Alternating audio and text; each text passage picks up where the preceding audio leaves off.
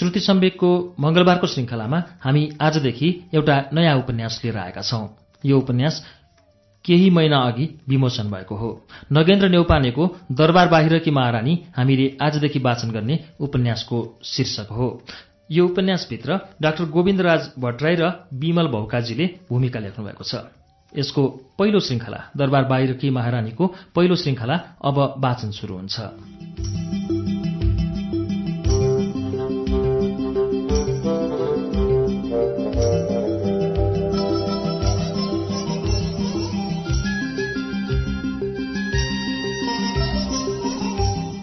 मूलद्वारको फलामी ढोका खोलेर भित्र पस्नासाथ सुकुलमाथि बसेर पातहरूसँग चलिरहेका ती महिलाका हातहरू एकाएक रोकिए। उनले फुलुक्क मती र टाउको बटारिन् र टर्रो स्वरमा सोधिन् कसलाई खोज्न आयो? यहाँ केदारजी बस्नुहुन्छ होइन? उहाँलाई भेट्न आएको। उहाँ कुन कोठामा बस्नुहुन्छ? महिलाको भनाइ थियो को केदारजी? किन चाहियो? उनकै छोरालाई भेट्न आएको जस्तो। कस्तो कठोर दचकाइ कस्तो अभिमान कस्तो ढङ्ग नमिलेको अहङ्कार म अप्ठ्यारोमा परेँ। कसरी अपरिचितलाई आफ्नो आद्यपान्त सुनाइहालौँ? आउनुको कारण उनलाई किन भनिहालौँ? उनका अप्ठ्यारा प्रश्नहरू ओहिरो लाग्न थालेपछि मेरो दिमाग घुम्न थाल्यो। तत्काल उत्तर आउन सकेन। धेरै बेर नै अकमकिए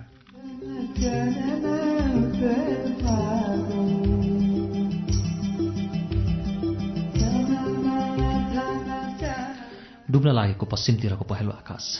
बास बस्न हतारिएको काठमाडौँ सहर। त्यसमा पनि ती महिलाको अत्यास लाग्दो सोधाई मलाई के गरौँ कसो गरौँ भयो। हिजो भेट हुँदा केदारजीले त ती महिलाको बारेमा कुनै सङ्केत नै दिएका थिएनन्। केवल उनले जानकारी गराएका थिए। न्यौपानेजी ठमेलको सात कुम्ती पार गरेपछि पूर्वतिरको बाटो लिनुभयो भने रातो इँटामा सेतो चुनाको जोडान भएको एउटा राणाकालीन तीन तल्ले घर आउँछ। त्यो घरको पहिलो तल्लाको भर्याङनिरको कोठामा म बस्छु। सजिलैसँग पत्ता लाग्छ। तपाईँ हराउनुहुन्न। तर अहिले एकाएक ती महिलाले नराम्ररी तर्साइदिन् म अलमल्ल परेँ। के बोलौँ? कता हेरौँ? बनायो बल्ल अन्कनाउँदै जवाफ दिएँ। केदारजी त्रिचन्द्र कलेजमा पढ्नुहुन्छ नि? पक्नाजोलको युवक माध्यमिक विद्यालयमा विज्ञान पढाउनुहुन्छ। धादिङतिरको सर पातलो।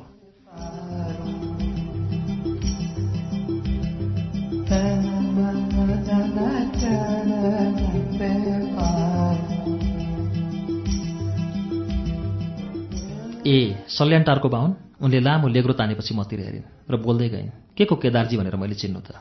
हामीहरू बाहुनबाजी भन्छौँ। अघिसम्म यहीँ आँगनमा उभिएको देखेको थिएँ। कता लागेछन्? तिमीलाई नै पर्खेर बसेका थिए होलान् आउलान् एकछिन पर्खन।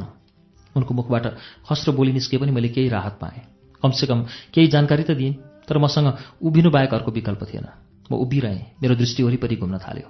चारैतिर पर्खाल लागेको चौघेरा पर्खालको आडमा उभिएको एउटा होचो कल्दारो रातो इँटाको आँगन अनि आँगनको पश्चिमतिर अजङ्गसँग खडा भएको अग्लो घर त्यति बेलाको आधुनिक संरचना राणाकालीन वैभव।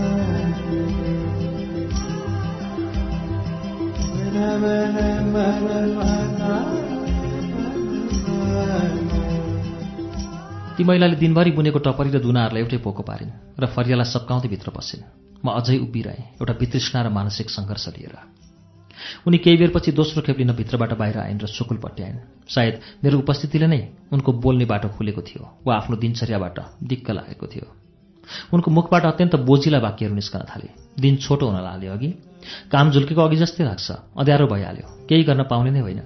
पुसको दिन यस्तै हुन्। मैले उनको बोलीमा प्रवाहमा बल थपिदिएँ। परिस्थिति एकौरिँदै गएकोले होला। ती महिलाको मप्रतिको भावना केही शीतल देखिन थाल्यो। उनले नरम भाषाको प्रयोग गर्न नजाने पनि आत्मा खुकुलो बन्दै गयो र मतिर हेर्दै बोलिन् चिसो हावा बग्न थालिसक्यो। कति बाहिर उभिन्छौ? केदारबाजे कति बेला आउने हुन्? के काम छ?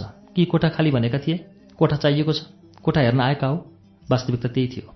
म कोठाको लागि नै त्यहाँ गएको थिएँ। त्यसैले केही चनाखो हुँदै उत्तर दिएँ। हो हो कोठाको बारेमा बुझ्न आएको हुँ तर भेट हुनै गाह्रो भयो।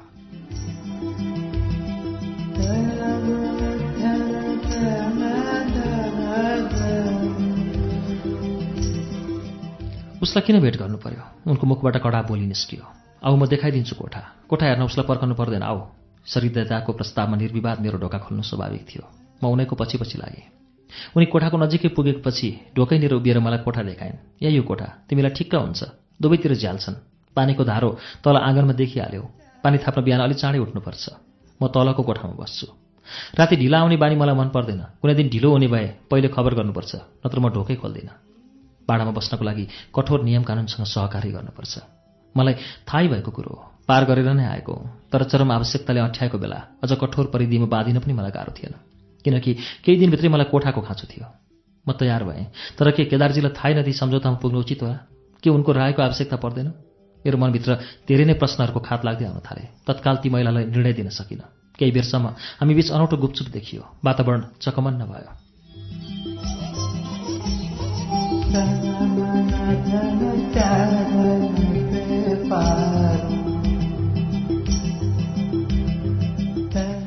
केही बेरपछि ती महिला गहिरो विक्षिप्तता देखाउँदै बोलिन् किन बोलेनौ नि? मन परेन?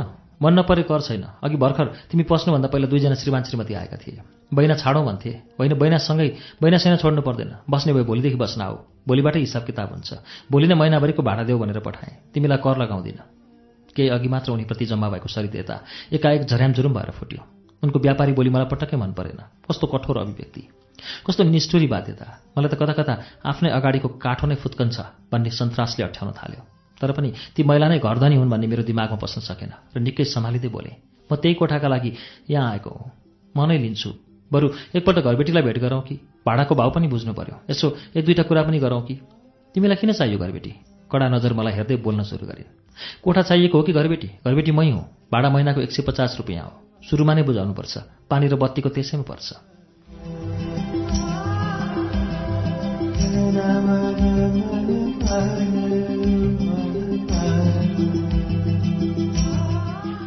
मलाई हिन्ताबोध मात्र भएन। उराट पनि लाग्यो। म एकदम निरीह भएँ। कस्तो जबरजस्ती सम्झौता हुन लाग्दैछ। म दिक्क बने। चिन्दै नचिनेको मान्छेसँग कुन हिसाबले शर्त राखौँ। कसरी समझदारीमा आउँ? त्यसबेला वातावरण निकै चिसो भन्दै थियो। म घोरिँदै थिएँ तर केदारजी टुप्लुक्क आइपुगे। एउटा बेग्रता र हतार बोकेर। नेउपानेजी आउँदा आउँदै ढिलो भइहाल्यो। कोठाको कुरा मिलिसक्यो। के कोठा हेर्नुभयो? ठिकै छ नि। हतारमा उनका मुखबाट अनगिन्ती जिज्ञासाहरू हर्र भएर निस्कन थाले। उनको कौतूहल निकै बढ्दै गयो तर ती महिला र मेरो मानसिक विद्रोह एक आपसमा ठोकिसकेका थिए। हामीहरू गहिरो सोचमा थियौँ तर अहिले केदारजीको उपस्थितिले क्रमिक आड मात्र होइन मलाई साहस थपिदियो। सशक्त हुँदै बोले कोठा मलाई मिल्दो छ? एकपल्ट घरबेटीलाई भनौँ भनेको तर मेरो वाक्यलाई केदारजीले पुरा गर्न दिएनन्। बिचैमा उनको मुखबाट हलुङ्गो बोली फुत्त बाहिर आयो।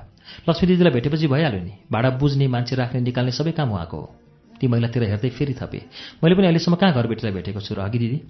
कहिले अरे? के कामले आएका थिए? एकैपल्ट झुस्स देखेको हुँ घरबेटीलाई तर ती महिला बिल्कुल अहङ्कार र अभिमानले ठिङ्ग उभिएकी थिइन्। उनीप्रति मैले देखाएको सन्दिग्ध र अविश्वास पटक्कै मन परेको थिएन। मानौ उनको मान मर्यादामा मैले गहिरो प्रश्न चिन्ह उभ्याएको थिएँ। इज्जत गरिनँ।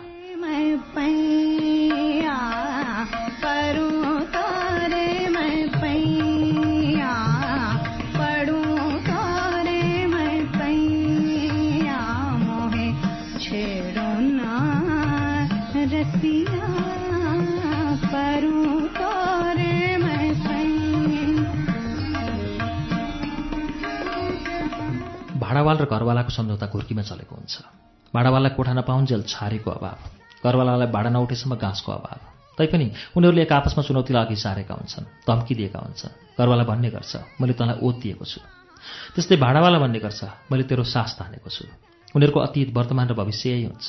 यस्तैमा दिनचर्या गुज्रेको हुन्छ। म पनि लक्ष्मी दिदीसँगै नै प्रक्रियालाई जीवन्तता दिँदै त्यही घरमा बस्दै थिएँ। त्यो घर मेरो ओत लाग्ने ठाउँ थियो। महिनाको पहिलो दिन भाडा उठाउन प्रत्येक कोठामा जस्तै लक्ष्मी दिदी मेरो कोठामा पनि पुग्थिन्। उठेको रकम साउलाई बुझाउँथिन्। तर साउजीको अनुहार भाडामा बस्ने कसैले पनि देखेका थिएनन्। सम्पूर्ण जिम्मा उनैको थियो। त्यो घरमा सित्तैमा बसे बाबत उनले गर्नुपर्ने काम थियो त्यो।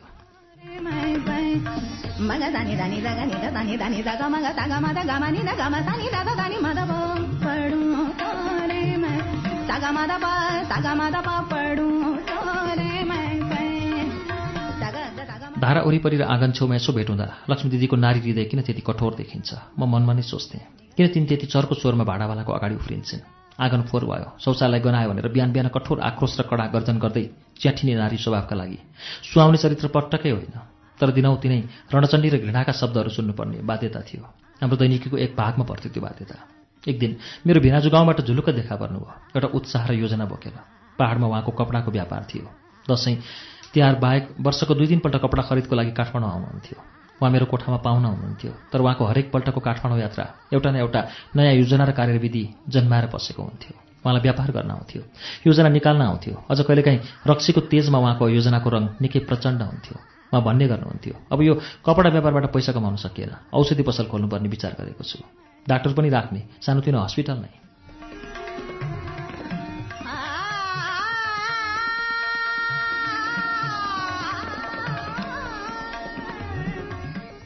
तर त्यो स्तरको गफमा मेरो गफ मिसाउने पहुँचमा म थिइनँ। म काँचै थिएँ। वास्तविकता यो थियो कि व्यापारमा लागेका आँखाहरू पैसाको वरिपरि नै घुमेका हुन्छन् किनकि पैसाको गन्ध मिठो हुन्छ। तर भनेको जति हिसाब नउठी दिक्क लाग्छ त्यसैले पैसा कमाउन नयाँ नयाँ तरिकाको प्रादुर्भाव हुन्छ। उहाँको स्वभाव त्यही थियो। तर मेरो उमेर र आकाङ्क्षा ती क्षेत्रहरूमा पुगिसकेका थिएनन्। उहाँ काठमाडौँमा कपडा खरिद गर्न आउँदा मलाई समेत भ्याइ नभ्याइ हुन्थ्यो। म उहाँलाई सहयोग गर्ने गर्थेँ। दिनभरि इन्द्रचोक असन बसन्तपुरको सेरोफेरोमा हामीहरू दौडधुप गर्थ्यौँ। पोलिस्टर कपडाको लागि असनको मारवाडीको कोठी जानुपर्थ्यो भने खद्दर ढाकाको टोपी र सारीको लागि इन्द्रचोकको नेवारको दोकानमा।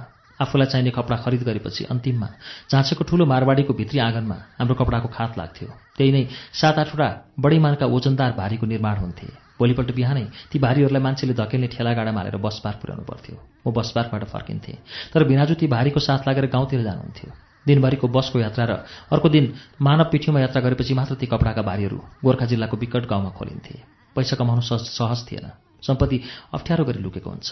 त्यति बेला मैले उहाँलाई सहयोग गर्नुपर्ने कर्तव्य पनि थियो। एउटा खरिदको समय हामीहरू बिहानै कोठाबाट बाहिर हिँडेपछि एकचोटि सुत्ने बेलामा मात्रै आउँथ्यौँ तर एक दिन अलि ढिलो भयो।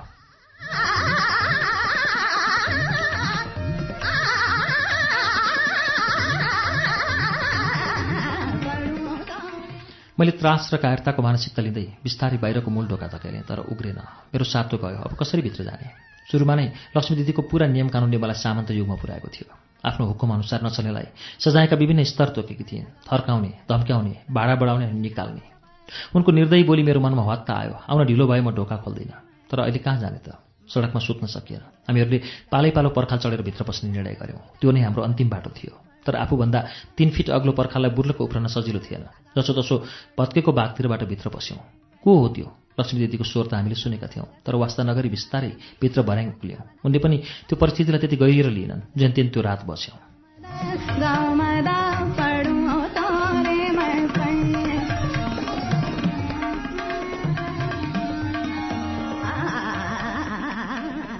रक्सीको मातले मान्छेलाई विक्षिप्त बनाइदिन्छ होस बिगारिदिन्छ।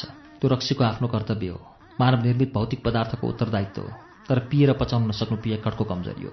एक दिन त्यही बिग्रेको चेत लिएर मेरो बिनाजु कोठामा आउनुभयो। कोडा बटार्दै होस गुम भएको चेतनाले आफ्नो कोठा र अर्काको कोठा छुट्याउन सक्ने क्षमता उहाँमा थिएन। शरीरले भरै दिएको थिएन। मेरो कोठामा पस्नुपर्ने व्यक्ति ढुनमुनिँदै लक्ष्मी दिदीको कोठामा हात त पस्नुभएछ।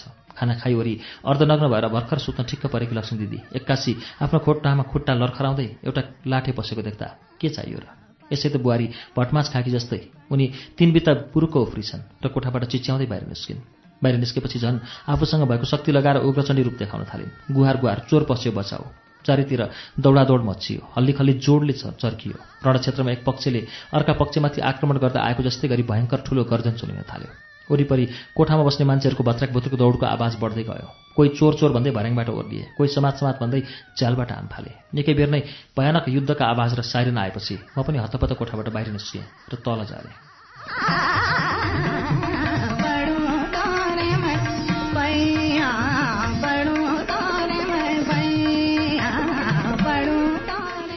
भर्याङको सबैभन्दा तल्लो खुड्किलामा टेकेको मात्रै थिएँ। एउटा डरलाग्दो दृश्य मेरो आँखा सोझै परे। मेरो भिनाजु लाल आँखा पारेर बिच आँगनमा बलैले उभिनु भएको थियो। चार पाँचजनाले घेरा हालिसकेका थिए। लक्ष्मी दिदी पनि एउटा बढी मानको घोचो लिएर टाउकोमा हान्न ठिक्क परेकी थिए। मैले विनाशको सङ्केत महसुस गरेँ। म भित्र हुनसम्म क्रोधको ज्वाला उम्लिन थाल्यो र हतपत्त लक्ष्मी दिदीले उचालेको घोचो च्याप्प समातेर चर्को स्वरले बोले क्या हो दिदी? तिमीले हामीलाई पशु ठाने कि? त्यो घोचोले लाग्यो भने के हुन्छ? कि हामी पशु हौ? हामी ढुङ्गा हौ? हाम्रो दिमाग छैन? अझ बोल्छस् हानौ यही घोचाले उनले भनिन्। जो चोर उसैको ठुलो चोर भन्दै लक्ष्मी दिदी फरक्क मैतिर फर्किएर च्याठिन थालिन्। मैले थाहा पाएको छैन भनेको छस्। अस्ति तिमीहरू साला भेना पर्खाल चढेर आयो। मैले देखिसकेकी थिएँ। मेरो आँखा छैन भनेको। आज मेरै कोठामा बस्ने अझ उसैको ठुलो स्वर मलाई शान्त हुन बाध्य पार्यो। अस्तिको पर्खाल उफ्राइ पनि उनले देखेकी रहेछन्। झन् आज आफ्नै कोठामा। गल्ती आफ्नै जस्तो लाग्यो। म त्रस्त भएँ। त्यसैले एउटा गतिमतीकी महिलासँग ठेल फेल गरेर झगडा गर्न मन लागेन र घुमाउरो पाराले माफ मागे। अब यस्तो आइन्दा हुँदैन भएन? खाने मान्छेको कहिले काहीँ गल्ती भइहाल्छ। एकपल्टलाई माफ दिनुहोस्। अब अर्कोपल्ट यस्तो गल्ती दोहोरिँदैन। खाने मान्छे भनेर हुन्छ म पनि पिउँछु। खै कहिले तिमीहरूको कोठाको ढोका ढकढकाउन आएको छु? उनले भनिन्। अन्तर्मनबाट क्षमा माग्दै मैले भिनाजुलाई समातेर आफ्नो कोठामा लगेँ।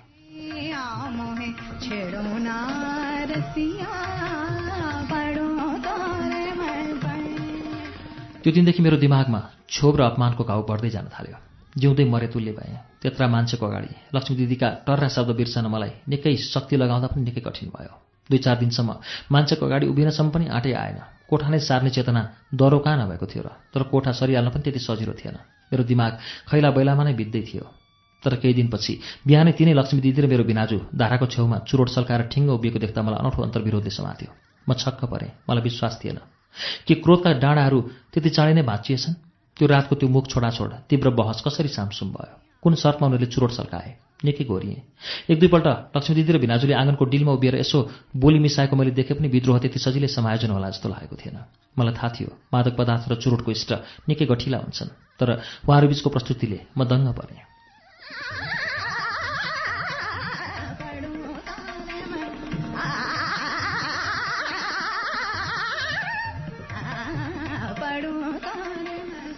अब कहिले फर्कनुहुन्छ? लक्ष्मी दिदीले भिनाजुतिर हेरेर बिस्तारै सोधिन्। कपडा सकिएपछि कति लाग्छ कपडा सकिन? त्यस्तै तिन चार महिना। तिन चार महिना? अलि पहिला सक्नुहोस् न। किन? भिनाजुको अगाडिका दाँत चलक्क खुले। लक्ष्मी दिदी मुसुक हाँसिन्। मैले थाहा नपाएको जस्तो गरेर उहाँहरूको गफ सुनिरहेँ हेरिरहेँ कस्तो नमिलेको रोमाञ्च कति नसुहाएको मिठास बेमौसमको वर्षा। पचपन्नको वरिपरिका ती थकित महिलाको हृदय एकाएक बत्ती नखोज्नुमा म निकै भावुक भएको थिएँ। अधवैंशी नारीको प्रेमको परिचय कम उमेरका भिनाजुमा परीक्षण हुन लागेकोमा निकै धर्मसङ्कटमा थिएँ। यसलाई नियन्त्रण गरौँ वा छाडा छोडौँ?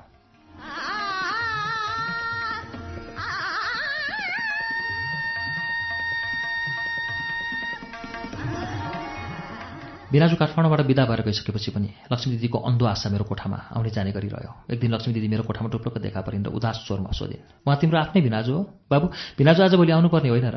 कति मिठो आशा। कस्तो स्वादिलो पर्खाइ उनको नारी हृदयमा भयानकसँग खैला बैला भएको मैले महसुस गरेँ। उनलाई गहिरो आशाले समातेको रहेछ। दिन गनेर बस्नु भनेको बिल्कुलै मन बाँडिनु थियो। खै आज भोलि नै आउनुपर्ने हो तर अब कपडा व्यापार छोड्छु अर्को पेसामा लाग्नु पर्यो। कपडाले नाफा दिएन भन्नुहुन्थ्यो। हो र? लक्ष्मी दिदीको आँखामा पीडाको रूप देखियो। उनको अनुहार फिक्का बन्दै गयो। व्यक्तित्व नराम्रोसँग छटपटिएको अनुभव मैले गरेँ। योभन्दा उग्र स्वरूप देख्ने चाहना मेरो थिएन। फेरि भरोसा दिँदै बोलेँ कपडा छोडेर त के खाएर बाँच्नु होला र? केही न केही पैसा लिनु नै होला नि। जे गरे पनि काठमाडौँ नआए त कसरी होला र? त्यही त बरु व्यापार गरे पनि काठमाडौँमा नै गरे हुन्थ्यो। नाङ्गले व्यापारी त कति उँभो लागिसके। उनी धेरै बेर नै मेरो कोठामा अल्मलिरहेन् जिन्दगीका अधिकांश दिनहरू कसरी बिते? के गरिन्? त्यो बारेमा म अनभिज्ञ भए पनि। अहिलेको उनका अनुहार देख्दा र बोलीको लभा सुन्दा लाग्थ्यो। उनी निकै पछुतोमा छिन्। केवल एउटा बिग्रेको अतीतसँग उनलाई औडाहा छ। त्यहाँ बस्दा बस्दै उनको अन्तस्करणमा पीडाका बाढी आउन लागेको अनुभव मलाई भयो। धेरै बेरको सुनसानपछि उनको मुखबाट हृदयको विद्रोह फुत्त बाहिर आयो। कति दिन लाग्छ बाबु उहाँको घर पुग्न? घर? उहाँको पहाड घर? मैले आशंका प्रकट गरेँ। उनी खिस्सा हाँसिन् मात्र।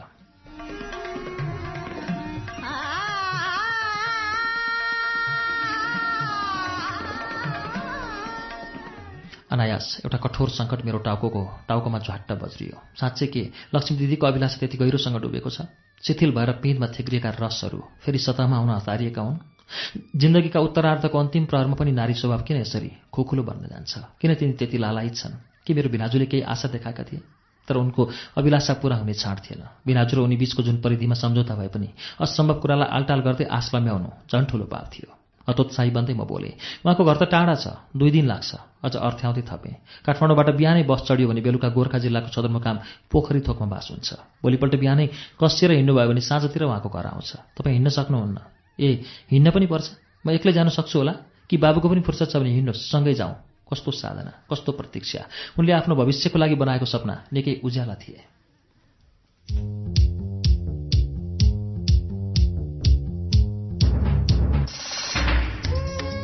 कार्यक्रम श्रुति सम्वेकमा हामी नगेन्द्र नेौपानेको उपन्यास दरबार बाहिरकी महारानीको वाचन सुन्दैछौँ। यसको बाँकी अंश केही बेरमा वाचन हुनेछ। उज्यालो सुन्दै गर्नुहोला।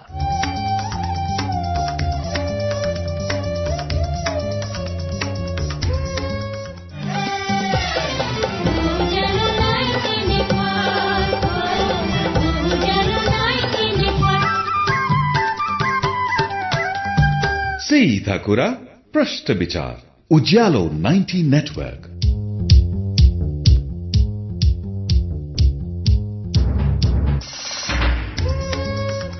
कार्यक्रम श्रुति सम्वेक। तपाईँ अहिले उज्यालो नाइन्टी नेटवर्क काठमाडौँसँगै इलाम एफएम रेडियो ताप्लेजुङ झापाको एफएम मेचिट्युन्स र बिर्ता एफएम इटहरीको सप्तकोशी एफएम धरानको विजयपुर एफएम रेडियो तेह्रथुम भोजपुरको रेडियो चमलुङमा एफएम सिन्धुलीको रेडियो सहारा रेडियो बर्दिवास खोटाङको हलेसी एफएम सर्लाहीको रेडियो एकता र ढुकढुकी एफएम रौतहटको नुन्थर एफएम रामेछापको रेडियो तीनलाल खोटाङको हलेसी एफएम दोलखा जिरीको रेडियो हिमाली नुवाकोट एफएम काभ्रे धुलीखेलको रेडियो सेफर्ड मकवानपुरको हेटौँडा एफएम चितवनको रेडियो अर्पण र रेडियो चितवनमा पनि सुनिरहनु भएको छ।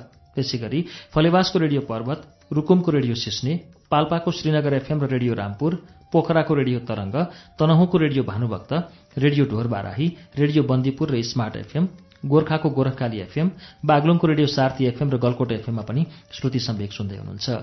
रेडियो प्युठान दाङको रेडियो मध्यपश्चिम बुटवालको तिनाव एफएम गुल्मीको रेडियो रेसुङ्गा कपिवस्तुको रेडियो बुद्ध आवाज रेडियो कोलपुर सल्यानको रेडियो राप्ती जाजरकोटको रेडियो हाम्रो पाइला दैलेखको ध्रुवतारा एफएम कैलाली टिकापुर र गुलरियाको फुलबारी एफएम कैलाली एफएम दाङको रेडियो प्रकृति एफएम सुर्खेतको रेडियो भेरी र बुलबुले एफएम बैतडीको रेडियो शमशेर दार्चुलाको नयाँ नेपाल एफएम हुम्लाको रेडियो कैलाश जुम्लाको रेडियो कर्णाली र कालीकोटको रेडियो नयाँ कर्णालीबाट पनि अहिले एकैसाथ श्रुति सम्वेक प्रसारण भइरहेको छ। श्रुति सम्वेकमा हामी नगेन्द्र नेौपानेको उपन्यास दरबार बाहिरकी महारानीको वाचन सुनिरहेका छौं। अब यसको बाँकी अंश वाचन सुनौ।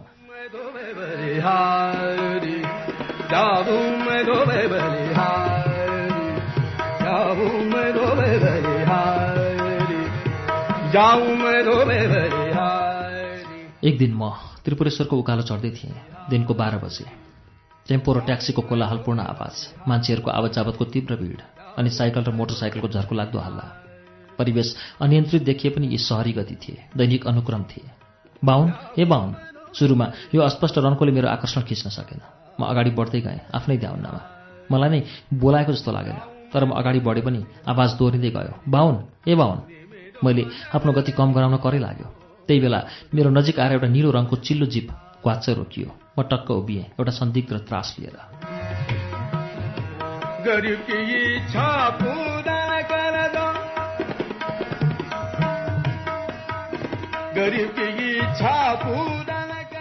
तिम्रा कान छैन कि क्या हो? त्यति चर्को स्वरले बोलाउँदा पनि नसुन्ने। जीपको आधा खुलेको सिसाबाट एउटा महिलाले तीको स्वर सुनियो। मैले नजिकै गएर बेग्र आँखाले हेरेँ। तिनी लक्ष्मी दिदी थिइन् र मलाई नै बोलाउँदै थिइन्। मेरो अगाडि अकस्मात ग्वाच्च रोकिएको चिल्लो जीप अनि लक्ष्मी दिदीको हतासिएको मुखाकृति वातावरण अनौठो बन्यो। मलाई पत्यारै लागेन र धेरै बेर नै वाल्ला परिरहेँ के हेरिराख्या? आऊ बस। म पनि उतै जाने हो। तिमी डेरातिर जान लागेका होइनौ? म पुऱ्याइदिन्छु। वास्तवमा म कोठातिर सोझे पनि बिचमा धेरै नै भुल्ने मेसोहरू थिए। गइहाल्नुपर्ने बेला भएको थिएन। तर सितैमा मिल्न लागेको यात्रा। त्यसमा पनि त्यति चम्किलो गाडी मैले एक्कासी मेलो बदलेँ र सडकमा ओर्लिएँ। लक्ष्मी दिदीले गाडीको ढोका खोलिदिइन् र म भित्र पसेँ कति दिनदेखि वर्षा हुन नसकेकोले पाकेको काठमाडौँ त्यसमा पनि धुलो र धुवाको मिश्रित अमिलो गन्ध।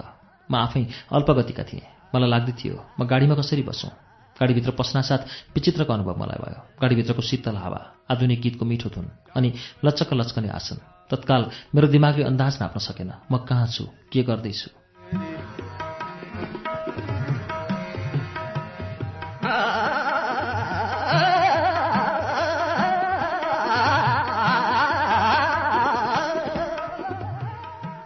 ल यहीँ बस भन्दै लक्ष्मी दिदीले आफ्नो आसन दिए र आफू चाहिँ पर सरिन्। म ढोका नजिकै बसेँ। गाडी बिस्तारै सडकतिर मोडियो र आफ्नो गति लियो। मेरा अव्यक्त आँखाहरू गाडीको चारैतिर डुलेर उचित गहिराई लिएपछि टक्क चालकमा अडिए चालकको दाल चामल भएको टाउको पातलिँदै गएको कपाल अनि मेरो आँखाले भ्याएसम्म देखेको उनको लाम्चो अनुहार। उनका आँखा र टाउको सिधै सडकमा केन्द्रित थिए अनि चेतना गाडीलाई नियन्त्रणमा लिनु थियो। चालकको सँगै सिटमा बसेकी सेतै फुलेकी उज्याली वृद्धा जसले मेरो उपस्थितिलाई दीर्घ श्वास लिएर फुलुक्क हेरिन् र पुनः अगाडि नै फर्किन्। एउटा सामान्य चालमा मैले अन्दाज लगाएँ तिनीहरू आमा छोरा हुन्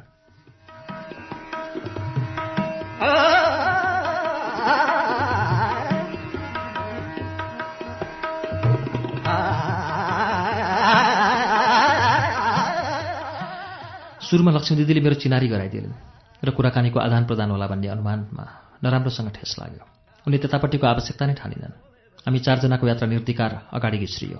मेरो एउटा अज्ञात अड्कल लिएर त्यस गाडीभित्र मानव त थिए तर मानव श्वास प्रश्वास बाहेक अरू केही थिएन।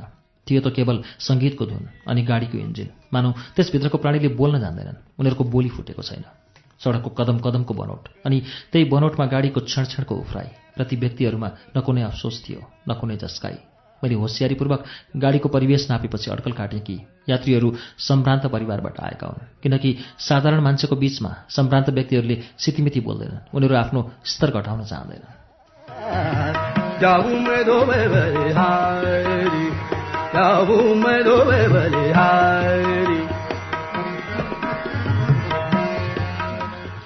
केही बेरको यात्रापछि गाडी त्रिदेवी चोकमा टक्कर रोकियो र चालकले आफ्नो टाउको मन्द गतिमा पछाडि बटारेर हलुका स्वरमा लक्ष्मी दिदीलाई सङ्केत गर्दै सोधे यहाँबाट देब्रे लाग्ने होइन त? यो प्रश्नले लक्ष्मी दिदीलाई लक्ष्य गरे पनि उनले उत्तर दिन पाएनन्। चालकसँगै गच्चकसँग बसेकी वृद्धाले अर्को प्रस्ताव ल्याइन् बाबु पहिला मलाई दरबारमा छोडिदिन्छौ कि? दरबार? म झस्केँ मैले मनमा नै अनुमान लगाएँ कि दरबारको सङ्केत नारायण हिट्टी दरबार थियो र यिनीहरू दरबारकै खानदान हुन्। हुन पनि हैसियत नभएको गाडीको सिटमा बसेको छु। त्यसमा पनि गाडीले नारायणी दरबारतिरको बाटो लिइरहेको छ। मेरो शरीर गचक्क फुल्यो। म दङ्ग परेँ तर ती वृद्धा महिलाको प्रस्ताव अनुसार गाडी दरबारतिर गएन र फनक्क देव्री दिशातिर नै मोडियो र ठमेलतिर गुड्यो। अझै हामीहरू बिच कुनै न कुनै वार्तालाप हुन सकेको थियो न कुनै प्रतिक्रिया। हामी सबै गुप्चाप नै परिस्थितिलाई बहन गर्दै अगाडि बढ्यौँ। चालकले गाडीलाई ठमेलको भिड छल्दै अगाडि बढाए। मलाई गाडीको गति देखेर अनुमान लगाउन सजिलो भयो कि चालकलाई त्यस सडकसँग पूर्ण हिमचिम छ भने उनलाई गाडी कहाँ गएर अन्तिम टुङ्गोमा पुर्याउने भन्ने पनि जानकारी छ। लाग्यो पहिला पनि त्यो गाडी त्यो सडकमा निर्वाध रूपमा चिप्लेको थियो।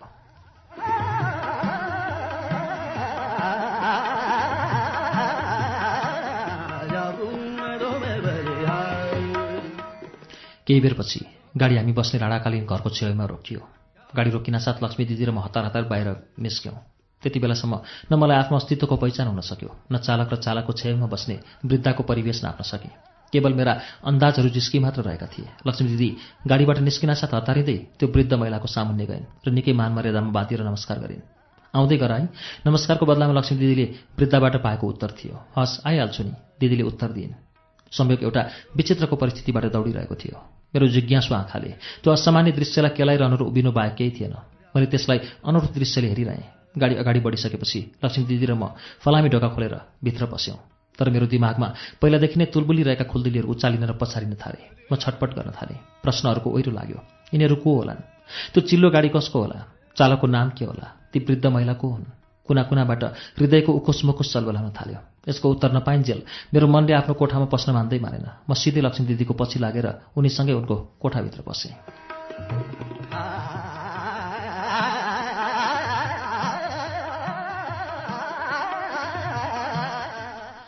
को हुन् दिदी ती मान्छेहरू? कहाँ कहाँ हुन्? आज त मजाले गाडीमा घर आइयो। मैले हतार हतार गर्दै सोधेँ। तर लक्ष्मी दिदीले आफूलाई हिमाल वर्षको उचाइमा राखेन् र गरुङको भएर जवाफ फर्काएन् किन चाहियो तिमीलाई? तिमी चिन्दैनौ। गाडी चढ्न पाए भइहाल्यो नि। उनको गच्चक फुलेको स्वर र टाउको हल्लाले मलाई झन् फटफटी पार्न थाल्यो। म झन् अप्ठ्यारोमा परेँ। सबैले आफूलाई नै उचाइमा राखिदिउन् भन्ने हुन्छ। यो अद्भुत स्वभाव मानवले जन्मिँदा लिएर आएको हो। उसले चारैतिरबाट मान सम्मान नै खोजेको हुन्छ। त्यस्तो अवस्थामा मैले पनि लक्ष्मी दिदीको सम्मानलाई अझ उचाइ थप्दै बोल्नु नै बुद्धिमानी थियो र हँसिलो अनुहार पार्दै बोलेँ मलाई त कस्तो थकाइ लागेको थियो। एकैछिनमा गाडीमा आइयो। तपाईँको त त्यति ठुला ठुला मान्छेहरूसँग चिन्जान रहेछ। तपाईँ पनि पक्कै ठुलो मान्छे हुनुहुन्छ। कसरी चिन्नुभयो तिनीहरूलाई? तिनीहरू को हुन्? तपाईँ पहिला कहाँ काम गर्नुहुन्थ्यो भन्नुहोस् न। यसपल्ट उनको मुखबाट अद्भुत गाम्भीर्यता फुत्त बाहिर निस्कियो। अनौठो स्वर निकाल्दै बोलिन् ती गाडी चलाउने ड्राइभर रविन्द्र शाह हुन्। अनि सँगै बस्ने सेतै फुलेकी वृद्ध महिला चाहिँ उनकी आमा गीता। जटिल मुड बनाउँदै फेरि थपिन्। रविन्द्र शाह भनेको राजा वीरेन्द्रको आफ्नै दाजु। थाहा छ होइन?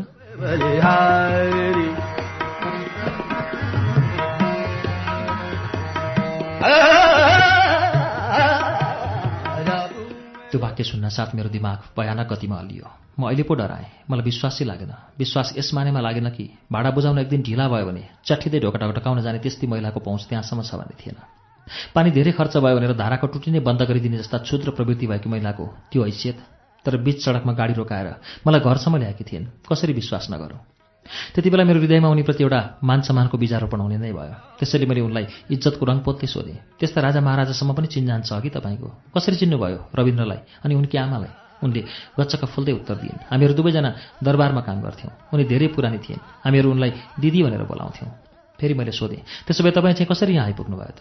मेरो प्रश्न सुन्नासाथ अघिसम्म गच्चक फुलेको मुखाकृति सामसुम भएर सुक्यो। अपमान र ग्लानीले उनी रातो देखिन्। शरीरले उनलाई भरोसा दिन सकेन। खाटमा टुसुक्क बसिन्। उदास स्वर बनाउँदै बोलिन् के कुरा गर्नु?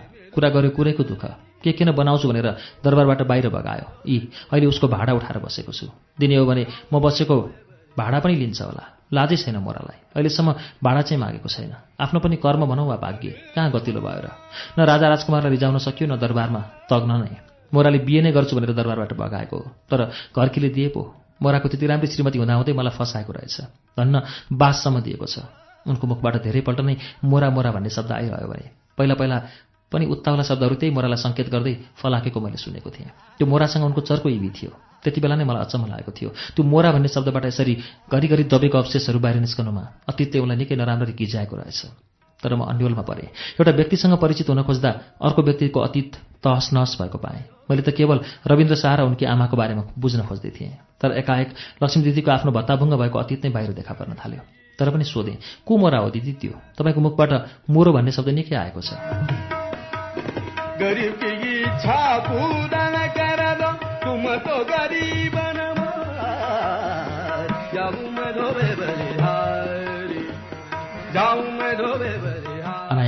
उनको मनोविज्ञान नराम्रोसँग पातलो गर्यो।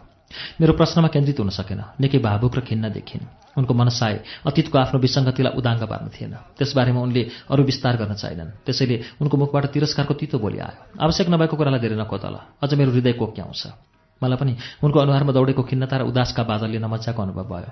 केही क्षणको लागि कोठा सुनसान भयो। वास्तवमा उनको मुखबाट आइरहने मोराको बारेमा मैले बुझेअनुसार त्यो घरको धनी नै मोरा थिए। कसरी उनीहरू बिचमा समझदारी बिग्रन गयो? त्यो अवगत हुन सकेन। तर मासिक रूपमा लक्ष्मी दिदीले घरबाट उठाइदिन्थिन् र एकमुष्ट बुझ्न उनी आउने गर्थे। तर रविन्द्र शाहका बारेमा जानकारी पाउन मेरो अझै आशा मरेको थिएन। फेरि उत्साहित हुँदै सोधेँ अनि रविन्द्र शाहलाई कसरी चिन्नुभयो त?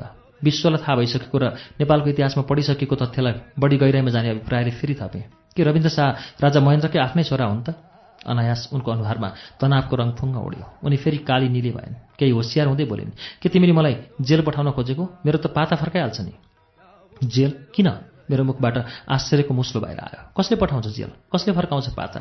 थाहा पाएको कुरा भन्नु पनि डराउनुपर्छ। अनि के त? दरबारको कुरो यसरी पानी पँधेरामा सुनाउनु थालेपछि के मलाई बाँकी राख्ला?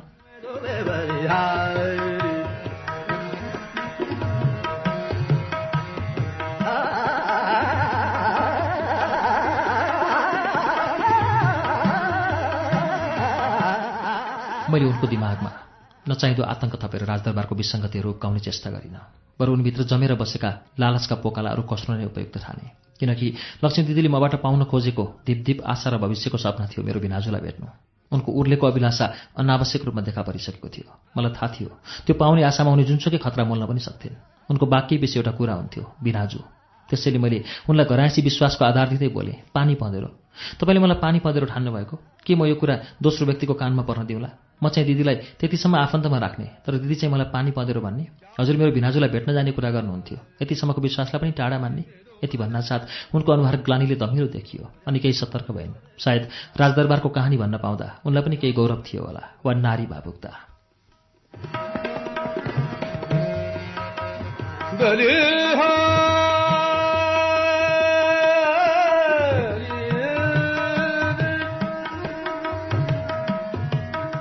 है त बाहिर नजाओस् तर कहानी लामो छ दुःखको कहानी यौवन र ईर्ष्याको कहानी गीता दिदीलाई धोका दिएको जस्तो हुन्छ। उनले कति विश्वास गरेर मलाई सुनाएकी थिइन् फरक पर्दैन निर्धक्क हुनुहोस् मैले भने। लक्ष्मी दिदी खाटमा ढसमस्ससँग बसिन् र गीताको भनाइलाई आफैले उतार्दै मलाई सुनाउँदै गइन्। म सुन्दै गएँ। दरबार बाहिरकी महारानीको कथा मिलन र बिछोडको कथा अत्यास लाग्दो कथा।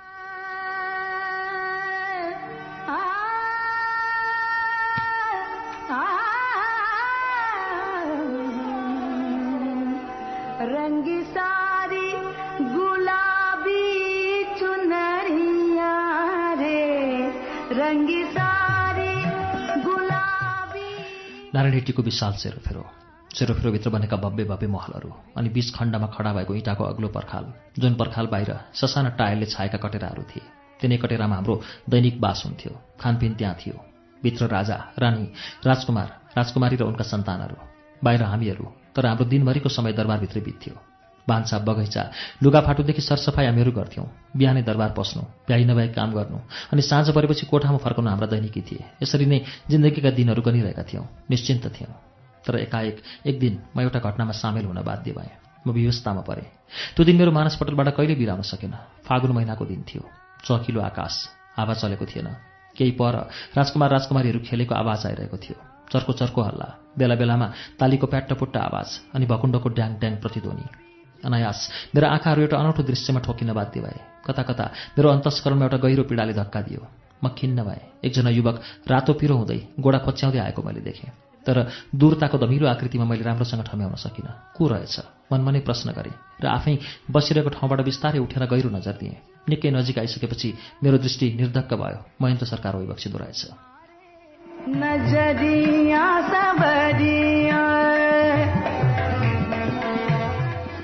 महेन्द्र सरकार मनमा नै प्रश्न गरेँ। पुनः मेरो उत्सुकता एकाएक वात्तै बढ्यो। हतारिँदै बाटोसम्म पुगेँ। के भयो सरकार? लडी बक्स्यो?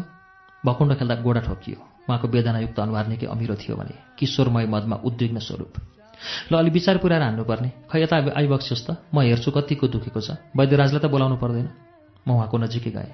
पसिनाले भिजेको नेत्रुको शरीर। थकाइ र दुखाइले कुसमुखिसिएको श्वास अनि बेला बेलामा हल्लिएको दृष्टि। मेरा हातहरू कौतूहलपूर्ण हुँदै हतार हतारमा नै महेन्द्र सरकारको पिँडौला र गोली काँटातिर दौडिन थालेँ। मैले हडबडाउँदै ठोकिएको ठाउँ खोज्न थालेँ। कहाँ? यहाँ हो? दुख्यो? मैले देब्रे पिँडौलाको हड्डी समातेँ। होइन अलि पर उहाँबाट दर्ददायक बोली आयो।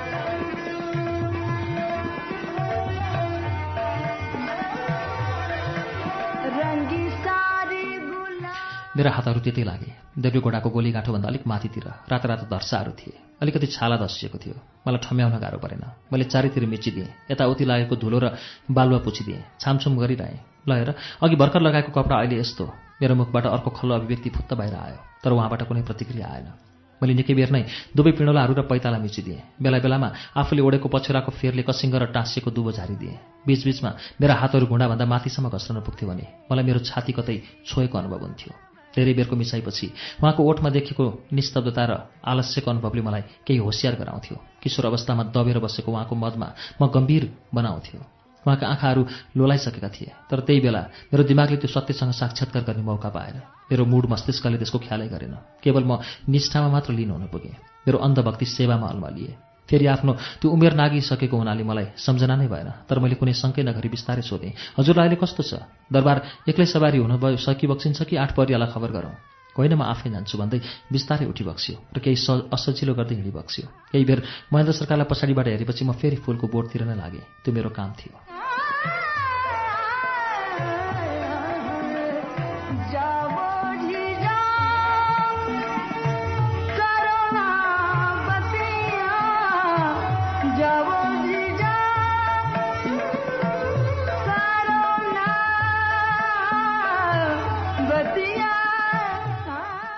त्यही बेलादेखि महेन्द्र सरकारसँग गढेको मेरो पातलो संयोग बाख्नेदै जान थाल्यो।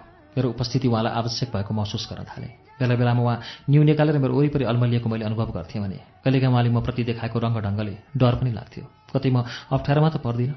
मलाई त्यसरी महत्त्व दिएको सङ्केत गरेकोमा अत्यास लाग्थ्यो। एक दिन एकाएक उहाँसँग बैठक कोठामा मेरो भेट भयो। अति अनौठो अति संवेदनशील परिस्थितिमा।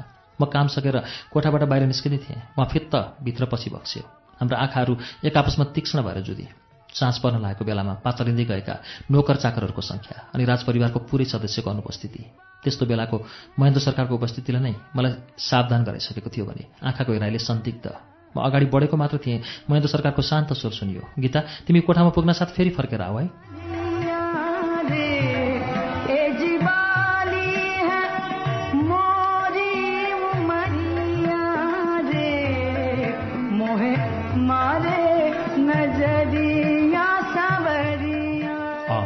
नै आश्चर्य लाग्यो। कस्तो खालको आदेश हो यो?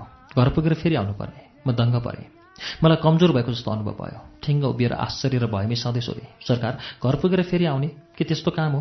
फर्केर आउँदा केही काम लिएर आउनुपर्छ कि रित्तै आउँ?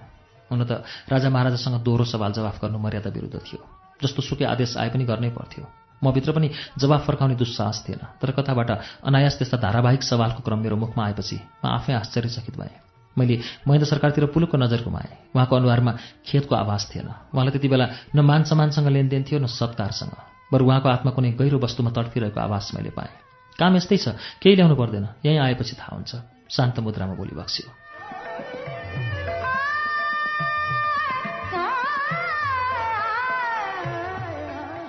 म सरासर आफ्नो कोठामा गएँ र केही बेरपछि महेन्द्र सरकारले भने बमोजिम फेरि फर्केर आएँ। म फर्केर आउँदा बैठक कोठाको अवस्था अत्यन्त बदलिएको थियो।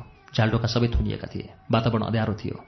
महेन्द्र सरकारको अनुहारमा देखेको कामुकता र बर्बरताले मलाई गन्धत मिलिसकेको थियो कि अवश्य उहाँको इच्छाअनुसार म केही गर्न बाध्य हुँदैछु। म निकै होसियार भएँ तर डर लागेन। बरु मलाई अहिले नै उहाँबाट यस्तो आपराधिक प्रवृत्ति देखा पर्ला जस्तो सोचाइ नै थिएन। यस्तो आँट गर्न नहुने।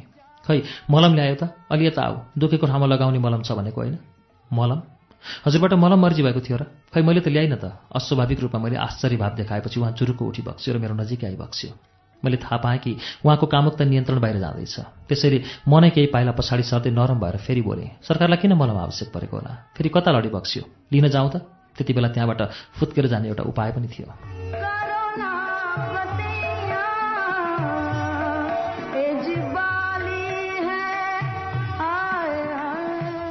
भो पर्दैन भन्दै उहाँका अप्ठ्यारा शब्दहरू बाहिर निस्किन थाले। गीता अस्ति तिमीले मेरो पिँडौलामा मिचिदिएपछि झन् मेरो पीडा बढ्दै गयो। कहिले छातीतिर दुख्छ कहिले पाखुरा कहिले दिउँसो दुख्छ कहिले राति सुत्नै सक्दिनँ। खाटमा बसेको बेला पनि दुख्छ कुर्सीमा पनि त्यसैले मलम त नलगाए कसरी होला? उहाँको व्यङ्ग्यात्मक बोलीको करुणाप्रति उपेक्षाको भाव देखाउँदै बोले सरकार मलाई लज्जित नपारी बक्सियोस्। यो मलम लगाउने बेला होइन। मैले हजुरलाई हजुरको व्यङ्ग्यात्मक भाषा बुझिसकेँ। हजुर सम्हाली बक्सियोस्। यो अत्यन्त कच्चा सोचाइ हो। मबाट यो काम हुन सक्दैन।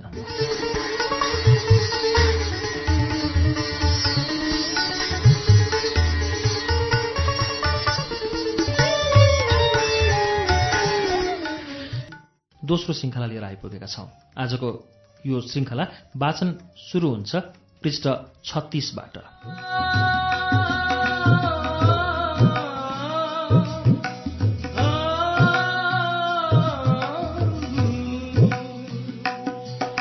उहाँको व्यङ्ग्यात्मक बोलीको करुणाप्रति उपेक्षाको भाव देखाउँदै बोले सरकार मलाई लज्जित नपारी बक्सियोस्। यो मलम लगाउने बेला होइन। मैले हजुरको व्यङ्ग्यात्मक भाषा बुझिसकेँ। हजुर सम्हाली बक्सियोस्। यो अत्यन्त कच्चा सोचाइ हो। मबाट यो काम हुन सक्दैन। अस्ति मालिस गर्दा त तिमीलाई कुनै लज्जाको डर भएन। तिम्रो हातहरू मेरो शरीरमा खुबै रमाइ रमाइ दौडिएका थिए। तर अहिले किन नि? सरकार खुला चौरमा गरिएको सेवा र व्यवहार खुल्लै हुन्छ। सबैको नजर पर्ने भएकोले त्यहाँ उत्तेजना आउनै सक्दैन। त्यो मेरो कर्तव्य थियो। तर एकान्तको स्पर्शले हामीहरू दुवैजना उत्तेजित हुन सक्छौँ। यदि त्यो उत्तेजना नियन्त्रण बाहिर गयो भने मेरो मात्र होइन हजुरको समेत सर्वनाश हुन्छ। हजुर अति नै आवेशमा विभक्सेको छ। मैले थाहा पाइसकेँ। कता हजुरको युवराजको मान सम्मान कता राजदरबारको मर्यादा सबै प्रतिष्ठा धुजा धुजा भएर माटोमा मिल्दछन्। यो एकान्तमा मलाई उत्तेजना आउने काम गर्न बाध्य नपारी बक्सियोस् यस्तो घृणित काम गर्न म सक्दिनँ।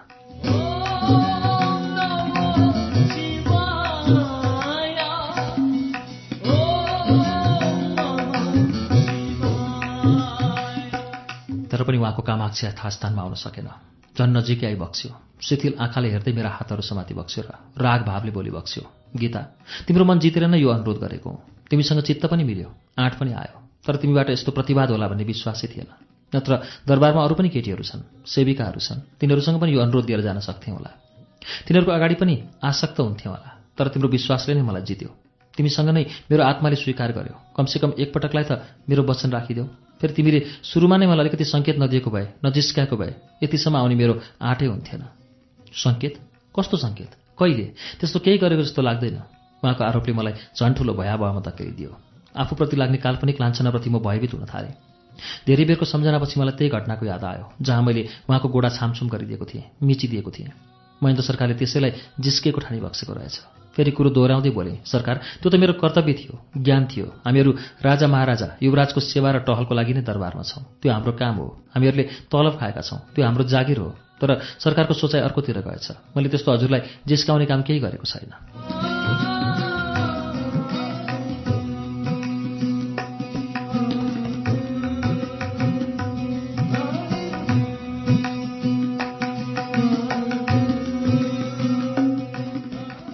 बेर कोठा चकमन्न भयो।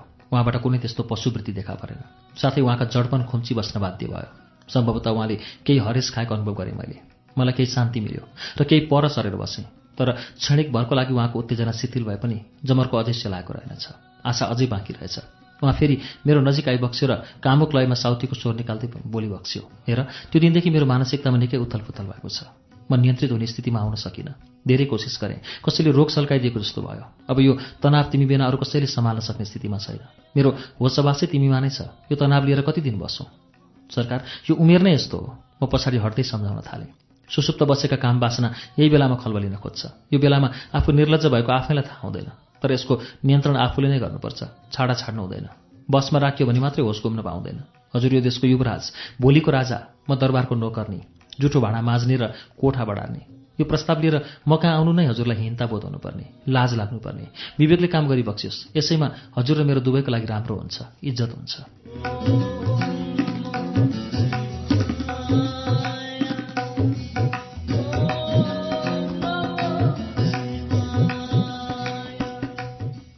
मेरो आदर्शवादी बनाइले केही बेर टोलाएर केही सोचेको जस्तो गरे पनि उहाँको उम्लेको बास्ना सेलाउन सकेन। केही बेर थामिएर बसेको जस्तो लागेको थियो तर बटारिन थालिहाल्यो। उहाँ आफ्नो पहिलेदेखिको उद्दण्ड स्वभाव देखाउँदै मेरो नजिकै आइबक्स्यो। आतङ्कको अगाडि मेरो के नै शक्ति थियो र कि रुनु कि समर्पण।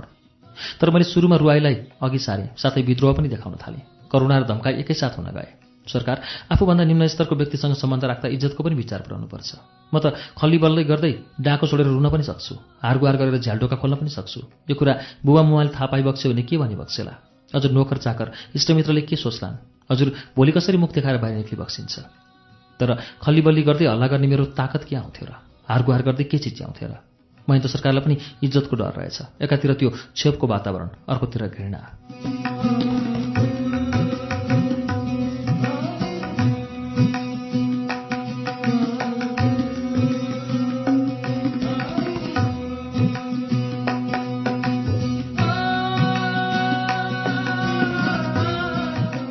महेन्द्र सरकारको मानसिकता नराम्रोसँग थच्चिन कर लाग्यो। सायद उहाँलाई अपमानले थर्काएको थियो होला। साथै इज्जतले पनि।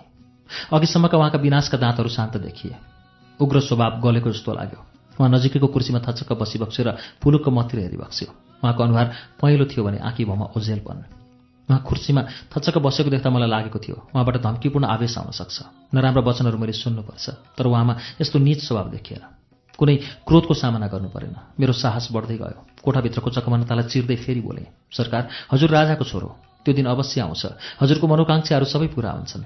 साधारण जनताको छोराछोरीको त यस्ता कामना पुरा भएको छ। संसार चलेको छ भने हजुर त राजदरबारिया हजुरलाई के नपुग्दो छ र म जस्तै नोकर्नी? त्यसमा पनि बढी उमेरकीसँग रमाइलो गर्न चाहिबक्सेको इज्जत तपाईँकै जान्छ? यस्तो प्रसाव आइन्दा म कहाँ आयो भने मलाई सही हुने छैन। आफ्नो इज्जत आफ्नो मान आफैले राख्यो भने मात्र अर्काले आँखा लगाउने बाटो पाउँदैन। केही बेरसम्म उहाँले मेरो कुरा घोसेमुटो लगाएर सुनिबक्स्यो र फुत्त अर्को ढोकाबाट बाहिर गइबक्स्यो। म पनि आफ्नो कोठातिर आएँ।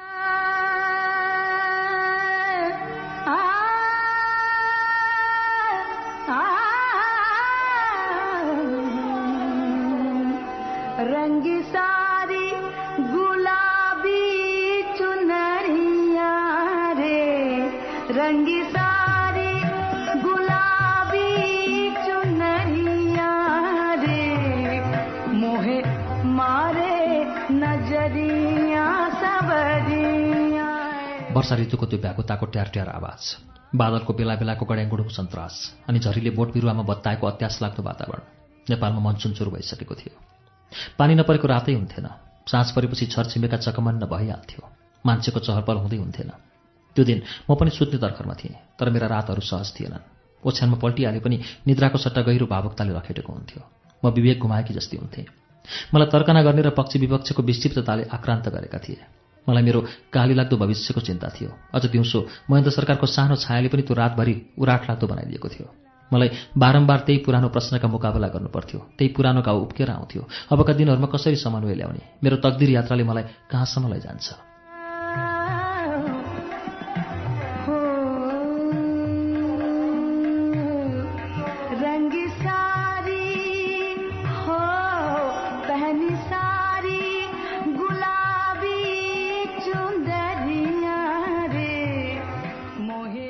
ओछ्यान मिलाएर खाटमा केही पल्टेको मात्र थिएँ। बाहिर कसैले मेरो ढोकामा ढकढक गरेर सानो सङ्केत दियो।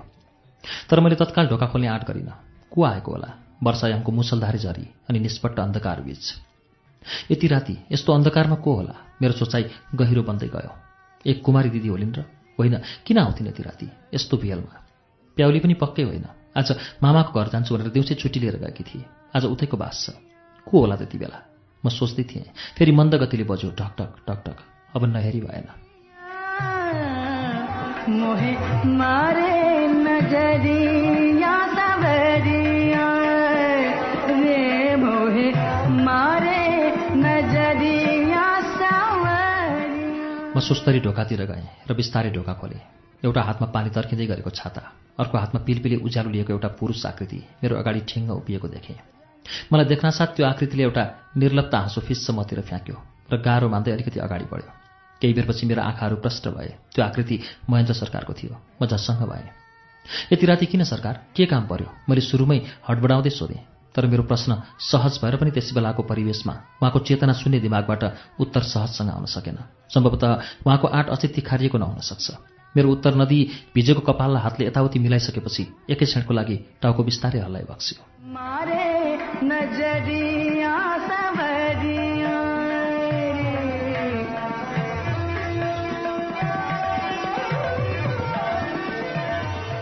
हुन त म दिउँसो नै एउटा गुप्त प्रेरणाबाट आन्दोलित थिएँ। मलाई नयाँ शक्तिको आवश्यकता महसुस भएको थियो।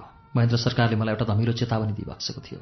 उहाँ मेरो कोठामा आउने सङ्केत थियो तर त्यो मुसलधारे पानी निष्पट्ट अन्धकार रात त्यस्तो हत्ते गरेर पानीमा भिज्दै आइबक्सेला भन्ने सपनामा पनि सोचेकी थिइनँ।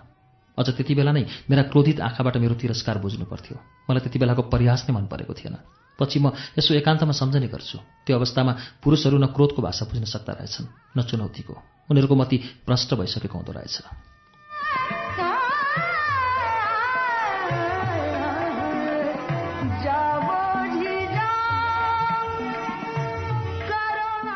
सरकार एउटा सुसारेको कोठामा युवराज जस्तो व्यक्तिको उपस्थिति पटक्कै मिल्दो छैन। अरूले देखे भने के भन्लान्? हजुर अहिले फर्किबक्सियोस् अझ यति राति। मैले पल्याक पुलक हेर्दै विनित स्वरमा उहाँलाई आदेश गरेँ। हिँडिहाली बक्सियोस्। तर उहाँको मुखमण्डलमा न पश्चातापको कुनै झल्को आयो न कसुरको कुनै ग्लानी। बरु मलाई बिस्तारै घचेटेर कोठाभित्र पसिबक्स्यो उहाँको श्वास र आँखाको नजरले पहिले नै कामुकताको तेजलाई केन्द्रित गरेको थियो। फेरि अहिले मलाई नै घचेटेर मेरो कोठामा बलजफ्ती पस्नुमा मैले जगन्य मुकाबिलाको सङ्केत पाएँ। मैले निकै होसियार हुँदै उहाँतिर पुनः पुलुक्क फैरेँ। उहाँको कामवती चेहरा र कामाक्षा मत्तर हुने सङ्केत थिएन।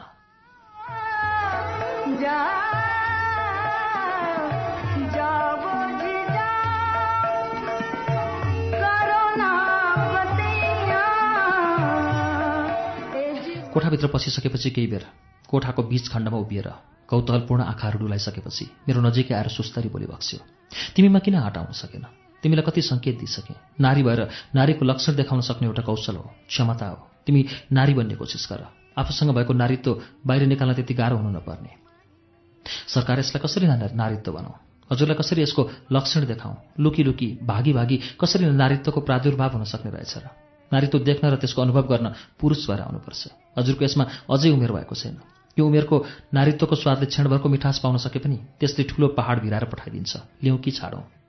यसले मलाई समेत अप्ठ्यारोमा पार्छ उमेरको कुरा उठ्नासाथ महेन्द्र सरकारको मुखाकृति नराम्रोसँग बिग्रियो। आफूलाई पूर्ण वयस्क ठान्दै नारीत्वको स्वाद दिन तन्तव्यार व्यक्तिलाई उमेरको तगारो लागेपछि हिंताबोध अवश्य भयो।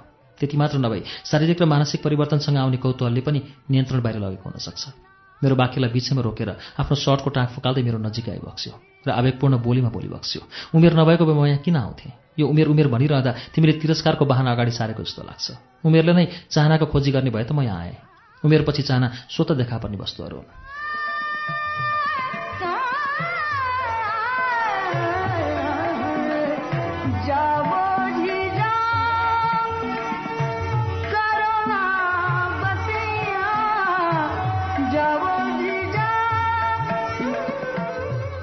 उहाँको बोली सुनेपछि मैले बिस्तारै आँखा झुकाएँ।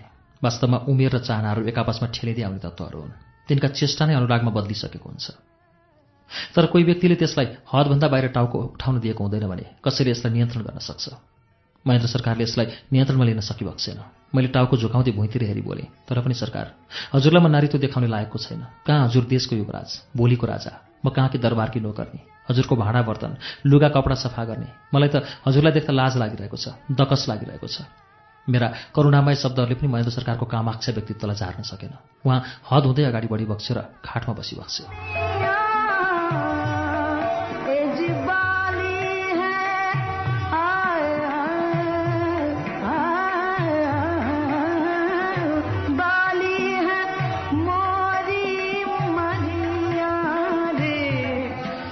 दकस र डर मान्नुपर्ने कुनै कुरै छैन। दकस र डर त्यसलाई हुन्छ जसको आत्मशक्ति कमजोर छ र जसले अपराध गरेको छ। आखिर हामीहरूले त्यस्तो जानै जाने अपराध के नै गर्न लागेका छौँ र? यो त सर्वमान्य परिधिभित्रकै सामान्य चलन हो। यहाँ मानव जातिले आफ्नो अस्तित्व खोजिरहेको हुन्छ। यसबाट एक आपसमा आफ्ना आफ्ना अभिलाषा पूरा गरिन्छन्। स्वादको अनुभूति पनि। यो संसारकै रीत हो। त्यसैले तिमीले पनि आफ्नो उत्साहलाई परिमार्जित गर्न सङ्कोच मान्नु पर्दैन। यसबाट हामीहरू दुवैको मनोकामना पूरा हुन्छन्। दुवैलाई नयाँ अनुभव हुन्छ। अझ देशको युवराजको पुरै शरीर तिम्रो कोठामा उभिएको बेला तिमीमा गौरवको वर्षा हुनुपर्ने आनन्द लाग्नुपर्ने कमण्डले फुल्नुपर्ने यसको स्वाद दिने कोसिस गर।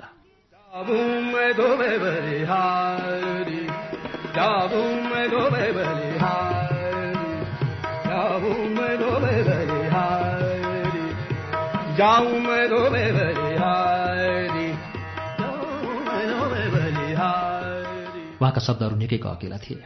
उहाँको आकृति उज्यालो थियो तर मेरो ओठ तालु सुक्दै गयो। म के गरौँ कसो गरौँ मैले केही सोच्नै सकिनँ। मेरो शरीरको नसा नसाबाट पसिना छुट्न थाल्यो। म दुई तिन पाइला बिस्तारै अगाडि बढेर सुकेको घाँटी भिजाउन पान्छातिर गएँ। रुखको स्वरमा बोले मेरो कुनै मनोकामना नै छैन। मलाई नयाँ अनुभव पनि चाहिएको छैन। म कुनै स्वाद लिन चाहन्न।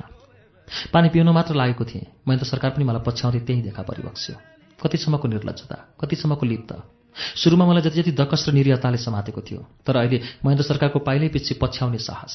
मैले बुझेँ कि महिला वर्गले आफ्नो जवानीको प्रवाहलाई जतिसुकै संरक्षण र सुरक्षित राख्न खोजे पनि बासनाको आँखा लागेको छ भने त्यहाँ जीवन भत्ताभुङ्ग हुन केही न्यू चाहिँदैन। आफ्नै अगाडि आफ्नो विनाशको दृश्य देख्न थालेँ। त्यसरी मैले डराइ डराइ सोधेँ मलाई पछि केही अप्ठ्यारो त पर्दैन?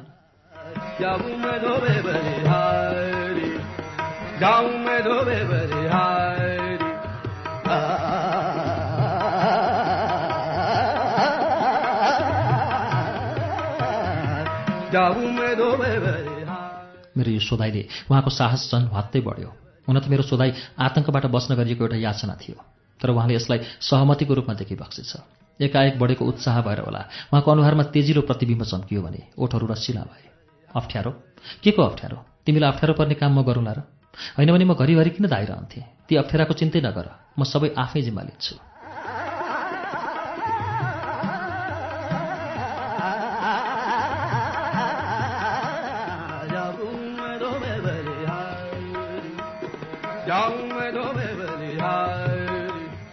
उहाँको मुखबाट निर्धक्कसँग निस्केका दृढ आवाजहरू मेरा कानमा परे पनि मेरा उदासीन र नैराश्यता कमाउन सकेन। यसले मलाई झन् यता न उताको सङ्घारमा उभ्याइदियो। रोहौँ कराउँ वा भागौँ वा समर्पण गरौँ। मबाट धेरै बेर कुनै जवाफ आउन सकेन। कोठा निस्तब्धता र चकमन्न भयो।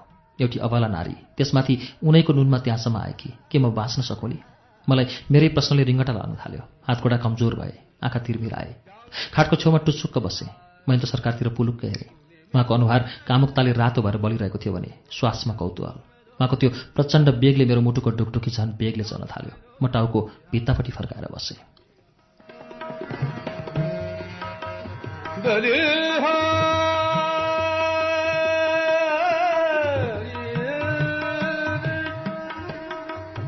मेरो अत्तालिएको परिस्थितिमा उहाँको निमेषभर पछुतोको अनुभव भएर होला। मेरो नजिकै आइबक्स्यो र चित्त शान्तिको आज्ञाकारी बन्न खोजिबक्स्यो त्यो कुरामा तिमीले धन्दै मान्नु पर्दैन। सबै जिम्मा मैले नै लिने भएपछि।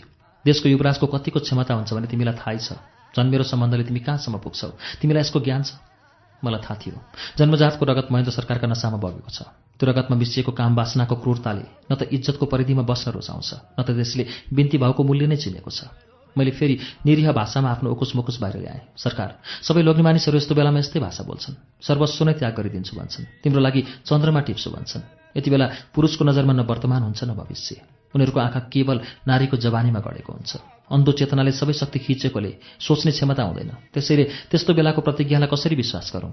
मलाई यो संस्कारको कवचमा नपारी बक्सियोस् म यसमा समर्थ छैन। मैले धेरै कुराहरू एकैपल्टमा भने।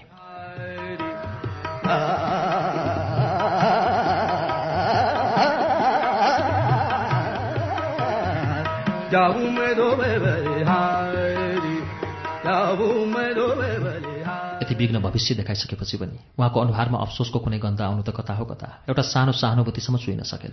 त्यति बेला उहाँको तनमन दुवै विक्षिप्त थिए। उहाँको चेतना मेरै जवानीको प्यासमा गढेका थिए भने श्वास मसँग नै समायोजन हुन खोजिरहेको थियो। उहाँका आँखाहरू कोमल थिए। त्यति बेला बाहिर कोही मान्छेहरू गफ गरेको सुनियो। दुईजना लोग्ने मान्छे र आइमाई कुरा गर्दै हिँडिरहेका थिए। पानीको बेगलाई जित्ने उनीहरूको हल्ला चर्को थियो।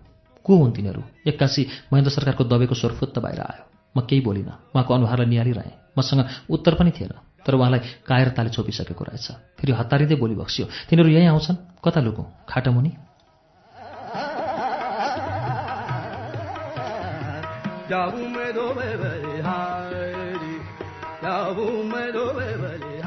म बिस्तारै मुस्कुराएँ तर मेरो मुस्कुराहट रमाइलोको लागि थिएन। त्यसमा बचाउको सङ्केत पनि थिएन। यो त एउटा हिंताबोधको अभिप्राय थियो जुन हिंताबोधमा राजा महाराजाले देखाउने गरेका फोस्रा ढोङ थियो।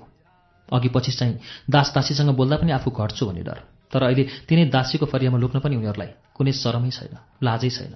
मलाई महेन्द्र सरकारको निर्लजताले असहाय बनाएको थियो तर पनि त्यसलाई बिर्सेर उहाँलाई भरोसा दिँदै बोलेँ किन आउँथे? आउँदैनन् तिनीहरू।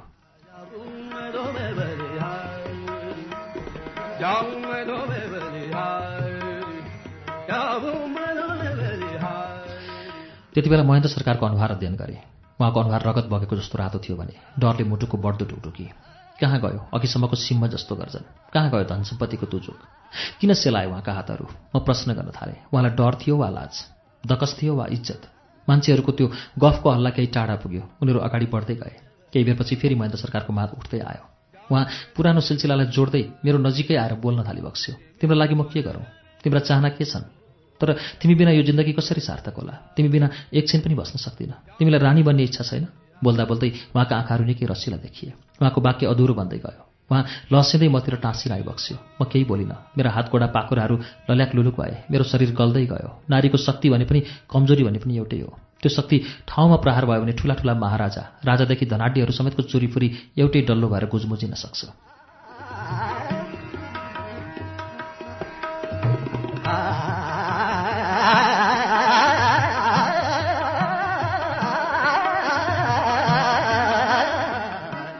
नारीको कमजोरी पनि त्यही हो। उनीहरू चुपचाप शिथिल हुन्छन्। भविष्य अन्धकार खाल्डोमा फस्न पनि सक्छ।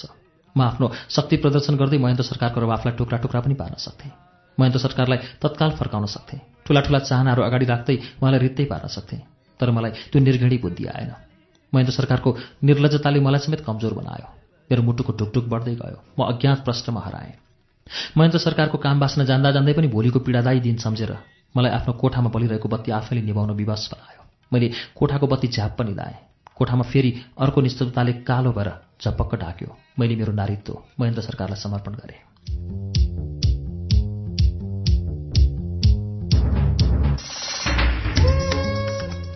कार्यक्रम श्रुति सम्वेक तपाईँ अहिले उज्यालो नाइन्टी नेटवर्क काठमाडौँसँगै इलाम एफएम रेडियो ताप्लेजुङ झापाको एफएम मेजिट्युन्स र बिर्ता एफएम इटहरीको सप्तकोशी एफएम विराटनगरको रेडियो पूर्वेली आवाज धरानको विजयपुर एफएम रेडियो तेह्रथुम भोजपुरको रेडियो चमलुङमा एफएम सिन्धुलीको रेडियो सहारा रेडियो बर्दिवास खोटाङको हलेसी एफएम सर्लाहीको रेडियो एकता ढुकढुकी एफएम र मुक्तेश्वर एफएम रौतहटको नुन्थर एफएम रामेसापको रेडियो तीनलाल दोलखा जिरीको रेडियो हिमाली नुवाकोट एफएम काभ्रे धुलीखेलको रेडियो सेफर्ड मकवानपुरको हेटौँडा एफएम चितवनको रेडियो अर्पण र रेडियो चितवनमा पनि सुनिरहनु भएको छ।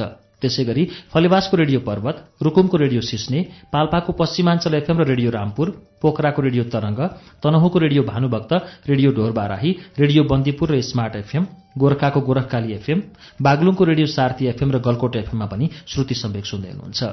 रेडियो प्युठान दाङको रेडियो मध्यपश्चिम बुटवलको तिनाउ एफएम गुल्मीको रेडियो रेसुङ्गा कपिलवस्तुको रेडियो बुद्ध आवाज रेडियो कोवलपुर सल्यानको रेडियो राप्ती जाजरकोटको रेडियो हाम्रो पाइला दैलेखको ध्रुवतारा एफएम कैलाली टिकापुर र गुलरियाको फुलबारी एफएम कैलाली एफएम दाङको रेडियो प्रकृति एफएम सुर्खेतको रेडियो भेरी र बुलबुले एफएम बैतडीको रेडियो सन्सेर दार्चुलाको नयाँ नेपाल एफएम हुम्लाको रेडियो कैलाश जुम्लाको रेडियो कर्णाली र कालीकोटको रेडियो नयाँ कर्णालीबाट पनि अहिले एकैसाथ श्रुति सम्वेक प्रसारण भइरहेको छ। श्रुति सम्वेकमा हामी नगेन्द्र नेौपानेको उपन्यास दरबार बाहिरकी महारानीको वाचन सुन्दैछौ।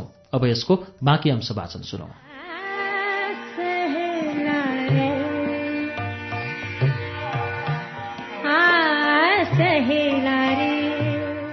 एकादशीको दिन थियो। दरबारमा सबैजना व्रत बसेका थिए। म पनि त्यो दिन बिहानैदेखि निराहार थिएँ। साँझतिर पूजाआजा गरेपछि मात्र खाना खाने भन्ने सबैको सल्लाह थियो। रानी महारानीदेखि सुसारेसम्मको भोको पेट भएकोले कामको त्यति चटारो हुन्थेन। धेरैजसो कामहरू भोलि नै गरौँला भनेर दिनभरि गफै गरेर बसिरहन्थे। तिनमानेको जङ्गी सिपाही तेरो कोठातिर निकै धाएको देख्छु नि। दुर्गादेवीले गायत्रीतिर हेर्दै सोधी। मोरा अनुहार हेरी दिउँसै तर्छ होला जस्तो छ। ऊ भने आफू कति राम्रो छु भन्न ठान्छ एकजोर कपालमा लगाउने धागो र एउटा काँटाको भरमा हाम्रो बैंस लिन खोज्ने। हाम्रो यौवन त्यति सस्तो छ। यसले लोग्ने मान्छेहरू आफूलाई के ठान्छन्? गायत्री अलि खस्रो स्वर्की थिए। पेटमा उसको कुरा अड्नै सक्दैन थियो। देखेको कुरा भनिहाल्ने बानी थियो। अझ पहिलादेखि नै जङ्गी सिपाहीप्रतिको उनको सोचाइ सडिसकेको थियो।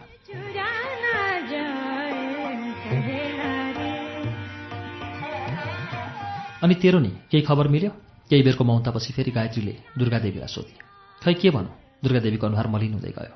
अनि आतङ्कित देखिन थाली। एक दिनभन्दा बढी बस्दिनँ भनेर गएको हो। आजसम्म हत्तोपत्तो छैन। के दाप्चाबाट आउने यतिका दिन लाग्छ र? उनीहरूको गफ सुन्दा सुन्दै मेरो मस्तिष्कभित्रको मौनता अचानक खलबलियो। स्मृतिमा मेरै आत्मकथाहरू फुत्त देखा परे। महेन्द्र सरकारको र मेरो सम्बन्धलाई गायत्री र दुर्गादेवीको उतार चढावसँग तुलनात्मक परीक्षण गर्न थाले। कहाँ दाप्चाको सिपाही कहाँ महेन्द्र सरकार? कहाँ कपालमा लगाउने एकजोर काँटा कहाँ नारायण हिटीको ढलिमली फेरि यौवन र जवानीको बादलले कसलाई छोप्दो रहेछ र? बादलसँगै वर्षा हुन पनि स्वाभाविक देखिन थाल्यो। मैले बुझ्दै गएँ। यौवनको भावनात्मक भेललाई सबैले आफ्नो आफ्नो तरिकाले उच्चारण गर्दा रहेछन्। मलाई खेलमा जित भएको महसुस भयो।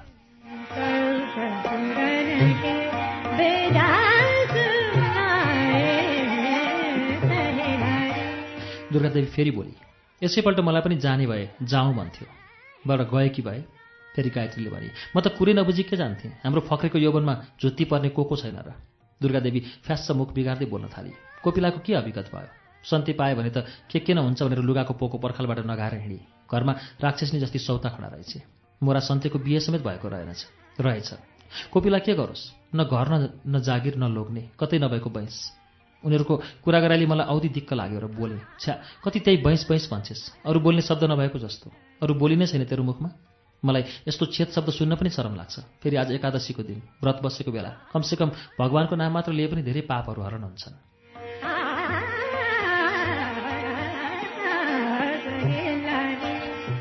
केही बेर कोठाको वातावरण चकमन्न भयो। चारैतिर सन्नाटा छायो। हुनसक्छ भावुकताले सबैलाई आफ्नै किसिमबाट समातेको छ। सबैले आफ्नो आफ्नो भाग्यको परीक्षा गरिरहेका छन्। भावुकताले क्रूर लक्षण देखाउँदैन तर मैले उनीहरूको तरुणी हृदयको गफमा सामेल नभई उनीहरूको छातीभित्रको व्यापारलाई अनुसन्धान गरेँ। अनुभव नभएको व्यापारमा उनीहरूलाई हत्तपत्त हात हालिहाल्न गाह्रो थियो। हुन त बिहानैदेखि मेरा शारीरिक अङ्ग प्रत्यङ्गहरू गलिसकेका थिए। मैले आफूलाई बलजफ्ती अधीनमा लिएको थिएँ। तर अहिले मेरो टाउको चरम गरुङ्गो हुँदै आयो। आँखाहरू धमिला बन्दै गए। खप्नै नसक्ने भयो। पिच्च पिच्च मुखभरिको पानी दुईपल्ट फ्याँकेँ। अझ केही भएन। बसेको ठाउँबाट गरुङ्गो भएर उठेर अर्कोतिर गएँ।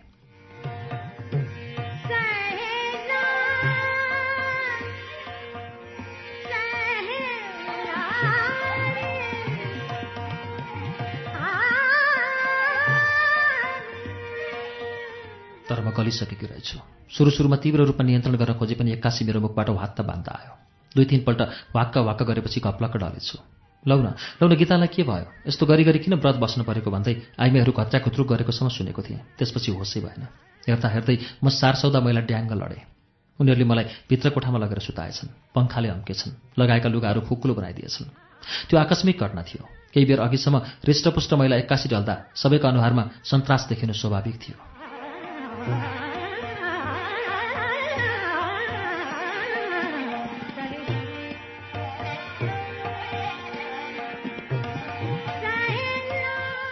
उनीहरूले धेरै बेर नै मलाई कुरेर बसेछन्। तर वैद्य कविराजको आवश्यकता कोहीबाट पनि उठेनछ एक्कासी मेरो लक्षणप्रति उनीहरूको रहस्य गहिरो हुँदै गएछ। म ढलेको कुरा एकाएक हुरीले धुलो उडाए जस्तो चारैतिर ठोक्किन पुगेछ। केही बेरपछि मेरो होस खुल्यो। मैले आँखाको नानी बिस्तारै दायाँबाट बायाँ गुमाएँ। पछि निधारतिर झरेको कपाललाई सोरेर पछाडि लगेर बाँधेँ अनि भित्तामा आड लागेर बसेँ। त्यति बेला त्यहाँ आइमाईहरूको निकै ठुलो भिड जम्मा भइसकेको थियो। सबैका विरही भावनाको आँखाहरू मेरै सामु थिए।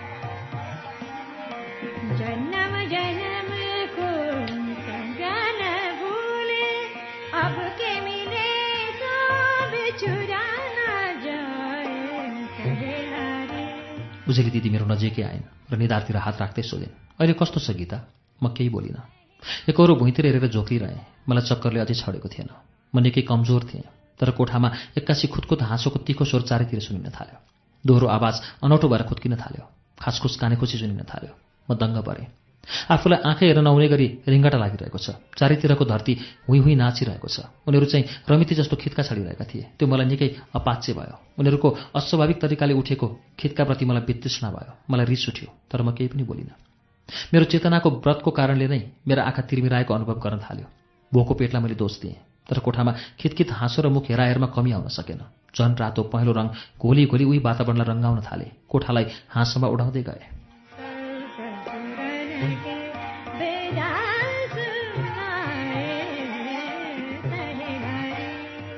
कति हाँस्छे? धेरै नहाँस है? अहिले ठुलो आन्द्रा छोडिएला एउटीले आफूसँग बस्नेलाई घचर्दै सुनाए। चुडिए चुडियोस्। यस्तो बेला नहाँसे कहिले हाँस्ने त? रुने त? उसले जवाफ फर्काए। म चाहिँ भएर रिचले एकैचोटि आक्रान्त भएँ। उनीहरूले गरेको दिल्लगीप्रति कुनै चासो जान सकेन। मैले भित्री कुरा बुझ्न सकिनँ तर आइमाईहरूको सङ्ख्या बढ्दै गयो। बाङ्गाटिङ्गा शब्दहरू थपिँदै गए। मलाई बाध्य भएर। उनीहरू अगाडि क्रोधित हुन करै लाग्यो र गहिरो नजर दिँदै उनीहरूको अगाडि बोले किन? के भएर तिमीहरू हाँसिरहेका हँ? यहाँ आफूलाई यस्तो ढिङ्गटा लागेर हेर्नै नहुने भएको छ। तिमीहरूलाई चाहिँ रमाइलो भइरहेको छ। भाग्यमानीलाई यस्तै हुन्छ। एउटीले प्याच्च बोली भाग्य हो कि दिन लागेका हुन्? अर्की काने खुसी गर्दै उठी। किन दिन लागेको होला र? भाग्य नै चम्केको होला।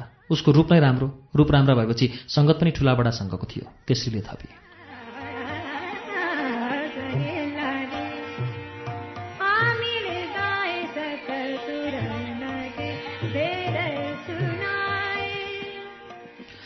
अब मलाई खपिसक्नु भएन। रिसले आँखै देखिन। लबजमा क्रोध मिसाउँदै चर्केर बोले जाओ यहाँबाट। बाह्र सत्ताइसै कुरा गरेर किन अर्काको मुटु खान खोज्छौ? मैले तिमीहरूको के बिगार गरेको छु र? कमसेकम यस्तो बेलामा चुप लागेर बसे त मलाई रिङ्गटा लाग्न कम हुन्थ्यो कि? मैले गहिरो आक्रोश उनीहरूप्रति व्यक्त गरेँ पनि। यहाँबाट हिँडिहाल भनेर घोर अपमानको सङ्केत दिए पनि कोही पनि उठेनन्। झन् मुसु मुसु हाँस्दै आफू आफू हेराहेर गरेर बसिरहे। रमाइलो मानी मानी मेरो बिग्रेको अनुहार हेरिरहे। सायद त्यही हुलमा रिसाएकी उजेली दिदीलाई मेरो व्यथाले छोएको हुनुपर्छ। अवश्य उनलाई कोठामा भइरहेको छाडा वातावरणसँग सन्तास थियो। उनी मुटु दरो बनाउँदै फेरि मेरो नजिकै आइन्। उनको अनुहारमा उज्यालो किरण मिसिएको थियो।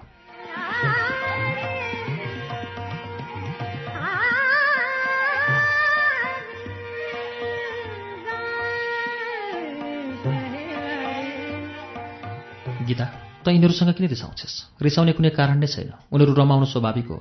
बच्चा पेटमा छ भने सबै आइमाईलाई यस्तै रिङ्गटा लाग्ने वाकवाक हुने गर्छ। तेरो पेटमा बच्चा भएर त यस्तो भएको आइमाईको लागि बच्चा पेटमा हुनु सृष्टि गराउन सक्नु धेरै राम्रा कुरा हो नि। उजेली दिदीले महिला वर्गप्रति गौरव बढाउँदै मलाई उत्साहको श्रेणीमा उकाले पनि मेरो मुटु बेतोडले तलमाथि गर्न थाल्यो।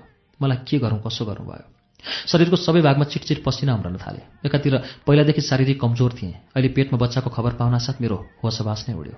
तर उनीहरूले मेरो पेटमा बच्चा भएको आशयलाई मैले त्यति सजिलैसँग स्वीकार गर्ने कुरै थिएन। म त्यो अप्रत्याशित कसुरको सहज रूपमा भागीदार बन्न चाहन्नथेँ मैले रिसाउँदै जवाफ फर्काएँ। के को नचाहिँदो कुरा गरिरहेको? म व्रत बसेर खाली पेटले शरीर फितलो बनाएको थाहा छैन। तिमीहरू चाहिँ टाउको खाने कुरा गरिरहेछौ। मेरो पेटमा के को बच्चा हुनु मलाई यस्तो हावादारी गफ गरेको मन पर्दैन। मेरो पेटमा बच्चा भएको कुरा मलाई नै थाहा हुँदैन। तिमीहरूलाई थाहा हुन्छ। फेरि कसको बच्चा? बाबु पनि देखाउनु पऱ्यो नि। बिहे नगरेका आइमाईको बच्चा? जाऊ यहाँ नबस्छ मलाई एक्लै आराम गर्न देऊ। म सुत्छु। उनीहरूलाई मैले बेसरी झपारेँ।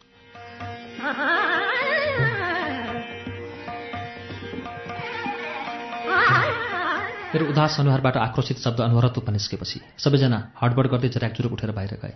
तर बाहिर निस्किँदासम्म पनि उनीहरूले मुखबाट छेडछाड र व्यङ्ग्यात्मक प्रहार हुन बाँकी थिएन। कितकित हाँसो र खिल्लीमा कमी थिएन। पछि थाहा भयो। यस्तो अवस्थामा अझ आइमाईलाई रमाई रमाई मच्ची मच्ची हाँस्न खुब मन लाग्दो रहेछ। उदाउन खुब रहर हुँदो रहेछ। त्यति मात्र होइन। महेन्द्र सरकार र मेरो भित्रभित्र सल्केको आगो अहिले फुत्त बाहिर निस्कन साथ तिनीहरूलाई पहाडै भएको थियो। एकछिनलाई उनीहरूलाई आतङ्क मचाएर बाहिर पठाए पनि म भित्रभित्र निकै डराएँ। मनमा कुराहरू अटसमटस गर्दै खेल्न थाले। आफूले आफैलाई तर्साउन थाल्यो। प्रश्नहरू ओरिन थाले। बच्चा बसिसकेछ अघि। अब के गर्ने होला?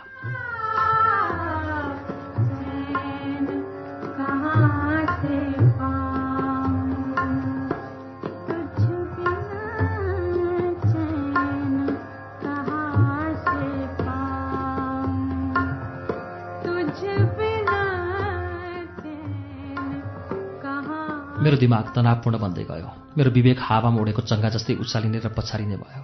म अलि रिसाएको हुनाले उजेरी दिदी पनि आफ्नो कोठातिर गइसकेकी थिइन्। त्यो दिनको लागि के को व्रत के को पूजा आज?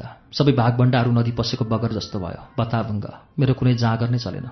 जमक्क सास पर्यो। तर पनि चित्त शान्तिको लागि कुनै वस्तुहरू भेटिनन्। यी कुराहरू कसको सामु बिसाउँ? कसरी साथीहरूको अगाडि प्रदर्शित हो यिनै भीमकाय पर्खाललाई चियाएर बसे। आखिर दुःख सुखको आरोह अवरोहमा मानसिक शान्ति होस् वा भौतिक सुख तिनै उजेली दिदीको नै सामिप्यको आवश्यक पर्थ्यो मलाई। परेको बेला उनकै गहिरो रायले घाइते हुनबाट म बचेको हुन्थेँ। उमेरमा उनको र मेरो त्यति फरक नभए पनि मभन्दा पहिलादेखि नै दरबारमा काम गर्दै आएकी र ब्राह्मणी चतुर्याई उनमा विद्यमान थियो।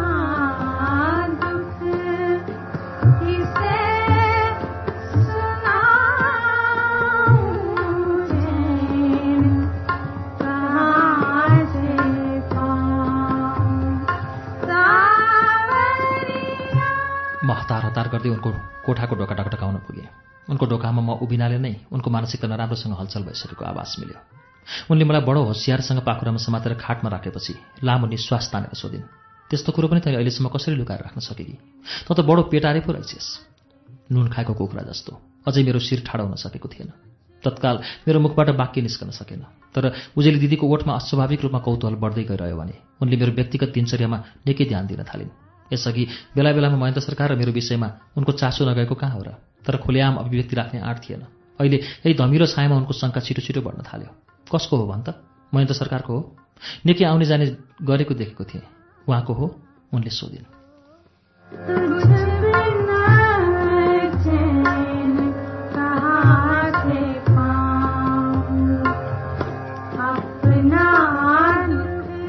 तर म केही पनि बोलिनँ अहिले मलाई आफूप्रति आफैलाई दिगमिक लाग्दै आयो। दिउँसो अझ आइमाईहरू हाँसो ठट्टामा उडाउने फेरि अहिले उजेली दिदीले नामै तोकेर देखाउनु। मलाई निकै ग्लानी भयो। पतिको पहिचानै नभई पेटमा बच्चा हुनु जति घृणित नारीको लागि के होला? म धेरै बेर टाउको अर्कोतिर फर्काएर बसेपछि उजेली दिदी बोल्दै गइन्।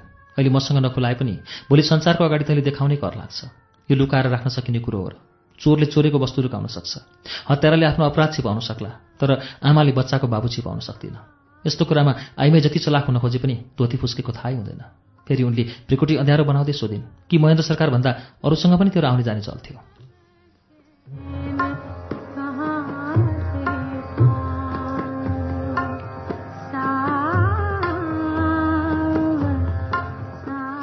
उनको अस्वाभाविक प्रश्नले मलाई झस्सङ्ग बनायो।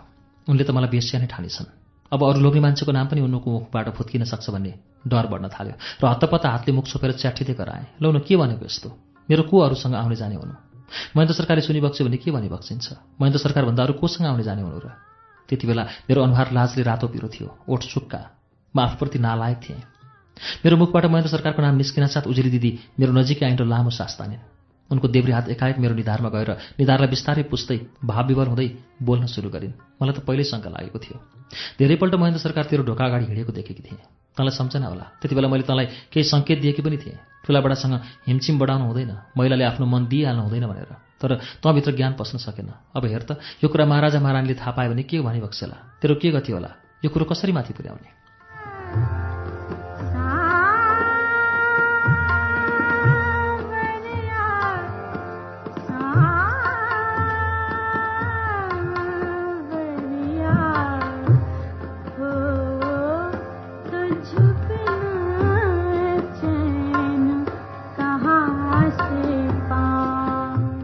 पाऊँ मैले बिस्तारै अनुहारबाट हात निकालेर उजेरी दिदीतिर दिक्क लाग्दो स्वरमा बोलेँ दिदी मलाई पनि सपना जस्तै लागेको छ। यस्तो हुन्छ भन्ने थाहा पाकी भए कहाँ ढोका खोलिदिन्थे र?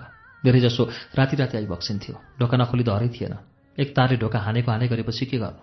तिमी बिना एकछिन पनि बस्न सक्दिन। यो कुरो कतै जाँदैन। तिमी डराउनु पर्दैन भनी बक्सन्थ्यो एकपटक पुरुष जातिको दृष्टिमा परेपछि महिलाको केही चल्दो रहेनछ। शङ्कै शङ्काको भरमा महेन्द्र सरकारसँग मेरो सम्बन्धलाई भित्रभित्र गुम्स्याउन खोजे पनि। अहिलेसम्म कसैको मुख खोल्ने क्षमता थिएन। साक्षी प्रमाण नपुगेका मुद्दा जस्तो चरित्रसँग सबैको डर थियो। तर अहिले मेरै मुखबाट महेन्द्र सरकारको नाम प्रष्ट रूपमा फुत्त बाहिर निस्किँदा उजेली दिदी भविष्यको भयानक विपत्तिसँग सन्त्रास्त देखिन् चिन्तित देखिन थालिन्।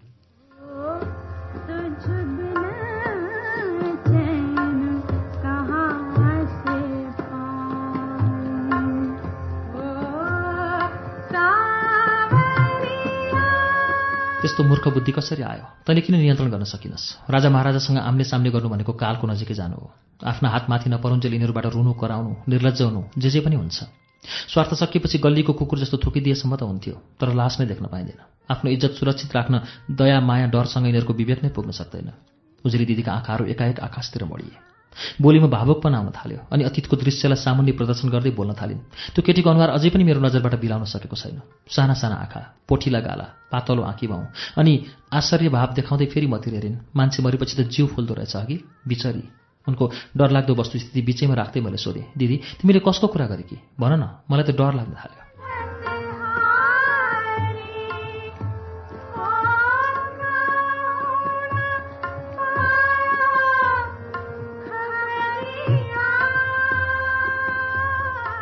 खिन्न स्वर बनाउँदै बोल्न थालिन्। म दरबारमा काम गर्न थालेको त्यति धेरै भएको थिएन। एक दिन हाम्रै क्वार्टर पछाडि एकजनाको लास भेटियो। सुरुमा त लास चिन्न गाह्रो भयो।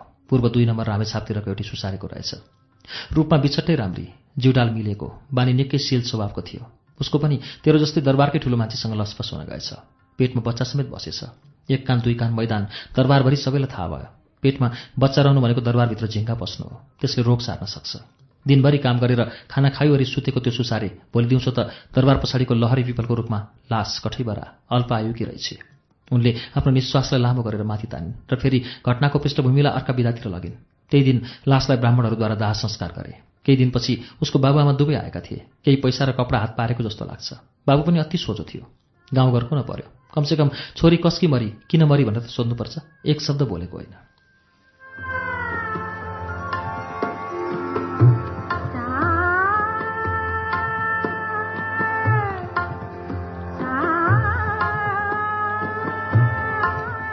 उजेली दिदीको कथा सुनेपछि मलाई गहिरो पोखरीमा धकेलिएको अनुभव भयो। मलाई सास फेर्नै मुस्किल पर्न थाल्यो। सुकेको जिब्रोलाई लटपट्याउँदै बिस्तारै उनलाई सोधेँ के गर्ने होला त दिदी? मेरो पनि त्यही गति हुने भयो त? उनले फेरि अनुहारमा उही उदास र कायरता मिसाउँदै खिन्न स्वरमा बोलिन् त्यस्ता घटना नदेखेको भए पो म तँलाई साहसको द आँट दिन्थेँ। हेर समयको क्रूरतासँग कसैको केही लाग्दैन। पुस्ता न पुस्तादेखि बगेको रगतमा तेरो सानो बिन्ती भाउले काम गर्दैन। उनीहरूका नुन पानी खाइएको छ। उनीहरूकै आश्रयमा छौँ।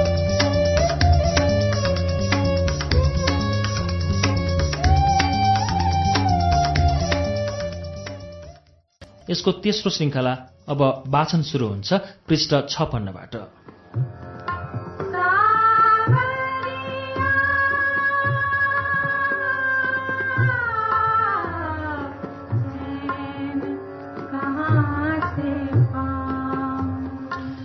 उजेली दिदीको कथा सुनेपछि मलाई गहिरो पोखरीमा धकेलीको अनुभव भयो। मलाई सास फेर्नै मुस्किल पर्न थाल्यो। सुकेको जिब्रोलाई लटपट्याउँदै बिस्तारै उनलाई सोधेँ के गर्ने होला त दिदी? मेरो पनि त्यही गति हुने भयो त। उनले फेरि अनुहारमा उही उदास र कायरता मिसाउँदै खिन्न स्वरमा बोलिन् त्यस्ता घटना नदेखेको भए पो म तँलाई साहसको आड दिन्थेँ। हेर समयको क्रूरतासँग कसैको केही पनि लाग्दैन। पुस्ता न पुस्तादेखि बगेको रगतमा तेरो सानो बिन्ती भाउले काम गर्दैन। उनीहरूका नुन पानी खाइएको छ। उनीहरूकै आश्रयमा छौँ।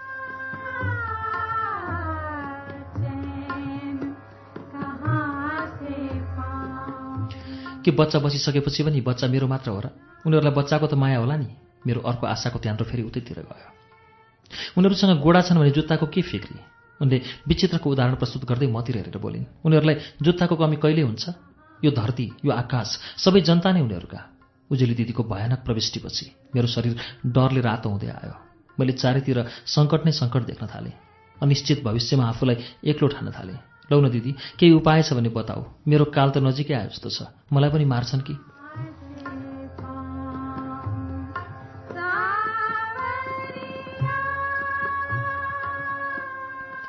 मेरो मातेको मेरो आत्तिएको अनुहार र कष्टकर स्वर सुनेर उजेली दिदीको दिमाग पनि त्रस्त भएर डुब्न स्वाभाविक थियो।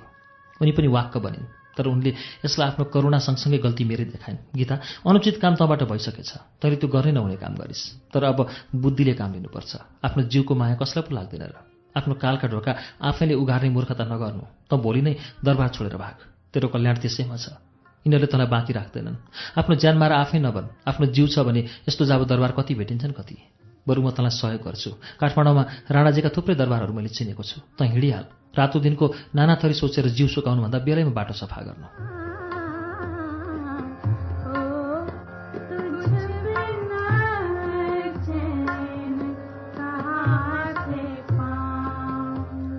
मैले सावधानीसँग उजेरी दिदीको म प्रतिको कृपालाई पढेँ। उनको स्नेहका मलमहरू राम्रोसँग मेरो शरीरमा भिजेका थिए।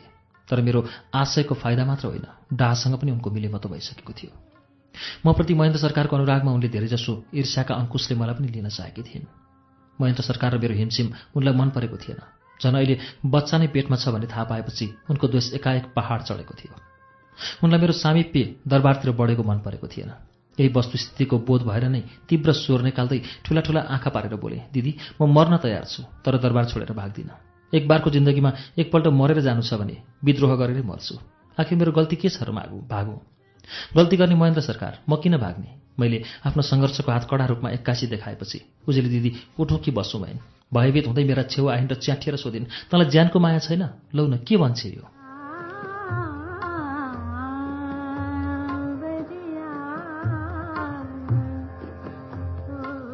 छैन मैले फेरि आफ्नो भयानक निर्णय सुनाएँ। मेरो यो पेटको बच्चाको जन्मिने अधिकार यही दरबारमा छ। म भाग्दिनँ म कातर बन्दिनँ। यसको बाबु महेन्द्र सरकार नै हुन्। म संसारको सामु यो सत्यता देखाएर छाड्छु। म बच्चा त होइन नि। म ढोका ढकढकाउँदै महेन्द्र सरकारलाई खोज्न कहिले गइनँ। उनी नै आएका थिए। मैले धेरैपल्ट नै रित्तो फर्काएकी थिएँ। यसमा उनैको जोड थियो। मेरो कठोर चुनौती सुनेपछि उजेली दिदीको प्रयासको छनक साम्य भएर सुक्यो। उनले अझ बढी जोड गर्न सकिनन्। उनलाई लाग्यो होला म सानोतिनो तर्साइले गल्दिनँ।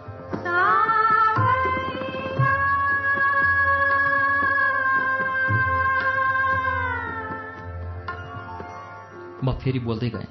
दिदी अर्कोको बुद्धिले राजा हुनुभन्दा आफ्नो बुद्धिले जोगी हुनु उत्तम भन्छन्। मलाई दरबारबाट भगाएर राजा बनाउन नखोज।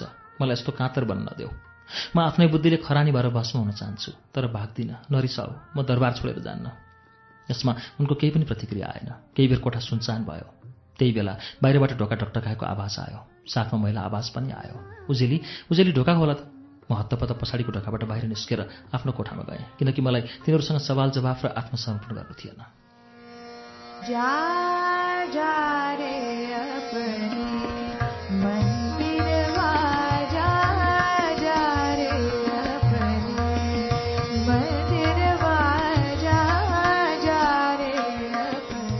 आफ्नो बुद्धिले जोगी हुन्छु भनेर उजेल दिदीलाई चुनौती त दिएँ तर त्यो त्यति सहज थिएन।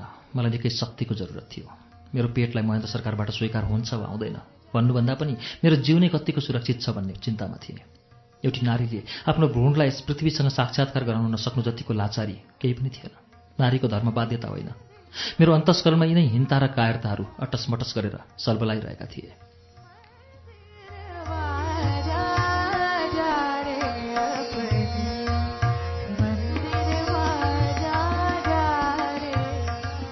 मैले सबैभन्दा पहिला महेन्द्र सरकारलाई नै यथार्थताको बोध गराउने निर्णय गरेँ।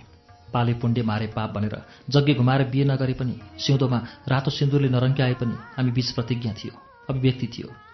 त्यस्तो अभिव्यक्तिमा र प्रतिज्ञामा अरूले भगवान्लाई साक्षी राखेका हुन्छन् पण्डित बोलाएका हुन्छन् तर हामीहरूले विश्वासलाई भगवान् मानेका थियौँ आत्मालाई कसेका थियौँ।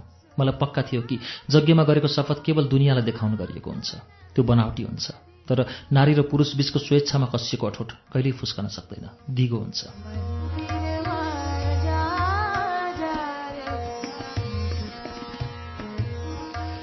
म महेन्द्र सरकारलाई खोज्दै हिँड्न थालेँ तर महेन्द्र सरकारसँग सानो भेटमा त्यस्तो गहन कुराको बोध गराउन सम्भव थिएन। मलाई निकै गहिरो एकान्तको जरुरत थियो भने साहसको पनि खाँचो थियो। म त्यही संयोगलाई पर्खेर बसेँ तर त्यति बेलाको राजनीतिक बिगबिगीले महेन्द्र सरकारका करिलो टाउकोमा गरौँ बोझ झुन्डाइदिएको थियो। समयको अन्तरालसँगै उहाँसँग ठुल्ठुला उत्तरदायित्वहरू थिए। उहाँका कूटनीतिक सुझबुझका नसाहरू बढिसकेका हुनाले खुब राजनीतिक भ्रमण हुने गर्थ्यो। उहाँलाई बेलाले पाको बनाएको थियो। तर म दिन गन्दै थिएँ। मेरो छटपट्टि बढ्दै थियो किनकि मेरो परसर नेपालो रोकेको धेरै भइसकेको थियो भने वाकवाकी चरम सीमामा। खाएको चिज पेटमा अड्दै अड्दैन थियो। साँझतिर कोही पुरुषको छाया देखे पनि उहाँकै स्वरूप अगाडि आउँथ्यो। लोग्ने मान्छेको स्वरै सुन्नुहुन्न थियो। म झस्किहाल्थेँ।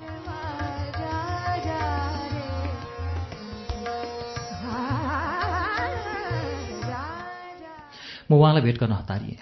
भेट हुन नसकेपछि ठुलो शङ्काको पहाडहरूले मलाई घेर्दै ल्याउँथे। डरले मेरो काम छोड्थ्यो। महेन्द्र सरकार महिनौ हराउने त होइनन्। सधैँका लागि मलाई बिर्सने त होइनन्। समयक्रमले मलाई उल्टो गरी बगाइदियो पहिला पहिला उहाँ लुकी लुकी मेरो कोठामा आइबक्सन्थ्यो उहाँलाई मेरो वरिपरि लुटपुटिन मन लाग्थ्यो। उहाँको धेरैजसो समय मसँग हुन्थ्यो। म सकभर भाग्ने कोसिस गर्थेँ तर अहिले ठिक उल्टो हुन गयो। उहाँ कहिले आइबक्सेला भनेर म नै बाटो कोर्न थालेँ पर्खन थालेँ। धेरै दिन नै नदेख्दा डर लाग्थ्यो। कतै महेन्द्र सरकारले मलाई अर्को दोष लगाउने त होइनन्।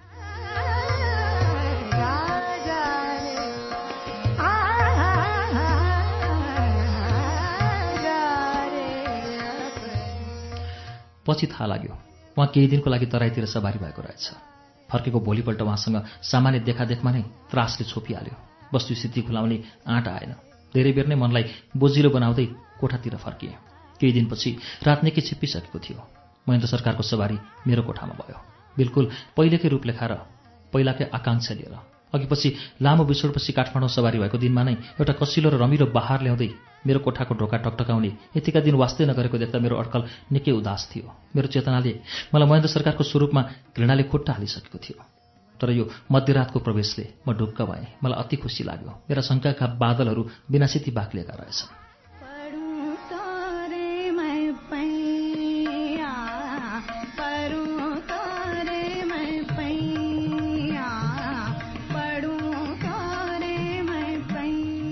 उहाँलाई मेरो पेटमा बच्चा रहेको कुनै सुइँको नै रहेनछ।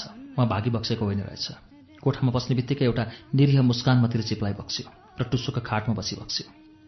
तराईतिर घाम चर्को रहेछ कि? कस्तो कालो भइ बक्सेको? मैले त अस्ति दिउँसो चिन्नै नसकेको। मैले नै कुराको थालनी गरेँ। कहाँ देख्यौ र? तराईतिर कहिले काम घाम छर्को हुँदैन र? महेन्द्र सरकारका दुईवटा प्रश्नहरू एकैसाथ आएर ओठहरू खिस्स उग्रिए।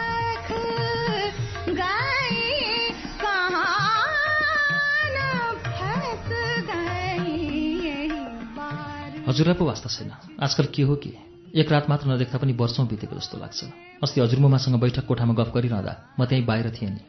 हजुरले देखि बक्सेन पछाडिबाट को केटो होला यसरी महारानीसँग खुलेर गफ गर्ने भन्ने शङ्का गर्दै थिएँ। हजुर पो भइबक्सिँदो रहेछ।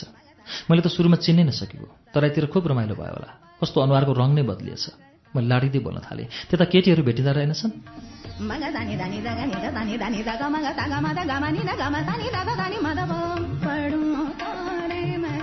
मलाई थाहा थियो। महेन्द्र सरकारको ओठहरू खिस्सा हाँस्दै उग्रिनुको मतलब उमङ्गको अभिव्यक्ति प्रस्तुत गर्नु हो। पहिला पहिला यस्तै उमङ्गयुक्त मुस्कानमा याचनाहरू अधीर भएर प्रष्ट हुन्थे। म छातीबाट अटाइ नअटाइ आएको अत्यासलाई घुटुको निल्न बाध्य हुन्थे। आज फेरि त्यही प्रतीक्षा मेरो अगाडि प्रस्तुत भयो तर म पूर्व अठोटमा थिएँ। यसपटक समर्पणका परिकारहरू सर्वसुलभ तरिकाबाट पस्किन्न। धेरै दिनदेखिको मनको छटपट्टिलाई आज पाखा लगाउनु छ।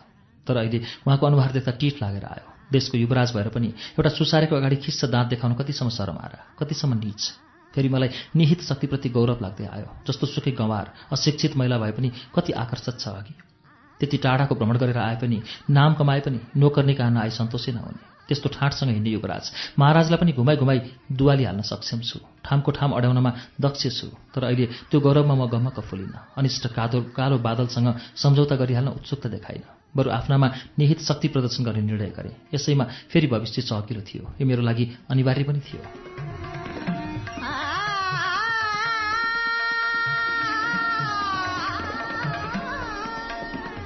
त्यति बेला उहाँका इच्छाहरू जति हतारका साथ उम्रिरहे पनि मैले आफ्नो कुरो नसमाति भने गम्भीर भएर भने सरकार हजुर मेरो कोठामा घरिघरि आउँदा मलाई केही समस्या छैन। मलाई बानी परिसक्यो। हामीहरूले सारा दुनियाँलाई पनि छलिरहेका छौँ। हाम्रा इच्छाहरू पुरा भएका छन्।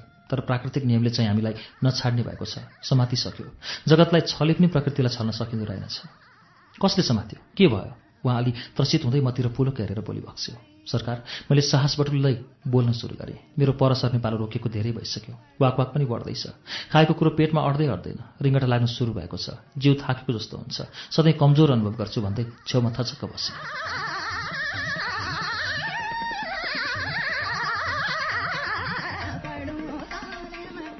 मेरो गुनासो र थचक्क बसाएपछि मैले देखेँ। उहाँको अनुहारमा नराम्रा गाठाहरू परे। आँखा काप्रो पार्दै भान्सातिर टाउको घुमाएपछि बोली बक्सियो किन? तिम्रो कोठामा खानेकुरा छैन। म भोलि भान्सेलाई भन्न लगाएर चामल दाल पठाइदिन्छु। खानेकुरा नभएपछि पहिले भन्नुपर्छ नि भोकै बस्नुहुन्छ। दरबारमा त्यतिको थुप्रो खानेकुरा छन्। तिमी चाहिँ भोकै बस्ने? होइन सरकार खाना खान नपाएर कमजोर भएको होइन। म त व्यथाको अर्को पाटोमा आक्रान्त छु। यसमा खानेकुरोभन्दा आश्रयको खाँचो छ। यसका लागि हजुरले सहारा दिइबक्सियोस्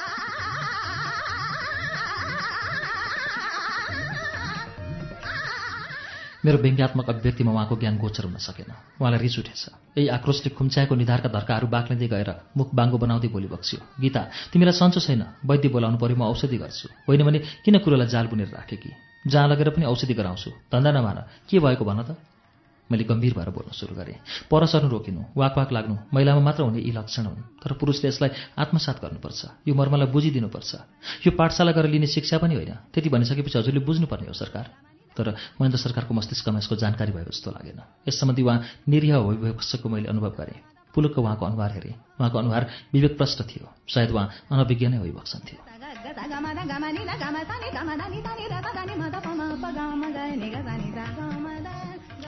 धेरै बेर नै भित्तामा हेरेर टोलाएपछि मैले मुटु दह्रो पारेर बताएँ सरकार म अब हजुरकी श्रीमती भएँ। हजुरको बच्चा मेरो पेटमा छ। केही महिनापछि त्यो बच्चाको जन्म हुन्छ। हजुर बाबु भन्नुहुन्छ म आमा भन्छु।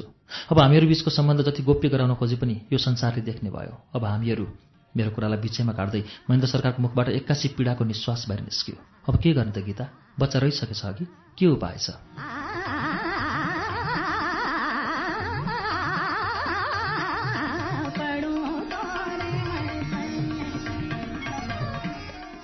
मैले थाहा पाइसकेको थिएँ कि उहाँको मुखबाट निस्केको निश्वास र असहायमा बनेको अत्यास लाग्दा रेखाहरूले घृणा र तिरस्कारको जन्म भइसकेको छ। उहाँका अपराधपूर्ण आँखाहरू स्थिर छन् तर मेरो चतुर मस्तिष्क पूर्ण तयारीमा बसिसकेको थियो। भित्रभित्र कठिन परिस्थितिलाई पनि सामना गर्ने दृश्य म भित्र नाच्न थाल्यो। त्यति बेला मेरो दिमागमा धिक्कारको एउटा फिल्मको पनि फुत्त देखा पर्यो। कस्तो कच्चा पुरुषसँग सम्बन्ध बस्न गएछ। त सरकारका फुङ्ग उडेको अनुहार हेरेँ। त्यस्तो काँचो मान्छे। त्यसमा पनि होसबास उडिसकेको थियो। तत्काल मेरो मुखबाट कुनै प्रतिक्रिया आउन सकेन। म आफै सुसारेँ। त्यसमा त्यस्तो कच्चा उमेरकोसँग सम्बन्ध गाँसिएको म समेत अन्यलमा पर्न थालेँ। धेरै बेरको सन्नाटापछि गम्दै बिस्तारै बोलेँ सरकार म पो के भन्न सक्छु र? गल्ती हामीहरूबाट भइसक्यो। जुन गल्ती हामीहरूले मिलेर नै गरेका हौँ मलाई पहिले थाहा थियो। अवश्य यो सङ्कट आउँछ। त्यसबेला मैले हजुरलाई सम्झाएको पनि थिएँ। तर त्यसबेला हजुरमा विवेक रहन सकेन। खै कुन्नी केले लट्ठ्याएको थियो? हजुरलाई भविष्यको वास्ता भएन। यो सङ्कट नआउन विभिन्न उपायहरू पनि थिए होलान् तर हेलचेक नै गरिबक्स्यो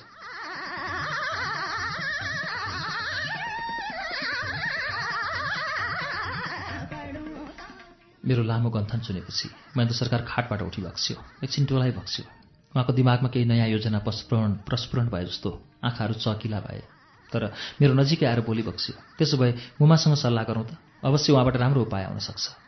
उहाँको कुरा सुन्दा जिउ डरले सरेङ सुरुङ भयो मुटुको धड्कन बढ्न थाल्यो। जङ्गिँदै बोल्ने सुरु गर्दै थिएँ फेरि भित्र मनमा हाँसो पनि उठ्यो। धन्य तिम्रो बुद्धि कस्तो कच्चा बुद्धि। कड्केर बोले धत यस्तो कुरा पनि बुबा आमालाई भन्नुहुन्छ। यो लुकीलुकी गरेको काम बाहिर भन्दै हिँड्ने दुनियाँले के भन्छन्? गुपचुप गरेको काम गुपचुप नै सघार्नुपर्छ। यसको उपभोग पनि आफैले गर्ने हो जिम्मेवार पनि आफैले वहन गर्नुपर्छ। यस्ता समस्याहरू आमा बाबुको सल्लाहबाट समाधान हुँदैन। उनीहरू यसमा बेग्लै स्वभाव लिएर देखा पर्छन् आफूभन्दा तलको केटीसँग यस्तो सम्बन्ध राखेको मन पराउँदैन।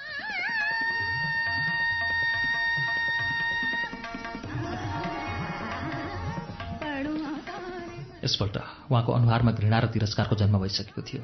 मैले उहाँको अनुहार अध्ययन गरेपछि अझै थाहा पाएँ। उहाँमा काम वासनाले बनाएको विचित्रको उत्तेजना उम्लिरहेको थियो। उहाँ आफ्नो अदृश्य तृष्णालाई एकाएक सजीव बनाउँदै मेरो नजिकै आइबक्स्यो र निष्कपट भावना देखाउँदै बोलिबक्स्यो गीता तिम्रो पेटमा बच्चा छ भने के भयो त? त्यसको अवश्य जन्म हुन्छ। छोरो रहेछ भने त्यसको राजा भन्छ छोरी रहेछ भने राजकुमारी। म अति खुसी छु। तिमी धन्यकी रहेछौ। मेरो तिमी जस्ती भाग्यमानीसँग सम्बन्ध रहन गएको छ। तिमी अब चिन्तै नगर। म यो बच्चालाई पूर्ण रूपमा आफ्नो जिम्मामा जन्माउँछु बढाउँछु पढाउँछु। तिमी पक्कै रानी भन्छौ यो दरबार तिम्रो हो।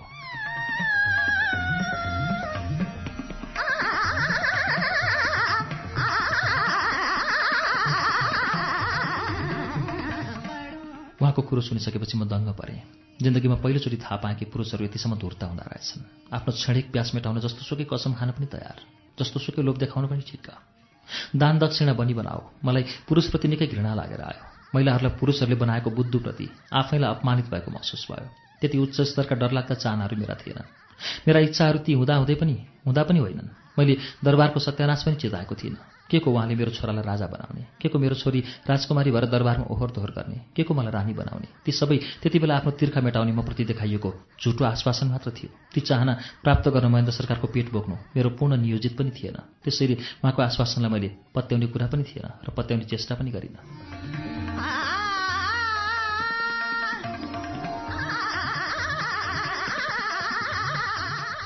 मेरो चाहना त मेरो पेटमा भएको बच्चा महेन्द्र सरकारले स्वीकार गरिदिए मात्र पुग्थ्यो। छोरा भनेर बोलाइदिए मात्र पुग्थ्यो। केही बेरपछि अपमानमा अर्धमुस्कानको लोप लगाउँदै बोले सरकार ती मेरा चाहना होइनन्। ती चाहना राख्ने मेरो हैसियत पनि छैन। त्यस्तो आकाङ्क्षा राखेर दरबार तहस नहस भएको देख्न पनि चाहन्न। आफ्नो क्षमताभन्दा बढी इच्छा राख्यो भने मानिस मूर्ख हुन्छ। मलाई मूर्ख भन्नु छैन। रानी हुन पाउने अधिकार अरू कुनै महिलाको हो। त्यसलाई म हस्तक्षेप गर्न चाहन्न। औकातले भ्याएसम्म मात्र आशा लिनुपर्छ। रानी बन्ने मेरो औकात छैन। आशा छैन। मग दानी दानी दगा नि दानी दानी दगा मग दगा मद गमा नि गमा दानी दगा दानी मद मेरो अप्रत्याशित ढङ्गको चाहना सुनिसकेपछि महेन्द्र सरकारको आत्मग्लानी अवश्य बढ्यो। उहाँ मेरो नजिकै आइबक्स्यो र मेरो हात समाति बक्स्यो अनि मिठो शैली भाव दिएर सोधी बक्स्यो। भन त गीता तिमीले खोजेका कुराहरू के के हुन्? ती सबै पुरा गरिदिन्छु। म तिम्रा चाहनाहरूलाई सम्मानजनक ढङ्गले प्राप्त गराइदिन्छु। तिमीलाई कुनै वस्तुको पनि कमी हुने छैन। तिमीले अहिले पाउनेछौ। दिनका दिन मासु भात लत्ता कपडा गरगहना पैसा तिमीले भने जति पाउनेछौ। अहिले म राजाको छोरो। तिम्रै अगाडि छु भने तिमीलाई केही कुराको खाँचो हुन्छ? चिन्तै नगर। मैले चनाको हुँदै बोलेँ सरकार अहिले पुरा गर्नु पर्दैन। अहिले पुरा गर्नुपर्ने मेरो चाहना पनि होइन। मलाई सबै कुरा पुग्दो छ। खाना लाउन बस्नमा मलाई दुःख छैन। काममा पनि दुःख छैन। म कहिले भोकै सुत्दिनँ। च्यातिएको लुगा लगाएको छैन। दरबारमा सबैले माया गरेकै छन्। भन न त के माग हुन् तिम्रा? तिमीलाई के चाहिएको छ? कहिले पुरा गर्नु पर्यो? महेन्द्र सरकार मलाई धकेल्दै मैतिर आइबक्स्यो।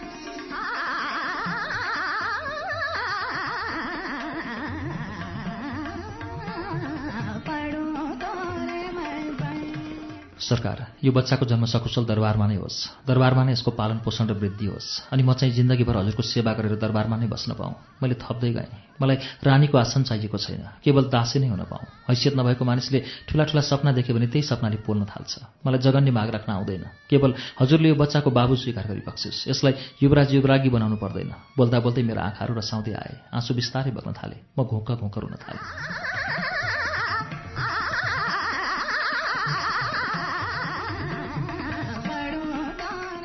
महेन्द्र सरकारलाई मेरो दयनीय अवस्थाले भाविभर बनाउनु स्वाभाविकै थियो। उहाँ मेरो झन् नजिक आएर मसँगै टाँसी बक्स्यो र मेरो कुममा हात राख्दै जोसिलो भएर बोली बक्स्यो दत्त त्यस्तो जाबो मागेको लागि पनि आँसु चुहाउनुपर्छ। ती त माग्नै होइनन्। ती त स्वत आफ्ना प्रक्रिया हुन्। तिम्रो अधिकार हो। यो बच्चा नारायण दरबारमा नजन्मिए कहाँ जन्मिन्छ र तिमीले आँसु चुहाउनु पर्यो? उहाँले जोड गरेर फेरि बोली बक्स्यो तिमीले चाहेसम्म हाम्रो सन्तानको जन्म यही दरबारमा हुन्छ र त्यसपछि दरबारको कुनै पनि कोठा कोठा भित्ता भित्ता चार्ने उसको अधिकार हुन्छ। उसले दरबारको पूर्ण रूपमा उपयोग गर्न पाउँछ।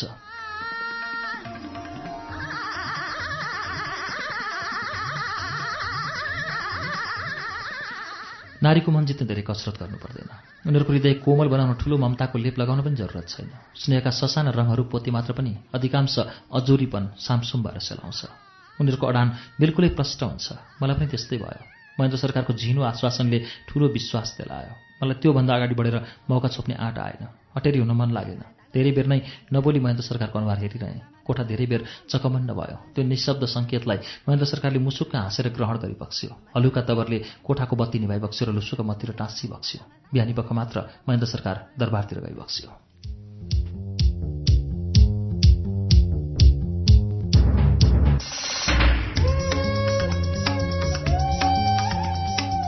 कार्यक्रम श्रुति सम्वेक तपाईँ अहिले उज्यालो नाइन्टी नेटवर्क काठमाडौँसँगै इलाम एफएम रेडियो ताप्लेजुङ झापाको एफएम मेचिट्युन्स र बिर्ता एफएम इटहरीको सप्तकोशी एफएम विराटनगरको रेडियो पूर्वेली आवाज धरानको विजयपुर एफएम रेडियो तेह्रथुम भोजपुरको रेडियो चोमलुङमा एफएम सिन्धुलीको रेडियो सहारा रेडियो बर्दिवास सर्लाहीको रेडियो एकता ढुकढुकी एफएम र मुक्तेश्वर एफएम रौतहटको नुन्थर एफएम रामेछापको रेडियो तीनलाल खोटाङको हलेसी एफएम दोलखा जिरीको रेडियो हिमाली नुवाकोट एफएम काभ्रे धुलीखेलको रेडियो सेफर्ड मकवानपुरको हेटौँडा एफएम चितवनको रेडियो अर्पण र रेडियो चितवनमा पनि सुनिरहनु भएको छ। त्यसै गरी फलेवासको रेडियो पर्वत रुकुमको रेडियो सिस्ने पाल्पाको पश्चिमाञ्चल एफएम र रेडियो रामपुर पोखराको रेडियो तरंग तनहुको रेडियो भानुभक्त रेडियो ढोर बाराही रेडियो बन्दीपुर र स्मार्ट एफएम गोर्खाको गोरखकाली एफएम बागलुङको रेडियो सार्थी एफएम र गलकोट एफएममा पनि श्रुति सम्वेक सुन्दै हुनुहुन्छ। रेडियो प्युठान दाङको रेडियो मध्यपश्चिम बुटवलको तिनाव एफएम गुल्मीको रेडियो रेसुङ्गा कपिलवस्तुको रेडियो बुद्ध आवाज रेडियो कोहलपुर सल्यानको रेडियो राप्ती जाजरकोटको रेडियो हाम्रो पाइला दैलेखको ध्रुवतारा एफएम कैलाली टिकापुर र गुलरियाको फुलबारी एफएम कैलाली एफएम दाङको रेडियो प्रकृति एफएम सुर्खेतको रेडियो भेरी र बुलबुले एफएम बैतडीको रेडियो सन्सेर दार्चुलाको नयाँ नेपाल एफएम हुम्लाको रेडियो कैलाश जुम्लाको रेडियो कर्णाली र कालीकोटको रेडियो नयाँ कर्णालीबाट पनि अहिले एकैसाथ श्रुति सम्वेक प्रसारण भइरहेको छ। श्रुति सम्वेकमा हामी आज दरबार बाहिरकी महारानी उपन्यास सुनिरहेका छौं। यसको बाँकी अंश वाचन अब सुनौ।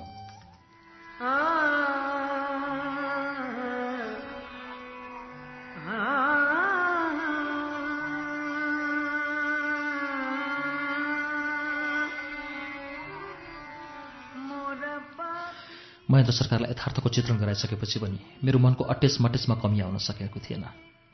मेरो भविष्य र भाग्य त्यत्तिकैमा टुङ्गिने मैले अन्दाज गरिनँ। त्यो रात मेरो प्रस्तावमा महेन्द्र सरकारले आफ्नो वचनमा जतिसुकै दृढताको गाँटो कसी पनि भोलिको स्थिति बोधको पीडा र वेदना प्रचण्ड भएर मेरो छातीमा पोखिरहेको थियो। मलाई दिन र रातको मेसो थिएन किनकि रोमान्सको स्वाद र यथार्थताको स्वादमा भिन्नता हुन्छ। त्यो कुराको ज्ञान महेन्द्र सरकारमा बोध भइसकेको थियो। उहाँको त्यतिखेरको दार्शनिक रोमान्स केवल फेवाताल रूपी पोखरीले कामाक्षाको निकास खोजिरहेको थियो जुन चरम वेगपछि स्वतः शिथिल हुन्छ र त्यसअघिका चेतना बेहोसीमा परिणत हुन्छ।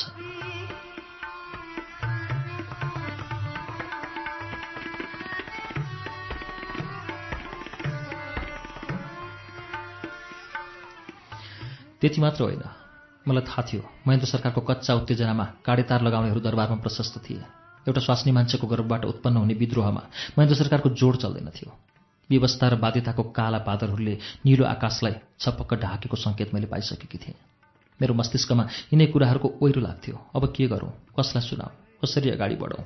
खाँदा बस्दा सुत्दा यसैको प्रभावमा म निसासिएको हुन्थेँ।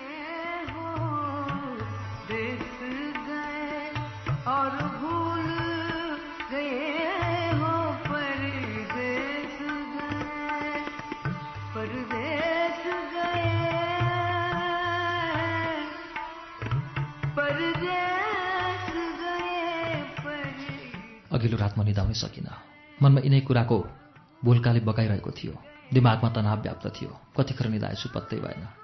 गीता गीता ढोका खोल त। ए गीता एउटी महिला बोलेको आवाज बिहानै मेरो कानमा पर्यो। उज्यालो त्यति राम्रोसँग भइसकेको थिएन। म पातलो निन्द्रामा खाटमा नै थिएँ। बोली चिन्न सकिनँ। मैले तुरुन्त ढोका खोल्ने मेसो पाइनँ। पुनः त्यही बोली बाहिर ढोकामा दोहोरियो गीता ढोका खोल त गीता छिट्टै।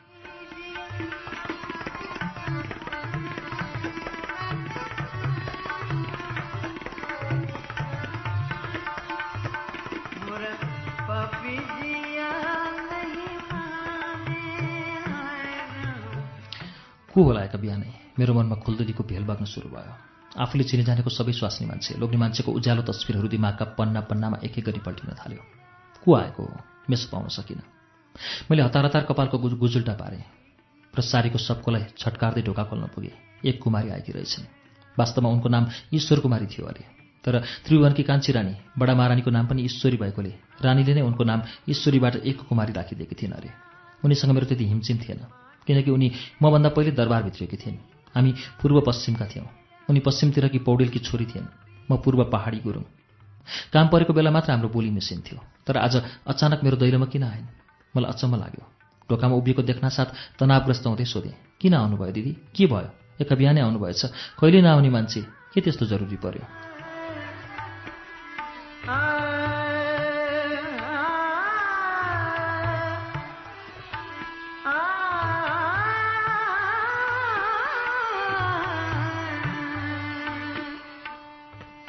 जरुरी मलाई होइन। तँलाई परेको थाहा पाएँ। अड्नै सकिनँ हान्निँदै आएँ। उनले पल्याक पुलक हेर्दै बोल्न सुरु गरिन्। तपाईँ के भन्दै हुनुहुन्छ? मैले के बिगार गरेको छु र मलाई जरुरी पर्यो?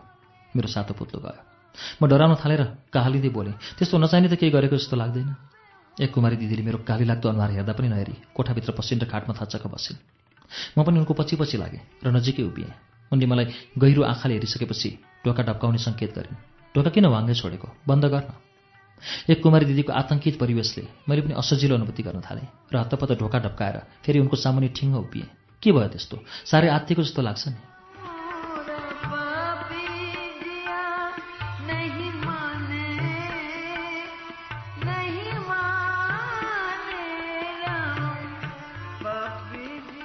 आइज यता बस। उनले मेरो पाखुरामा समातेर तानिन् र आफूसँग खाटमा बसाइन्।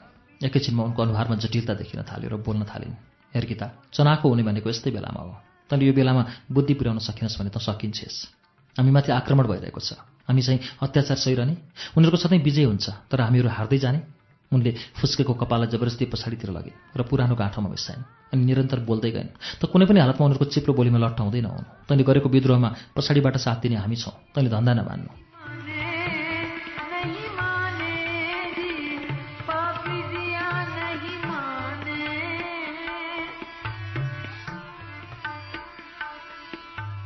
उनका कुराहरू निकै डरलाग्दा हुँदै गए। म आत्तिन थालेँ। मेरो मनमा झुलुकको त्यति बेलाको क्रान्तिको झिल्को बाहिर फुत्ता आयो। राणा विरोधी गोप्य भिड जम्मा हुन थालिसकेको थियो भने। एक कुमारले बोलेका शब्दहरू निकै भयानक थिए। बोटाइडीमा सङ्घर्षको पर्चा फेला पर्यो। मिटिङ हुने घरलाई पुलिसले घेरा हाल्यो। यसमा राजाको पनि हात आदि। त्यति बेला वातावरण तनावपूर्ण थियो। कति बेला के हुन्छ सबैतिर त्राही त्राही थियो। राणाहरू दरबारमा पनि आउने गर्थे। हामीबाट केही कुरो चुइन्छ कि भन्ने उनीहरूको दाउ पनि थियो। दरबारका बहस पनि कम तातो हुन्थेन। अहिले एक कुमारी दिदीको कुरा सुन्दा लाग्यो। क्रान्तिको थालनी रात दरबारबाट हुँदैछ।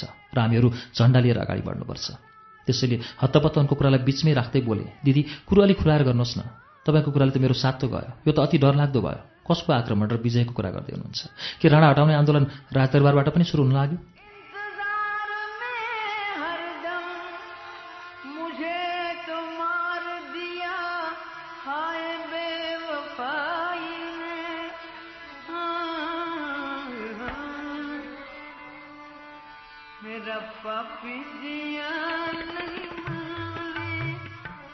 सुनेपछि उनले निधारतिर बाँकी रहेका कपालहरू सम्झाइन् र लामो सास लिइन् अनि मतिर हेर्दै दिक्क लाग्दो स्वरमा बोल्न सुरु गरिन्। गीता म क्रान्तिको भाषण गर्न आएको होइन।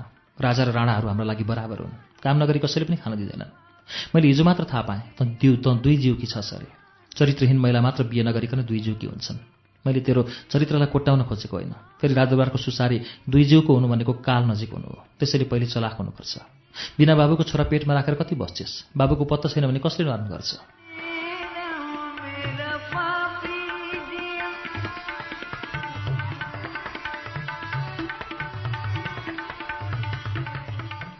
कुरा सुन्नासाथ शान्त भएर बसेको मेरो मानसिकता क्रोधले एक्कासी उठ्यो।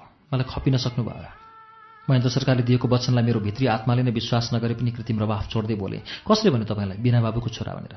मेरा कठोर शब्दहरू उनको अनुहारतिर केन्द्रित हुँदै खनिन थाले। त्यस्तो उडन्ते कुरा लिएर म कहाँ आउनुहोस् अरू म जे पनि सहन सक्छु तर बजारिया हल्लाको भरमा अरूको इज्जत लिन खोजेको मलाई सही आउँदैन। महेन्द्र सरकार खुद आफै आएर स्वीकार गरेर गएपछि पनि किन बाहिरको मान्छे बाटो हुनु पर्यो?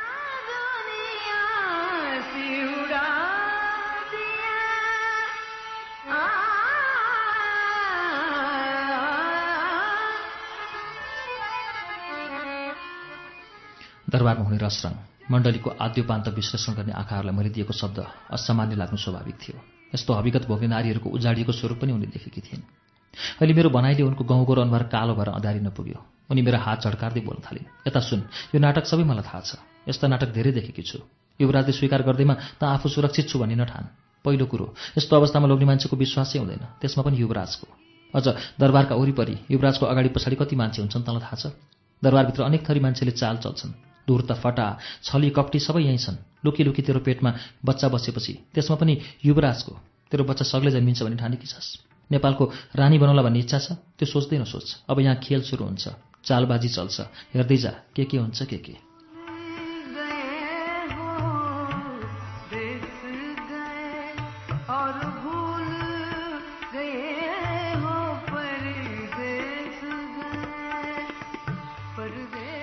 धेरै बेर केही पनि बोलिनँ। कोठाको वातावरण अति उराट लाग्दो भन्न गयो। त्यति बेला एक कुमारी दिदी मेरै अगाडि बसे पनि मैले एक्लो ठाने आफूलाई निस्सहाय पाएँ। म खाटबाट जुरुक्क उठेर झ्यालतिर गएँ। दायाँ बायाँ कोठामा बस्नेहरू उठिसकेका थिए। पानी पँधेरो लिपपोतका आवाज स्पष्टसँग सुनिन्थ्यो। मान्छे हिँडुल गर्न थालिसकेका थिए।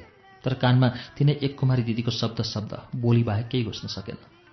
मलाई आतङ्कले किच्न थाल्यो। म कसलाई भरोसा गरौँ? युवराज महेन्द्रको कि एक कुमारीको? एकातिर एक कुमारीको भनाइ केवल द्वेष भावनामा बुनिएको जाल जस्तो पनि लाग्न थाल्यो। त्यो जालो दरबारको भित्री कोठाबाट बुनिएको पनि हुनसक्छ या सुसारको जमातबाट पनि।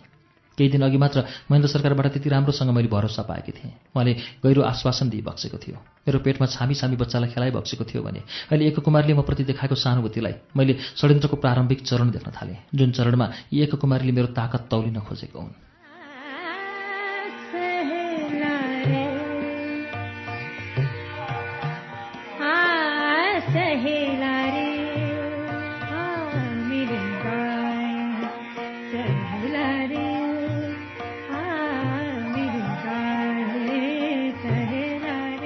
त्यही सोचेर निश्चित हुँदै बोलेँ दिदी जिम्मेवारी लिने मान्छेले हुन्छ।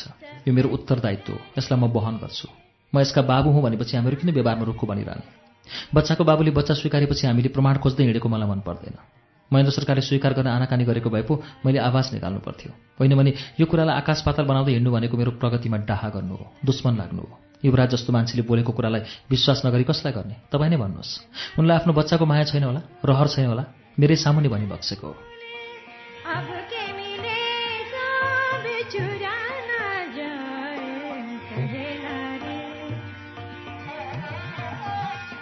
कुमारी बसेको ठाउँबाट जुरुक्क उठ्दै बोलिन् यो सब मलाई थाहा छ। म भुक्तभोगी भएर तँ कहाँ आएकी मैले सहेको शास्ति तँ पनि किन लिन्छेस्? मलाई पुरै अनुभव छ। यस्तो बेला भोगेको मान्छेको अनुभव काम लाग्छ। तिनका कुरा सुन्नुपर्छ। उनको अनुहार उदास बन्दै गयो। उनको जिब्रो सुक्दै गयो। उनले आफूले भोगेको यथार्थ सुनाउन थालिन्। म खालि उनको अनुहारमा हेर्दै उनले बोलेका हरेक शब्दहरू सुन्दै गएँ। आफ्नो घटना सुनाउँदै जाँदा उनको मुखबाट विद्रोहका शब्दहरू आएका हुन्थे। क्षण क्षणमा यातनायुक्त दृष्टिले आँखाहरू छोप्न पुग्थिन्। कहिलेकाहीँ रसिला परेलालाई फरियाको फेरले पुज्थिन्।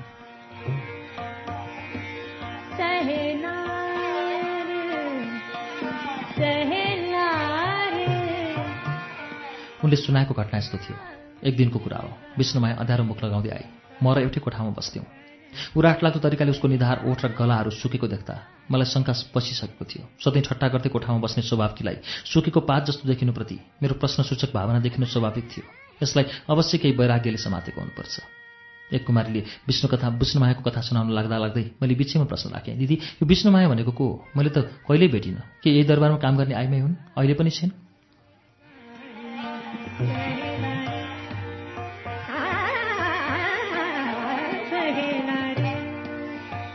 मेरो जिज्ञासालाई एक कुमारीले हातको इसाराले धैर्य गराउँदै बोल्न थालिन्। सुन्दै जा म उसैको कथा भन्दैछु। अहिले थाहा पाउँछेस् ऊ को हो भनेर। ऊ मेरी बहिनी हो अहिले यो पृथ्वीमा छैन।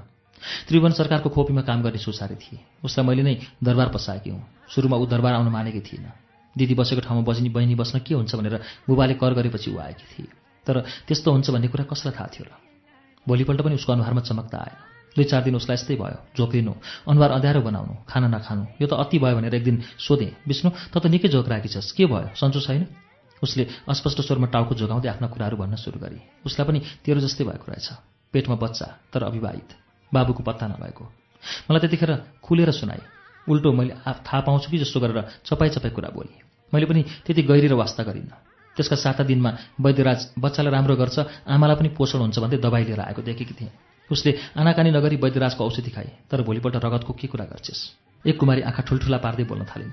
बसे रगत उठे रगत ओछ्यानमा रगत मजेरीमा रगत पिसा फेर्न जाऊ रगत भात खाँदा रगत रगतै रगत। ऊ चाहिँ आफ्नै रगत देखेर मडारिन थाली। म चाहिँ उसको अवस्था देखेर आलस तालस परे। कहाँ जाउँ? के गरौँ? कसलाई भनौँ यसो सोचेँ। वैद्यराजले औषधि दिएका थिए भने उनैको औषधिले त्यस्तो असर गरेको होला। उनकै वैद्यखानामा किन नजाउँ भन्दै म हुत्तिँदै वैद्यखानामा पुगेँ।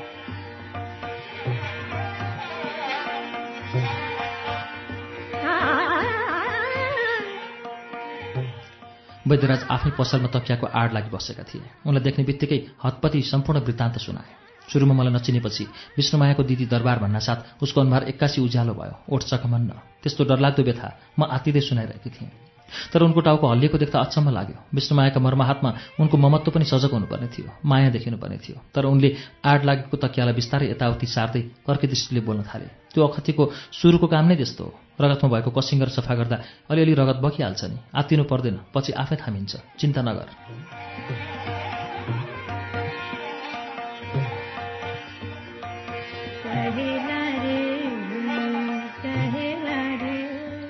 हेलचक्राइपूर्ण बोलीले मलाई झन् आतंकित बनायो। म फेरि उनको नजिकै गएर च्याठिँदै बोलेँ लौ न वैद्यराज रगत सफा भएको होइन। शरीरबाट सबै रगत निस्किसक्यो। के को रगत सफा हुनु? मेरी बहिनी मर्न ठिक परेकी छ। हजुर चाहिँ यति ढुक्कसँग बोली बक्सन्छ। लौ न एकपल्ट दरबार जाउँ। ऊ मजरीमा लडिरहेकी छ। म त्यस्तरी आत्तिएपछि बिस्तारै बसेको ठाउँबाट उठेर दराजका सिसीहरूमध्येको एउटा सिसी हातमा लिएर अनि औषधि बिस्तारै गर्न थालेँ। यी चक्की लगेर दुधसँग खान दिनु थामिन्छ। आत्तिनु पर्दैन।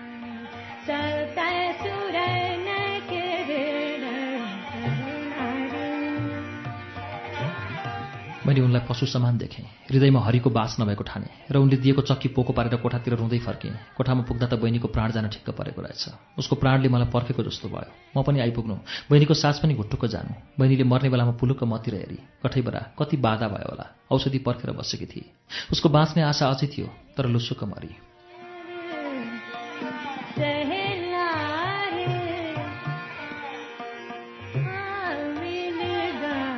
यति भनिसकेपछि उनले लामो सास लिइन् र निर्लप्त आँखा मतिर फर्काइन्। उनलाई लागेको थियो विष्णुमायाको वृत्तान्त सुनेपछि म डरले थर्र काँप्छु सजग हुन्छु अनि उनले जे जे अर्थी र उपदेश दिन्छन् त्यसलाई सर्वोपरि मान्छु। तर म कति पनि विचलित नभई उनको अगाडि ठाडो नजर लगाउँदै बोले दिदी तिमी मात्रै होइन यस्ता कथा सुनाउनेहरू। यस्ता कथा दरबारमा प्रशस्तै रहेछन्। कथाको खाँचै रहेनछ मैले धेरै कथाहरू सुने। महिला भएर महिलालाई तर्साउँदै हिँड्दा आफैलाई लाज लाग्नुपर्ने हो। म सुन्नेलाई समेत अतिसार भइसक्यो। तिमीले पनि मलाई के दरबार छोडेर भाग? जिउभन्दा अर्को प्यारो केही हुँदैन भन्न खोजे कि? मलाई त्यति साह्रो काँतर चाहिँ नठान। किन? त्यस्तो उपदेश दिन आए कि? खै यसले कहाँ बुझे कि? एक कुमारी निधारमा गाँठो पार्दै फेरि मतिर आएन मैले तँलाई कहिले यहाँ बस्दै नबस् भने? दरबार छाडिहाल भनेको छु र? म त्यो सल्लाह दिन आएकै होइन। समस्याबाट भाग्ने होइन। समस्या समाधान गर्ने हो। अझ भन्दछु। दरबारको यो विकृतिलाई जरैबाट उखेल्नुपर्छ।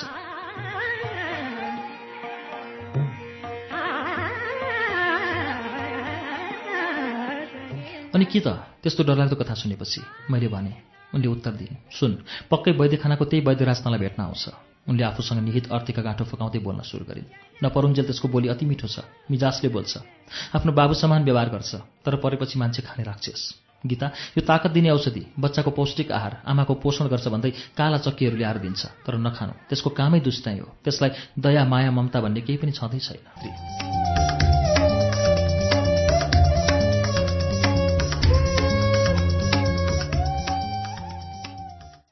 आज दरबार बाहिरकी महारानीको चौथो श्रृङ्खला वाचन सुनाउँदैछौ। अब चौथो श्रृङ्खलाको वाचन पृष्ठ चौहत्तरबाट।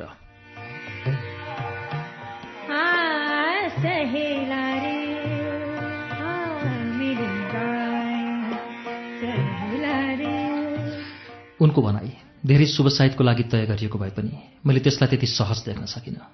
मेरै सल्लाहका लागि उनी एक बिहानै मलाई भेट्न आइन्। तर उनको परियोजनाले मलाई झन् नैराश्यतिर धकेलिदियो। म सोच्न थालेँ वैद्यराज आएर औषधि दिइहाले भने कसरी खान्न भन्ने? कुन बाहना बनाउने? यिनै कुरा देखाउँदै एक कुमारीतिर हेर्दै बोलेँ दिदी उसले आफ्नै अगाडि औषधि खान जोड गर्ला। औषधि नलिकन फर्कँदै फर्किँदैन होला। कि त्यति सजिलै होला र? उनले हात झट्कार्दै बोल्न सुरु गरिन् त्यही त भनेको ऊ तँलाई आफ्नै अगाडि औषधि नखुवाई फर्काउँदै फर्किँदैन। कहाँ त्यो त त्यति कमजोर छ र? त्यति बेला त आफैले जुक्ति लगाउनुपर्छ। तैँले के चलाकी गर्नु पर्यो भने पहिले उसले दिने जस्ता नक्कली काला गोलीहरू आफ्नो साथमा राख्नुपर्छ। जब उसले खा भनेर उसको हातबाट आफ्नो हातमा राखिदिन्छ त्यति बेला आफ्नो पटुकामा लुकाएको गोली स्वाट्ट खाइहाल्ने र उसको गोलीहरू आफूले लुकाउने।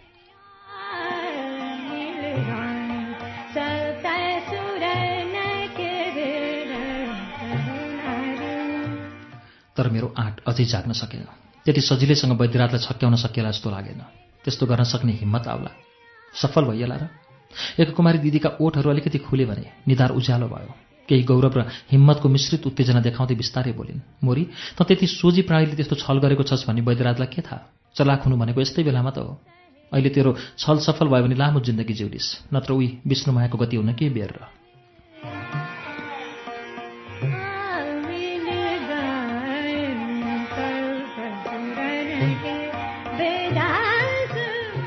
मैले सहमतिको टाउको बिस्तारै हल्लाएर शान्त हुँदै बोले अवश्य मलाई लामो जिन्दगी जिउनु छ। यो पेटको बच्चालाई संसारमा उतार्नु छ। तपाईँ ढुक्क हुनुहोस्। अब म तपाईँले भनेको अनुसारै गर्छु। त्यो पापीलाई सफल हुन दिन्न। केही बेरपछि एक कुमारी दिदी आफ्नो कोठातिर गइन् र म भान्सातिर।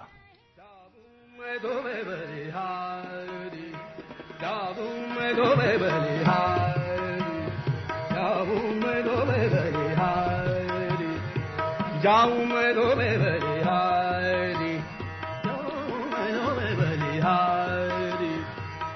एक कुमारी दिदीले उब्जाएको शङ्काले मेरो मानसिकतामा ठुलो खैला बेला मचाइदियो म सानै कुरामा तर्सन थालेँ।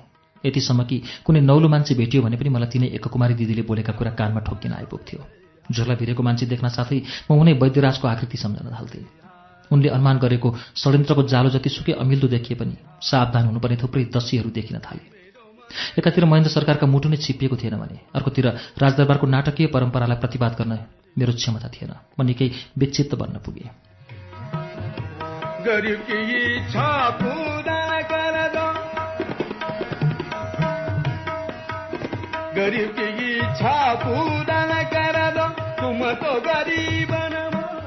एक दिन एउटा सिपाही राजदरबारबाट सिधै मेरो कोठामा आयो र युवराजको खबर सुनायो। दिदी युवराज सरकारबाट बोलाइ बक्सेको छ। तुरन्त दरबार जानुहोस् अरे किन होला? तैँले केही गन्ध पाइनस्? म अघि भर्खरै उतैबाट आएको हुँ। मैले फेरि तुरुन्तै उसलाई सोधेँ। खै उसले खिसीका आँसु निकाल्यो र टाउकोतिर हात लैजाँदै थप्यो? तपाईँलाई नै थाहा होला। तपाईँ आफ्नै मान्छे तर जरुरी होला जस्तो छ गइहाल्नुहोस्। उसले आफ्नो उछिटेका दाँत देखाउँदै हाँसेको देख्दा म कठोर भएर रिसाएँ। रिसको मात्र एक्कासी बढ्यो। म चर्किँदै बोलेँ त्यति भन्नुपर्दा पनि त्यति ठुलो मुख बनाउनुपर्छ। मेरो चर्को स्वर सुनेपछि उसको त्यहाँ उभिरहने आँट आएन। कुनै जवाफै नदिई फुत्त हिँडिहाल्यो। म कोठाभित्र बसेँ। आजकल व्यङ्ग्यात्मक हाँसो र उद्दण्ड बोलीहरू मात्रै निकै प्रहार हुन थालेका थिए। युवराजको गर्व बसेको थाहा पाएदेखि नै सायद उनीहरूले मलाई ईर्ष्याको दृष्टिले हेर्ने गरेका थिए वा चरित्रहीनताको पङ्क्तिमा खासखुस कुरा काट्ने गरेका थिए। मैले उपहासको सम्बोधन सुन्ने गरेको थिएँ।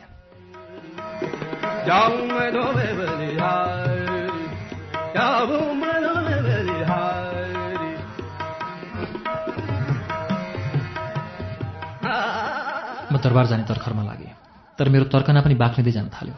ओल्लो कोठा र पल्लो कोठा गरेर पुरै दिन दरबारमा नै बित्यो। तर साँझ पर्ने बेलामा।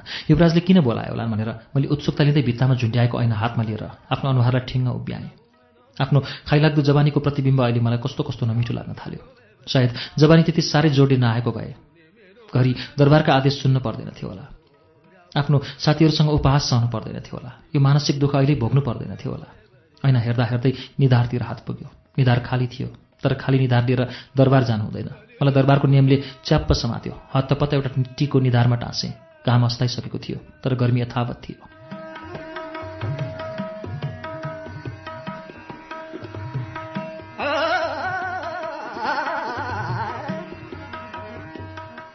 म कोठाबाट बाहिर निस्केँ। तर अकस्मात महेन्द्र सरकारको एउटा यादले मलाई टक्क रोकिदियो। जुन याद केही दिन अगाडि मात्र मेरो पेटमा हात राख्दै बोली बक्सेको थियो। गीता म सानै छु।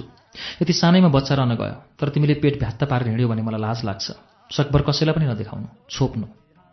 तर मेरो पेट अहिले त्यसरी लाजै हुने गरी बढेको थिएन। सानै थियो। तैपनि हुत्तिँदै कोठाभित्र पसेर एउटा ठुलो पछ्यौराले घाँटीदेखि कम्बरसम्म ढाकेँ। मेरा पाइलाहरू करुङ्गो हुँदै दरबारतिर बढे।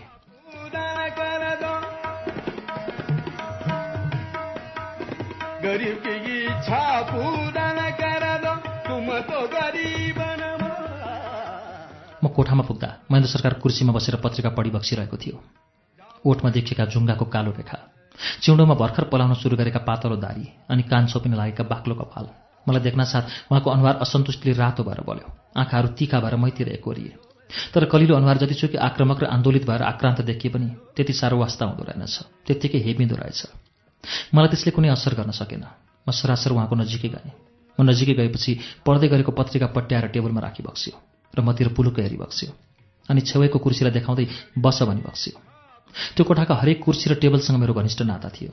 दिनको एकपल्ट तिनीहरूलाई ओल्टाइ पल्टाइ सरसफाइ गर्थे भने कोठाको बडार कुणार सबै मेरै जिम्माको काम हुन्थ्यो। झ्याल ढोकाएर गलैँचासँग जिन्दगीका मेरा धेरै दुःख सुख साटासाट भएका थिए।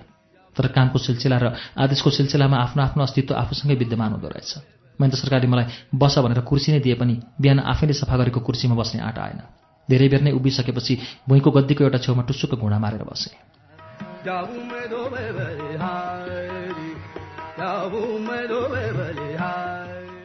अघि भर्खर पट्याएर राखेको पत्रिका फेरि टिपी बक्सेर पढ्न थाली बक्स्यो एउटा असामान्य परिस्थितिको पीडाले सरकारलाई घिसारिरहेको मैले अनुभव गरेँ।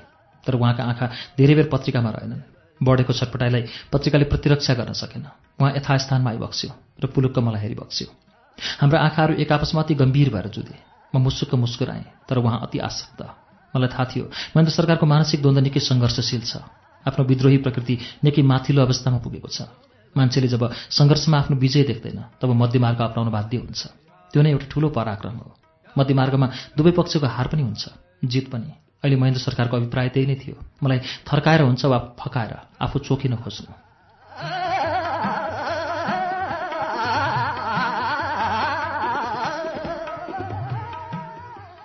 उहाँ फेरि पत्रिका हातबाट फ्यात्त फालेर जुरुक्क उठी बक्स्यो मैले उहाँको छटपटीलाई गहिरोसँग अध्ययन गरिरहेँ र सोच्दै गएँ धनी र दर्जाले जतिसुकै सुयोग्य स्थानमा राखे पनि समाजले जतिसुकै फुलमाला वर्षाए पनि आफूले गल्ती गरेपछि आन्तरिक क्रियाकलाप स्वत दमन हुँदो रहेछन्। विवेक आफसे आफ धर्मराउँदो रहेछ।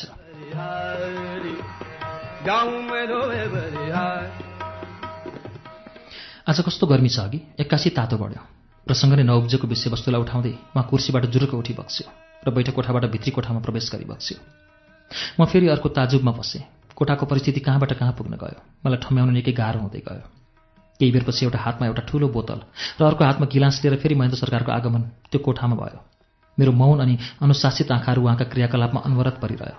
मैले गहिरो दृष्टिले सम्पूर्ण क्रियाकलाप निहालिरहेँ। महेन्द्र सरकारले गिलासहरू टेबलमा एक एक गरेर राखेपछि बोतलबाट जुस गिलासमा खनाइबक्स्यो र एउटा गिलास मतिर बढाइबक्स्यो जुस लाऊ तिमी पनि खाऊ।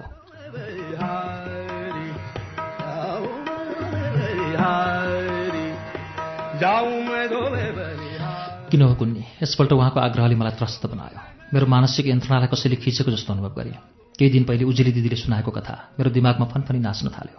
त्यो कथामा एउटी नारीको विभत्स हत्या त्यही दरबारमा भएको थियो र ती नारी पनि गर्भवती थिइन् त्यो गर्भ दरबारकै कसैको थियो। कथाको झोकका दायाँ बायाँबाट मडारिँदै आउन थाल्यो। मैले सम्झँदै गएँ। कसैले त्यो केटी आफैले विष घटघटी पिएको देख्ने खबर ल्याए।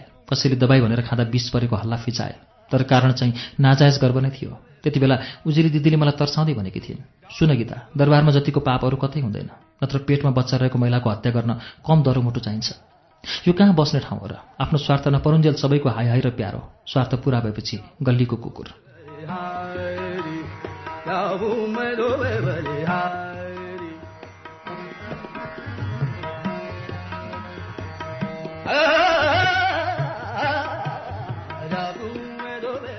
मेरो तर्कना विषादी बन्दै गयो। मेरा मनस्थितिले महेन्द्र सरकारले दिएको जुसको गिलासमा विष घोलिएको देख्न थाल्यो। र हत्तापत्ता हातबाट गिलास भुइँमा राखेँ यो देखेर उहाँ मेरो नजिकै आइबक्स्यो र शिष्टतापूर्वक बोली बक्स्यो किन? खाऊ न। भर्खर बेलायतबाट आइपुगेको। स्याउको जुस। मैले उहाँको अनुहारमा पुलुक्क हेरेँ। उहाँको अनुहार किञ्चित निर्दोषताले प्रज्वलित थियो भने स्वागतले हार्दिकतापूर्ण हृदय। उहाँको गिलास समर्पणले मलाई द्रवीभूत बनाइदियो। त्यहाँ केवल मित्रता र प्यारको साटासाट थियो न कि अपराधपूर्ण धोका। तर पनि तुरुन्तै गिलास हातमा लिएर जुस पिइहाल्ने आँट आएन। हात कमाउँदै गिलास हातमा लिइराखेँ। मेरो त्रास फेरि बढ्दै गयो।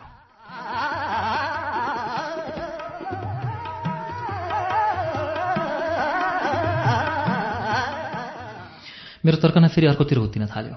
मैले अनुमान लगाउन थालेँ हामीहरू भिन्न सोचाइमा छौँ। महेन्द्र सरकारले मलाई बोलाउनुको तात्पर्य खुलाउनु आत्थु आत्थु परेको छ। कहिले उहाँ जुसलाई बाटोमा ल्याइबक्सन्थ्यो कहिले शिष्ट भाषाको प्रयोग गरिबक्सन्थ्यो तर मैले गिलासमा जुस नभई बिस घोलिएको देखिरहेँ। मैले गिलास भुइँमा राखेको देखेर महेन्द्र सरकार बिस्तारै मतिर आइबक्स्यो र उल्लास भावनालाई प्रज्वलित गर्दै बोली बक्स्यो किन खाऊ न? अहिले मलाई तिर्खा लागेको छैन पछि खाउँला। मैले सुस्तरी भने। उहाँ सजग हुँदै बोली बक्स्यो ल जुस तिर्खा लागेको बेलामा मात्र खाने हो र। यो त भिटामिन हो। यसले शरीरलाई ताकत दिन्छ फलफुलको रस। म सधैँ दिनमा दुईपल्ट पिउँछु। एकपल्ट सुत्ने बेलामा एकपल्ट यी अहिले साँझमा भन्दै आफ्नो हातको गिलास घुटुक्क आवाज गरेको सुनेको थिएँ। पुलुक्क हेरेँ नभन्दै आधा गिलास जुस एकै घुट्कामा रितिएको थियो।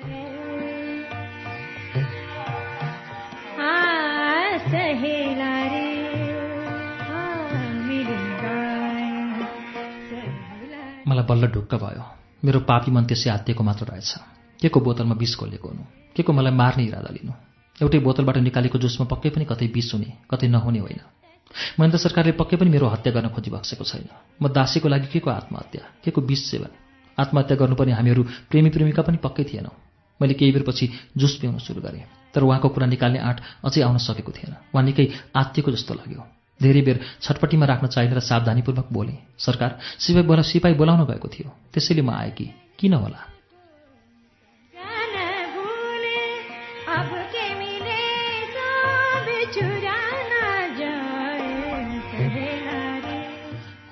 मैले सिपाही पठाएको थिएँ। तिमीलाई बोलाउन। उहाँले निकै गम्भीर भाव प्रकट गर्दै बोल्न सुरु गरिबक्स्यो। गल्ती मेरै हो। पूर्ण वयस्क नभइकन गर्न नहुने काम मैले गरेछु। त्यसमा पनि आफूभन्दा तल्लो स्तरको महिलासँग। अझै बिग्रेको छैन। भविष्य लामो छ। तिमी हामीले निकै वर्ष बिताउन बाँकी छ। तर यस्तो अपरिपक्व अवस्थामा भएको गल्तीको सजाय भोग्ने मेरो इच्छा छैन।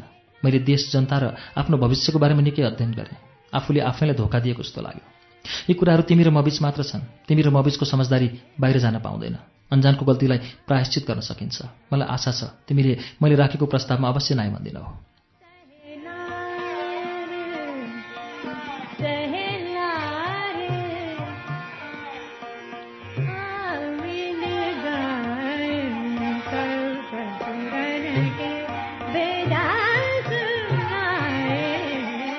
उहाँको लामो भूमिका सुनेपछि म अकमक्कमा परेँ।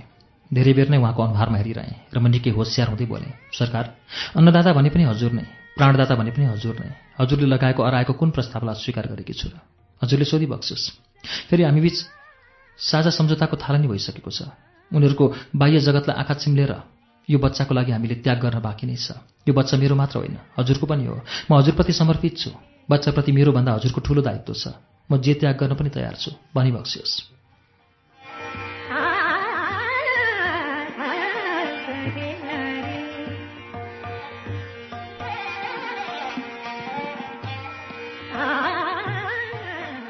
उहाँले आफ्नो भूमिकालाई मजबुत बनाउँदै बोली बक्स्यो। त्यसै राणाजीहरूले हाम्रो कसरी गल्ती देखाउँ भन्दै हिँडेका छन्। कसरी हामीलाई तल झारौँ भन्छन्। हाम्रो सानो गल्तीलाई पनि कोट्टे कोट्टे आतङ्क नै मचाउँछन् उनीहरू आफू बिग्रेको भत्केकालाई के छ र? उनीहरूको आफ्नो इज्जत भएको भए पो हामीहरूलाई पनि भत्काउन र बिगार्न पाए तिमीलाई आनन्द आउँछ। जनताको अगाडि हामीहरूलाई तल झार्नुको उनीहरूलाई अर्को मजा आउँछ। मलाई पनि ठिकै लाग्यो। यति सानो उमेरमा बाबु बनेर हिँड्न पटक्कै सुहाउँदैन। बाबु बन्ने उमेर निकै बाँकी नै छ। अझ बिहे नै भएको छैन। तर बच्चाले बुबा भन्दै पछि लाग्यो भने कतिसम्म लाज मर्दो हुन्छ होला। त्यो मैले कसरी हेर्ने कसरी सुन्ने?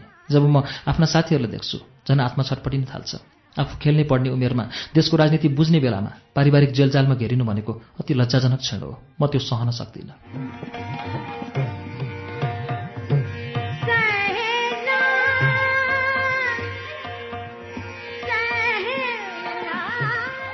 फेरि मलाई हेरेर मिठो स्वरमा बोली बक्स्यो। लाठी पनि नभाँचिने सर्प पनि मर्ने। मैले गर्वपतन गराउने निर्णय गरेँ।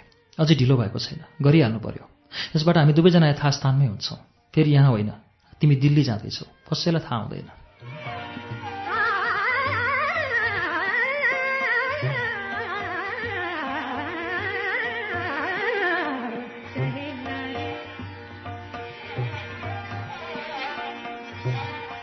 मेरो दिमाग एक्कासी डगमगाउन थाल्यो। म क्रोधले दन्दनी बल्न थालेँ। मलाई भुइँचालो गएको अनुभव भयो र म जुरुक्क उठेँ। आफूभित्रको प्रतिवाद गर्ने शक्तिलाई नयाँ रूप दिँदै बोल्न थालेँ। सरकार मती भ्रष्ट हुनु भनेको यही हो। जतिसुकै जान्ने सुन्ने र आफूलाई बुद्धिमान भन्नेहरूले पनि मतीलाई सही दिशामा चलाउन सकेनन् भने त्यसले सर्वनाश गराउँछ। त्यो सर्वनाशले आफू त खरानी भयो भयो सपरिवारलाई समेत खरानी बनाउँछ। शाखा सन्तान डढ्छन्। सन्तानप्रतिको लागि मान्छेहरू कत्रो महायज्ञ गर्छन्। माटोमा विलिन नपरुन्जेल तपस्या गर्छन्। जस्तो सुकै दान दक्षिणा गर्न पनि पछि हट्दैनन्। हजुर चाहिँ जन्मन लागेको बच्चाको गर्भवध गरेर निसन्तान हुन चाहिँ बक्सिन्छ। अत्याचारी बनी बक्सिन्छ। कसले दियो त्यस्तो कठोर अर्थी गर्भवध गर्नु जतिको पाप यो संसारमा अर्को केही छैन। हजुर किन आफूलाई पापी महासागरमा बगाई बक्सिन्छ?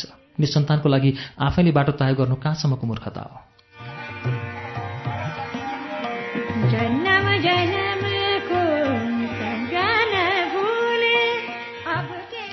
महेन्द्र सरकार पुनः उही निर्विकार र शान्त बोली गर्दै मेरो नजिक आइबक्स्यो गीता मैले आफूसर नै खानदानी नारीसँग घराना जोड्नुपर्ने थियो तर सकिनँ।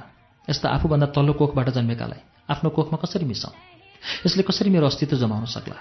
उहाँको निराशाजनक अभिव्यक्तिले मलाई निराश बनाउन सक्थ्यो होला। म आत्तिन सक्थेँ पनि तर यसले मलाई झन् सशक्त बनायो। म बोल्न थालेँ सरकार म पो खानदानको नारी परिन।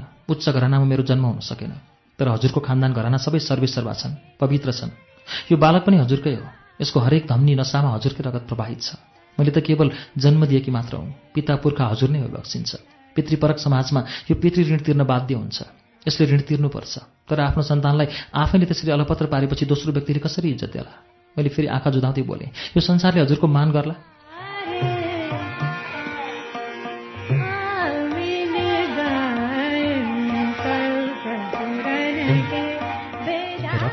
शाह खानदानमा नजन्मेको सन्तानलाई कसरी आफ्नो वंशमा मिलाऊ?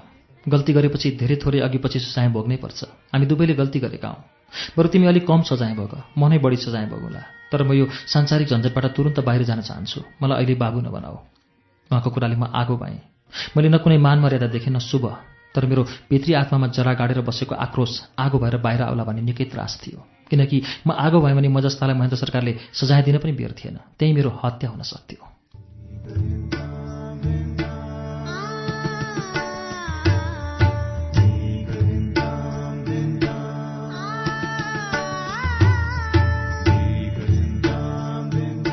कार्यक्रम श्रुति सम्वेकमा अहिले तपाईँले सुनिरहेको वाचन नगेन्द्र नेौपानेको उपन्यास दरबार बाहिरकी महारानीको वाचन हो। यसको बाँकी अंश केही बेरमा वाचन हुनेछ। उज्यालो सुन्दै गर्नुहोला।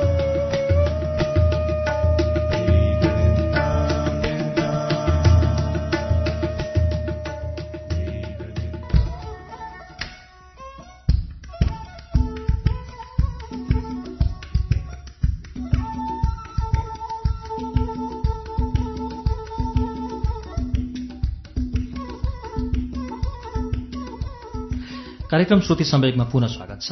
तपाईँ अहिले उज्यालो नाइन्टी नेटवर्क काठमाडौँसँगै इलाम एफएम रेडियो ताप्लेजुङ झापाको एफएम मेजिट्युन्स र बिर्ता एफएम इटहरीको सप्तकोशी एफएम र रेडियो पूर्वेली आवाज धरानको विजयपुर एफएम रेडियो तेह्रथुम भोजपुरको रेडियो चोमलुङमा एफएम सिन्धुलीको रेडियो सहारा रेडियो बर्दिवास सर्लाहीको रेडियो एकता ढुकढुकी एफएम र मुक्तेश्वर एफएम रौतहटको नुन्थर एफएम रामेछापको रेडियो तीनलाल खोटाङको हलेसी एफएम दोलखा जिरीको रेडियो हिमाली नुवाकोट एफएम काभ्रे धुलीखेलको रेडियो सेफर्ड मकवानपुरको हेटौँडा एफएम चितवनको रेडियो अर्पण र रेडियो चितवनमा पनि सुनिरहनु भएको छ।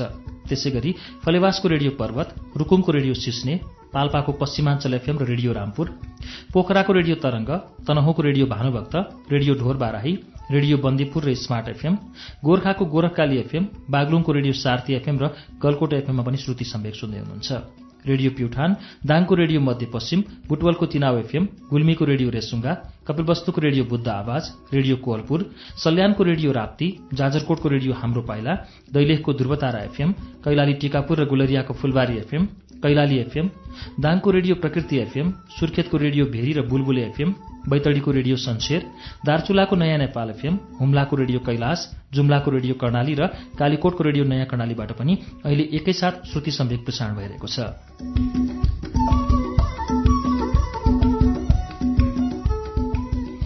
श्रुति सम्वेगमा हामी दरबार बाहिरकी महारानी उपन्यास सुनिरहेका छौं। नगेन्द्र नेौपानेको यो उपन्यासको बाँकी अंश अब वाचन हुन्छ। うん。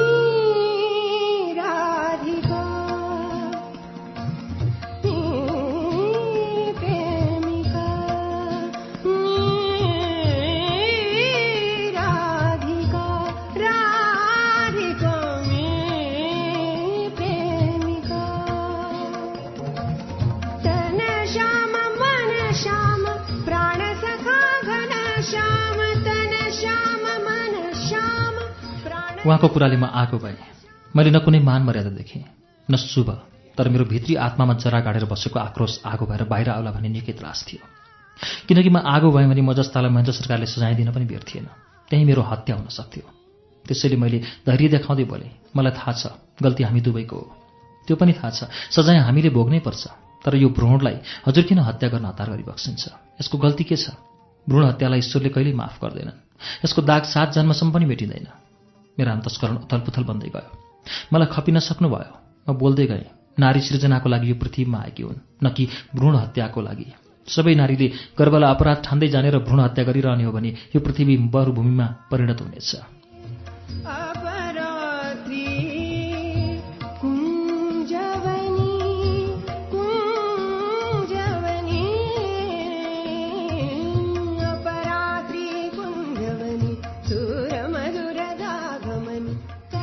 यो संसार प्रष्ट हुन्छ। सूर्य तारा वायुमण्डल बाहेक अरू केही बाँकी रहँदैन। मलाई जस्तो जघन्य अपराधको भागीदार नबनाइ बक्सियोस् म नर्क जान तयार छैन सरकार। होसमा आइबक्सियोस्।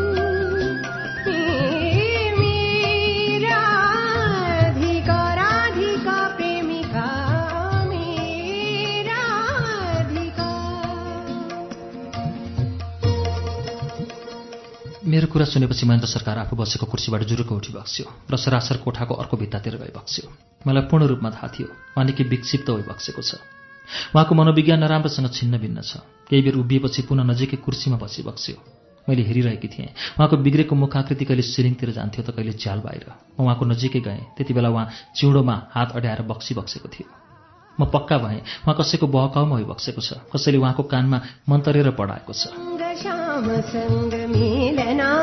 चित्त दङ्ग श्याम रङ्ग श्याम सङ्ग मेलनाथ चित्त गङ्ग श्याम रङ्ग श्याम सङ्ग मेलनाथ चित्त दङ्ग सुखाच्या क्षणी मोहिनी वाजेही मनवीणा। उहाँ आफ्नो निर्णयले त्यस्तो डरलाग्दो विद्रोह देखाउने मान्छे नै होइन। किनकि उहाँको अभिव्यक्ति अन्तकारमय थियो भने बोलीको पृष्ठभूमि धमिलो थियो। त्यसैले मैले उहाँलाई चुनौती दिएर आक्रोशित गराउनुभन्दा ज्ञानी बनाउने निर्णय गरेँ। उहाँ बसिरहेको नजिकै गएर मिठो लवजमा बोले सरकार राजा युवराजबाट गल्ती हुन्छ। उनीहरू यौवनमा अन्धा हुन्छन्। यौवनलाई कसैले रोक्न सक्दैन। भविष्यमा आउने व्यवधानको उनीहरूले अड्कल गर्न सकेका हुँदैनन्। यो उनीहरूको जन्मजात पुरुषार्थ मात्र नभई राजकीय संस्कार हो। हजुरभन्दा पहिले पनि यो संस्कारले आफ्नो स्थान लिएको थियो। भविष्यमा पनि अवश्य लिन्छ। यो गल्ती होइन। म बोल्दै गएँ। उहाँले टल्टल्ती मलाई हेरी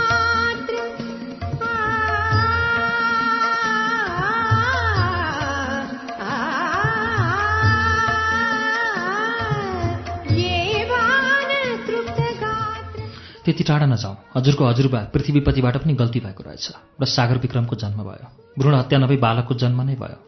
हजुरको बुबा त्रिभुवनबाट पनि त्यस्ता गल्ती भएका छन्। हो कति नारीहरू भित्रभित्र रुन बाध्य होलान् तर भ्रूण हत्या अवश्य भएको छैन। फेरि मैले मेरो बालकको राजगतिको लागि लडेको छैन। उसले राजा हुन पाउनुपर्छ भन्दै हिँडेको पनि छैन। केवल यसले यो पृथ्वीमा जन्म लिन पाउन अनुरोध मात्रै गरेको छु। यसको भिख मागेको छु। यो बालक हजुरको पनि हो। केही बेर कोठामा निस्तब्धता छायो। मेरो कुराले उहाँलाई अवश्य छोएको हुनुपर्छ। उहाँ निकै हलुङ्को भएको देखेँ। वास्तवमा मान्छेलाई इतिहास साक्षी राखेर सम्झाउन सक्यो भने अवश्य उनीहरूको अजोरीपन हराउँदो रहेछ।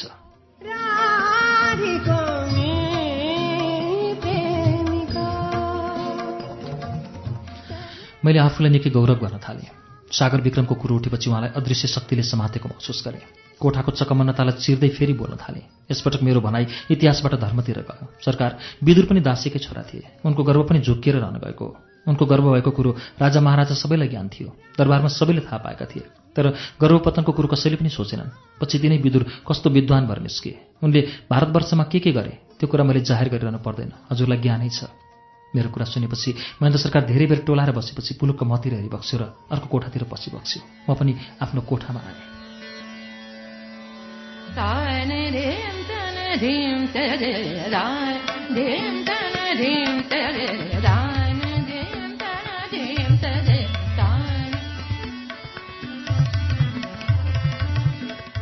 नभन्दै एक दिन एक कुमारी दिदीले भनेको जस्तै वैद्यराज टुप्लोको मेरो कोठामा देखा परे। घरबुनाको सेतो दौरा सुरुवाल भातगाउँले कालो टोपी खैरो इष्टकोट कम्मरमा पटुका अनि काँधमा कलेजी रङको चोला त्यति बेलाको एउटा भद्र स्वरूप। मलाई चिन्न गाह्रो भएन।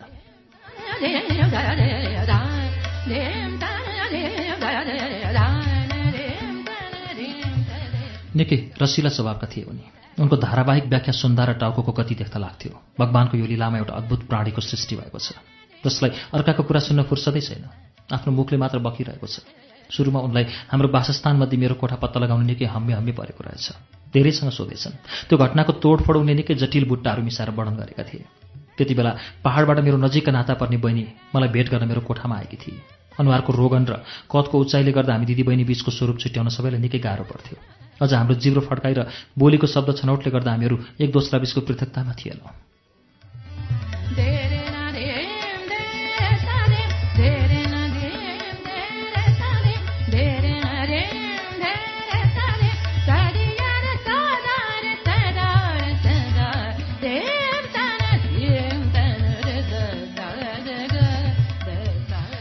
वैद्यराज सरासर हाम्रो अगाडि आए र नमस्कार र ढोको अनौपचारिक अपेक्षा नै नगरी एकैचोटि हँसिलो पारामा बोल्न थाले।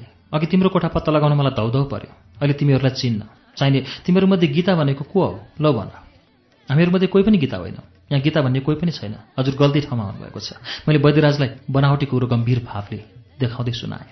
हो र उनले आफ्नो धुर्त आँखाहरू चारैतिर दौडाएपछि मेरो कोठा अगाडिको मेवाको बोटलाई हातले सङ्केत गर्दै बोले। चाहिने यही मेवाको बोट अगाडिको कोठा भनेर देखाएका थिए त। कि मैले सुन्नमा फरक पर्यो? कुन हो त उसको कोठा? भन्दै फर्कन मात्र लागेका थिए। म जुरुक्क उठेँ र मुस्काउँदै उनको अगाडि गएर बोले होइन होइन हजुरले ताक्नु भएको मेवाको बोटको निशानी ठिकै छ। गीता भनेकी मै हुँ। हजुर ठिकै ठाउँमा आउनुभएको छ। किन होला? बसौँ न आउनुहोस्।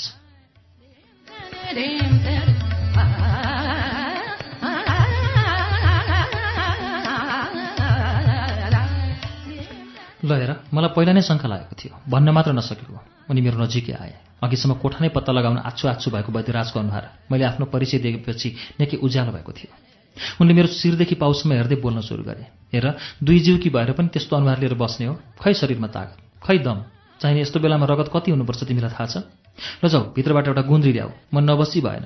चाहिने तिमीसँग गहिरो सल्लाह गर्नु छ म तिमीलाई ताकतिलो औषधि दिन्छु। चाहिने यस्तो चालाले कसरी जन्मिन्छ बच्चा?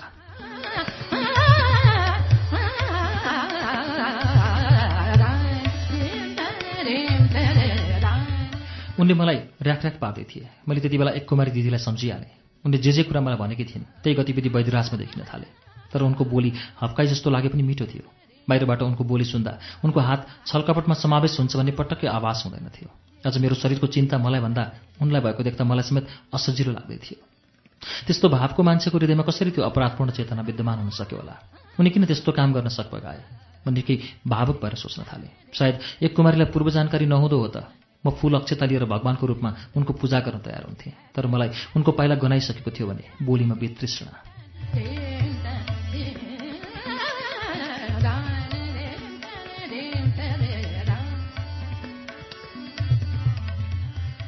सुरुमा वैद्यराज मेरो आँगनमा देखिन साथ मेरो अन्तस्करण एकदम झस्केको थियो। म निकै आत्तिएको पनि थिएँ तर एकाएक एक कुमारीका पूर्व तयारी आक्रामक भएर उठ्यो। म मजबुत बन्दै गएँ। अझै वैद्यराजको बारेमा एक कुमारी दिदीको वर्णनमा एउटा कुरा चाहिँ मेल खान सकेको थिएन।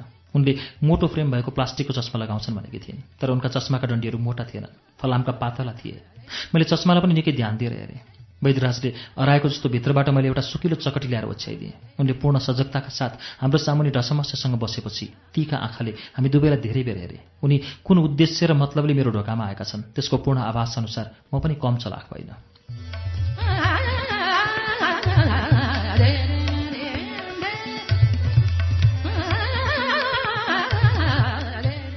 कहिलेदेखि हो यस्तो हुन थालेको? चाहिने निद्रा कतिको पर्छ?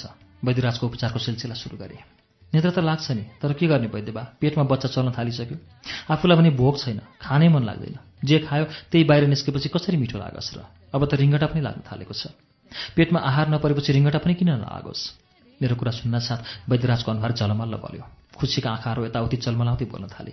त्यसैले त म यहाँ आएको। दुईजनाको लागि खानुपर्ने बेलामा पेटमा अन्न अट्दैन भनेपछि के होला? तिम्रो बारेमा चाहिने बडा महारानी कान्ति राज्य लक्ष्मीलाई झन् कस्तो चासो छ? उहाँकै आदेशअनुसार म आएको त हुँ।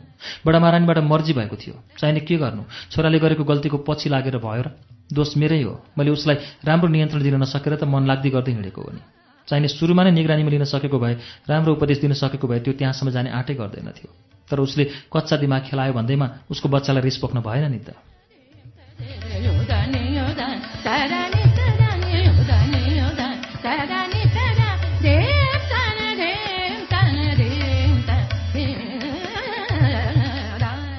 सुरुमा वैद्यराजको उपस्थितिले नै मेरो मनस्थिति बेसरी खस्केको थियो। म नराम्रोसँग झस्केको थिएँ। तर अहिले वैद्यराजको छाँटकाँटले झन् उग्र बनायो। षड्यन्त्रका हातहरू त्यति माथि पुगेका छन् जस्तो लागेको थिएन। यदि वैद्यराजले भनेको कुरा सत्य हो र बडा महारानी नै खोलियाम लागेकी छिन् भने मेरो काल नजिकिन बाहेक केही थिएन। मैले बुझेअनुसार वैद्यराजका सम्पूर्ण कुराहरू कपोल कल्पित थिए। तर पनि म फेरि तिनै एक कुमारीको योजनालाई आत्मसात गर्दै निकै होसियार हुनुपर्ने बाध्यता थियो। आफ्नो जलेको हृदयलाई सकभर नियन्त्रण गर्दै केही थाहा नपाएको जस्तो उत्साह जगाउँदै बोले बडा महारानीलाई पनि हाम्रो कुरा थाहा भइसकेको रहेछ। मलाई स्वीकार गर्न उहाँलाई केही आपत्ति छैन अरे। चाहिने मेरो कुरामा विश्वास लागेन तिमीलाई। वैद्यले तीको नजर फ्याँके मतिर।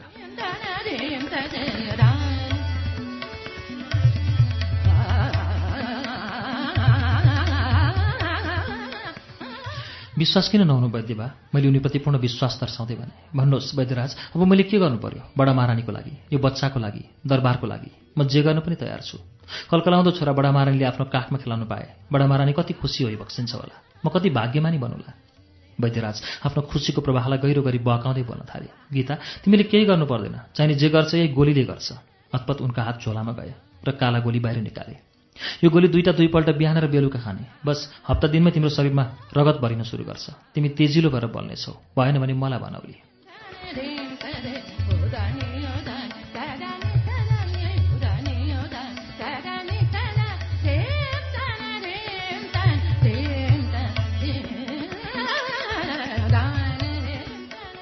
मैले वैद्यराजको कुरोलाई कुनै आश्चर्य नमाने जे गरी सुनिरहेँ किनकि उसले जतिसुकै चलाकी देखाउन खोजे पनि मेरो आँखामा धुलो छर्न खोजे पनि उनी आफै बेवकुफ बनिसकेका थिए। उनको जुक्ति उल्टो दिशातिर बगिसकेको थियो।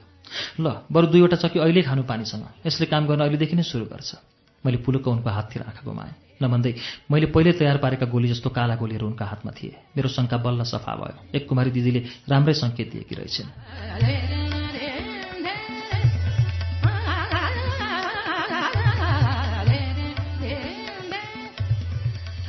हुन्छ म पानी लिन जान्छु भनेर उठेकी मात्र थिएँ। त्यही बेला खुट्टा बजार्दै राममाया सँगै बसेकी बहिनी पनि अकस्मात उठिए।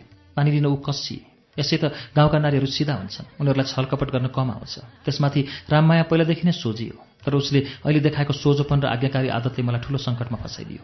किनकि पानी लिन मनै जानु पर्थ्यो भित्र जाने न्युमा मैले औषधि साट्ने मौका पाउँथेँ। त्यसैले उसको फरियालाई झट्का दिँदै उसलाई बसाएर आफै उठेँ। बस किन उठेँ कि पानी लिन आफै गइहाल्छु नि म।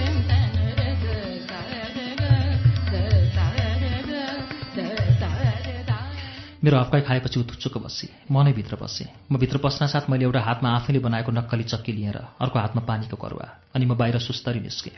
वैद्यराज मेरै प्रतीक्षामा थिए। सफलताले बोलेको उनको अनुहार चकिलो थियो भने ओठहरू हाँसिला। आफ्नै अगाडि मैले औषधि खाएको हेर्न निकै उत्सुक उनी थिए। मैले पनि कुनै आनाकानी नगरी उनैको सामान्य करुवाको पानीसँग घुटुको औषधि निलिदिएँ। उनी औधी खुसी देखिए। केही बेर यताउतिको गफ गरेपछि वैद्यराज हलुङ्ग हुँदै उठे अनि झोला काँधमा हालेर आफ्नो निवासतिर गए। हामी दिदीबहिनी पनि भित्र बस्यौँ। मेरो गोप्य नाटकको ज्ञान न राममायालाई जानकारी थियो न वैद्यराजले सुइँको पाए।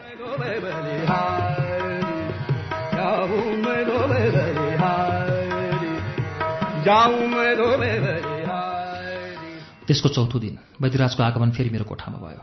उही भेष उही झोला केवल थपिएका थिए हृदयमा नयाँ उत्साह अनि नयाँ कौतूहल। उनी सरासर मेरै अगाडि आएर आफ्नो बोलीमा थेगो झुन्ड्याउँदै बोल्न थाले। गीता कस्तो छ त तिमीलाई? निकै फुर्तिलो देख्छु नि। चाहिने पहिले त मैले भनेकै थिएँ नि। औषधि नखाइ कसरी हुन्थ्यो हेर त? अनुहार कस्तो भरिलो भएछ। वास्तवमा मेरो मानसिक स्वभाव तथा शारीरिक स्वभावमा केही पनि परिवर्तन भएकै थिएन। केवल नाटकीय रूपले औषधिको असरलाई पूर्ण रूपमा विश्वास दिलाउनु थियो भने बनावटी कमजोरी प्रदर्शन गर्नुपर्थ्यो। त्यसैले चिन्तित मुद्रा बनाउँदै उनको सामुन्ने नियास्रो लाग्दो स्वरमा बोले अह के को भरिलो हुनु नि? औषधि त झन् मलाई विष जस्तो भयो। अलिअलि लागिरहेको भोक पनि अब प्याट्टै बन्द भयो। खानै मन लाग्दैन। झन् अहिले रिङ्गटा लागेर उठ्नै सक्दिनँ। के गर्ने होला? औषधि खान रोक्नुपर्छ कि क्या हो? मेरो बनावटी पीडामा उनको विश्वास पुरै रहन गयो। उनले आफूलाई सफल भएको महसुस गरे।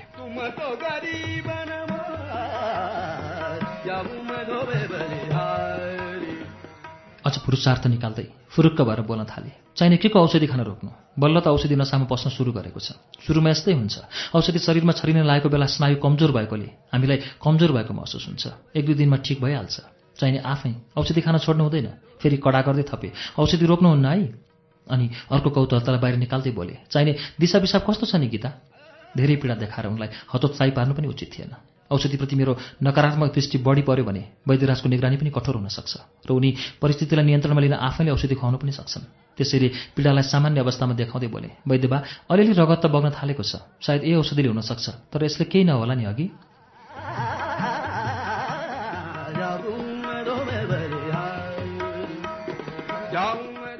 वैद्यराजले भने यसबारे चाहिने तिमीले केही चिन्तै गर्नु पर्दैन। तिमीलाई केही पनि हुँदैन। औषधिले आफ्नो काम गर्न सुरु गरेकाले सुरु सुरुमा यस्तै प्रतिक्रिया देखाउँछ। तर औषधि खान चाहिँ नछोड्नु नि। उनीप्रति जम्मा भएको आक्रोश र धोकालाई मुस्किलले मुस्कानले किच्दै शान्त भएर जवाफ दिए। औषधि खान किन छोड्नु र? हजुरले भन्नै पर्दैन। आइमाईहरूलाई यस्तो बेला कतिको तागत चाहिन्छ भन्ने मलाई थाहा छ। तागत नपुगेर त होला। आइमाई कुनाबाट निस्कन नपाउँदै मरेका। मलाई मर्ने रहर लागेको छ र औषधि खान छोडौँला। यस्तो सित्तैमा पाएको तागत दिने औषधि छोड्दिनँ। जति नै कोसिस गरे पनि वैद्यराजको षड्यन्त्र सफल हुन सकेन। म मरिनँ।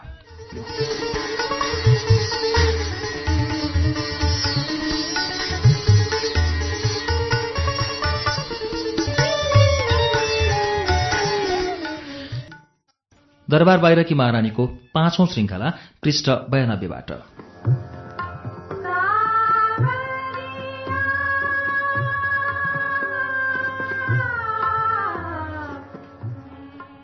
आफूले गरेको षड्यन्त्रमा सफल नभएपछि वैद्यराज एक दुईपल्ट मेरो कोठा अगाडि देखा परेका थिए। सायद उनीबाट अर्को जमर्को हुँदै थियो होला वा औषधिप्रतिको सन्देहलाई खोजी गर्नु थियो। तर मैले आदरसँग नै उनलाई कोठामा बसाउँथेँ। उनलाई आफ्ना दुःख सुखका विषयमा चासो देखाउँथेँ। आफ्नो अभिनयप्रति बेला बेलामा मलाई गौरव लाग्थ्यो। वैद्यराज जस्तो छट्टु व्यक्तिको आँखामा कसिङ्गर फ्याँक्न सक्नु चान्चुने कुरा थिएन। शरीरबाट जतिसुकै रगत बगे पनि म बाँच्न सकेकोमा उनलाई अनौठो लागेको हुनसक्छ। यो कसरी भयो? उनी निकै घोरिएका थिए। तर मेरो कलात्मक सिपसँगै अनुहारमा देखिने सोझोपनबाट पनि उनी विश्वासमा पर्न बाध्य थिए। म पछि सोच्थेँ बनावटी पीडाले पनि कहिलेकाहीँ सफलता पाउँदो रहेछ।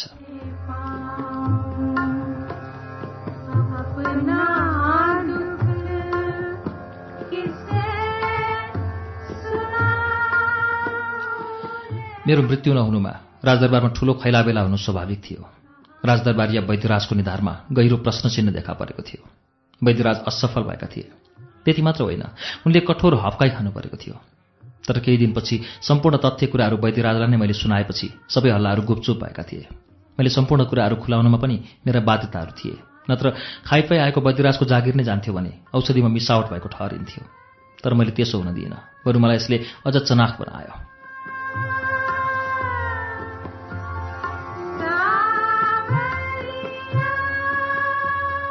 वैद्यराजबाट छुटकारा पाए पनि ममाथि षड्यन्त्र अझै मरेको रहेनछ। मेरा शत्रुहरूले हार मानेका रहेनछन्। अझ षड्यन्त्रको धार अर्को दिशाबाट बग्न सुरु गरेको मैले थाहा पाएँ। जति जति समय गुज्रदै जान्थ्यो त्यत्तिकै वजन बढ्दै जानु प्राकृतिक नियम छँदै थियो। तर पनि बाटोमा काँडा बिछ्याउनेहरू निस्केपछि मानसिकता आफसे आफ गरुङ्गो हुँदो रहेछ। म निकै शिथिल थिएँ। मेरो हिँडाइमा फुर्तिलोपन थिएन। त्यो दिन दरबारबाट आउन अलिक ढिला भएको थियो। मैले टाढैबाट देखेँ कि मेरो कोठा छेउमा एकजना लोग्ने मानिस ठिङ्ग उभिरहेको थियो। छोटो पारेर काटिएको कपाल ठिक्क मिलेको उचाइ। पोटिलो जिउ डाल। म नजिकै पुगेपछि मेरा आँखाहरू उनका आँखासँग तिखा भएर जुधे एउटा खाइलाग्दो अपरिचित युवक। कुनै युवतीलाई पर्खेर बसेको छ र भेट हुनासाथ आँखाको दिशा बदली बदली कर्की नजरले हेर्न खोज्छ भने कुन युवतीलाई असजिलो नलाग्ला? अझ त्यति बेलाको मेरो परिस्थिति अलिक कमजोर थियो। सानो विषयलाई पनि अतिरञ्जित गरेर दोष मेरो टाउकोमा आउन सक्ने सम्भावना थुप्रै थिए। त्यसैले म निकै सतर्क हुँदै उसलाई छड्के पारेर कोठाभित्र पस्न मात्र के लागेकी थिएँ। ऊ निकै चनाको हुँदै मेरो नजिकै आएर खिस्सा हाँसेर बोल्यो आरामै?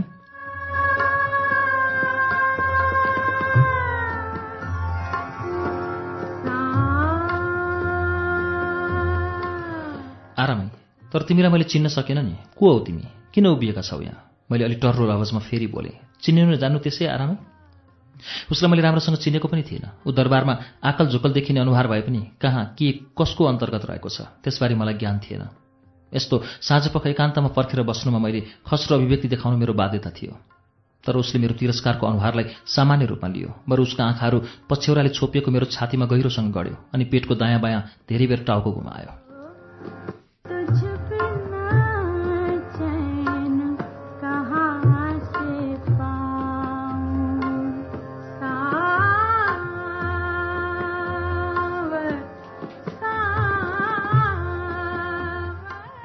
उसको अन्तर्चेतनामा भविष्यको धमिलो विद्रोह लटपटिएको थियो। सायद उसले मेरो पेटको अन्दाज गरेको थियो होला वा सामाजिक घृणा र उपेक्षाको अनुमान लगाएको थियो होला। तर उसले मलाई त्यसरी गहिरिएर हेरेको पटक्कै मन परेको थिएन। धेरै बेर मेरो शरीरमा आँखा डुलाएपछि मुस्कानसहित मेरो झन् नजिकै आएर मस्किँदै बोल्न थाल्यो मलाई कस्तो नचिने कि? गोरे हो मेरो नाम तर गोरो भएर मेरो नाम गोरे भएको होइन। गोरखबहादुरलाई गोरे बनाइदिए लिनै पर्यो। उसले मुख टेढो बनाउँदै फुलबुट्टा भरेर आफ्नो परिचय दिएपछि अघिदेखि उप्रतिको मेरो वितृष्णा झन् भतपति भएर उम्लियो। मलाई त्यहाँ उभिरहन मन लागेन।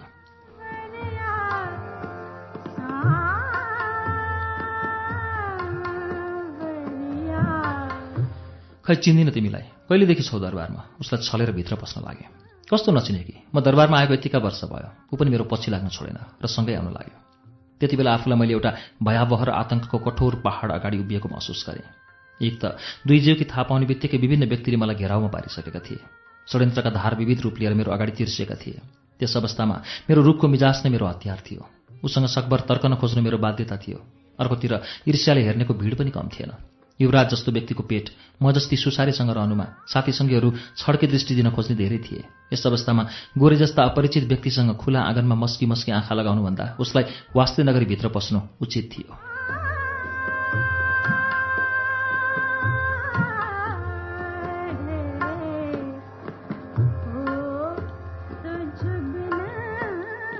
उप्रति मेरो टर्रो व्यवहार एउटा इज्जतदार र सभ्य व्यक्तिलाई अवश्य अतिशय थियो होला। उसले सम्भवतः आफूलाई अपमानित ठाने होला तर गोरेको जड मस्तिष्कलाई कुनै असर परेन। ऊ उभिरह्यो। जन्म भयानक समस्यामा धक्कलिए।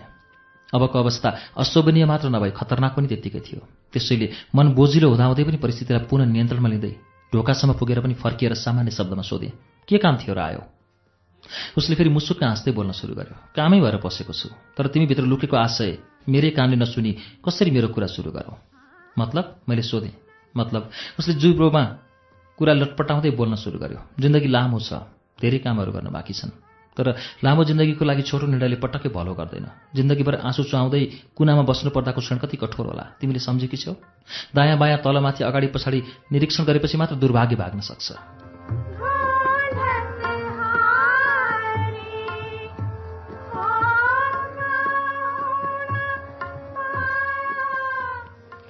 ऊ निकै बोल्ने पक्षमा देखियो उसलाई सुरुमा नै रोकिन भने अर्को आतङ्कको वज्रपात मेरो टाउकामा बज्रने सङ्केत पाइसकेकोले कडा भएर बोले कस्ता कस्ता मान्छेहरूको अनुहार पनि देख्नुपर्छ।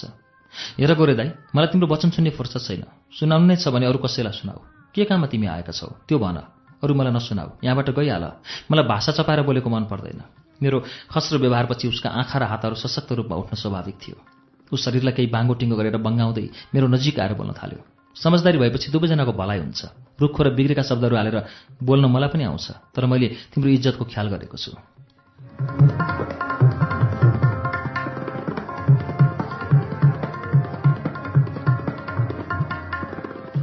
उसको व्यवहारिक पक्ष देखेपछि अघि भर्खरको आफ्नो रुखको अभिव्यक्तिप्रति आफैलाई खेद अनुभव भयो। पश्चातापको महसुस गरेँ। मैले अहङ्कार देखाउनुहुन्थेन ऊ फेरि अर्को विषयलाई झिकिकै बोल्न खोज्दै थियो तर मैले सोचेँ धेरै बेर ढोकाको सङ्घारमा उभिएर परपुरुषसँग गफ सुट्नु शोभनीय होइन। देख्नेको दृष्टिकोण अनेक शङ्का हुन सक्छ। त्यसैले उसलाई कोठाभित्र पस्न प्रस्ताव गरेँ भित्र हिँड भित्रै बसेर गफ गरौँला। हामीहरू उभिएको पनि धेरै बेर भयो। भो पर्दैन ऊ बाउठियो किन के भो फेरि? हिँड न भित्रै गएर खुलस्तसँग कुरा गरौँ। मैले फेरि त्यसो भने म कोठाभित्र पसेँ। ऊ पनि केही लोसे हुँदै भित्र पस्यो र भित्र पसिसकेपछि एकपल्ट कोठाका चारैतिर आँखा लगायो र नजिकैको कुर्सीमा टुसुक्क बस्यो। मानौ। उसलाई विषयवस्तु मुखमा ल्याउन गाह्रो परेको छैन। उसले आफूलाई कति पनि असजिलो अनुभव गरेको छैन। तर ऊ केवल मेरो सुरक्षित पर पक्षलाई पर्खेर बसेको छ।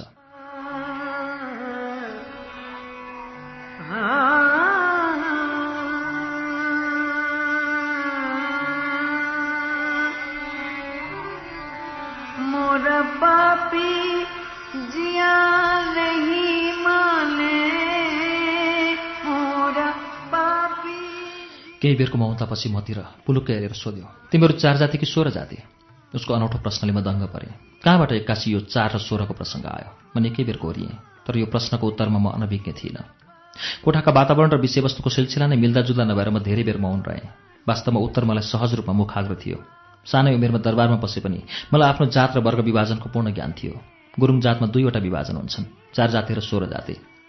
आफू चार जाति भएको र चार जाति गुरुङ समुदायको उपल्लो श्रेणीको हो भन्ने म गर्व गर्दथेँ। तर मैले आफ्नो समाज र वर्गलाई फिरौती दिँदै उप्रति अहङ्कार व्यक्त गर्नुपर्ने स्थिति थिएन। मैले सामान्य रूपमा उत्तर दिएँ। हामीहरू चार जाति हौँ लामा हौँ। मैले फेरि उसलाई आँखाको डल्लो सेतो पार्दै सोधेँ तर तिमी सम्बन्ध नै नभएको कुरा अगाडि ल्याएर मलाई किन अल्झाइरहेका छौ? किन चाहियो जात र भातको कुरो अहिले? मलाई यस्तो बिर्सेका मन पर्दैन।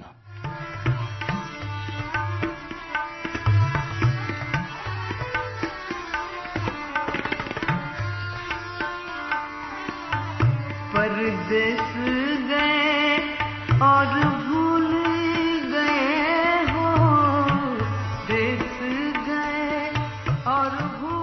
रिसाएको बुझेपछि पनि त्यसलाई उसले कुनै महत्त्व दिएन। बरु आफ्ना शब्दहरू फनफनी नचाउँदै भन्न थाल्यो किनकि हामीहरू एउटै बगैँचाका फुलहरू रहेछौँ।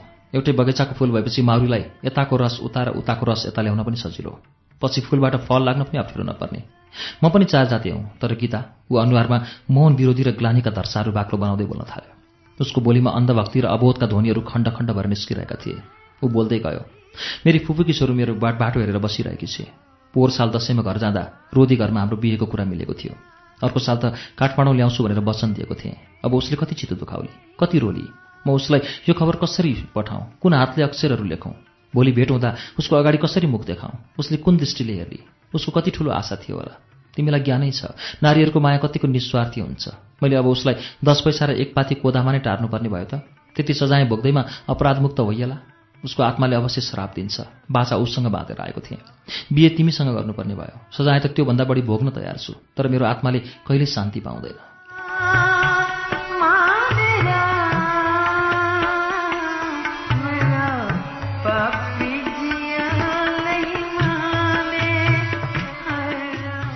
गोरेको कुरा सुनेपछि मलाई अकस्मात भिरबाट खसेको अनुभव भयो। कोठाका झ्याल डोकाहरू फनफनी नाच्न थाले। तर मैले आफू नियन्त्रित हुँदै विचार गरेँ। अब षड्यन्त्रका धाराहरू निकै बलिया भएका छन्। उनीहरूले आफ्नो स्वरूप बदलेको कुरो मलाई अवगत भयो। तर आक्रोश भाव देखाउँदै हाक्का हाकी विद्रोह गर्ने मेरो आँट भएन। आगोको लप्कासँग जुझ्ने मेरो ताकत थिएन। बरु पानी हाल्नु नै उत्तम थियो। आफूभित्रको सहनशील मस्तिष्कलाई मजबुत बनाउँदै उसको नजिकै गएर नाटकीय अलङ्कार लगाउँदै बोले वास्तवमा तिमीले मलाई चाहेर नै लाने विचार गरेका छौ कि कसैको बहकाउमा? हेर भन्दै मैले आफ्नो पेटमा हात राखेर उसलाई देखाएँ। यो पेटमा बच्चा छ।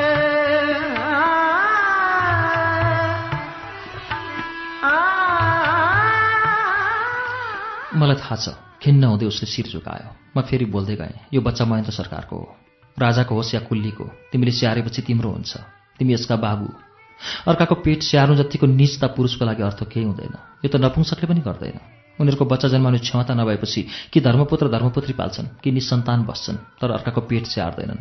तिमी त क्षमतावान हुँदाहुँदै पनि अर्काको पेट थाप्ने कतिसम्म निज छौ। तिमी त विवेक बिराएर अर्काको बच्चा स्याहार्न तयार भयौ तर मलाई किन यो अपराधमा सामेल गराउँछौ? भोलि यो बच्चाले तिमीलाई के नाचाले बोलाउला तिमी यसको बाबु होइनौ यो कुरा अवश्य उसले थाहा पाउँछ। त्यति बेला तिमीलाई कति निर्घिणी देख्ला कति निर्लज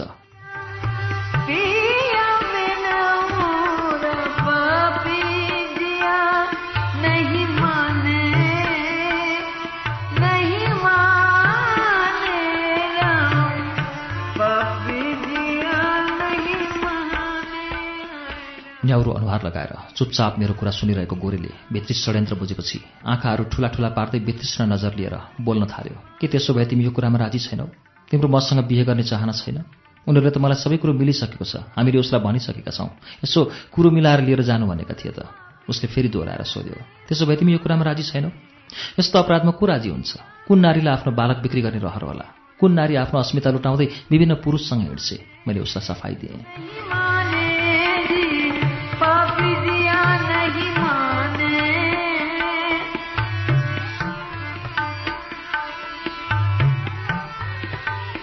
ऊ आत्तिँदै बोल्यो भगवान् मलाई त्यस्तो भ्रम पारेका रहेछन्।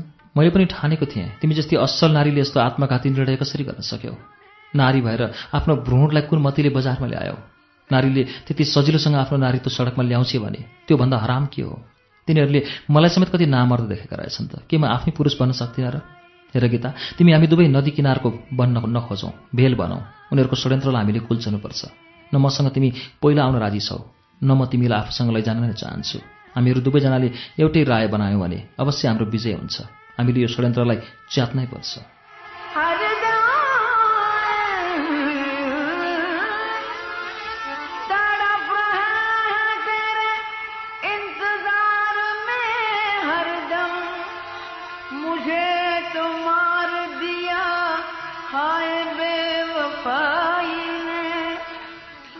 गोरे आँखाबाट रिसका ज्वाला उकल्दै लड्न कसिए पनि। उसको विद्रोही स्वरूप निस्सासिँदै उठे पनि मलाई सहज लागेको थिएन।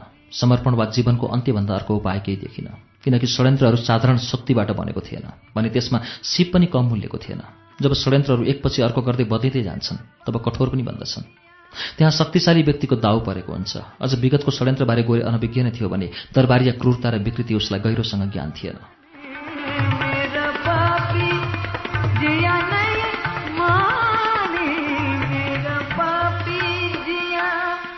हरेस खाएको मेरो मस्तिष्कमा एकपल्ट फेरि अन्यलको बादल बेसरी मडारियो।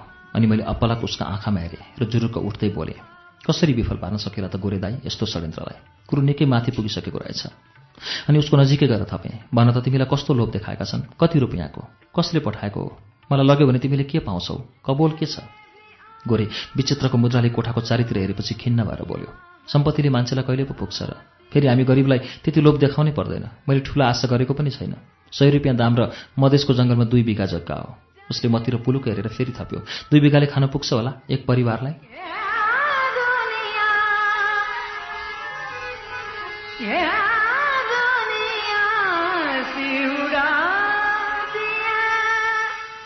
उसको कुरो सुन्न साथ मेरो मनमा कठोर जलनको उत्पत्ति भयो र म निधार खुम्च्याउँदै बडो अरुचिपूर्ण बोलीमा बोले भत के खान पुग्छ र पुग्दैन भनेर सोधिरहेको म तिम्रो पछि लागेर जान्छु भन्ने सोचेका छौ तिमीले? बरु भन तिमीलाई कसले यता पठाएको? हो म त्यसैसँग त्यहीँ गएर कुरा गर्छु। ऊ बोल्यो पठाउन त तोप कुमारले पठाएकी हुन्। उनले पठाए पनि आदेश चाहिँ बडा महारानीकै हो अरे। तोप कुमारीको कुरा सुन्दा त हामीहरू बिल्कुल पानीको गहिरो पोखरीमा डुबिसकेका छौँ। हामीहरूलाई बाहिर उतार्न कसैको पनि तागत छैन। यदि हामीले अटियर गऱ्यौँ भने भोलि नै जबरजस्ती डाँडो कटाइदिने आदेश छ अरे।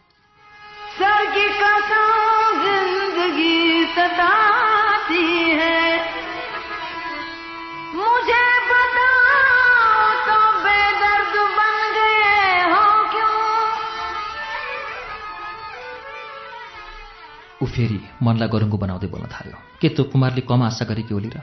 नत्र तिम्रो विरुद्ध किन खुलेर जालो बोल्नु पर्थ्यो? किन अन्धाधुन्दा लाग्नु पर्थ्यो? ऊ बडो गम्भीर मुद्रामा देखिन थाल्यो। उसको मुटुभित्रका व्यवस्थाका स्वरहरू एक एक गरी बाहिर आउन थाले। ऊ देख्नेमा सोझो प्राणी जस्तो लागे पनि मनको चलाक थियो। निकै तौली तौली मर्यादा पुगेका अभिव्यक्तिहरू उसको मुखबाट आइरहेका थिए। तर मेरा कानमा सबै घुस्न सकेनन्। म आफै भयानक सोचमा डुब्न थालेँ। वास्तवमा महेन्द्र सरकारको गर्व मेरो पेटमा नभएको भए गोरेसँग बिहे गरेर घरजम गर्न मलाई कुनै बाधा थिएन। गर्वै लिएर गए पनि कुनै अहित हुने त होइन। अझ सोच्दै गएँ जाली फटाएर षड्यन्त्र नै षड्यन्त्रसँग सधैँ दरबारभित्र बसेर मुक्केबाजी खेलिरहनुभन्दा अहिले उसैसँग हिँडो हिँडो बनाउन थाल्यो। तर त्यो काँतर सोचाइ एकाएक हरायो। लामो जिन्दगीको लागि त्यो क्षणिक सम्झौता थियो। भोलि त्यही गोरे बाउठिन सक्छ। समाज र बैरीहरूका तीका आँखा त्यहाँ पनि अवश्य लाग्छन्। दानवी प्रवृत्ति कुन समाजमा छैन? त्यही गोरे भड्कियो र लैजा छोरा भन्दै च्याठिन थाल्यो भने म कहाँ जाउँ? कसको आश्रय खोजौँ? नारीको कर्म जहाँ गए पनि रुनु नै हो। जहाँ गए पनि बिलाप नै छ। फेरि भित्री मनले सोचेँ रुनु नै छ भने बिलाप गर्नु नै छ भने किन दरबार छोडौँ? राजाकै अगाडि रुन्छु बिलाप गर्छु। मैले एक मनले दरबारमा आँसु झार्ने तर्क अघि सार्यो अर्को मनले दरबारसँग विद्रोह गर्ने आँट गर्यो। साहस निकाल्दै बोले गोरे दाई अब तिमी यहाँबाट जाऊ म तिमीसँग जान्न।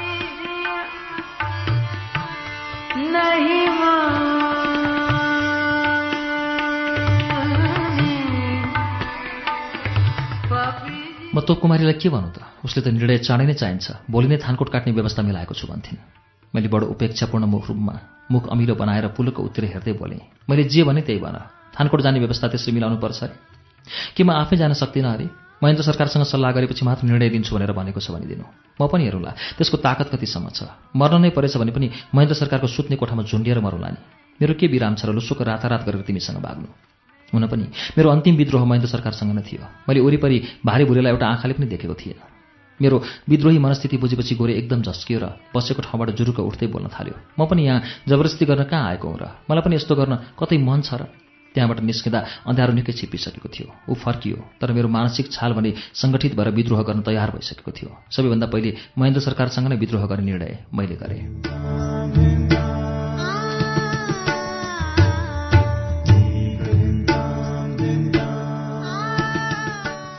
कार्यक्रम श्रुति सम्वेकमा अहिले तपाईँले सुनिरहेको वाचन नगेन्द्र नेौपानेको उपन्यास दरबार बाहिरकी महारानीको वाचन हो। यसको बाँकी अंश केही बेरमा वाचन हुनेछ। उज्यालो सुन्दै गर्नुहोला।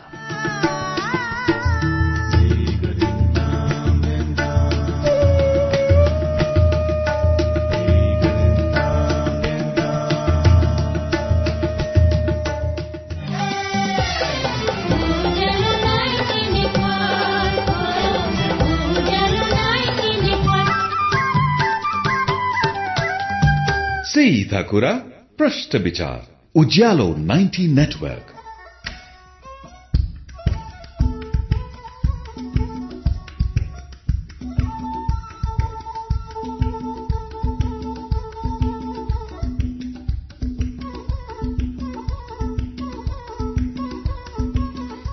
कार्यक्रम श्रुति सम्वेकमा पुनः स्वागत छ। तपाईँ अहिले उज्यालो नाइन्टी नेटवर्क काठमाडौँसँगै इलाम एफएम रेडियो ताप्लेजुङ झापाको एफएम मेजी ट्युन्स र बिर्ता एफएम इटहरीको सप्तकोशी एफएम विराटनगरको रेडियो पूर्वेली आवाज धरानको विजयपुर एफएम रेडियो तेह्रथुम भोजपुरको रेडियो चोमलुङमा एफएम सिन्धुलीको रेडियो सहारा रेडियो बर्दिवास सर्लाहीको रेडियो एकता ढुकढुकी एफएम र मुक्तेश्वर एफएम रौतहटको नुन्थर एफएम रामेसापको रेडियो तीनलाल खोटाङको हलेसी एफएम दोलखा जिरीको रेडियो हिमाली नुवाकोट एफएम काभ्रे धुलीखेलको रेडियो सेफर्ड मकवानपुरको हेटौँडा एफएम चितवनको रेडियो अर्पण र रेडियो चितवनमा पनि सुनिरहनु भएको छ।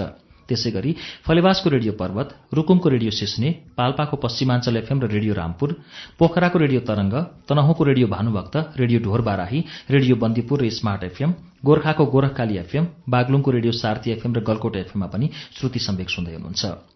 रेडियो प्युठान दाङको रेडियो मध्यपश्चिम बुटवलको तिनाउ एफएम गुल्मीको रेडियो रेसुङ्गा कपिलवस्तुको रेडियो बुद्ध आवाज रेडियो कोहलपुर सल्यानको रेडियो राप्ती जाजरकोटको रेडियो हाम्रो पाइला दैलेखको ध्रुवतारा एफएम कैलाली टिकापुर र गुलरियाको फुलबारी एफएम कैलाली एफएम दाङको रेडियो प्रकृति एफएम सुर्खेतको रेडियो भेरी र बुलबुले एफएम बैतडीको रेडियो सनसेर दार्चुलाको नयाँ नेपाल एफएम हुम्लाको रेडियो कैलाश जुम्लाको रेडियो कर्णाली र कालीकोटको रेडियो नयाँ कर्णालीबाट पनि अहिले एकैसाथ श्रुति सम्वेक प्रसारण भइरहेको छ। श्रुति सम्वेकमा हामी दरबार बाहिरकी महारानी उपन्यास सुनिरहेका छौं। अब यसको बाँकी अंश वाचन सुनौ।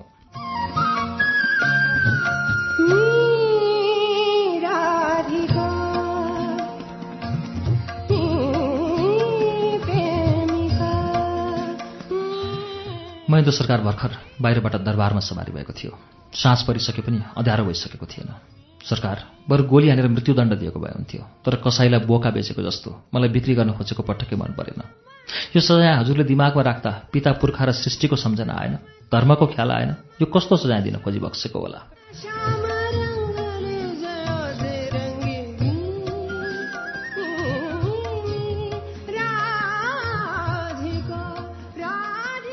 बाध्यताले म रुखो मात्र होइन विक्षिप्त बनेकी थिएँ। मेरो धैर्य बताभङ्ग भइसकेको थियो। एक्कासी मेरो कठोर आक्रोश र विद्रोहको रनको उहाँको कानमा परेपछि उहाँ पनि आक्रोशित नहुने कुरै थिएन। वास्तवमा त्यति बेला कुन विषयलाई लिएर म त्यति कठोर छु भन्ने अनभिज्ञताले पनि उहाँ रिसाउनु स्वाभाविक थियो। उहाँ कडा स्वरमा बोली बक्सियो के हो यो? यस्तो असभ्य पारा। बोल्ने तरिका यही हो? अझै मलाई कुनै शुद्धिको ख्यालै आएन। आफसे आफ उत्तर निकै कठोर बन्दै गयो। हृदयको स्पन्दन बढ्न थाल्यो। टाउको यति तेज लिएर उम्लिन थाल्यो कि मालिक बनाउँदाहरूको क्षुद्र मनोरञ्जनको विरुद्ध ज्यानको बाजी लगाउन पनि तयार भएँ।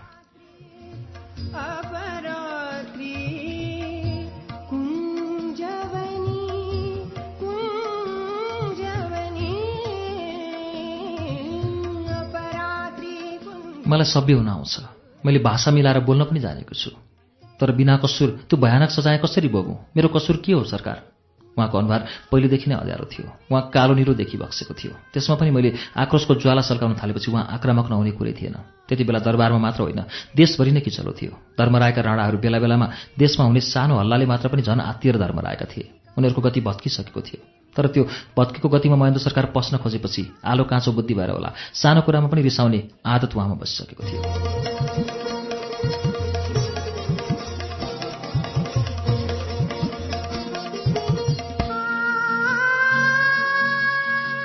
त्यति बेला उहाँका आँखा राता पिरा थिए। क्रोधले शरीर कमाउँदै बोली बक्स्यो। मलाई ठाडो भएर बोलेको मन पर्दैन। वास्तवमा म आफ्नो हैसियतभन्दा बाहिर नै गएकी थिएँ। आवेगमा जसको पनि धैर्य शक्ति कमजोर हुन्छ। म पनि कमजोर मानसिकतामा थिएँ। तर मेरोभन्दा बढी अन्तर्पीडा महेन्द्र सरकारमा नै रहेछ। उहाँको मानसिकता तनावपूर्ण रूपमा कसिएका थिए। यस्तो अवस्थामा मैले आफ्नो आक्रोशको हावा जता पाए उतै छोडेँ भने त्यसले मलाई पल्टाउन सक्छ। म नै डर्न सक्छु। अनि फेरि मैले त्यति बेला अतीतको सत्यास भविष्यको भयावह सङ्कटलाई गहिरोसँग विश्लेषण गरेपछि क्षणिक आवेगलाई नियन्त्रणमा लिनु नै उत्तम देखेर नम्र भएर बोले सरकार हिजो गोरखबहादुर आएको थियो मलाई भेट्न।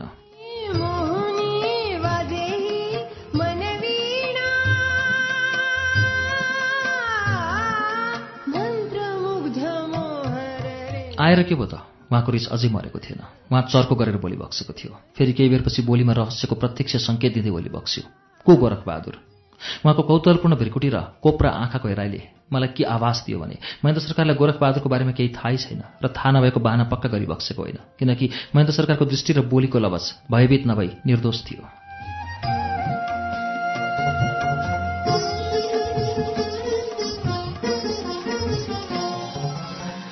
मैले नम्र भएर सुनाएँ। सरकार कहिले नआएको मान्छे। त्यसमा पनि मैले त्यति राम्रोसँग चिनेकै थिइनँ। एक्कासी अनौठो प्रस्ताव लिएर देखा पर्नु मलाई कतिसम्म मर्नुभयो होला। म बाँचेको के सार? उहाँ धेरै बेरसम्म नबोलेपछि म भन्दै गएँ। बरु सुरुमा मसँग राय बुझेर मात्र मलाई भेट गर्न पठाइबक्सेको भए हुन्थ्यो। आन्तरिक समस्यामा आन्तरिक रूपमै समाधान गर्नुपर्छ। बाहिर उड्न थाल्यो भने सम्हाली साध्य हुँदैन। बाहिरका मान्छेलाई दरबारका नसा चाहर्न दिएपछि जनताले कसरी हेर्लान्? अब त्यसले यो कुरो कहाँ कहाँ फैलाइसक्यो? मैले लामो सास फेरेँ। गोरखबहादुर भनेको को हो? उसको बारेमा फेरि के कुरा आयो? उहाँ दिक्क लाग्दो स्वरमा बोली बक्स्यो। हजुरलाई यस विषयमा केही ज्ञानै छैन? ऊ हिजो मलाई भेट्न आएको थियो। मैले अधीरपूर्वक घाँटी बटार्दै सुनाएँ।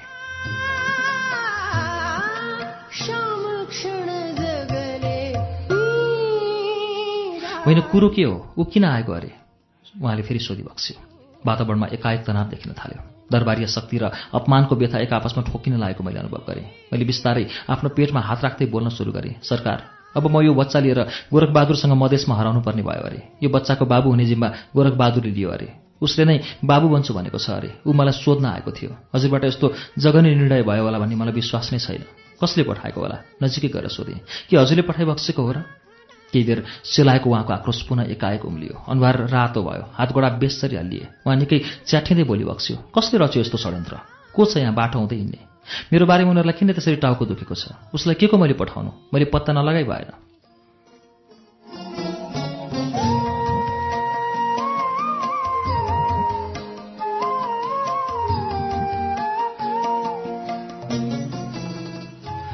उहाँको क्रुद्ध अनुहारमा घृणा र क्रोधको आयाम देखिएपछि मैले पूर्ण निश्चित गरेँ कि गोरखबहादुरको बारेमा महेन्द्र सरकार पूर्ण रूपले अनभिज्ञ भइबक्सन छ। उहाँबाट यस्तो निज बुद्धि आएको होइन। बीचबीचबाट नै भरौटेहरूले म जस्तै निरीह नारीलाई जलाएर त्यसबाट निस्केको खरानीले महेन्द्र सरकारलाई चोख्याउने योजना बनाएका हुन्। यस विषयमा दरबारभित्रैबाट खासखुस दलाली कार्यको सुरुवात हुनुले र एकपछि अर्को विभत्स योजनाहरू फुत्त फुत्त बाहिर निस्कनुले महेन्द्र सरकारको दिमागमा आतंकको प्रादुर्भाव हुन स्वाभाविक थियो। धेरै बेर मनमा कुरा खेलाइसकेपछि प्रष्ट आकाशतिर हेर्दै सोधिबक्स्यो गहिरो चिन्तनमा कसले पठाएको अरे? अरू के के भन्थ्यो?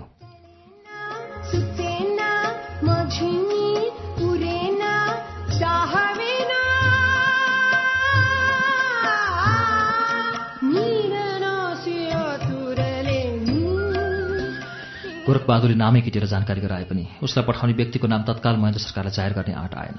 यसबाट मैले मेरो आफ्नो विनाशको नाङ्गो स्वरूप देखेँ किनकि योजनाकर्ता एक्लै व्यक्ति थिएनन् जसका दरबारमा कसिलो पकड थियो।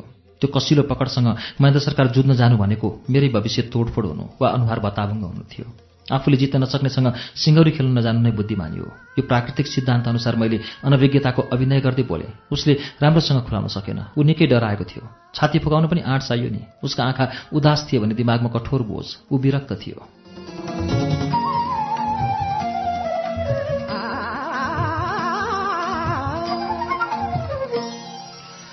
उहाँ केही बेर अत्यन्त क्षोभ र पीडाले गतिहीन बक्स्यो र ठिङ्ग उभिएर झ्यालबाट बाहिर हेरी बक्स्यो त्यो घिनलाग्दो योजना रचेर उहाँलाई शुद्ध पार्न खोजे पनि त्यो दरबारिया कर्तुत घृणित थियो। उहाँलाई त्यो योजना सही थिएन। तर दरबारतिरको आक्रोश मतिर हुत्याउँदै ठुला ठुला आँखा पार्दै बोली बक्स्यो। त्यस्ता मान्छेहरूसँग सधैँ होसियार हुनु टाढै बस्नुपर्छ। यसको उत्तरमा मसँग कुनै गतिलो जवाफ थिएन। केवल म जिउँदै मरितुल्य थिएँ। सम्पूर्ण शरीर हिनताले खुम्सेको थियो। उहाँ फुत्त भित्र पसेपछि म पनि आफ्नो कोठातिर लागेँ। त्यति बेला निकै अँध्यारो भइसकेको थियो।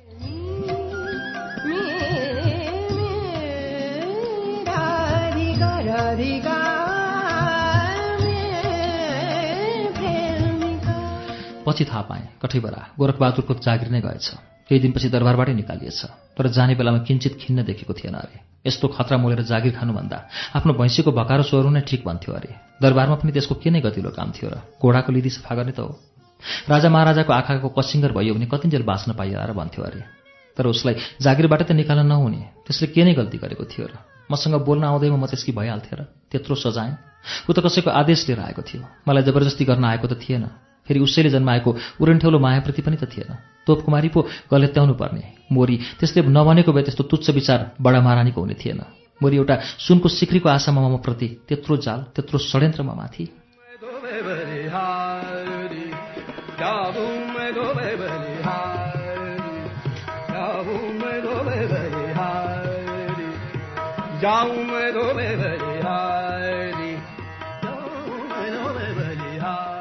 त्यो दिनको म कल्पनै गर्न सक्दिनँ। जुन दिन मेरो पुनर्जन्म भएको थियो। कस्तो व्यवस्था छ अघि त्यो क्षण? नारीको लागि। तेरो अनुहारले नै तँलाई चिनाइरहेको छ। तेरो बोलीमा नै व्यथा चर्किरहेको छ। आज दरबार नजा। म खबर पुर्याउँला। आज पक्कै बच्चा जन्मन्छ भनेर मलाई एक कुमारले कहाँ नभनेकी हुन् र।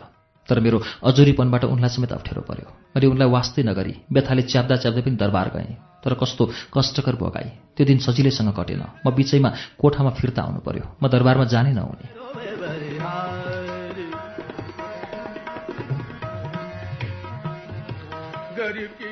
साँझतिर छोरो जन्मियो। लुछाछुँडी गर्दा गर्दै जन्मिएको छोरो। पशुत्वबाट मलाई बाहिर ल्याउन जन्मिएको यथार्थता। एक किसिमको हर्षको वर्षा हुँदाहुँदै पनि मैले ठुलो सङ्कट आइपरेको अनुभव गरेँ। छोरी जन्मनु पर्ने कमसेकम छोरीको अधिकार सीमित थियो। छोरीलाई आफ्नो सीमित घेराबाट बाहिर जाने चाहना हुन्थेन। उनीहरूलाई कसैले पनि डाहाले हेर्दैनथ्यो राजकीय विषयमा ऊ सुरक्षित हुन्थे। राजगद्दीको लागि छोरी बीचमा उभिएका हुँदैनन्। मैले पुलुकका भर्खर जन्मेको छोरोतिर हेरेँ। मेरो आँखाबाट बर्र आँसु खसे। कठैबरा छोराको जन्ममा म आफैले मातृत्व दर्शाउन सकिनँ। म धेरै बेर भुटभुटिरहेँ रोइरहेँ मनमनै बोलेँ बाबु त किन जन्मिस्? छोरी भएर पो जन्मिनु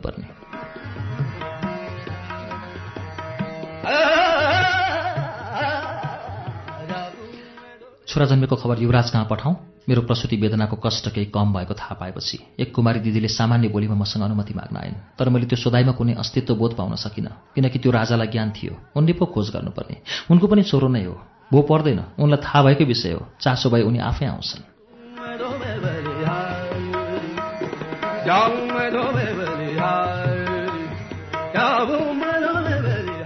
रिसको आवेगमा कठोर अभिव्यक्ति दिए पनि केही बेरपछि मेरो अन्तस्करणमा पछुतो सलबराउन थाल्यो। हामी बीच जस्तो सुकै विमतिका बादलहरू बाक्लिए पनि दुनियाँको अगाडि म दुष्ट बन्न नहुने। कमसेकम उहाँलाई जानकारी त गराउनु पर्ने हो र धेरै बेरको मौनतापछि भने। खबर पुर्याउनै पर्ला र कोही मान्छे पठाउनु न त। तैँले पर्दैन भन्दै थिइस् मैले पठाइसकेँ। छोरो जन्मेको खबर त दिनु पऱ्यो नि। उनलाई राम्रो लागोस् कि नलागोस्? त चुप लागेर बस। यस्तो बेलामा धेरैतिरको तर्क गर्नु हुँदैन। त आराम गर। सबै काम मै गर्छु। के भनी बक्सुरी? कोसँग खबर पठायो? ऊ फिर्ता आयो? मैले फेरि जबरजस्ती सोधेँ। यो खबर पाउनासाथ अनायास उहाँको टाउको झुक्यो अरे। एक कुमारीले घृणाभाव देखाउँदै बोल्न थालिन्। उहाँले त रमाइलो बानी बक्सेको छैन अरे। उहाँको अनुहारमा पीडा र छेउ उत्रेको थियो अरे।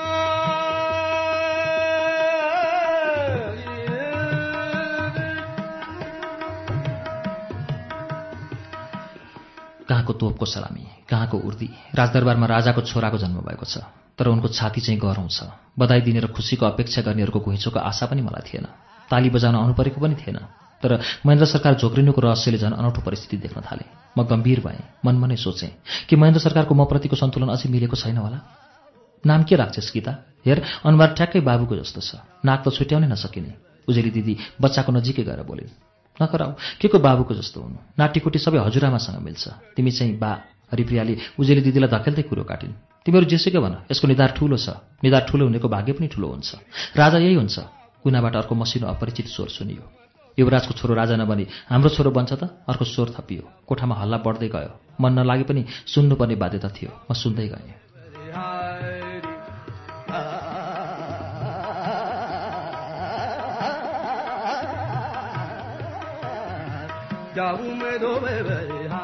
त्यही बेला दरबारबाट एउटा सिपाही पुत्त देखा पर्यो। अनौठो मिश्रण लिएर। सायद कोठाको स्थिति बोधले उसलाई असजिलो अनुभव भएको थियो होला। यसको उपस्थिति हुनासाथ महिलाहरूको हल्ला एकाएक सामसुम भयो। युवराजको अवैध रूपमा जन्मेको बच्चा हेर्नेको हुलमा रहस्यमय तरिकाबाट सिपाही देखा पर्नुलाई त्यहाँ उपस्थित सबैले आफ्नो आफ्नो अड्कल काटे। सिपाहीले कोठाको चारैतिर आँखा डुलाएपछि उजेली दिदीतिर सङ्केत गर्दै बोल्यो दिदी तिमी एकछिन बाहिर आऊ त। उजेली दिदीले पुलुक मतिर हेरिन् र सिपाहीको पछि पछि बाहिर हिँडिन्। प्रसुति वेदनाले थाकिरहेको बेला एकाएक सिपाहीको उपस्थिति हुनु त्यसमा पनि उसले उजेली दिदीलाई सुटुक्क बाहिर लिएर जानु र लामो काने खोसीमा अलमलाउनु त्यहाँ एउटा विचित्रको रहस्यको जन्म हुन गयो। म अलमलमा परेँ सोच्न थालेँ के अर्कै षड्यन्त्रको आदान प्रदान हुन लागेको त छैन? अर्को विकृति देखा परेको त छैन?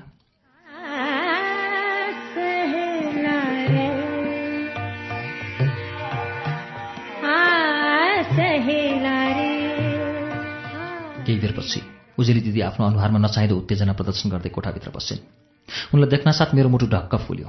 मेरो मानसिकतामा ठुलो आतङ्कको जन्म गराइदियो। मैले हत्तपत्त सोधेँ किन आएको रहेछ? कुनतिरको सिपाही?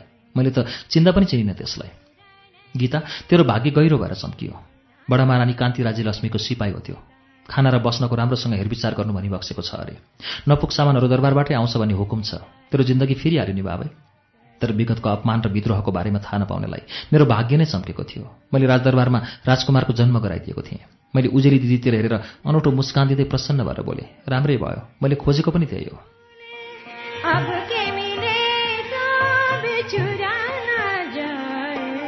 रे तर मेरो भित्री मानसिकता लोलोपोतो बोलीमा भर नपर्ने भइसकेको थियो। धेरै पटक नै पाइसकेको धोकाबाट मन राम्रोसँग तर्सेकी थिएँ। भित्री आत्माले सिपाहीको खबरलाई स्वीकार गर्न सकेन। के दरबार साँच्चीकै नै थाकिसकेको होला र के ऊ मेरो भलाइ चाहन्छ? नभन्दै केही बेरपछि दरबारबाट खाद्यान्नको दुईवटा भारी बोकेर दुईजना भरियाहरू मेरो कोठामा आइपुगे। भारीमा सामान लिएका ती दुईले ठिङ्ग उभिएर कता बिसाउँ भन्दै पलाक पुलुक हेरे। उता उता ऊ पर कुनातिर बिसाउ भन्दै उजेली दिदी हतारिँदै उठिन् र भरियालाई आड दिँदै भारी समाउन पुगिन्। म बल्ल ढुक्क भएँ।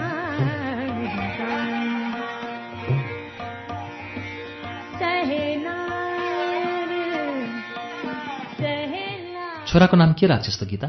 फेरि उजेली दिदीले पुरानो प्रश्न दोहोऱ्याइन्। दिदी म केही थकित हुँदै बोले नक्षत्र घडी पल र तिथिबाट पो नाम राखिन्छ। अहिले के हतार फेरि बाबु हुँदाहुँदै अहिले हामीले किन बाटो हुनु पर्यो उसैको बाबुले राख्छन् नाम। न्वारानको दिनसम्म एउटा न एउटा नाम त जुर्ला नि। उजेली दिदी डह्रो हुँदै बोलिन् के को न्वारानसम्म कुर्नु? यसको नाम रविन्द्र हुनुपर्छ। महेन्द्रको छोरो रविन्द्र कस्तो मिलेको?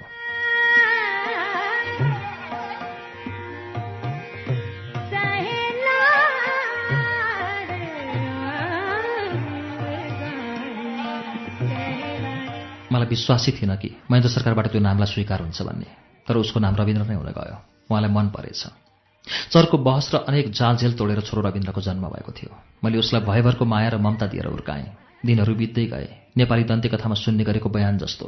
शुक्ल पक्षको चन्द्रमा जस्तो ऊ हलक्क बढ्दै गयो। उसलाई खाना लाउनको कुनै अभाव हुन दिइनँ। कुनै अभाव बिना नै उसको बालापन सुरु भयो।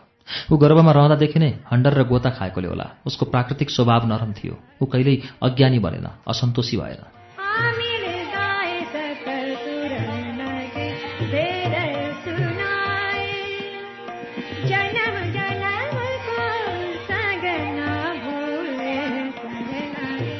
युवराजको छोरो भए पनि र दरबारभित्र उसलाई कुनै रोकटोक नभए पनि साधारणतया उसका साथी सङ्घीहरू दरबार बाहिरका नै हुन्थे। ऊ सुसारी र सैनिकहरूका छोराछोरीसँग नै खेल्न रुचाउँथ्यो। तर त्यो दिन गम्भीर मुखाकृति बनाउँदै मेरो अगाडि आएर भन्यो मुमा मुमा आज म दरबारतिर जान्छु है छोराको यो आग्रहले मेरो मानसिकतामा नमिठोपन भरिन गयो। म गहिरो सङ्कटमा परेँ। केही दिनका लागि मैले नै उसलाई दरबारको ढोका बन्द गराएकी थिएँ किनकि दरबारको गतिविधिबाट टाढा रहनुपर्ने उसको बाध्यता थियो। दरबार उसको लागि शुभ लक्षण थिएन। तर बाल सुलभताले त्यसलाई सजिलैसँग कहाँ लिन सक्थ्यो र? आफ्नो बालहट देखाउन सुरु गरिहाल्यो। मैले यथार्थलाई बङ्ग्याउँदै सम्झाउने कोसिस गरेँ। आज हेर घाम झन् चर्को छ हिजोको भन्दा। यस्तो घाममा खेल्नु हुँदैन। बिरामी परिन्छ। दुई दिनपछि वैशाख सकिन्छ। वैशाख सकिनासाथ खेल्नु। यो वैशाख महिनाको घामले टिप्यो भने उठ्न सकिँदैन।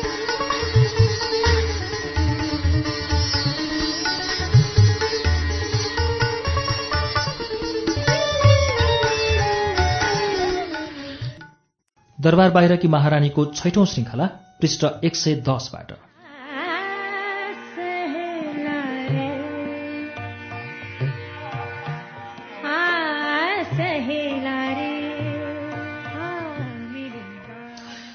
ऊ हातमा टाँसिएको धुलो पुस्दै नजिकै आएर बोल्न थाल्यो। शेरबहादुरलाई चाहिँ घामले केही नहुने मलाई मात्र हुन्छ। केही हुँदैन म बिरामी पर्दिनँ। ऊ हिजो दिनभरि दरबारमा नै थियो। दरबारमा कति रमाइलो छ अरे। मैले छोरालाई पाखुरामा समाउँदै आफूतिर ताने र टाउको सुमसुमाउँदै छातीमा चेपेँ मेरो ममत्वको सागर उर्लिँदै आउन थाल्यो। मलाई भावुकताले अँठ्याउन थाल्यो। मैले केही दुखित भावना राख्दै भने तिमीलाई थाहा छ शेरबहादुरको छाला कति बाक्लो छ? छाला बाक्लो हुनेलाई घामले केही गर्न सक्दैन। तिम्रो यो पातलो नरम छालालाई घामले भेट्यो भने के बाँकी राख्ला? कालै बनाउँछ डढाउँछ।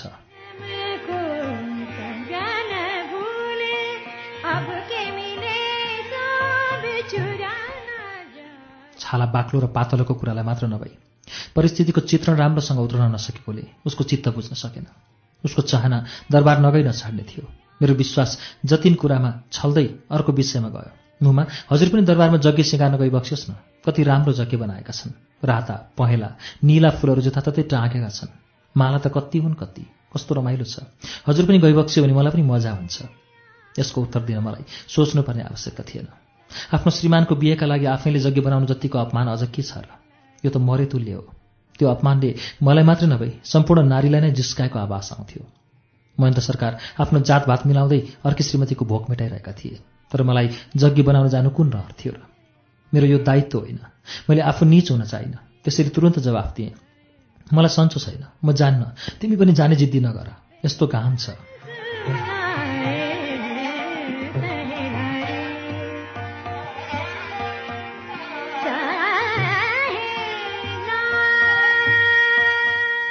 फेरि सानो मुस्कान दिँदै बोले अब तिम्रो बिहेमा यज्ञ बनाउला। यो अर्कीको बिहेमा के को रहरले यज्ञ बनाउनु र? के को रमाइलोले माला गाँच्नु? अब आफ्नै छोराको बिहेमा रमाइलो गरौँला भन्दै उसको कपाल सुमसुमाए मेरो कुरो सुनेपछि उसले तुरन्त जवाफ दियो यो त हाम्रै बुबाको बिहे रहेछ नि मुमा। हाम्रै बुबा दुलाहा बन्ने अरे बुबाको बिहे हेर्न जाउँ न।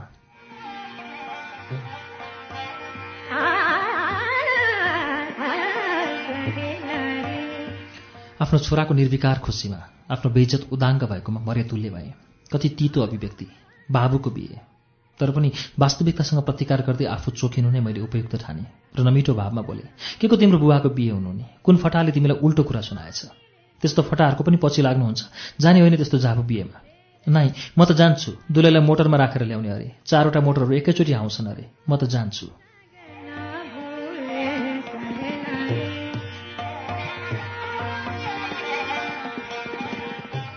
जुन कुरालाई मैले लुकाउँदै आएको थिएँ त्यो कुरा पहिल्यै उसलाई थाहा भइसकेको रहेछ।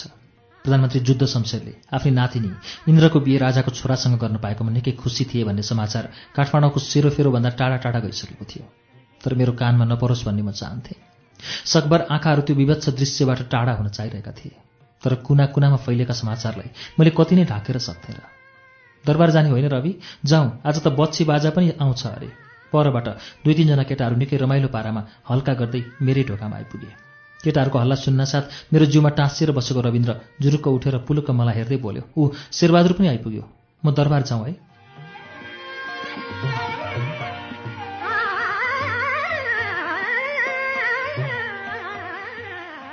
तर पनि मैले उसलाई घचेड्दै कोठाभित्र लगेँ र भने मैले पहिले भनिसकेँ जान पर्दैन कसैको बिएसिएमा ऊ मुख अमिलो बनाउँदै भुइँमा थचक्क बस्यो। त्यसको भोलिपल्टै इन्द्रराज्य रानी बनेर नारायणटी दरबारमा भित्रिइन्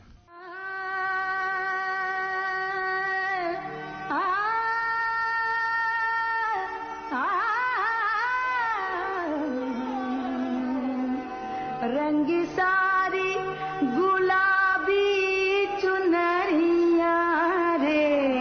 रंगी सारी नारीको लागि सौता बराबरको अर्को शत्रु कोही हुँदैन।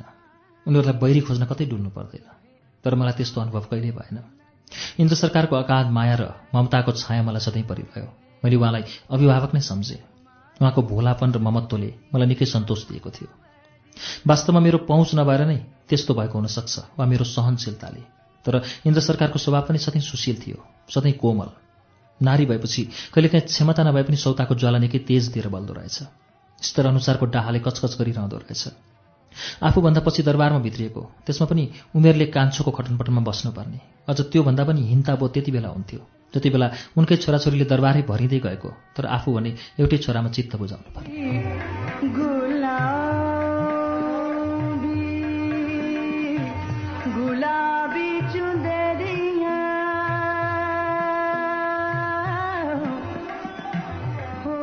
त्यति बढीमानको दरबारमा उनको ढलिमेली चलेको थियो।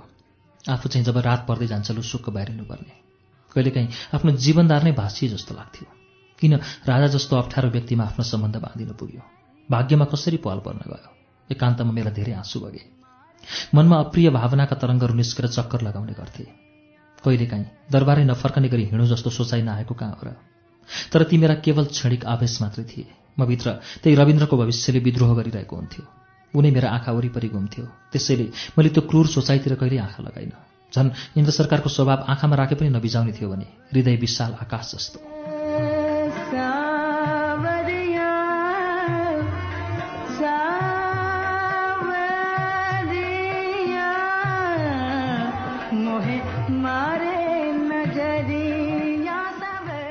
भौतिक अस्तित्व रक्षाको लागि मात्र नभई मानवीय यथास्थितिको व्यवस्थाले पनि मलाई नारायणजी दरबारको सन्निकटताले छोड्न सकेको थिएन।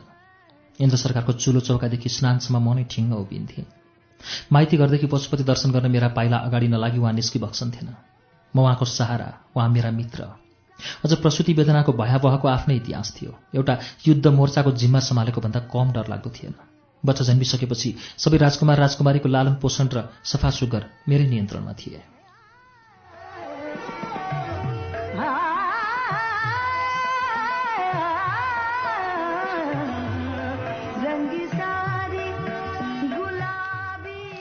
इन्द्र सरकारलाई प्रसुति व्यथाको आक्रमण हुनासाथ मरेतुल्य भई बक्सन्थ्यो होसको नामो निशान हुन्थेन। म नै उहाँको सेरोफेरो ढाकेर बस्ने गर्थेँ। तर मैले यसपल्टको इन्द्र सरकारको प्रसुति वेदना पहिलाको भन्दा निकै कठोर देखेँ। छ छवटा बच्चा बच्ची जन्माइसकेकी अनुभवी आमा भएर पनि उराट लाग्दो भ्रिकुटी सोरिएको गालाहरू अनि फुस्रो ओठ मलाई एक प्रकारको अनौठो त्रासमा डुबाएको थियो। बाहिरबाट हेर्दा उहाँको मानसिकता निकै गिरेको थियो।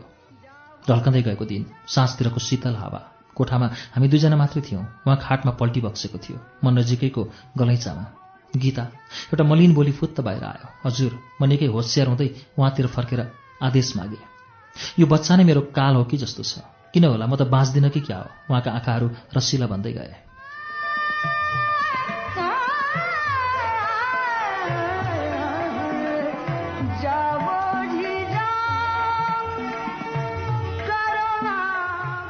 मैले भने हजुर पनि के के सोची बक्सिन्छ के के?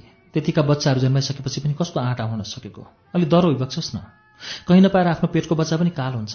म छँदैछु नि। हजुर कति पनि नआत्ती बक्सियोस्। केही हुँदैन। उहाँका आँखाबाट बर्र आँसुका थोपाहरू खसे। मुखमण्डल कालो निलो भएर आयो। म हत्तपत्त उठेर उहाँको नजिकै गएर हातका औँलाहरू समात्न पुगेँ। निधारमा हात लगेँ। हेर न किन किन अहिलेदेखि नै मेरो यो देब्रे कोखा सियोले घोचेको जस्तो सड्का हान्छ। त्यसरी घोच्न त नपर्ने।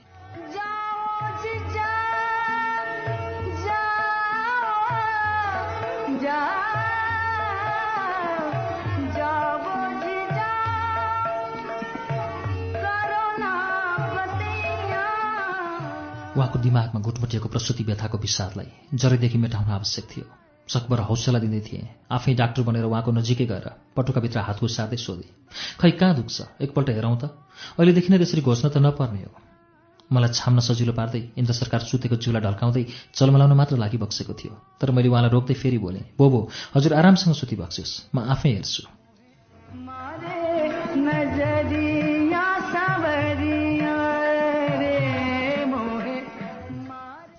युवरागीको काली लाग्दो अनुहार अलपत्रसँग लगाइएका लुगाहरू बेथितीले फालिएका हातगोडाहरू।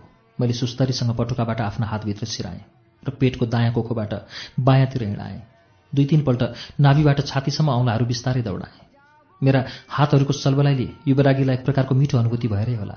आफ्नो हात पनि पेटमा घुसारी बक्स्यो र अघिदेखि दौडिरहेका मेरो हातलाई समात्दै विरक्तपूर्ण स्वरमा बोली बक्स्यो यी यहाँ छाम त यहाँ छुनै हुन्न मैले पनि उहाँले छामेको ठाउँमा आफ्नो हात अड्याउँदै उहाँकै लवजमा बोले यस्तो बेला अलिअलि त जहाँ पनि दुख्छ। यस्तो दुखाइ त खप्नै पर्यो नि।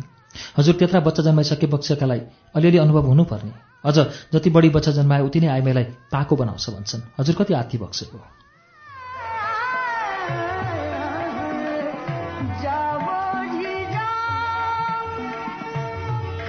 ना तर मेरो लोलो पोतोमा उहाँको विरक्त कम हुन सकेन। झन् उहाँका सुकेका ओठहरू झन् सुक्दै गए।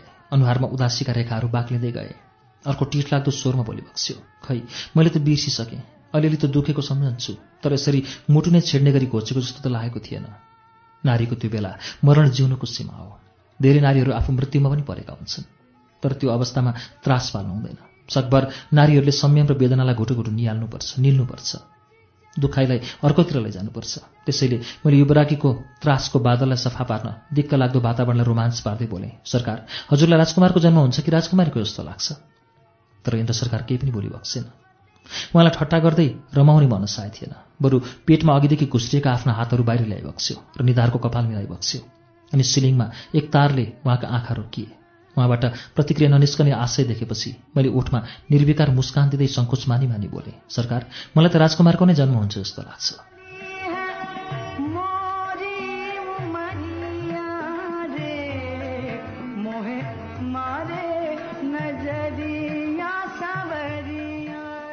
किन? कसरी थाहा पाइस् उहाँले सोधिबक्स्यो फेरि मैले उहाँको पेटमा छाम्दै बोलेँ यो उठेको भाग बच्चाको टाउको हो। यो तेर्सो परेर बसेको छ भने छोरी हुन्छ। ठाडो परेको छ भने छोरा। छामी बक्सियोस् त यो ठाडो परेको छ। पक्कै राजकुमारको जन्म हुन्छ। अब पाँचवटा राजकुमारहरू हुने भए दरबारमा। राजकुमारको सङ्ख्या बढ्नु भनेको दरबार बलियो हुनु हो होइन त सरकार? पाँचवटा इन्द्र सरकारले मतिर अप्रत्याशित रूपले टाउको फर्काइ बक्स्यो र अनौठो पारामा बोली बक्स्यो। किन? तँलाई जुम्ल्याए जस्तो लाग्छ? मैले आफ्नो पूर्व नियोजित अभिव्यक्ति हँसिलो हुँदै दिएँ। सरकार रविन्द्रलाई कसरी भुली बक्सेको? ऊ पनि राजकुमार नै हो नि हजुरकै छोरा।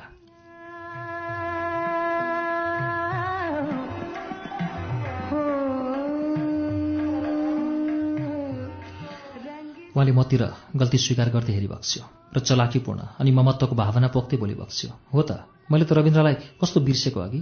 उसलाई किन बिर्सनुहुन्थ्यो झन् ऊ त जेठो छोरो जेठो बाटोलाई बिर्सन गयो भने दरबारको हालत कस्तो होला? भाइ बहिनीको समेत जिम्मेवारी हुन्छ। ऊ हेर्दा पनि निकै चलाक छ। मेरै जोडले क्षणिक भए पनि इन्द्र सरकारले रविन्द्रप्रति गरेको ममतामयी भावनाले म हर्ष विभोर भएँ। मलाई औधी खुसी लाग्यो।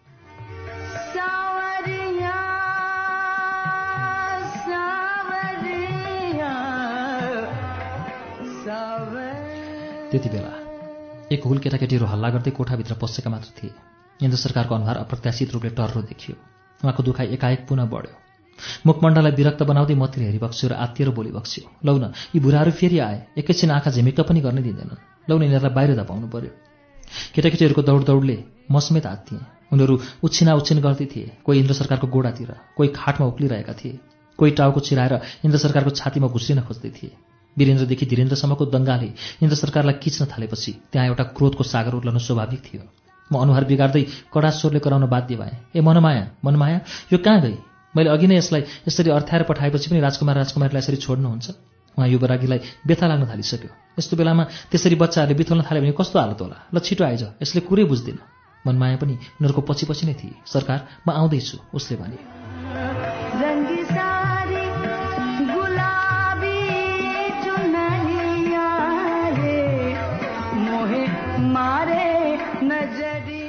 के गरे कि तैँले तेरो ढङ्ग त्यही हो। मैले आँखा कोप्रा बनाउँदै बोलेँ। ऊ केही बोलिन। हतारिँदै राजकुमार राजकुमारीतिर दौडी। वास्तवमा मनमायालाई पनि गाह्रो थियो। उनीहरू मनमायाको नियन्त्रणलाई छलेर आएका थिए। चर्को स्वरले तह लगाउन खोज्यो भने त्यही चर्को स्वर विष हुन्छ भन्ने डर। केही बेरपछि हामी सबैले केटाकेटीहरूलाई अधीनमा ल्याउन सफल भयौँ र उनीहरूको चित्त बुझाएर बाहिर पठायौँ। उनीहरू फेरि उही हल्लाखल्ला गर्दै अर्को कोठातिर आनिए केही छिनको लागि कोठा पुनः सुनसान भयो। चकमन्न। उहाँको अनुहारमा हल्का निरीक्षण गरे। गला र ओठहरू रसिला थिए। आँखामा अनौठो विश्राम। उहाँको नजिकै गएर बिस्तारै सोधे सरकार अहिले कस्तो छ? केही हल्का भएको छ? उहाँको टाउको गरुङ्गो भएर झुक्यो थोरै उहाँले उत्तर दिनुभयो।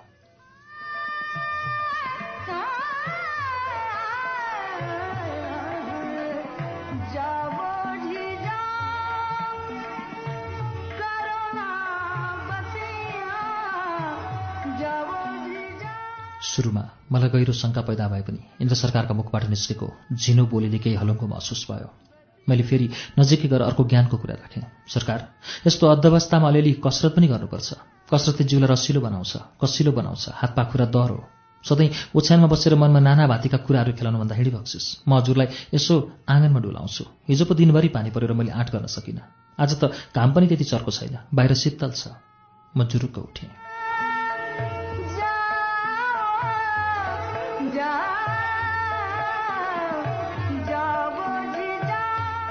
जानेर उहाँले लोसे बोलीले सोधिबक्स्यो र पुलुक मतिर हेरिबक्स्यो जानुपर्छ। मैले दृढ भएर बोलेँ जिउलाई जति चलायो उति मिठो निद्रा पर्ने त हो नि। शरीर त कसरत नगरेसम्म कहाँ हलुङ्गो हुन्छ र? कडा पनि हुँदैन केही बेरपछि उहाँ फरिया स्याहार्दै गुरुङ्गो भएर उठिबक्स्यो म हत्तपत्त निस्केको पटुका र नमिलेको चोलोलाई समाउँदै सहयोग गर्न पुगेँ। मैले खाटबाट अठ्याएर पाखुरामा समाउँदै ढोकासम्म ल्याएँ हामीहरू दुवैजना सिँढीबाट आँगनसम्म सँगै आयौँ। त्यस्तै दुई तिनपल्ट आँगनमा ओहोर दोहोर गऱ्यौँ होला। मैले धेरैपल्ट नै पाखुरामा अठ्याउँदै आँट दिएँ तर इन्द्र सरकारको चाहना त्यहाँभन्दा बढी जान सकेन। उहाँलाई शरीर थाकेको अनुभव भयो। गीता अब पुग्यो भित्र जाउँ।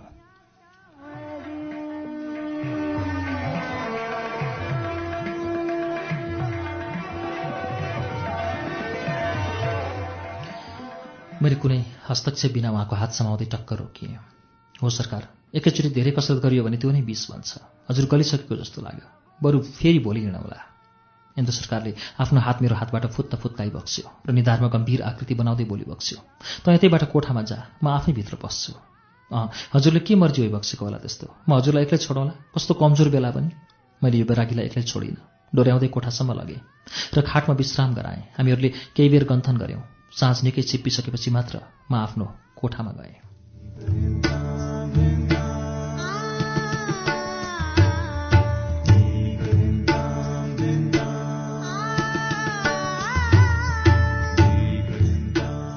कार्यक्रम श्रुति सम्वेकमा अहिले तपाईँले सुनिरहेको वाचन नगेन्द्र नेौपानेको उपन्यास दरबार बाहिरकी महारानीको वाचन हो। यसको बाँकी अंश केही बेरमा वाचन हुनेछ। उज्यालो सुन्दै गर्नुहोला।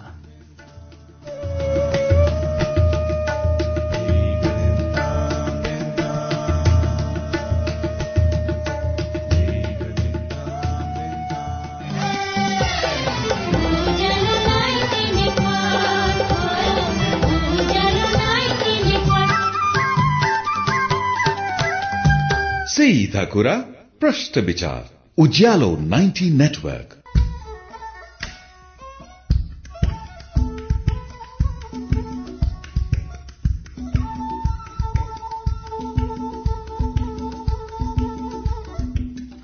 कार्यक्रम श्रुति सम्वेकमा पुनः स्वागत छ।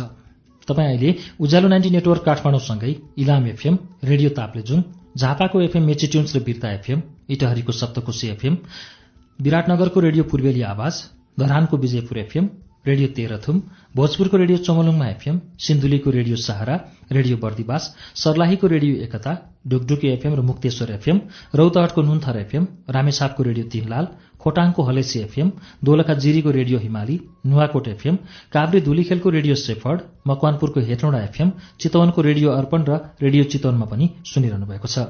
त्यसै गरी फलेवासको रेडियो पर्वत रुकुमको रेडियो सिस्ने पाल्पाको पश्चिमाञ्चल एफएम र रेडियो रामपुर पोखराको radio Tarang तनहुँको radio Bhanubhakta radio Dhorbarahi radio Bandipur र स्मार्ट एफएम गोर्खाको गोरखकाली एफएम बागलुङको रेडियो सार्थी एफएम र गलकोट एफएममा पनि श्रुति सम्वेक सुन्दै हुनुहुन्छ।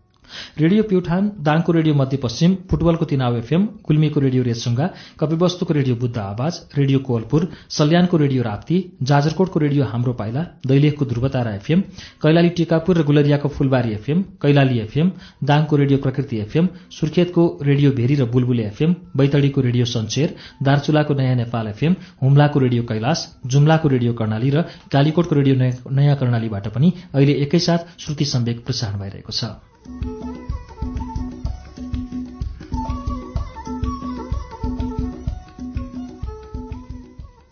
श्रुति सम्वेकमा हामी दरबार बाहिरकी महारानी उपन्यास सुनिरहेका छौं। अब यसको बाँकी अंश वाचन सुनौ।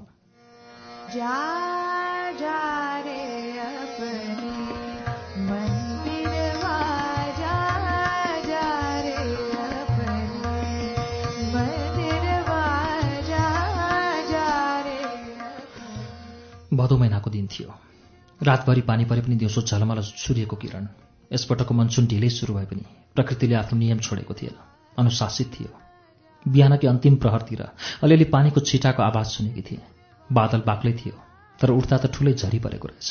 त्यो सामान्य हो। मनमा गरुङ्गो अत्यास र एक प्रकारको दुखित आतंक त पहिलेदेखि गुटमुठेको थियो। अझै इन्द्र सरकारको हिजोको मुखाकृतिले मभित्र झन् ठुलो भ्रान्ति फैलिएको थियो। हतार हतारमा बिहानको नित्य कामपछि मेरा पाइलाहरू दरबारका लागि उठ्दै थिए। त्यति बेला अप्रत्याशित रूपमा कोठाको ढोका असामान्य आवाजमा बज्यो ढक ढक ढक।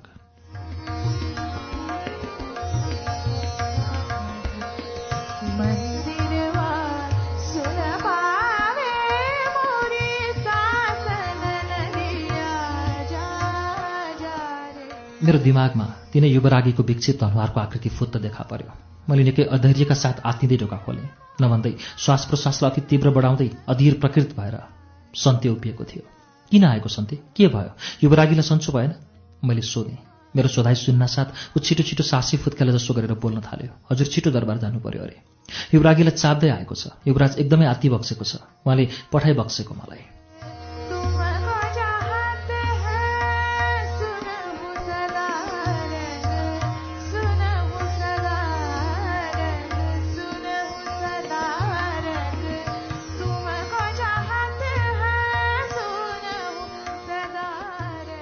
हतार हतार स्थिति बोध भयो। मैले उसँग अन्य सवाल जवाफको आवश्यकता ठानिनँ र सामान्य वेशभूषामै तुरुन्तै दरबारतिर दौडिहालेँ। सन्ते मेरो पछि पछि आयो। म त्यहाँ पुग्दा कोठाको अवस्था नाजुक थियो। युवरागी कोठाको बीचमा लम्पसार परेर इन्तु न चिन्तु भइबक्सन थियो। हिजैको पटुका हिजैको फरियामा केवल फरक यति थियो उहाँ पल्टेको ओछ्यान हिजो सिमलको भुवाको डस्नामा पल्टी बक्सेको थियो आज पातलो गद्दीमा। अनि फरक थियो हिजो अलिअलि रस भरिएको उहाँको अनुहार अहिले पुरै फिक्का। म बिस्तारै उहाँको नजिकै गएर बसेकी के मात्र थिएँ। उहाँका आँखाका परिलाहरू मन्द गतिमा खोलिए। टाउको बिस्तारै जा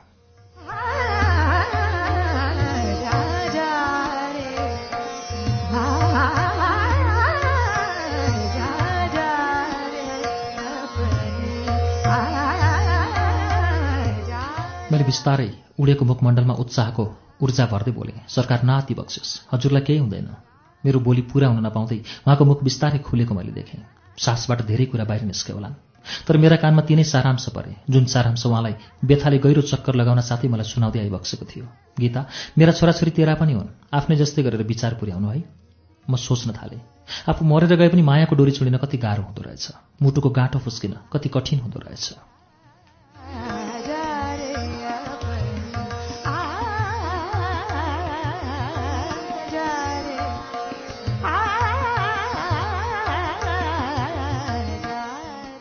उहाँको काली लाग्दो मुखमण्डल बिस्तारै बिस्तारै विभत्स हुँदै गएको मैले देखेँ। सास जान कि गाह्रो भएको थियो?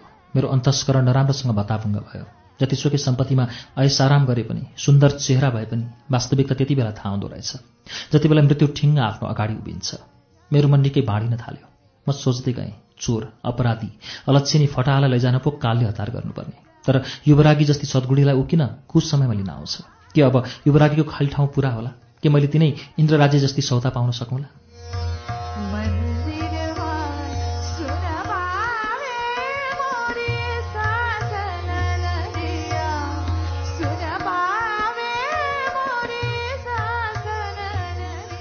इन्द्र सरकारको सासको अन्तिम घुटको घाँटीमा अड्केको थियो। उहाँ अत्यन्त पीडा र वेदनाले बेहोस भइबक्सन्थ्यो त्यस्तै महेन्द्र सरकारमा ठूलो बेचैनी तातो खरानीमा परेका माछाको छटपटभन्दा कम थिएन। उहाँको शास्ति।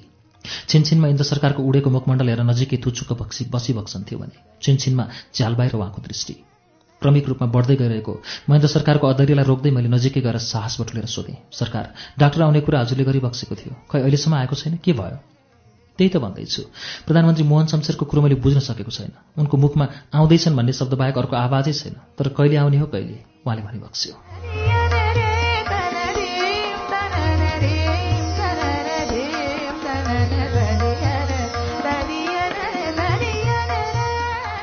बोल्दा बोल्दै महेन्द्र सरकार जुरुको उठी बक्स्यो पुनः फोन समात्न पुगी बक्स्यो र बडो अधैर्यका साथ कुरा सुरु भयो। तर फोनमा सभ्य भाषाको प्रयोग त्यति हुन सकेन।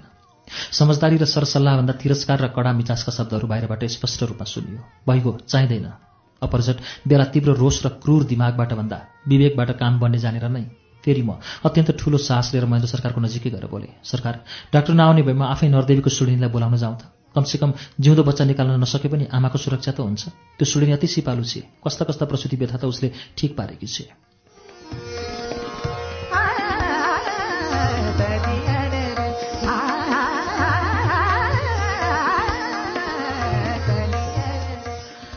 मेरो कुरा सुनेपछि महेन्द्र सरकारको बेताडले दौडेको छटपट एकाएक साम्य भयो।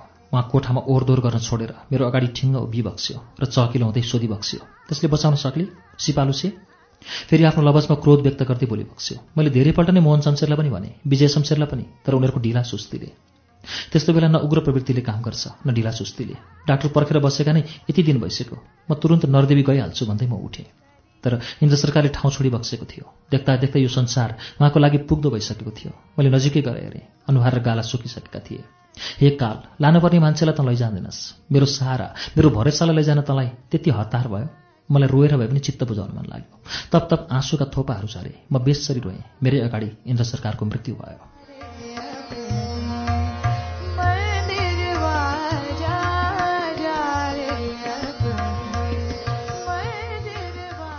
केही बेरपछि डाक्टर र नर्सहरूको एउटा दलबल दरबार पसेको मैले देखेँ। उनीहरू हतार हतार गर्दै बिरामीलाई खोज्दै कोठा कोठा चारिरहेका थिए। उनीहरूको मनमा पनि निकै रोष र भयावहको सृजना भएको हुनुपर्छ।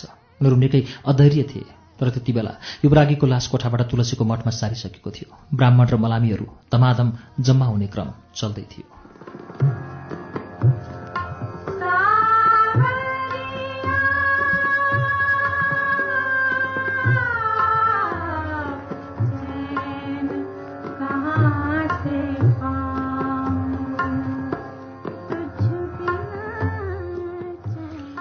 सरकारको देहावसानपछि महेन्द्र सरकारको मानसिकता यति नै राम्रोसँग बिग्रियो कि उहाँको बोली र काममा कुनै ठेगानै हुन्थेन खाना रुचि नै थिएन।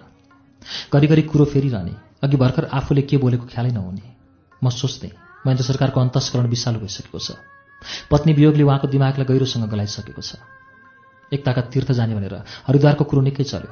डिठा र सिपाहीहरू दौडादौड गरेर हरिद्वार नै पुगिसकेका थिए र त्यहाँ सरकारको लागि खाना र बस्नेको व्यवस्था भइसकेको थियो। तर दिमागमा के सन्को चल्यो? त्यो त्यत्तिकै सेलायो गइसकेका डिठा र सिपाहीहरू भकाभक फर्किए। त्यति बेलै गोसाइकुण्डको लागि भारीहरू पनि कसाकस कहाँ नभएको हो र? भारियाहरू सबै तयार थिए। त्यो पनि अकस्मात रद्द भयो। सबै भारीहरू खोलिए। त्यति बेलाको महेन्द्र सरकारको विक्षिप्त मनोवृत्ति देख्दा त्यो नियन्त्रणमा आउनु निकै कठिन छ भन्ने लाग्थ्यो। अघिल्लो दिनको आदेशअनुसार म एका बिहानै दरबार पुगेँ।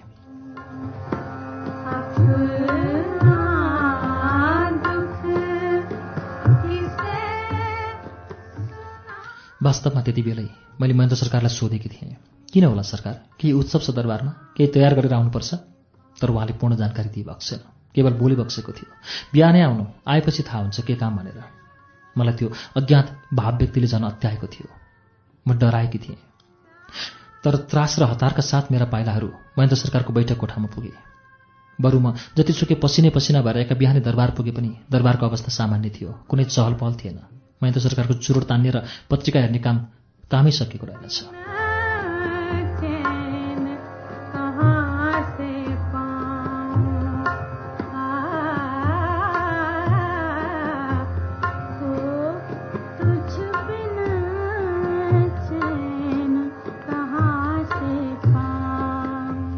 हिजोको अबोध मनोभावना र अन्यलको वातावरणले केही अत्याए पनि अहिलेको कोठाको परिवेशले सानो अन्दाजको भरमा मलाई ज्ञान भयो। महेन्द्र सरकारको सवारी कुनै मन्दिरमा हुँदैछ। म मन्दिरको लागि भेटी अक्षता र पूजाको सामग्री तयार गर्न थालेँ। ठिङ्ग उभिनु अवश्य ठिक थिएन।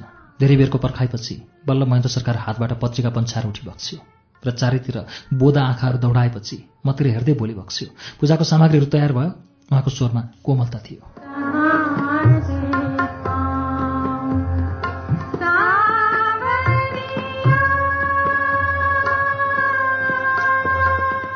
मैले सबै ठिक पारेँ। गाडीमा नै राख्ने होला नि होइन र? ड्राइभर बोलाउँ आफ्नो दबाईको स्वर निकाल्दै प्रश्न राखेँ। हो हो सबै गाडीमा नै राख्ने हो। खै ठुला बाबुलाई तयार गरायो? ऊ पनि जाने हो। तिमी पनि सँगै हिँड सबैजना भन्दै उहाँले वीरेन्द्रको बारेमा सोध्नुभयो। मलाई सपना जस्तो लाग्यो। अमिल्दा तरङ्गहरू एक्कासी कानमा ठोक्किन आइपुग्दा एक किसिमको सतर्कताले गम्भीर बनाउँदो रहेछ। म क्षणभरको लागि पुनः ठिङ्ग उभिएँ।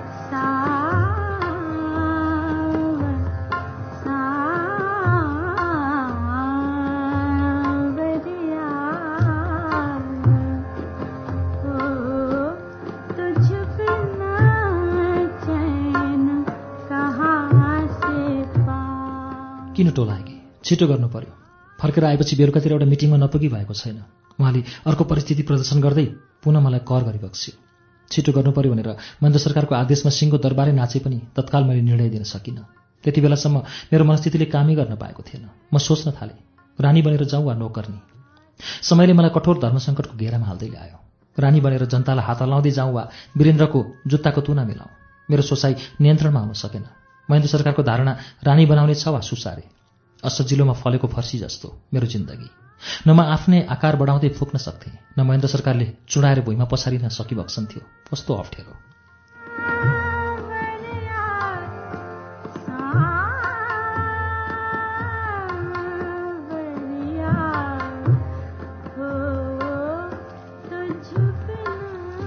धेरै बेरको सन्नाटापछि बोले आज मलाई त्यति सन्चो छैन। किनकिन बिहानैदेखि टाउको गरुङ्गो भइरहेको छ। पूजाको सम्पूर्ण सामान ठिक पारेर गाडीमा राखिदिएको छु। म किन जानु पर्यो र? आफूले सोचेअनुसार प्रतिक्रिया नपाएपछि महेन्द्र सरकारलाई अपमानको बोध हुनु स्वाभाविक थियो। बोजिलो स्वरमा बोली बक्स्यो। किन? कसैले सम्मान दिएको छ त्यो लिन सक्नु पनि क्षमता हो। मैले जाउँ भनेपछि।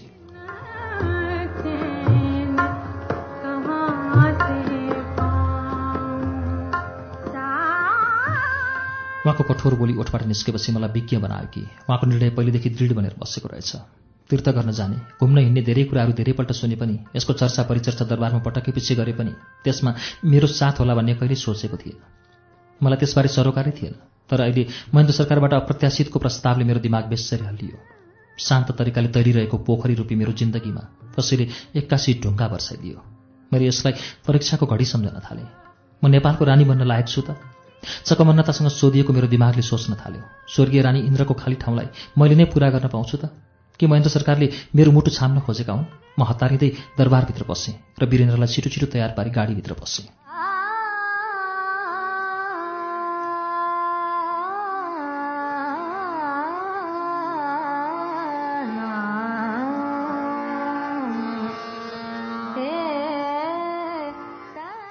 गाडीले घ्यार गर्दै नारायणटी दरबार छोडेर अगाडि बढ्यो।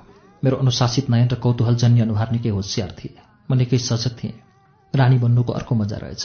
त्यसमा पनि राजाकै साथ आँखा लडाउँदै अगाडि बढ्नु राजाकै साथमा सयर गर्नु जिन्दगीको अर्कै बिहार।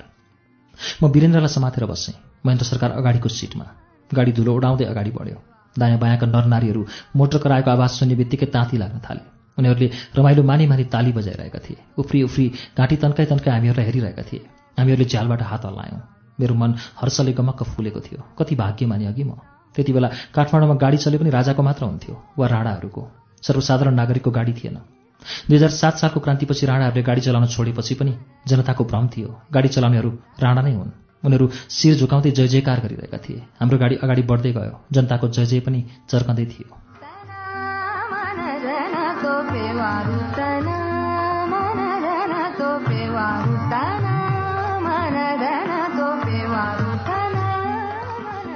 पहिला दक्षिणकाली जाने सोच थियो तर पछि परिवर्तन भएर सूर्यविनायक जाँदैछौँ। केही बेर पछिको सुनसानपछि महेन्द्र सरकारले गाडीको अगाडिको सिटबाट पछाडि फर्केर मलाई जानकारी गराइरहेको बक्स्यो। सूर्यविनायक आज मैले टाउको उठाउँदै बोलेँ तर मेरो टाउको उठाइमा महेन्द्रको कुनै प्रतिक्रिया आएन। उहाँका आँखाहरू दायाँ बायाँको हरियो फाँटमा परिरहे वास्तै नगारी अगाडि बढी बक्स्यो।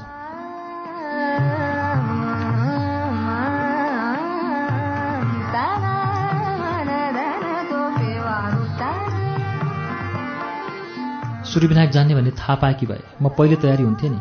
आज सूर्यविनायक गएर के गर्ने? सूर्यविनायकको दर्शनका लागि त मङ्गलबार पो राम्रो हुन्छ। भोलि सवारी भएको भए आज सोमबार। एकै दिनको कुरो त हो। म चुकचुकाउँदै बोल्दै गएँ।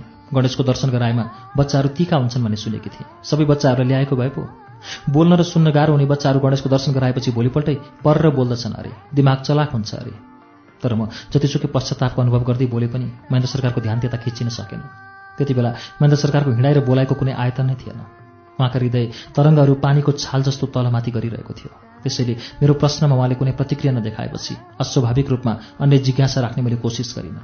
तर मेरो मनमा एउटै कुराले चाहिँ खुब घोष्न थाल्यो। कौतूहलले समातिरह्यो महेन्द्र सरकारले अरू छोराछोरीलाई किन ल्याइबक्सेन?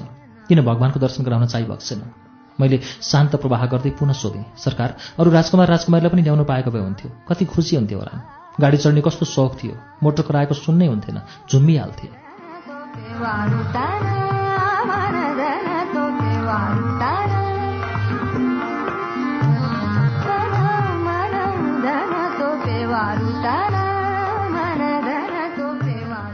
अझै पनि उहाँबाट कुनै प्रतिक्रिया आएन।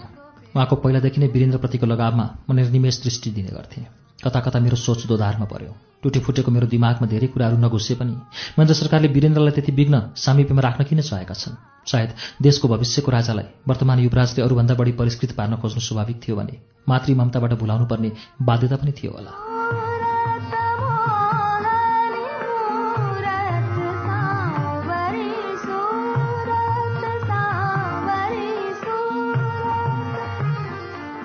लामो यात्रापछि सूर्यविनायक आइपुग्यो। मन्दिर पुग्न पहिल्यै महेन्द्र सरकारले गाडीलाई किनारा लगाइबक्स्यो हामीहरू पैदलै अगाडि बढ्यौँ। त्यति बेला गाडी हेर्नेको भिड जम्मा भइसकेको थियो। टाढा टाढाबाट मान्छेहरू स्वाँ स्वाँ गर्दै दौडिरहेका थिए। अनौठो मानी मानी गाडीको वरिपरि झुम्बिरहेका थिए। तर म भने डराउँदै जान थालेँ। जनताहरू हात जोड्दै मेरो अगाडि आयो भने म के गरौँ? कुन रूप लिएर उनीहरूको अगाडि प्रस्तुत हौँ? नोकर्नी वा रानी? मलाई पछुतो लाग्न थाल्यो। म आउने नहुने। मान्छेको समूहले देख्ने गरी महेन्द्र सरकारसँग हिँड्नै नहुने। मलाई मेरो आफ्नो चिन्ताभन्दा पनि महेन्द्र सरकारको व्यक्तित्वले सताउन थाल्यो। यसै त उत्ताउलो भनेर महेन्द्र सरकारलाई यो समाजले आतंकित गरिरहेको छ भने। अहिले नोकर्नीलाई नै रानी बनाएर हिँडेको देख्दा कतिसम्म नालायक सोच्ला। उहाँ एक्लै आउनुपर्ने। मेरो अनुहार रातो बन्दै गयो।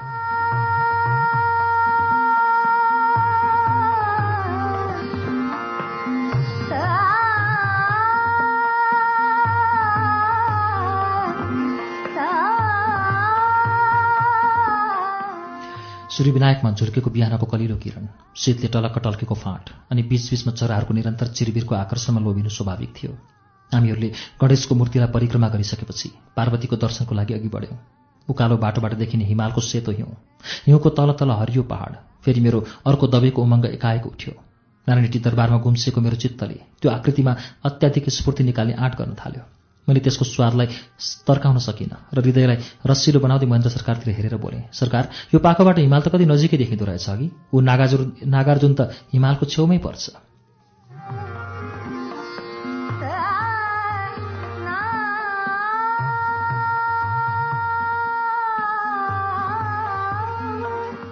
तर महेन्द्र सरकारमा मेरो उमङ्गभित्र समावेश हुने अभिलाषा देखिनँ। उहाँ जनताको नमस्कार र दर्शनको लागि नै व्यस्त भइबक्सन्थ्यो मैले सोचेँ म निकै नै अगाडि बढेछु कि क्या हो? मलाई समयसँग चल्न आउँदैन। केही बेरपछि हामीहरू पुरानै बाटो नारायणटी दरबार फर्क्यौँ तर मैले यसपल्ट रानीको सपना छोडिसकेको थिएँ। भित्रभित्र मेरो आत्माले नै मलाई भनिरहेको थियो जबसम्म मान्छेले आफ्नो हैसियत चिन्दैन त्यो बेलासम्म आफ्नै ठाउँमा बस्नुपर्छ। म रानीको लागि योग्य छैन मेरो आत्मा डरो छैन।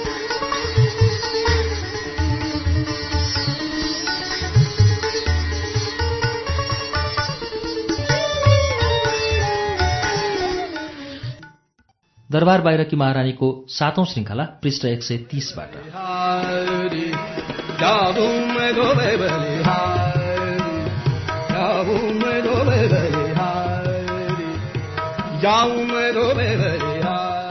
मेरो दिनचर्यामा त्यस्तो ठुलो अदल बदल थिएन। युवराजसँग श्रीमतीको नाता जोडिए पनि र दरबारमा कसिलो पकड भए पनि मलाई कहिल्यै अहङ्कारको माता आएन। म उत्ताउली भइन विगतमा छोरोको जन्म नभइन्जेल जीवनमा मैले उतार चढाव सहन गरेकी थिएँ। तर अहिले सन्तासको कालो बादल हटिसकेको थियो। नारायणटी दरबार मेरो लागि भरपर्दो वासस्थान थियो। सुसारेको पद लिएर दरबारमा पाइला टेकेको केही वर्षमै महेन्द्र सरकारको भित्रिनी भएर बसे। पछि मेरो स्थान पत्नीमा सर्न गयो। तर युवराज्ञी हुने मेरो आफ्नो आँट आएन। बरु मेरो नाता नेपाल अधिराज्यसँग जोडिन गयो। म नेपालका नवयुवराज वीरेन्द्रकी ठुली आमा बन्न पुगेँ। त्यति बेलासम्म इन्द्र सरकारका थुप्रै राजकुमार राजकुमारीहरूको जन्म भइसकेको थियो। त्यति मात्र नभई इन्द्र सरकारको मृत्युपछि उनले जोडिदिएको विश्वासको गाँठो झन् कसिलो भएको थियो। म नेपालकी अघोषित युवरागी नै थिएँ। सबै राजकुमार राजकुमारीहरू मेरै वरिपरि थिए। मलाई सबैले मैले आशा गरेको भन्दा बढी नै मान र सम्मानमा राखेका थिए।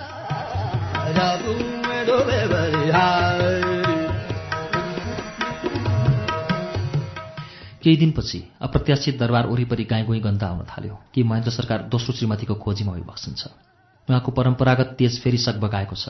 उहाँका आँखाहरू काठमाडौँका धनाड्य राणाहरूको छोरीहरूदेखि लिएर भारतसम्म पर्दैछन् भन्ने ठूलो बिगबिगी थियो। तर हल्लालाई झ्वाट्ट हेर्दा मलाई नै प्रहार गरिएको जस्तो देखिन्थ्यो। हल्लामा विचित्रको लोलोपोतो पनि पोतिएको हुन्थ्यो। गहिरा गहिरा प्रतिक्रियाहरू आउन थालेका थिए। साथीसङ्गीहरू मसँग गफ गर्दा कर्के आँखाले हेर्ने गर्थे। महिला भएर एउटा पुरुषलाई स्याहार नसक्ने भनेर हाँसोमा उडाउँथे। मौका यही हो। रानी बन्ने अवसर नगुमा भनेर आँट दिने पनि थिए। तर मलाई न कहिले रानीको भूत चढ्यो न ईर्ष्याको। उनीहरूलाई क्रोधपूर्ण प्रतिक्रिया पनि देखाइन किनकि मेरो चाहना त्यो थिएन कि युवराज अर्को बिहे नगरी जिन्दगीभर नै विदुर रहन्।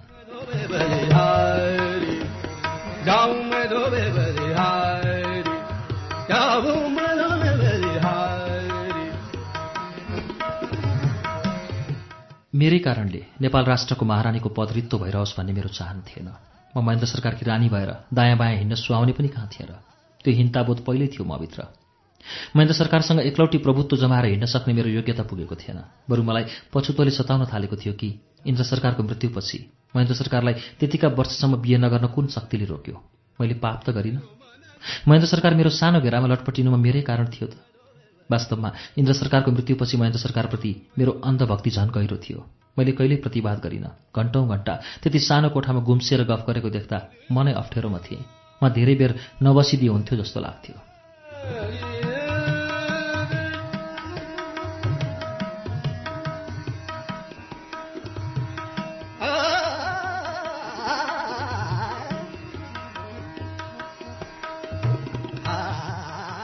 एक दिन लामो बसाइपछि गरुङको भार बिसाउन खोजे जस्तो गरेर उहाँका आँखाहरू धेरै बेर टोलिएर रहे अनुहार निकै गहिरो देखियो।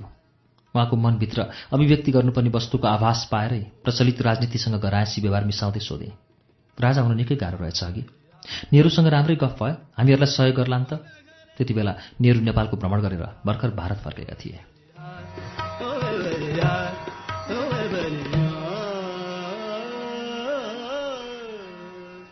तर उहाँको बोलीले अनौठो प्रकारले दिशा परिवर्तन गर्यो। हुन त संयोग नै त्यस्तो पर्न गएको हो। मैले नेहरूको कुरा निकाल्न नहुने। पछि मात्र मेरो बुद्धि आयो। त्यति बेला महेन्द्र सरकार र नेहरूको बीचको गफलाई मान्छेहरूले बाहिर निकै बिगारेर फैलाएका थिए। महेन्द्र सरकारको भेटमा नेहरूले हात मिलाइसकेपछि निकै हँसिलो भएर हिन्दीमा सोधेका थिए अरे युवराज आपने तो अपनी युवरागी से हमको मुलाकात नहीं कराए। कहाँ है युवरागी? युवराज तपाईँले आफ्नो युवरागीसँग परिचय गराउनु भएन नि? खै त तपाईँको युवरागी?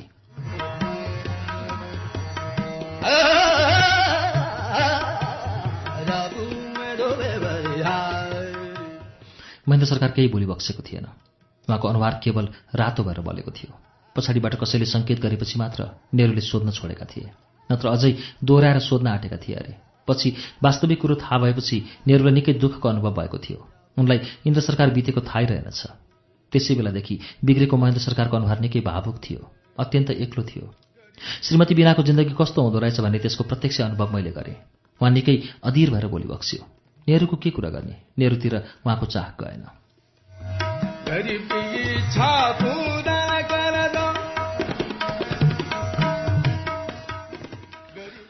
केही बेर रोकिएपछि फेरि विषयवस्तु परिवर्तन गर्दै सुनाइबक्स्यो गीता बाध्यताले मलाई शिकार बनाइ छाड्यो।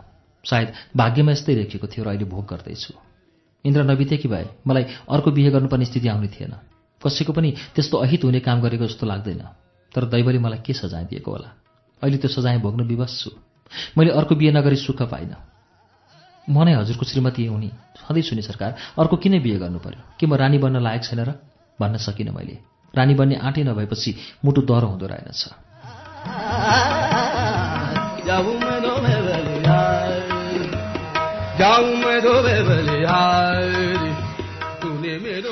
वास्तवमा मलाई महेन्द्र सरकारले दोस्रो बिहेको जानकारी गराउनुपर्ने आवश्यकता नै थिएन। एकैचोटि दुलै भित्राएपछि मैले थाहा पाएको भए पनि मेरो के पो गर्ने ताकत थियो र तर मलाई औधी खुसी लाग्यो। उनले कमसेकम मलाई पूर्वमेसो दिए। मैले निकै हलुङ्गो हुँदै बोलेँ सरकार म हजुरकी दासी हजुरको सेवा गर्नको लागि दरबारभित्र पसेकी हुँ। हजुर खुसी हुँदा हजुरले रमाइलो मान्दा म पनि खुसी हुन्छु। यो मेरो कर्तव्य पनि हो। म सधैँ हजुर रमाइलो भएको खुसी भएको हेर्न चाहन्छु। हजुरलाई म बिहे नगर भन्नुला र हजुरले मलाई सोधिबक्सेको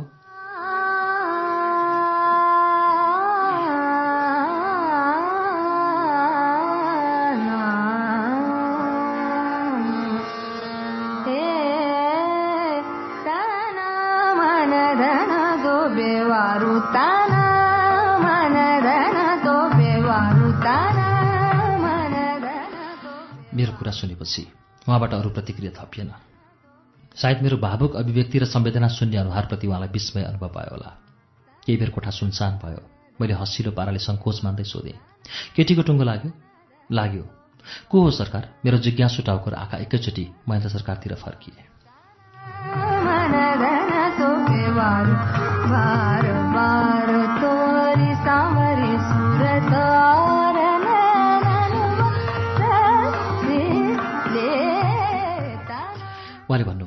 यस्तो अवस्थामा अर्को परिवारमा हात हाल्नु हुँदैन। टाढा पनि जानु हुँदैन। इन्द्रको परिवारलाई छोडेर अर्को परिवारमा गयो भने अवश्य दरबार चिरा पर्छ। म त्यो चाहन्न। मैले इन्द्रकी बहिनी रत्नलाई नै बिहे गर्ने निर्णय गरेँ। रत्न म झस्केँ तर महेन्द्र सरकारले मेसो पाइबक्सेन बल्ल मलाई छर्लङ्ग भयो। भित्रभित्र रत्न र महेन्द्र सरकारको कुरो लिएर निकै गाईगुई चलेको थियो। निकै कथा बनेका थिए। टिका टिप्पणी पनि हुने गरेका थिए। तर एकपल्ट नाता मरिसकेपछि त्यहीँ हात हालिबक्सेला भनेर मलाई विश्वासै थिएन। महेन्द्र सरकारको साथ लागेर धेरैपल्ट नै उनको माइत घर बागदरबार गएकी थिएँ। बागदरबारमा रत्नसँग मेरा बातचित पनि हुने गर्थ्यो। तर त्यति ज्यानै फालेर लाग्नुपर्ने के थियो र? घरिघरि एउटै घरमा नाता जोड्नुपर्ने कुनै कारण देखेको थिएन। तर अहिले महेन्द्र सरकारका मुखबाट उनैको नाम आउनासाथ मलाई बेसरी झस्का दियो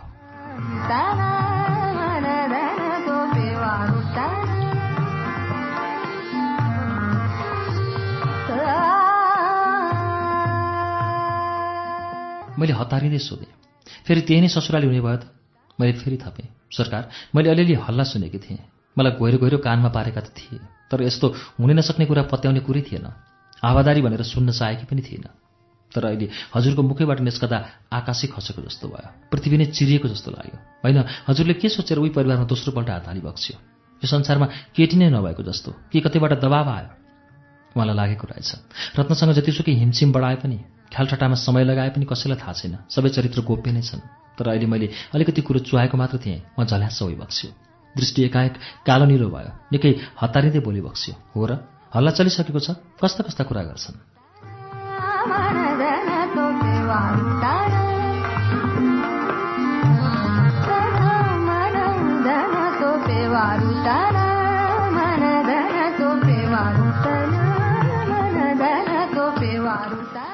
सरकारले देखाएको उत्सुकतामा मेरो कुनै उत्साह हुन सकेन।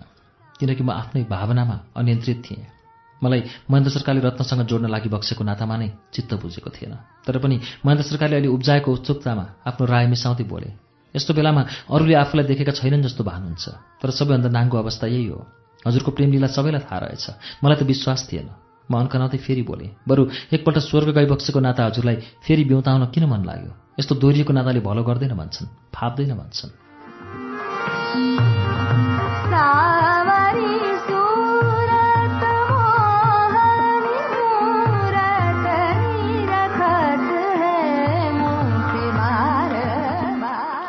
एकातिर महेन्द्र सरकारको आफ्नो गोप्यता सर्वाङ्ग खुल्नु। अर्कोतिर आफूले गर्न लागेको रत्नसँगको बिहेमा प्रश्न चिन्ह देख्नुले महेन्द्र सरकारको अघिसम्मको उत्साह निकै सेलायो। आफ्नो योजनाप्रति अप्रत्याशित ठेस लागेकोमा निकै सम्हालिएर बोली बक्स्यो मैले निकै लामो हिसाब किताब मिलाएर नै यो निर्णयमा पुगेको हुँ। मलाई समय र राजनीतिको पूर्ण ज्ञान छ। उहाँको बोली केही भावुक बन्दै गयो। दरबारभित्र नाताको सम्बन्धभन्दा शक्तिको स्थान ठुलो हुन्छ। यदि मैले इन्द्रको बहिनी रत्नलाई बिहे नगरी अर्को दोस्रो परिवारकी केटीसँग बिहे गरेँ भने त्यहाँ शक्तिको खिचातानी नहोला भन्न सकिएला? नयाँ दुलै रानीको अधिकार नै लिएर भित्रिएको हो भने त्यसबाट जन्मेको सन्तानले राजा हुने होडबाजी नगर्ला?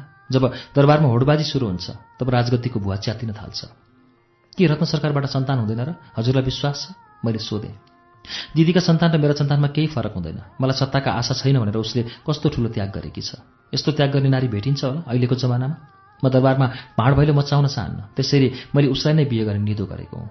महेन्द्र सरकारबाट रत्नको प्रशंसा र उत्सर्गमा निकै फुलबुट्टा भर्ने अझ चाहना हुँदाहुँदै पनि मैले बिचैमा बोलेँ सरकार हृदयमा आपराधिक तत्त्वले बास गरेको छ भने एउटै आमाबाट जन्मेका सन्तान पनि आफू आफूमा काटमार गर्दछन्।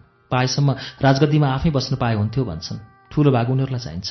यस्तो घटना इतिहासमा कति घटे कति दरबारमा पनि र सहरमा पनि घटे। तर कुशल पुत्रहरूको त्यस्तो भ्रष्टमती कहिल्यै आउँदैन। सौतेनी भाइहरू भएर पनि तिनीहरूबीच प्रगाढ प्रेम हुन्छ ममत्व हुन्छ। त्यो कुरो मैले भनिरहन पर्दैन। र हाम्रो लक्ष्मण दुई आमाहरूको छोराहरू थिए। तर उनीहरू एउटै कोखबाट जन्मेका जस्तो देखिन्थे। छुट्याउन गाह्रो पर्थ्यो किनकि तिनीहरूबीच मानवीय चेतना थियो।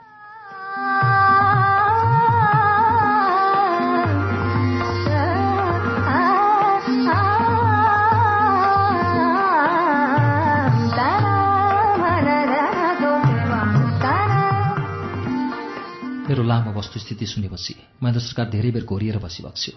सायद मैले अकस्मात भरिदिएको वैचारिक भएले उहाँको मानव मस्तिष्कमा ढुङ्गामुढा प्रहार भयो होला खैला बैला मच्चाइदियो होला। तर मेरो अभिप्राय उहाँको हृदयमा चोट पुर्याउने थिएन। केवल आत्मसफा पार्नु मात्रै थियो। त्यसैले कोठाको सुनसान वातावरणलाई चिर्दै कुरो अर्कैतिर लग्दै बोले हजुरले बुबालाई सोधिबक्से किन सोध्नु पर्यो बुबालाई? बिहे मेरो हो कि बुवाको? बाहिर कोही मान्छे भएको भए झन्डै झन्डै सुन्थे होला। उहाँको स्वर चर्को थियो। सोध्नै पर्दैन बुबालाई। केटी छान्ने अधिकार मेरो हो उहाँको होइन।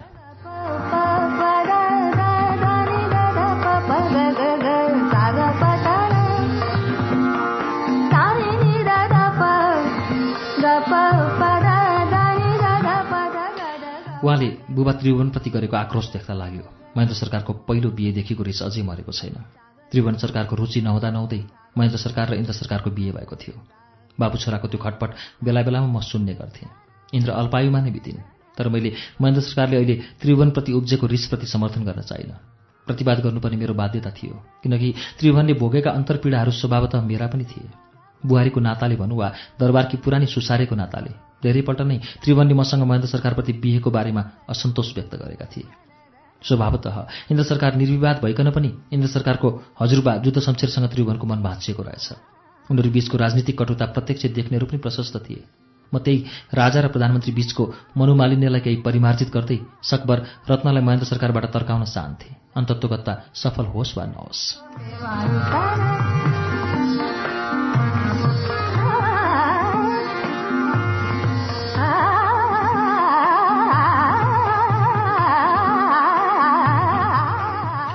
सरकार आफूभन्दा ठुलाबडाको राय लिनु। सल्लाह खानु हाम्रो कर्तव्य र परम्परा दुवै हो। कमसेकम उनीहरूको हाम्रोभन्दा बढी नै अनुभव हुन्छ। ज्ञान शक्ति पाएको हुन्छ। इन्द्र सरकारलाई बिहे गर्दा पनि बुबा सरकारको मन त्यति सफा रहेनछ। सायद त्यो मन सफा नहुनु नै दरबारलाई नफापेको पनि हुनसक्छ। फेरि त्यही नफापेको घरमा दोहोऱ्याएर नाता जोड्नु त्यति बुद्धिमानी चाहिँ होइन। बुबा सरकारले के भनिबक्छ होला?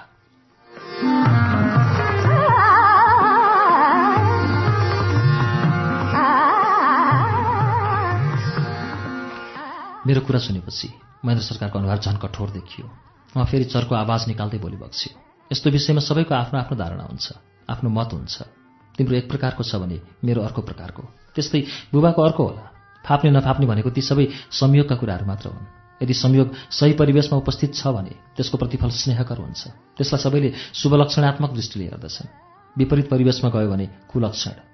ती सबै हाम्रै बसका कुराहरू हुन्। वरिपरिका दुर्घटना हुन्। के समयमा नै डाक्टर आएको भए मैले इन्द्रलाई गुमाउनु पर्थ्यो होला र छोराछोरीहरू टुरा हुन्थे होला। त्यसैले फाप्ने नफाप्ने कुरालाई अगाडि सारेर कुनै पनि व्यक्तिको चरित्रमा बोल्नु हुँदैन। उनीहरूलाई फाल्तु मान्नु हुँदैन।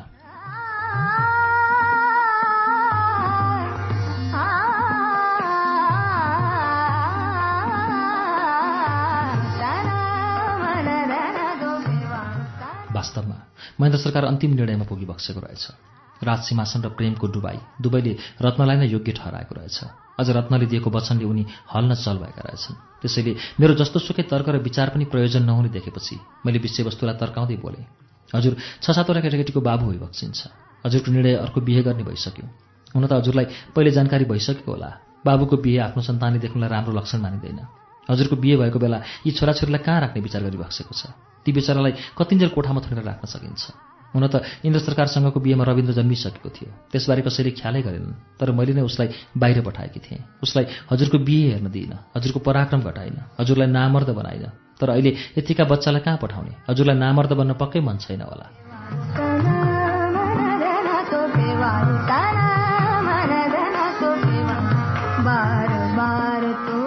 के अरे? महेन्द्र सरकारले मुख निकै अमिलो बनाउँदै मतिर बोली बक्स्यो। मैले फेरि त्यही कुरा दोहोऱ्याउन थालेँ। हजुरले बिहे गर्ने निर्णय गरिबक्सेको छ तर बाबुको बिहे भो भो मैले कुरा बुझिसकेँ। म टक्क रोकिएँ। कोठाको वातावरण एकछिनलाई चकमन्न भयो। हामीहरू दुवैजना आफ्नो आफ्नो मानसिक द्वन्द्वमा निकै टाढा टाढा बग्दै गयौँ। सायद महेन्द्र सरकार सङ्घर्ष बिहेको बेला कसरी छोराछोरीबाट टाढा हुने र आफू पराक्रमी बन्ने थियो होला। तर मेरो दिमागमा भने एउटै परिवारमा दोहोरिएर लगाउन आँटिएको नाताले खिन्नता भरिएको थियो। ओ यस्तो बेला पक्कै बुबा आमा हजुरलाई सोध्नुपर्छ। धेरै बेरपछि धैर्य धारण गरेर महेन्द्र सरकार बोली बक्स्यो। सबै कुरामा जबरजस्ती गर्दा अवश्य ज्वाला निस्कन सक्छ।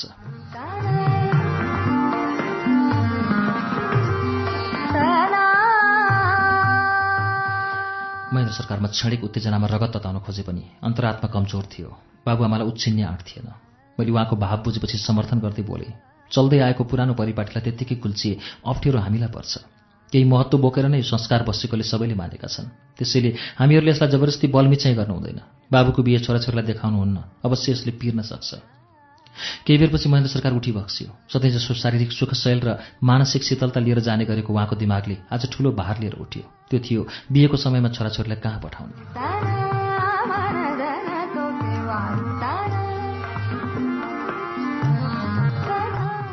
पछि थाहा पाएँ यसबारे महेन्द्र सरकार र राजा रानी बीच निकै ठुलो चर्को चर्चा चलेछ। वृहत खोजी नीति भएछ तर उनीहरूले पुरानो परिपाटी तोडेनछन्। सुरुमा राजकुमार राजकुमारीलाई मावली घर हरिहर भवनको दरबारमा राख्ने कुरा भएछ। तर त्यही घरबाट दुलै अन्माएर आउने भन्ने भएपछि रत्नले ठाडै अस्वीकार गरिछन्। भिनाजुलाई स्वयम्वरको माला पहिराउनु छ। त्यसमा पनि छोराछोरीको अगाडि उनको ब्रह्माण्डै तातेछ।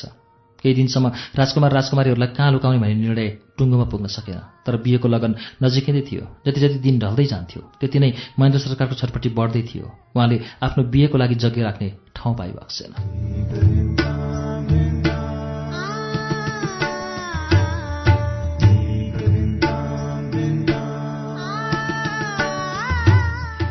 कार्यक्रम श्रुति सम्वेकमा अहिले तपाईँले सुनिरहेको वाचन नगेन्द्र नेौपानेको उपन्यास दरबार बाहिरकी महारानीको वाचन हो। यसको बाँकी अंश केही बेरमा वाचन हुनेछ। उज्यालो सुन्दै गर्नुहोला।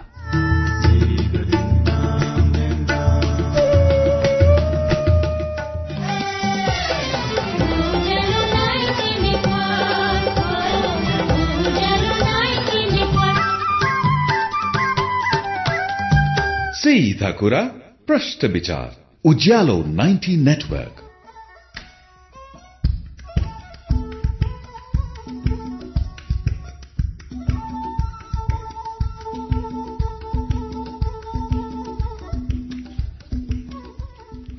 कार्यक्रम श्रुति सम्वेकमा पुनः स्वागत छ। तपाईँ अहिले उज्यालो नाइन्टी नेटवर्क काठमाडौँसँगै इलाम एफएम रेडियो ताप्लेजुङ झापाको एफएम मेची ट्युन्स र वीरता एफएम इटहरीको सप्तकोशी एफएम र रेडियो पूर्वेली आवाज धरानको विजयपुर एफएम रेडियो तेह्रथुम भोजपुरको रेडियो चोमलुङमा एफएम सिन्धुलीको रेडियो सहारा रेडियो बर्दिवास सर्लाहीको रेडियो एकता ढुकढुकी एफएम र मुक्तेश्वर एफएम रौतहटको नुन्थर एफएम रामेछापको रेडियो तीनलाल खोटाङको हलेसी एफएम दोलखा जिरीको रेडियो हिमाली नुवाकोट एफएम काभ्रे धुलीखेलको रेडियो सेफर्ड मकवानपुरको हेत्रौँडा एफएम चितवनको रेडियो अर्पण र रेडियो चितवनमा पनि सुनिरहनु भएको छ। त्यसै गरी फलेवासको रेडियो पर्वत रुकुमको रेडियो सिस्ने पाल्पाको पश्चिमाञ्चल एफएम र रेडियो रामपुर पोखराको radio Tarang तनहुँको radio Bhanubhakta radio Dhorbarahi radio Bandipur र स्मार्ट एफएम गोर्खाको गोरखकाली एफएम बागलुङको रेडियो सार्थी एफएम र गलकोट एफएममा पनि श्रुति सम्वेक सुन्दै हुनुहुन्छ। रेडियो प्युठान दाङको रेडियो मध्यपश्चिम बुटवलको तिनाव एफएम गुल्मीको रेडियो रेसुङ्गा कपिलवस्तुको रेडियो बुद्ध आवाज रेडियो कोवलपुर सल्यानको रेडियो राप्ती जाजरकोटको रेडियो हाम्रो पाइला दैलेखको ध्रुवतारा एफएम कैलाली टिकापुर र गुलरियाको फुलबारी एफएम कैलाली एफएम दाङको रेडियो प्रकृति एफएम सुर्खेतको रेडियो भेरी र बुलबुले एफएम बैतडीको रेडियो सन्सेर दार्चुलाको नयाँ नेपाल एफएम हुम्लाको रेडियो कैलाश जुम्लाको रेडियो कर्णाली र कालीकोटको रेडियो नयाँ कर्णालीबाट पनि अहिले एकैसाथ श्रुति सम्वेक प्रसारण भइरहेको छ।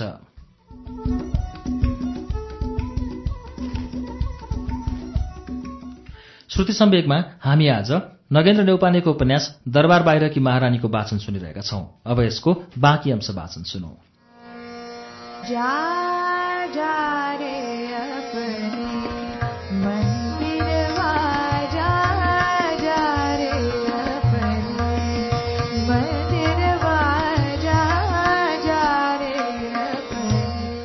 बिहे हुन दुई दिन मात्र बाँकी थियो। म बैठक कोठामा सरसफाइ सकेर भान्सातिर जाँदै थिएँ। बिचैमा मलाई रोकिबक्स्यो र निकै अधैर्य स्वरमा बोलिबक्स्यो गीता बुबा हजुरलाई मेरो पनि निर्णय त्यति मन परेको छैन। केटाकेटीहरूलाई पनि लुकाउनु पर्ने। मैले बिहेको जग्गे नारायणजी दरबारमा नबनाई नागार्जुन दरबारमा बनाउने निर्णय गरेँ। तिमी अहिले त्यहाँ गएर मण्डप र पाल्कीको व्यवस्था गर्नु। यो सबै जिम्मा तिम्रै भयो। कता कता भित्री नसाहरूमा कसैले सियो रोपेको पीडाको अनुभव मैले गरेँ। आत्मसर्वाङ्ग सुक्यो। देख्दा देख्दै आफैले आफ्नो श्रीमानको बिहे गराउनु पर्ने कतिसम्मको अपमान कतिसम्म घिनलाग्दो बाढी। हुन त आफ्नै ठानेर महेन्द्र सरकारले मलाई दिल दिएका हुन् भरोसा गरेका हुन्। दरबारमा मेरो अस्तित्वलाई अझ बढी परिमार्जित गराएका हुन्। तर त्यति बेला मेरो दिमागले अपभ्रष्ट र क्षोभको महसुस गर्यो। मलाई हिंता बोध भयो।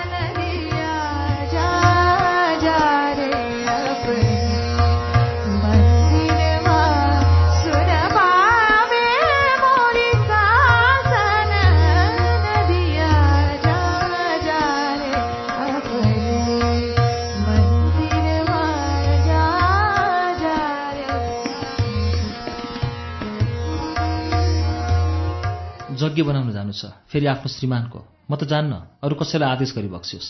मैले तिरस्कारमा रिसको बनावटी पारो चढाउँदै बोलेँ मेरो उत्तर सापेक्ष नभएरै होला। महेन्द्र सरकार ठिङ्ग उभि बक्स्यो र घोर उत्तेजनाका साथ आँखाहरू डुलाई मतिर फर्की बक्स्यो तर कति पनि नआत्तिकन फेरि थपेँ। सरकार हजुरको मात्रै बिहे गरेर राख्नु? मेरो बिहे चाहिँ कहिल्यै हुँदैन। कतिन्जेल पर्खेर बस्छौँ? यसमा महेन्द्र सरकारबाट केही उत्तर आएन। केही बेरपछि अर्को कोठातिर गई बक्स्यो केही दिनपछि महेन्द्र सरकारको विवाह रत्नसँग नागार्जुन दरबारमा सुसम्पन्न भयो।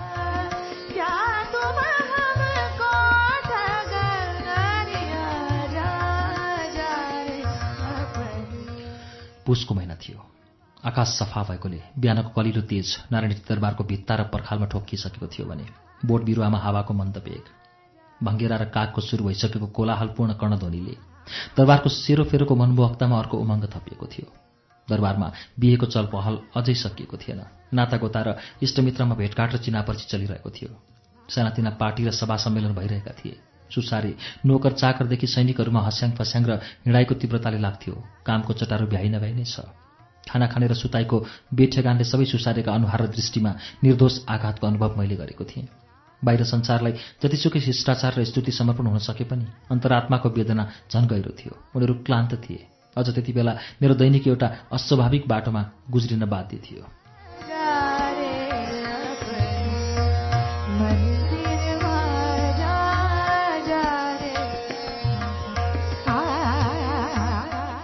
मैले निकै होसियारी अप्नाइरहेकी थिएँ। पहिलो कुरा सुसारेको कर्तव्यबाट मेरो आँखाहरू दरबारको कुनामा पर्न बाध्य थिए भने मेरो अनुपस्थितिमा धेरै कुरा बिग्रिसकेका हुन्थे लथालिङ्ग भइहाल्थे। दोस्रो कुरा दुलही बनेर आएकी रत्न नाताले मेरी बहिनी पर्दथिन् भने सकभर उनलाई दरबारको चालचलन र रहनसहनमा अप्ठ्यारो पार्न हुँदैन भन्ने थियो। सङ्कोचमा राख्न म चाहन्नथेँ हुन त उनले पनि आफूसँगै प्रशस्तै सुसारीहरूलाई भित्राएकी थिइन्। यसको कारण के हुन सक्थ्यो भने उनलाई एकान्तपनको महसुस थिएन होला। तर जति पनि सुसारीहरू त्यहाँ ल्याएका थिए ती आफै नौला थिए। नारायणी दरबारको झ्यालडोका कोठा चौर र सडकसँग उनीहरूको अनुभव थिएन। रत्नको दायाँ बायाँ अगाडि पछाडि जतिसुकै तन्तयार भएर उनीहरू उभिए पनि के केन छोपाउनलाई जस्तो सकबगाए पनि रमिते बाहेक केही भएनन्। सबै काम हामी पुरानाले तह लगाउनु पर्थ्यो।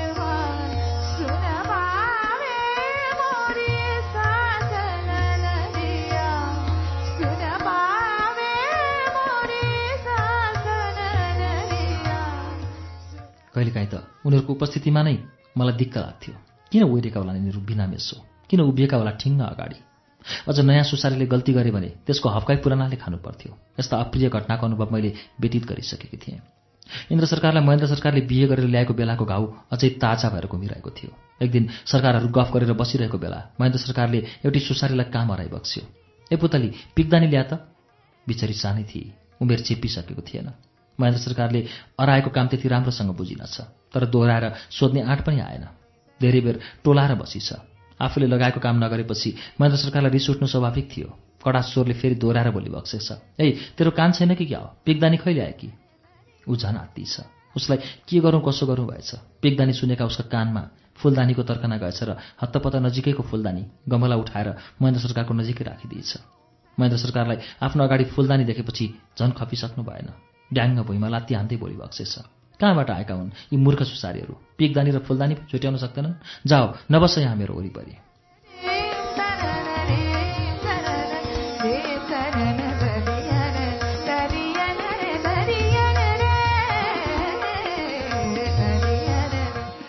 महेन्द्र सरकारको चर्को स्वर सुनेपछि अर्को कोठामा बसेका सुसारीहरू खुदखुद हाँस्दै बाहिर निस्किए ऊ चाहिँ घोसे लगाएर भित्ताको आडमा उभिरहेकी थिए। त्यसको भोलिपल्ट हामीहरूले इन्द्र सरकारबाट नराम्रोसँग गाली खानु परेको थियो। त्यसैले कुनै चाडपर्व होस् वा कुनै जमघट म निकै सावधान हुनुपर्थ्यो। जनाको भएर चारैतिर आँखा दिनुपर्थ्यो। त्यो दिन पनि कामको लागि दरबार जाँदै थिएँ। जीवनको अतीतमा भोग्नु परेको पीडा त मेरो मानसपटलबाट ओझेल परिसकेको थियो। मलाई त्यसको ध्याउन्न थिएन तर केही दिन यता बिहेको भिडले मेरो शरीर निकै थाकेको थियो। क्लान्त शरीरलाई त्यो समय त्यति सहज थिएन। अझ पुरानो सुसारेको नाताले बाँधिएको मेरो व्यवस्थामा म झन् कमजोर थिएँ। तर पनि मेरो मुद्रा कति खुम्चेको थिएन। मेरो अभिव्यक्ति फिक्का थिएन। मलाई चिन्ने मौका बाहिरी संसारलाई मैले दिएको थिएन। म निकै खुब प्रसन्न मुद्रामा थिएँ।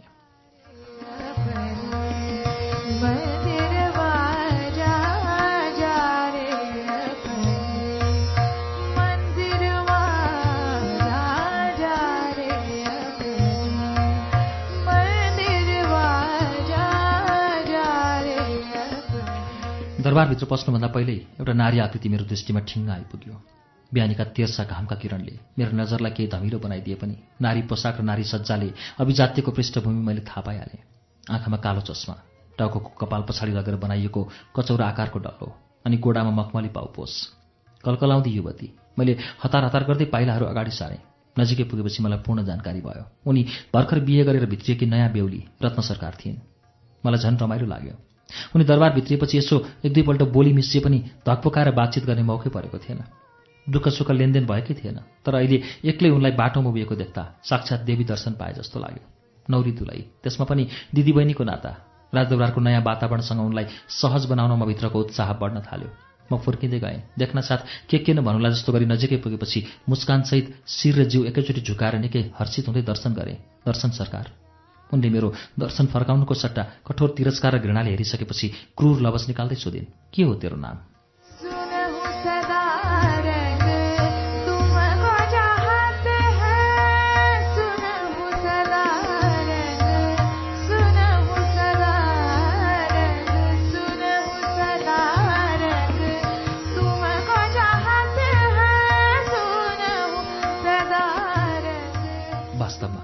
उनीसँग मेरो पहिला पनि भेट भएको थियो। उनले मलाई चिनेकी थिइन् तर बिर्सिसकेको पनि हुनसक्छ वा उनीभित्र मात चढेको हुनसक्छ। तर उनको क्षुद्र ध्वनि मेरो कानमा पस्नासाथ अघिसम्मको मेरो उल्लास र उमङ्ग पानीका फोकाहरू चाहिँ सबै एकैचोटि फुटे। मलाई हुनसम्मका हिंता बोध भयो। उनका नसामा बिल्कुलै निर्दयी र तामसी सङ्क्रमण विकसित भएको रहेछ। बोलीमा क्रूरता म पीडाले मरेतुल्य भएँ।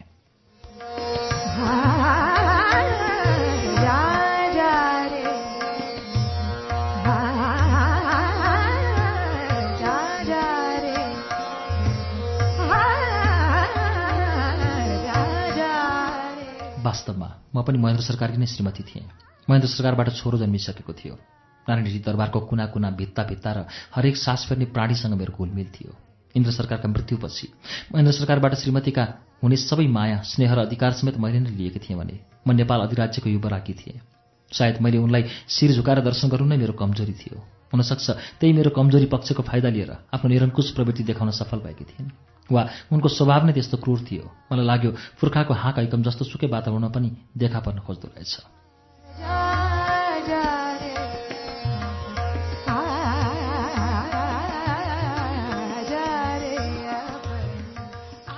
तर उनको खुकुरीको धार जस्तो छेदन वचन र तिरस्कारलाई खिस्सा हाँसेर घुटुक्क निल्नु बाहेक मसँग अरू केही विकल्प थिएन। त्यो त सुसारेको निकै नजिकको अंश नै थियो। त्यसैले खिन्नताले किचेको अनुहारमा दयनीय स्वरूप देखाउँदै नम्र भएर उत्तर दिएँ। गीता हो मेरो नाम। हजुरले कस्तो नचिनी बक्सेको? म कतिपल्ट इन्द्र सरकारको साथमा बागदरबारमा पुगेकी थिएँ। हाम्रो त धेरैपल्ट नै भेटघाट भएको हो। हजुरले भोलि बक्सेछ कोप्रा आँखाले धेरै बेर हेरेपछि ईर्ष्यालु पाराले बोलिन् तँलाई मैले धेरैपल्ट त देखेकी छु तर दिजुको पछि लागेर सुसारे भएर जानु र अहिले दरबारमा मेरो अगाडि ठिङ्ग उभिनुमा फरक पर्छ। तेरो नाम खुब सुनेकी थिएँ। दिदीबाट पनि सुनेकी हुँ महेन्द्र सरकारबाट पनि। किन? यसको नाम सबैतिरबाट सुनियो भनेको त अहिले थाहा भयो। यस्तै राम्री रहेछस् र। अग्ली गोरी ए दरबारमा तँलाई सबैले खुब आँखा लगाउँछन् होला होइन? कति वर्ष भयो दरबार मोरे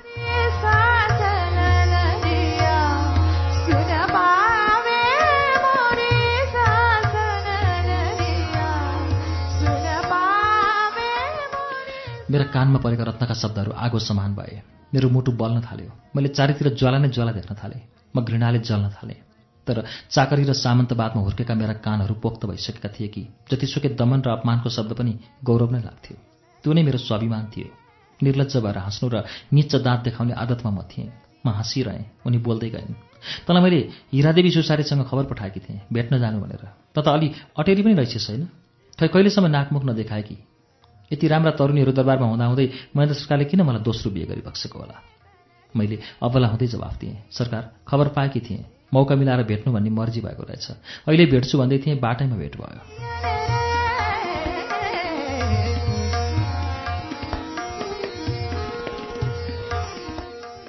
मेरो भनाइलाई सुन्ने कान लगाएनन् उनले। बरु एकपल्ट पुलुक मतिर हेरिन् र हातको इसाराले आफ्नो पछि पछि आउने आदेश दिँदै अगाडि बढिन्। ल आइज मेरो पछि पछि आइज। यो चौरमा उभिएर के गफ गर्नु? मैले तँलाई केही अर्थी दिनु छ। यस्तो चालाले दरबारमा बस्न पाइन्न दरबार बिगार्न पाइन्न। चला। बाहें डाल के बाहों में दिल तोड़ने वाले देख के चल। हम भी तो पड़े हैं राहों में। हम मेरो जिउ डरले काम्यो। म असिन पसिन भएँ। आफूले निकै जघन्य गल्ती गरेको महसुस हुन थाल्यो। म मुटु कमाउँदै कमाउँदै उनको पछि लागेँ। रत्न सरकार सरासर आफ्नो बैठक कोठामा बसिन् र झ्यालिनिरको कुर्सीमा बसिन्। म पनि उनको पाइलामा टेक्दै भित्र पसिसकेपछि भुइँको चकटीमा उकुस मुकुसिँदै बसेँ। म बसिसकेपछि अति नै भावुक अभिव्यक्तिबाट उनको कुरो सुरु भयो। हेर गीता मेरो र महेन्द्र सरकार बीच निकै अप्ठ्यारा विषयवस्तुमा सम्झौता भएपछि मात्र म दरबारमा बेहुली भएर भित्रिएकी हुँ। मसँग बिहे गर्नका लागि खुब धनी धनी पढे लेखेका केटाहरूले आँखा गाडेका थिए। हिन्दुस्तानसम्म मेरो कुरो चलेको थियो। तर महेन्द्र सरकारको आँखा छलेर म बाहिर जान सकिनँ। आखिर उहाँसँग मेरो बिहे हुन लेखिएको रहेछ। तर हेर एउटा दापमा दुईवटा खुकुरी कहिले पनि बस्न सक्दैन। तँलाई यो कुरो थाहै होला। म मेरो वरिपरि सौता ओहोरदोहोर गरेको देख्न सक्दिनँ। यो कुरो महेन्द्र सरकारबाट तँलाई जानकारी भइसक्यो होला। मैले तत्कालै उत्तर दिएँ सरकार हजुरले कसलाई सौता देखि बक्स्यो? मैले त कुरा बुझिनँ। दरबारमा हजुरको को सौता छ र? सौता हुँदाहुँदै महेन्द्र सरकारबाट हजुरलाई किन बिहे गरी बक्स्यो?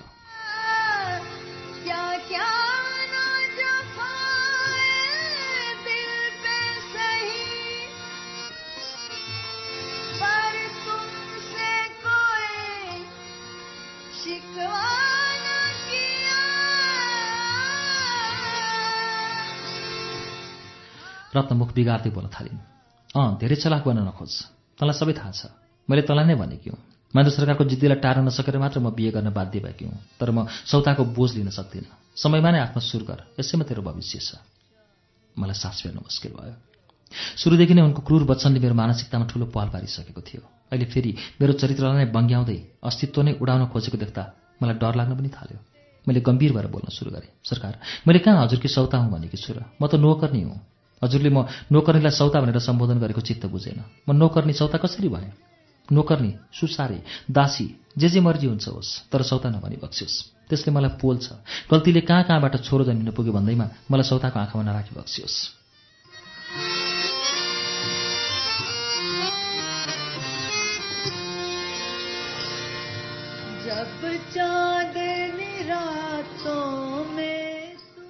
उनी पूर्व तयार भएर आएकी थिइन्। धेरै दिनदेखि उनको चित्र तयार थियो। कसैले उनको कान ठोकेको थियो वा स्वयं डराएकी थिइन्। नत्र दरबारभित्रीको महिना दिन पनि गुज्रन पाएको थिएन। मलाई निकाल्न तिनलाई त्यति हतार किन हुन्थ्यो? मैले सोच्न थालेँ दरबारको रहनसहन नै थाहा छैन। कस्ता कस्ता स्वभावका मान्छेहरू बसेका छन्। कसलाई आफ्नो हात दिने कसलाई बाहिर पार्ने? जस्ता कुराहरू नबुझी एकैचोटि ममाथि किन खनिन् न मेरो उनीसँग कुनै भनाभन भएको थियो न कुनै टर्रो व्यवहार नै भएको थियो। उनलाई बिहे गर्न साथ मलाई दरबारबाट निकाल्ने जस्तो जघन्य सम्झौता पक्कै महेन्द्र सरकारले गरी बक्सेको थिएन। महेन्द्र सरकार त्यति घाती पक्कै होइनन्। तर केही दिन अगाडि म र महेन्द्र सरकार बीच खासखुस आवाज आएको र गुनगुन सल्लाह भएको उनले थाहा पाएकी थिइन्। वास्तवमा त्यो खास विषय त थिएन तर उनका त्यति बेलाका छड्के आँखा र बिग्रेको अनुहारबाट नै मलाई थाहा भइसकेको थियो। यसबाट अवश्य केही अनर्थ हुन सक्छ। मेरो जहाज डुब्न सक्छ। नभन्दै उनको ईर्ष्यालु स्वभाव देखिहाल्यो। त्यति मात्र होइन म सोच्दै गएँ। म उमेरले रत्नभन्दा पाकी थिएँ। अझ छोरो नै जन्मिसकेको थियो। तर सौन्दर्यमा कुनै फिक्कापन देखेको थिएन। मेरो निखरतामा कमी थिएन। सायद पहिला पहिला पनि मेरो रूपको र गुणको प्रशंसा सुनेकी थिइन् होला। अहिले साक्षात् अगाडि देखा पर्दा उनको ईर्ष्यालु भावना झन आत्तिएको थियो।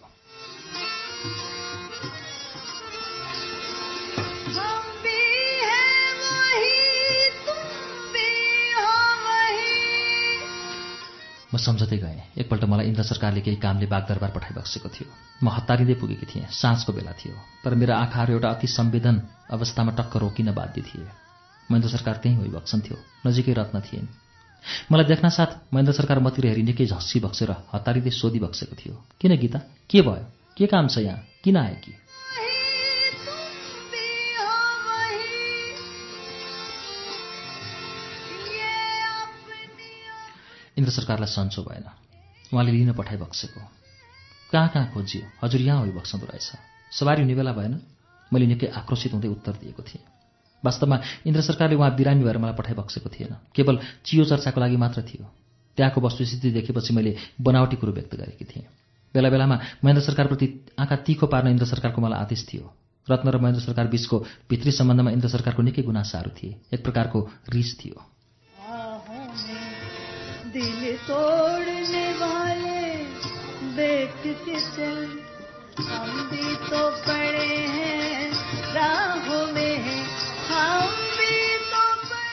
के हो सरकार यो? यस्तो मुखमुखै लाग्ने। कस्तो बेढङ्ग स्वभावकी रहेछ? परबाट रत्नले आँखा कोप्रा पार्दै बोलेकी थिइन्।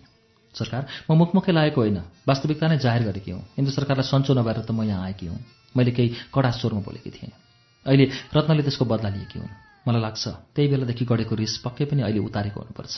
नत्र अहिले उनीसँग मेरो जोडको तोड गर्ने सामर्थ्य नै कहाँ थियो र? उनीको ढलिमली हुँदै थियो। रानी बनेर दरबार भित्रिन्छन् भन्ने के थाहा?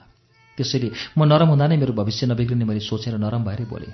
यतिका वर्ष दिदी सरकारसँग मिलेरै बसेँ। उहाँले कहिल्यै चर्को वचन बोली बक्सेन।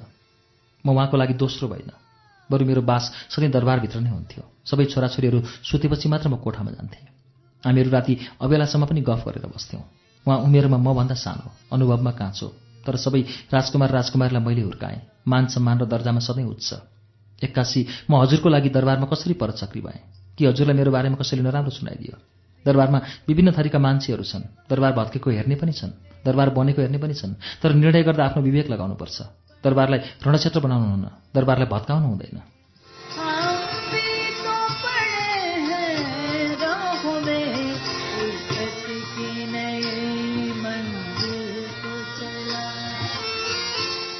उनले भनिन् मलाई कसैले पनि कुरा सुनाएको छैन। सुनाए पनि म सुन्दिनँ। रत्नले अचम्मको रूप देखाउँदै बोलिन् धेरै बाटी नभन् त। त्यति कलिलो उमेरमा तैँले महेन्द्र सरकारलाई छोराको बाबु बनाइस्। तैँले रोकेको भए रोकिन सक्थ्यो। त आफै उत्ताउली बनिस्। सरकार दासीले के रोक्न सक्नु? के समात्नु? के छोड्नु? राजा महाराजालाई नियन्त्रण गर्ने हाम्रो क्षमता होला र? सुसारेको जातीय सरकारहरूको आदेश मुखबाट निस्किन साथ पुरा गर्नु। सुत भने सुत्नु उठ भने उठ्नु। हाम्रो खुसीले हाम्रो जिन्दगी चलेको छ र?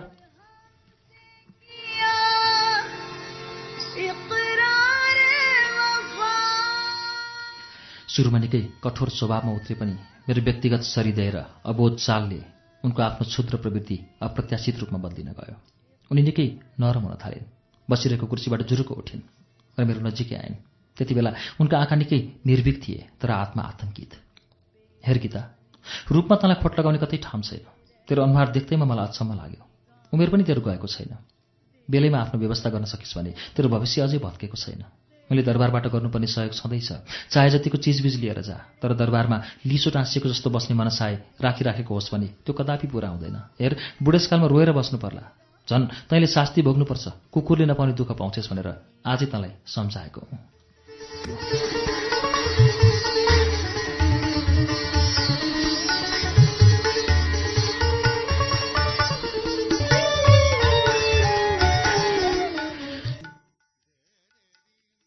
आठौं श्रृङ्खला पृष्ठ एक सय अडचालिसबाट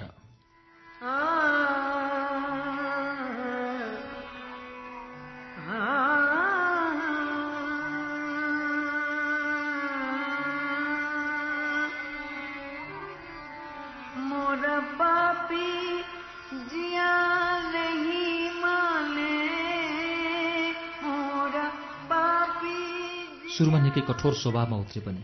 मेरो व्यक्तिगत सरिदय र अबोध चालले उनले आफ्नो क्षुद्र प्रवृत्ति अप्रत्याशित रूपमा बदलिन गयो। उनी निकै नरम हुन थालिन्। बसिरहेको कुर्सीबाट जुरुक्क उठिन्। मेरो नजिकै आइन्। त्यति बेला उनको आँखा निकै निर्भीक थिए तर आत्मा आतङ्कित हेर गीता रूपमा तँलाई खोट लगाउने कतै ठाउँ छैन। तेरो अनुहार देख्दैमा मलाई अचम्म लाग्यो। उमेर पनि तेरो गएको छैन। बेलैमा आफ्नो व्यवस्था गर्न सकिस् भने तेरो भविष्य अझै भत्केको छैन।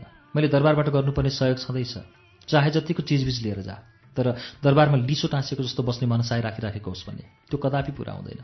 हेर बुढेसकालमा रोएर बस्नु पर्ला जनताले शास्ति भोग्नुपर्छ। कुकुरले नपाउने दुःख पाउँछस् भनेर आजै तँलाई सम्झाएको हुँ।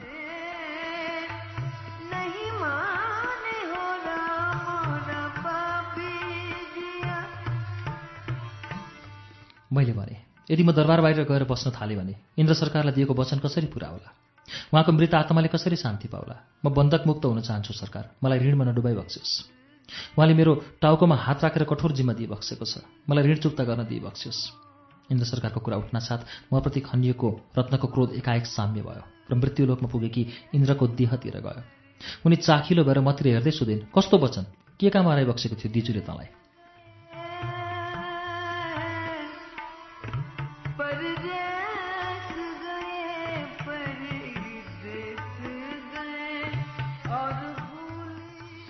आत्मामा केही त्राण मिलेको अनुभव गर्दै साहस बटुलेर बोल्न थाले। सरकार मृत्युशैयाको वचन।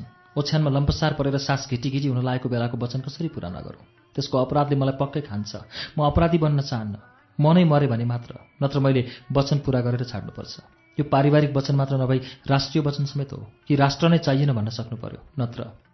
म केही रोकिएपछि पुनः बोल्दै गएँ। हुन त मेरो कुरोमा हजुरलाई विश्वास नपर्न सक्छ। मेरो दरबार बस्ने बाहना भनी बक्सेला। तर महेन्द्र सरकार समेत त्यति बेला ठिङ्ग उभिबक्सेको थियो। उहाँको कानमा समेत सोझै ती शब्द परेका थिए मृत्युशैयाको मेरो वाक्य पुरा हुन नपाउँदै रत्नले आत्तिएर फेरि सोधिन् भन्न कस्तो वचन? दिजुले तँलाई के भनिबक्सेको थियो?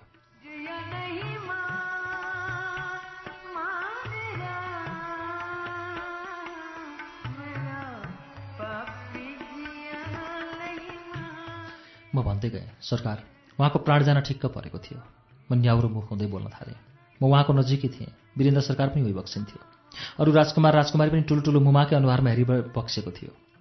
त्यही बेला वीरेन्द्र सरकारको हातमा मेरो हात राखेर रोइ रोइ बोलेका शब्दहरू म कसरी बोलौँ? गीता छोराछोरीलाई राम्रो हेरविचार पुर्याउनु। यसको आत्मा कमजोर छ। यो बोल्न डराउँछ। यिनीहरूलाई मैले जन्माए पनि लालन पोषण तैँले नै गरिस्। हुर्काइस्। यी तेरै सन्तान। तेरै काख पोल्टामा छोडेको छु। कालले समातिहाल्यो राम्रोसँग विचार पुर्याउनु। महेन्द्र सरकारलाई राजनीतिले फुर्सद छैन। देशभन्दा भुत्तुक हुने मान्छेले छोराछोरीको हेरविचार जानेका हुँदा रहेनछन्। त्यति बेला महेन्द्र सरकारको आँखा रसिला भएका थिए। राजकुमार राजकुमारी सबै रोएका थिए। हामीहरू सबै इन्तु न चिन्तु थियौँ।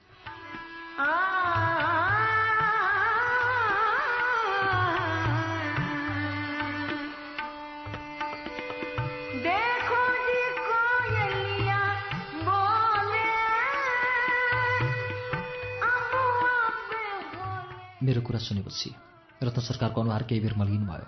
उनी खिन्न देखिन्थिन् तर केही बेरपछि मतिर हेर्दै कठोर शब्द बोल्न थालिन्। त्यसको बारेमा चिन्ता नगर छोराछोरीप्रति तँलाई भन्दा मलाई बढी ममता छ। त्यो तेरो अधिकारको कुरो होइन। मेरो दिदीको छोराछोरीप्रति तैँले स्वाङ पारेको मलाई मन पर्दैन। मैले तिनै छोराछोरीको लागि कत्रो त्याग गरेकी छु तँलाई थाहा छ? त्यो त्याग त उनले आफ्नो भनाइलाई कतिसम्म गहिराइमा लैजाने इच्छा थियो। मलाई थाहा हुन सकेन र सामान्य अर्थमा लिँदै बिचैमा सोधेँ सरकार परिवार हुर्काउन र घरबार बनाउन कुन महिलाले त्याग गरेका हुँदैनन्? महिलाको समर्पण बिना कुनै पनि बालक जन्मिँदैन। यो त विधिको तरिका नै हो। मैले अरू महिलाका समर्पणको कुरा ल्याएको होइन। मेरो आफ्ना विषय तँलाई भन्न लागिरहेको छु। म बच्चा जन्माउन दरबारमा भित्रिएको होइन। म त आजन्म बच्चा नजन्माउने कसम खाएर आएकी हुँ। म रानी बन्न आएकी होइन। दरबारको रक्षाको लागि भित्रिएकी हुँ।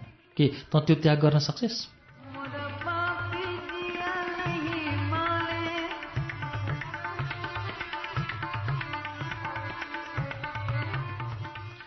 मलाई पत्यारै लागेन र पुलुक्क उनीतिर हेरेँ। मेरो हेराइलाई लक्ष्य गर्दै फेरि उनले तिनै शब्दहरू दोहोऱ्याइन्। के तँ त्यस्तो त्याग गर्न सक्छेस्? एउटी नारीको लागि कठोर त्याग भए पनि मैले त्यसलाई प्रशंसा गर्नु मूर्खता थियो। जसले पनि एउटा वस्तु प्राप्त गर्नको लागि नै अर्को वस्तुको त्याग गरेको हुन्छ। रत्नले पनि रानी बन्नको लागि सन्तान त्याग गरेकी हुन्। दरबारको ऐसका लागि नै मातृत्व गुमाएकी हुन्। तर मेरो आत्मचित्तमा रत्नको प्रतिवाद गर्ने शक्ति आउन सकेन। उनलाई जवाफ फर्काउन सकिनँ। भित्रभित्र हतोत्साही बन्दै गएँ। महिला र पुरुष बीच दुश्मनी भयो भने कुनै सर्ट राखेर समझदारीमा आउन सकिन्छ। वार्ताद्वारा समस्या समाधान हुन्छ। उनीहरू एकअर्काको परिपूरक हुन् तर महिला महिला बीचको दुश्मनी सम्झौतामा आउन भयङ्कर कठिन हुन्छ।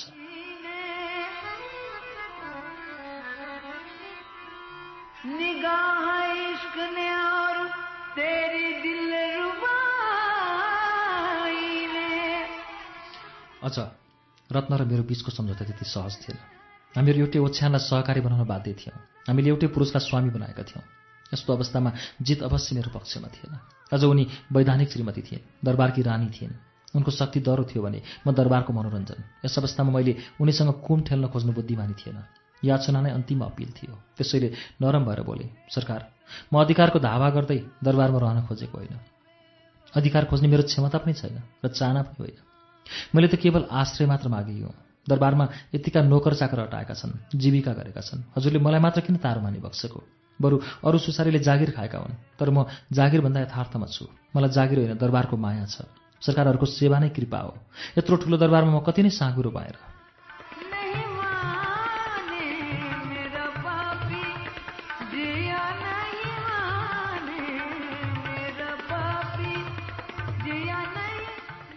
दरबार ठुलो र सानोको सवालमा तँलाई मैले उतार्न खोजेको पक्कै होइन। रत्न केही भावुक हुँदै बोल्न थालिन् तपाईँप्रति मेरो कुनै रिस र डाहा पनि छैन। तर राष्ट्रलाई कसैले पनि खेलठट्टामा राख्नु हुँदैन। मलाई देशमा विद्रोह भएको हेर्नु मन छैन। दरबार भागबन्डा लागेको कुनै पनि रानी देख्न चाहँदैनन्। देशको लागि तैँले पनि केही त्याग गर्नै पर्छ। केही उत्सर्ग गर्नै पर्छ। मैले त्याग गरेर नै दरबार पसेकी जस्तै त पनि केही त्याग गर। दरबारलाई भागबन्डा नगरा। कस्तो भागभन्डा सरकार? कसले दरबार चिरा पार्न लागेको छ? मैले उत्सुकता देखाउँदै सोधेँ। भोलि रविन्द्र मेरो भाग खै भन्दै गन्ध सुक्न थाल्यो भने के गर्छेस्? जेठो छोरा म हुँ भन्दै स्वर मच्याउन थाल्यो भने वीरेन्द्र कहाँ जाने? श्रीपेच उसलाई लगाउने कि वीरेन्द्रलाई? शत्रु कसका छैनन् र? तिनै शत्रुबाट ऊ उचालिन थाल्यो भने देशको राजनीतिक अवस्था तँलाई थाहै छ।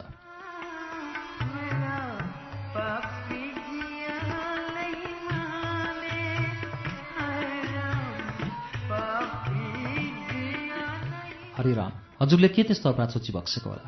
कठैबरा त्यो ह्याउ र स्याउको पानीको लट्ठीलाई के को गन्ध सुँग्ने क्षमता होला? के को श्रीपेशको कुरा गर्ला त्यसले?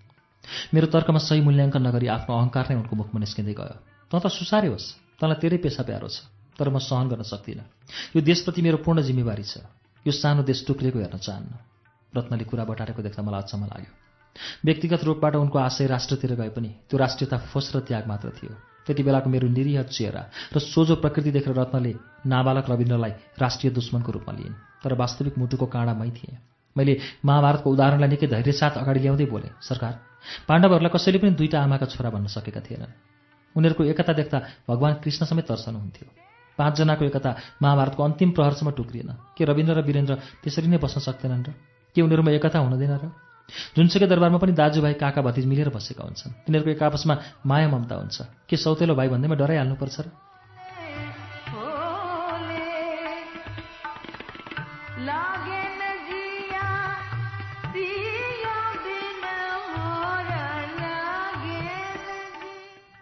उनको मुखबाट तिरस्कारको छाल उर्लेको जस्तो टर्रो बोली सुनिन थाल्यो। हेर तैँले महाभारतको कुरालाई आफ्नो हतियार बनाएर मलाई प्रहार गर्न खोजेकी होलिस्। तर तैँले त्यसमा आशै नगरे हुन्छ। म दरबारको छाना उद्रेको हेर्न चाहन्न। अब उनलाई वास्तविकता बोध गराएर दरबारमा बस्न पाउने आशा दिएपछि धम्काउने विद्रोही प्रवृत्ति मेरो थिएन। क्षमता पनि थिएन।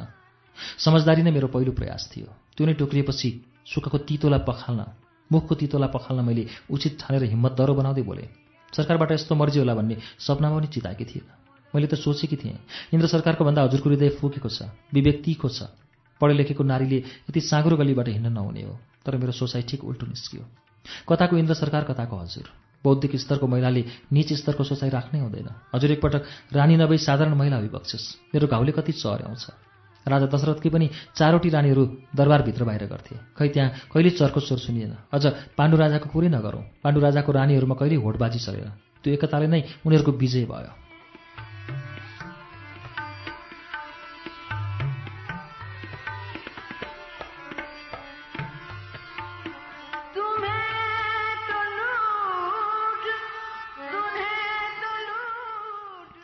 तैँले महाभारत र रामायणको भन्दा अरू कुरै जाने कि छैनस्? कति तिनै कुराहरू सकि नसकी बुन्छेस् एक्कासी उनको मुखबाट रुखको ध्वनि बाहिर निस्कियो। तर मैले आफ्नो सन्तुलन बिगारिनँ। मेरो क्रममा आँच आएन। भावक हुँदै सिलसिला मिलाउँदै गएँ। सरकार मलाई वर्तमानको पनि ज्ञान छ। त्रिभुवन सरकारकी रानी सरला सरकार अझै दरबारमै भइबक्सिन्छ हजुरलाई याद भएकै कुरो हो। उहाँलाई कसैले पनि बाहिर जा भन्ने तागत छैन। दरबारका सबै चोक उहाँका लागि खुल्ला छन्। मैले टाउकोलाई झड्कार्दै फेरि थपेँ। दर्जाकै कुरा गर्ने हो भने सरला सरकार र ममा के नै फरक छ र? उहाँ पनि त्रिभुवन सरकारको आफ्नो जेठो दाजु सागर सरकार अझै जिउँदै भइबक्सिन्छ तर सागर सरकारसँग त्रिभुवन सरकार कहिले तर्सी बक्सिनु भएन। उहाँ पनि सौतेलो दाजु नै भइबक्सन्छ राजगद्दीमा उहाँले आँखा लगाइ बक्सेला भन्ने शङ्कै छैन। तर हजुर रविन्द्रलाई त्यति ठुलो बहिरी ठाने बक्सिन्छ। त्यसको के अड्डी के हिम्मत? बरु हजुरको कृपा पात्र हुन सक्यो भने अवश्य सहयोग गर्ला। दरबारको राष्ट्रको हेरविचार गर्ला। वीरेन्द्रलाई सहयोग गर्ला। हजुरले उसलाई आफ्नै छोरा सम्झी बक्सियोस्।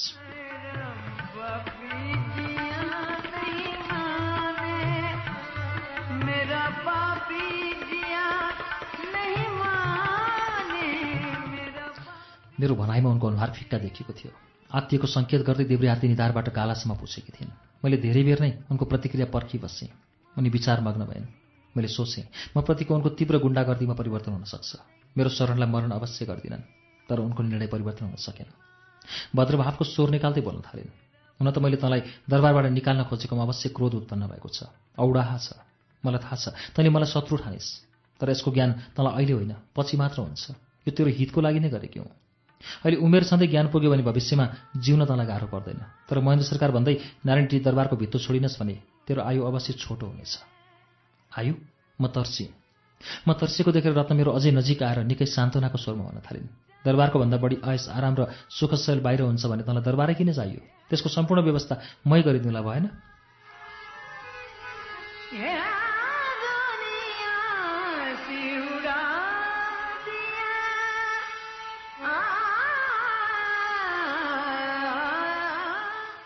मलाई थाहा भयो। पानी जतिसुकै उम्ले पनि त्यसले आगो लगाउन सक्दैन। आगो बल्न आगो नै हुनुपर्छ। मसँग न आगो थियो न आगो। आगो सल्काउने लक्ष्य पनि थिएन। सानोतिनो आगो झोसु भन्ने सोच आएको भए सकिन्थ्यो होला तर त्यस्तो सोच लिइनँ। निमुखे निम्सरो प्राणी जतिसुकै मच्छी पनि आखिर थच्चिन कर लाग्छ। मैले आफूले आफैलाई निकै असहाय देखेँ निर्दोष सम्झेँ। मेरो पक्षमा बोलिदिने मान्छे कोही भएन। मेरो गला अवरुद्ध हुँदै आयो। आँखाबाट आँसु खस्न थाले। चारैतिर अन्धकार हुँदै आयो। उभिन सकिन र भुइँमा थचक्क बसेँ।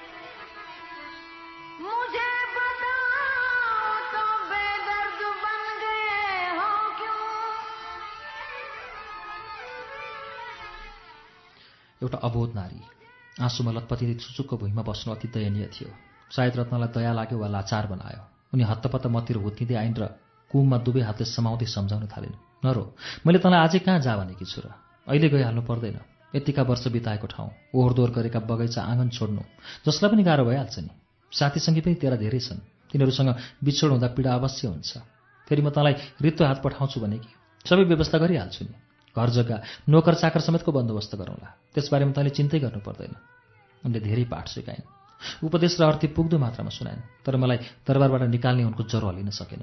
उनको चेतनामा विवेक बस्न सकेन।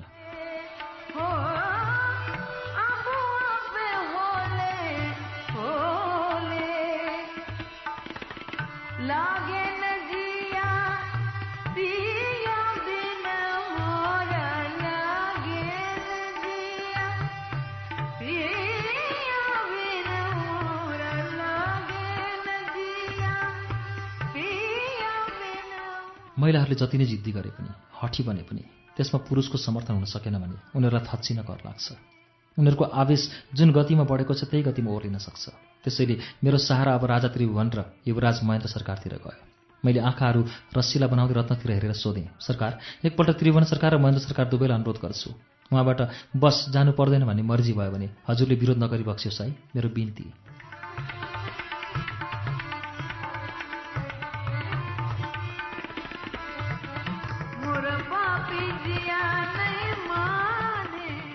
यसबारे उनको तत्काल कुनै प्रतिक्रिया आएन।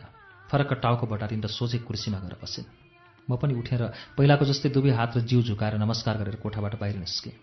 बाहिर निस्किन लाग्दा मेरो कानमा उनका क्रूर लवाज सोझै आइरहेका थिए। गीता त धेरै बाटी हुन नखोज है। अब तेरो पालो पुग्यो। दुई चार दिनमा सर्नुपर्छ। मालसामान मिलाउँदै गर।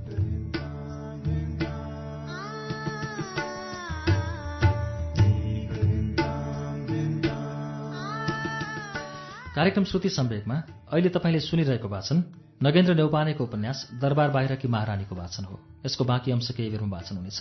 उज्यालो सुन्दै गर्नुहोला।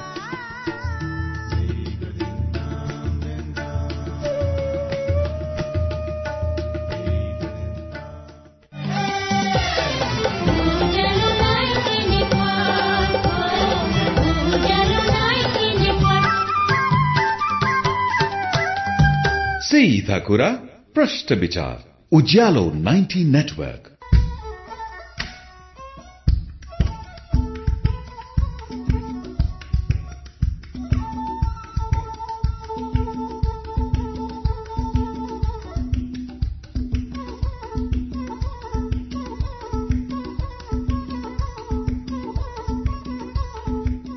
कार्यक्रम श्रुति सम्वेकमा पुनः स्वागत छ।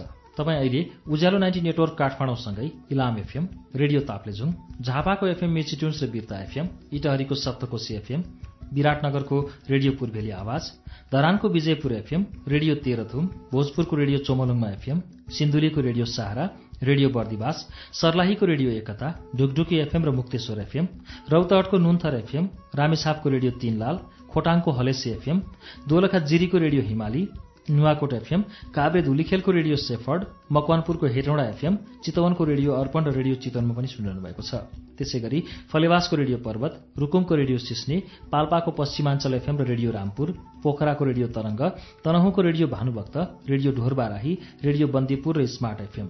गोर्खाको गोरखकाली एफएम बागलुङको रेडियो सार्थी एफएम र गलकोट एफएममा पनि श्रुति सम्वेक सुन्दै हुनुहुन्छ। रेडियो प्युठान दाङको रेडियो मध्यपश्चिम बुटवलको तिनाव एफएम गुल्मीको रेडियो रेसुङ्गा कपिलवस्तुको रेडियो बुद्ध आवाज रेडियो कोवलपुर सल्यानको रेडियो राप्ती जाजरकोटको रेडियो हाम्रो पाइला दैलेखको ध्रुवतारा एफएम कैलाली टिकापुर र गुलेरियाको फुलबारी एफएम कैलाली एफएम दाङको रेडियो प्रकृति एफएम सुर्खेतको रेडियो भेरी र बुलबुले एफएम बैतडीको रेडियो सन्चेर दार्चुलाको नयाँ नेपाल एफएम हुम्लाको रेडियो कैलाश जुम्लाको रेडियो कर्णाली र कालीकोटको रेडियो नयाँ कर्णालीबाट पनि अहिले एकैसाथ श्रुति सम्वेक प्रसारण भइरहेको छ।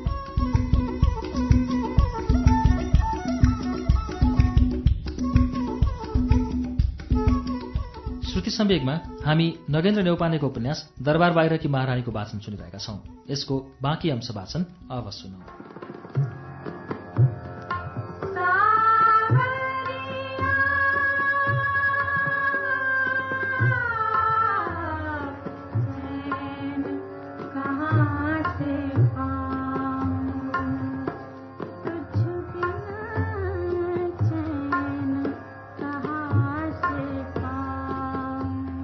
प्रजातन्त्र भर्खर आएको थियो।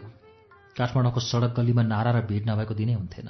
सहरको भित्रभित्रसम्म पनि मान्छेहरू ठेलमठेल गरेर दौडिरहेका हुन्थे। चर्को नारा लगाउन पाइयो भनेर उनीहरूलाई के के नभएको थियो? राजा जनता सबै दङ्ग थिए तर म कठोर वेदनामा तडपिरहेको थिएँ। नेपालमा आएको प्रजातन्त्रसँग न त मलाई रमाइलो थियो न हौसला।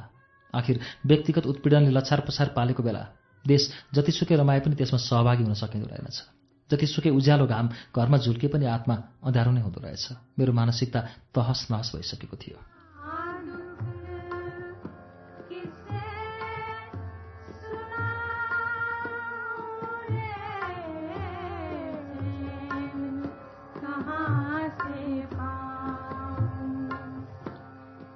म निकै कमजोर भएकी थिएँ।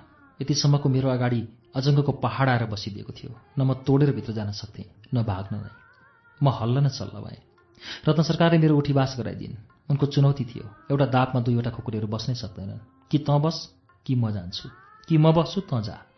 तर उनी सिन्दुर हालेर भित्रिएकी युवराकी दरबारमै रानी बन्न आएकी थिइन्। दरबारबाट निस्किने कुरै थिएन। निस्किनु त मैले नै थियो। कहिलेकाहीँ टक्कर लिउँ वा लुसुकै हिँडौँ भन्ने प्रश्नले मलाई कहाँ नबिजाएको हो र? तर टक्कर लिने क्षमता नै थिएन। त्यसो गर्न पनि सकिनँ। लुसुक जान पनि मन भएन। मिलेर नै बसौँ भन्ने थियो। उनलाई निकै सम्झाएँ तर म प्रति उनीभित्र जन्म भएको सौताको औडाहा पखालिन सकेन। उनले मलाई ननिकाली नछाड्ने भए।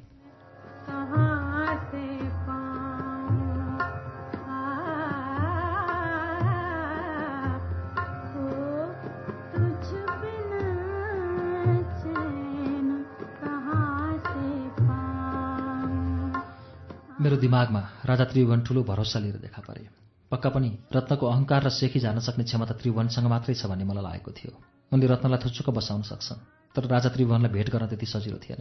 त्यसताका उनी व्यस्त थिए। खाने बस्ने फुर्सद नै थिएन। काङ्ग्रेसका नेताहरूको ओहिरो लाग्थ्यो। राणाहरूलाई पनि सत्ताको मोहले अझै छोडेको थिएन। उनीहरू छामछुम गर्दै गन्ध सुँग्दै त्रिभुवनलाई भेटिरहन्थे।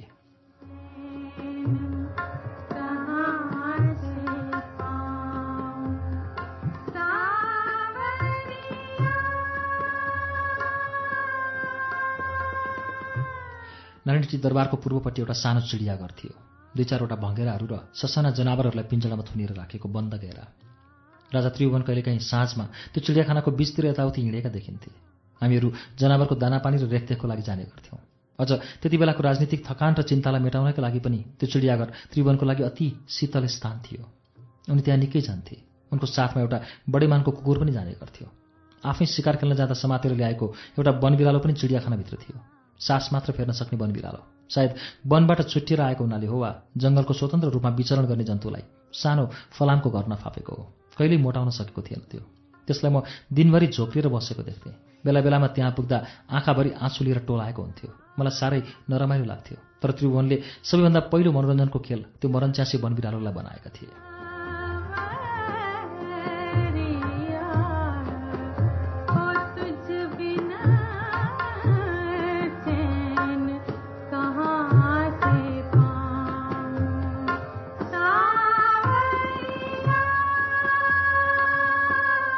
जब राजा त्रिभुवन त्यो मरन्च्यासी बिरालोको नजिकै पुग्थे उनको साथको बडेमानको कुकुर पुरा धरती नै फुट्ला चाहिँ गरी डोक्रिँदै त्यो वन बिरालोमाथि लाग्थ्यो।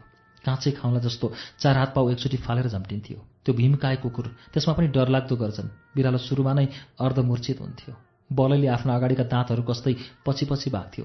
कुकुर झन् फलामको बार नै च्यातौँला जसरी दायाँतिरबाट र बायाँतिरबाट आफ्नो तिखा नङ्ग्रा सकिन सकी घुसार्दै जान्थ्यो। फेरि बिरालो न्यार गर्दै पछाडि पछाडि सर्थ्यो। एवं रीतले वन बिरालो र कुकुरको झम्टाझम्टी विचित्रको युद्ध मैदान हुन्थ्यो। बिरालोको न्यार र मुर र रुवाई कुकुरको गर्जन एउटा अद्भुत आतङ्क एउटा टिटलाग्दो बिलाप एउटा क्रूर आक्रमण।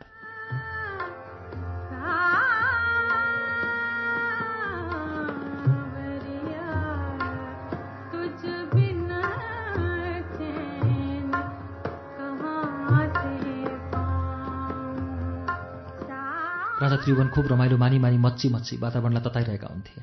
बेला बेलामा उनी आफ्नै फलामको डन्डीबाट हात छिराएर वन बिरालोको पुच्छर तानिदिन्थे। बिरालो झन् त्रसित हुँदै टाउको बटार्दै बुर्लुक्क उफ्रिन्थ्यो र राजा त्रिभुवनलाई चिथोर्न आइपुग्थ्यो। अनि त्यही बेला उनी ताली बजाएर कुकुरलाई हँस्याउँदै चिचाउँथे टोक टोक त्यसलाई टोक। कुकुर फेरि एकैचोटि चार हात पाउ छोडेर वन बिरालोको गिदी नै छिडौँला जस्तो गरेर बुर्लुक्क उफ्रन्थ्यो। तर कुकुरको क्रूर क्रोधलाई फलामी डन्डीले रोकिदिन्थ्यो। जब उसको क्रोध फलामी डन्डीमा ठोकिन पुग्थ्यो ऊ बेतोडले शरीरलाई कम्प दिँदै जिब्रोबाट रियाल चुहाउँदै आगो ओकरुला जस्तो गरेर पिञ्जडालाई फनक्क चक्कर लगाउँथ्यो अनि फेरि वन बिरालोतिर उफ्रिन्थ्यो। एवं रीतले त्यो फलामी पिञ्जडा एउटा युद्ध क्षेत्र थियो। त्रिभुवन मुर्चा परिपरि हाँस्थे हामी सुसारीहरू वरिपरि उभिएर रमिता हेर्थ्यौँ।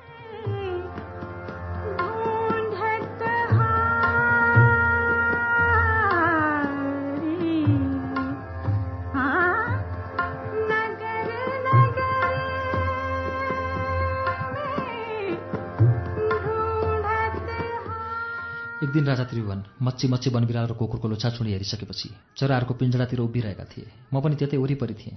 मलाई यो मौका फुत्किन दिन मन लागेन र नजिकै गएँ। सुरुमा निकै सङ्कोच लागेको थियो। अहिले मुख फोरौँ वा केही दिनको लागि विचार गरौँ। तर आँट बढ्यो र अगाडि बढेँ। राजाले मेरो उपस्थितिलाई सहज बनाउँदै किञ्चित राजकीय अहङ्कारको आभास नदिई बिस्तारै आफ्नो अनुहार उज्यालो बनाएर मतिर पुलुक्क हेरे। मेरो साहस अझै बढ्यो। वास्तवमा हामी बीचको नाता मालिक सुसारेको मात्र नभई जहान परिवारको थियो ससुरा बुहारीको थियो। उनी रविन्द्रलाई औधी मन पराउँथे। म नजिकै पुगेपछि वनबिरालोले नै उनलाई बोल्ने बाटो फगाइदियो र सोधे गीता आजकल यो वनबिरालोलाई खानेकुरा त्यति पुगेको छैन कि क्या हो? झन् दुब्लाउँदै गएको देख्छु। खै रौँ पनि फुस्रा छन्। चिल्ला हुनुपर्ने होइन र? कि यसले खाँदैन? चिडियाघरको जिम्मा कसले लिएको छ?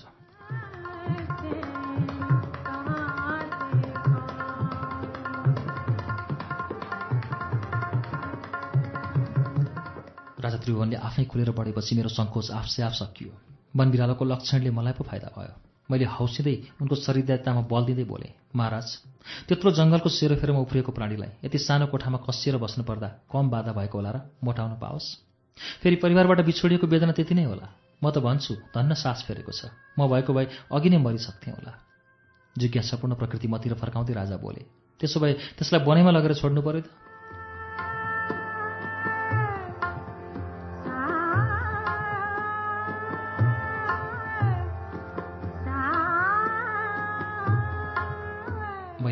महाराज आफ्नो स्वार्थी अभिलाषाको लागि प्राणीलाई गृहत्याग गराउनु अपराध हो। श्रीमानबाट श्रीमतीलाई छुट्याउनु परिवारको जोडीलाई बेग्लै गुणमा राख्नु भेडालाई बथानबाट हटाउनु यी सबै पाप हुन्। यसले प्राणीको विनाश गर्छ।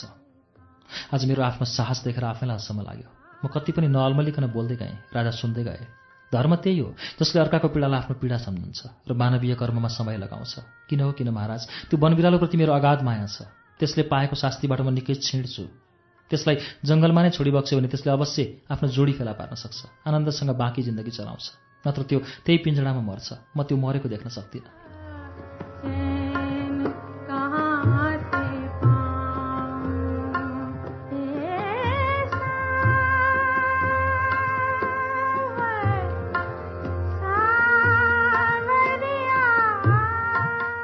मेरो कुरा सकिएपछि राजा त्रिभुवन सकभर भावुक बन्दै मेरो नजिक आएर बोले गीता त्यो वनबिरालोप्रति तेरो गढेको माया देख्दा म निकै आन्दोलित छु। किन तैँले यसको पक्षमा बोलेकी छस्? महाराज मेरो पीडा पनि त्यो बिरालोको भन्दा कम छैन। म त्यही पीडाबाट विक्षिप्त भएको हृदयलाई निस्तेज गर्न अहिले आएकी हुँ। सायद त्यो बिरालो पशु भयो र आफ्नो पीडा बोलीबाट सुनाउन नसकेपछि त्यसको मानसिक तनाव बढेको र तनाव बढेपछि त्यसलाई अरुचि भयो। अरुचि भएपछि दुब्लाउँदै जानु स्वाभाविक हो। अझ परिवारबाट टाढा भएपछि अनेक रोगले ग्रस्त बनाउँदै लान्छ। हामीहरू मानव भएपछि त्यो जनावरको वेदना बुझिदिनुपर्छ। म मेरो विषयवस्तुलाई पनि त्यसै क्रममा जोड्न खोजिरहेको थिएँ। त्यसैले मेरो स्वरमा त्यस थियो। त्यसै कम्प पनि म बोल्दै गएँ। जनावरका भगवान भनेको दुनियाँ हो भने दुनियाँका भगवान राजा। राजाले रैतीको संरक्षण गर्नुपर्छ मर्का बुझिदिनुपर्छ। त्यसैले म सहाराको लागि हजुरको शरणमा छु। मलाई न्याय दिलाइ बक्सियोस् सरकार।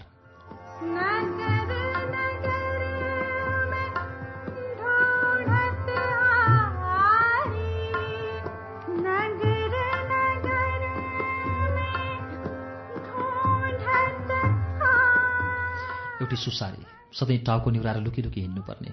तर यसभित्र ससुरा बुहारी बीचको कठोर मर्यादा थियो। यति हुँदाहुँदै पनि आज एकाएक मेरो प्रदीप्त भएको मुखमण्डलले राजा त्रिभुवनलाई अचम्म लाग्यो। मेरो बोल्ने साहसलाई सजगतापूर्वक अनौठो मानि बक्स्यो केही बेरपछि रोमाञ्चकतापूर्वक खिसिक्का हाँसेर बोली बक्स्यो गीता तेरो आँखाको घुमाइ र बोलीको बेगमा आज कसैले धुप सुँगाएर पठाएको जस्तो छ। नत्र त यसरी तेज लिएर बोल्ने आइमै पक्कै होइनस्। यी सबै बाध्यताका कारणले भएको महाराज। मैले भने बाध्यताले मानिसलाई लाची पनि बनाउँदो रहेछ। हिंस्रक पनि बाघ जस्तो हिंस्रक बन्नु मेरो इच्छा थिएन। शान्त र सिधा प्रकृतिमा हुर्किएको मेरो आत्माले त्यस्ता स्वभाव देखाउन पनि चाहँदैन। तर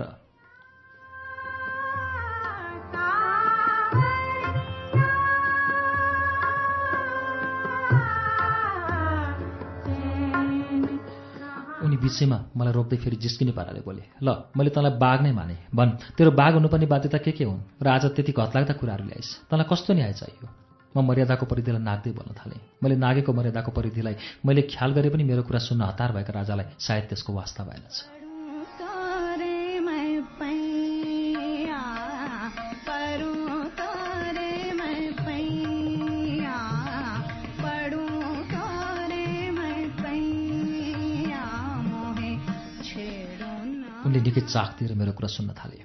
सरकार सानै उमेरमा मेरो प्रवेश दरबारमा भयो। दरबारमा नै मेरो बालपन र युवा जोस थियो। दरबारमा नै मैले आफ्नो सिप र जागरको सिँचाइ गरेँ। दरबारप्रति मेरो प्रगाढ माया छ विश्वास छ। अन्त्यमा दरबारसँग मेरो नाता पनि जोडियो। रविन्द्रको जन्म यहीँ भयो। योभन्दा ठुलो गर्व के गरौँ? त्योभन्दा सामिप्य केलाई मानौँ। तर आज एकाएक दरबारबाट बाहिर जानुपर्दा मलाई कस्तो भएको होला? मेरो आत्मा कति रोएको होला? झन्डा लिएर सडकमा पो जान सकिनँ। दरबार छोड्न मिलेन। तर के दुई हजार सात सालको क्रान्तिमा अरू के समेत गरिनँ? हजुरहरूको सवारी दिल्ली भयो। त्यत्रो नारायणटी दरबार मैले नै सम्हालेर बसेँ। भित्रदेखि बाहिरसम्मको रेखदेख मैले नै गरेँ। त्यति बेला कस्तो बिगबिगी थियो। त्राही त्राही थियो। सानो थिएँ। सानै त्याग गरेँ। हजुरहरू ठुला भइबक्छन् त्यो ठुलै त्याग गरिबक्स्यो देशै छोडी बक्स्यो। कत्रो हल्ला थियो। राजा त्रिभुवन दिल्लीमा नै बस्ने भयो अरे। दरबारको दुनियाँको भयो अरे। त के गर्छस् गीता? भन्नेहरू पनि थिए। नेपाल भारतमा मिसियो भन्नेहरू पनि थिए। तर मेरो कम साहस थियो। अब यो बुढेसकालमा कहाँ जाउँ? कसको सहाराले बाँच्छौँ? सहारा चाहिने नै बुढेसकालमा हो। तर बुढेसकालमा नै दरबारबाट निकालिएपछि। तागा ग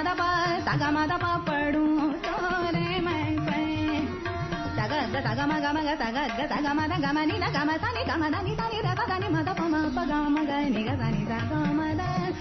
नि मेरो कुरा सकिन नपाउँदै त्रिभुवन उत्तेजित हुँदै बोले होइन के भन्दैछ यो? तँलाई कसले दरबारबाट निस्कि भनेर मैले त भनेको छैन। कसले भन्यो? मलाई थाहा थियो महाराज त्रिभुवनको इच्छा विरुद्ध नै महेन्द्र सरकारले रत्नलाई दरबारभित्र आएका थिए। म महाराजलाई लोलोपोतो लगाएर रत्नको विरुद्ध नराम्रोसँग उत्रिन सक्थेँ होला। राजाको दिमागमा रत्नलाई दुष्ट मुडको छाप लगाइदिन सक्थेँ होला। तर एउटी नारीले अर्की नारीप्रति त्यति तल्लो स्तरमा पतन हुन बेवकुफी मात्र नभई पशुत्वमा पुग्नु थियो। आफ्नै घाँटी निमोट्नु जत्तिकै थियो। त्यसैले मैले उनको इज्जतको हत्या गरिनँ। आफ्नो दिमागमा टाँसिएको औडाहालाई कायमै राख्दै बिस्तारै बोले केही दिन अगाडि मात्र रत्न सरकारबाट मलाई आज्ञा भयो। मैले दरबार छोड्नुपर्छ अरे। अब मेरो दरबारमा बस्ने दिनहरू सकिए अरे। यहाँ रहने मेरो कुनै हक छैन। अब म के गरौँ सरकार?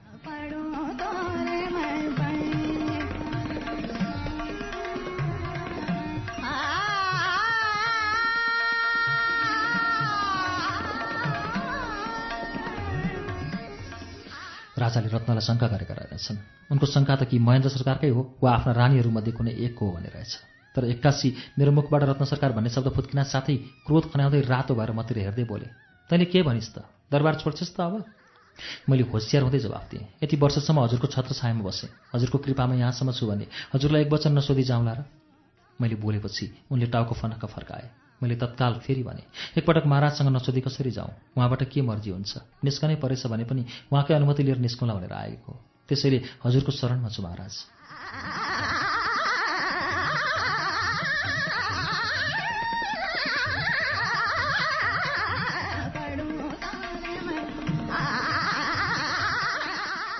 राजा त्रिभुवनलाई भित्रभित्र कटुताले असह्य भएछ।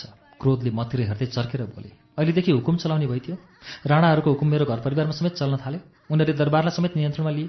तर मैले महाराजको रिसको ज्वालामा घिउ थपेर डढेलो बनाउन चाहिनँ उनका चितुवा चाहिँ गर्जेका आवाजमा थप्पडी बजाएर वातावरणलाई झन् भयावह बनाउन चाहिनँ बरु उनको मुखबाट निस्केको विषको रापलाई बरफ दलेर चिस्याउनु थियो। दरबारलाई शान्त पार्नु थियो। त्यसैले त्रिभुवनलाई बिचैमा रोक्दै बोल्न थाले। महाराज एक महिना होस् वा दस वर्ष।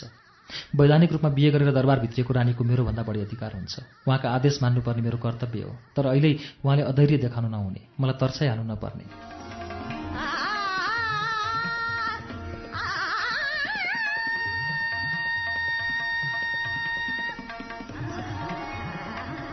मेरो कुराले उनलाई झन् वैराग्य उत्पन्न गराइदियो। वास्तवमा मेरो अभिव्यक्ति नै दैचिउरी थियो। कि मैले रत्नको खुलेर विरोध गर्न सक्नु पर्थ्यो? कि कुरै उठाउनु नहुने? तर यता पनि ठिक्क उता पनि ठिक्कले गर्दा त्रिभुवनलाई निर्णय गर्न गाह्रो भयो।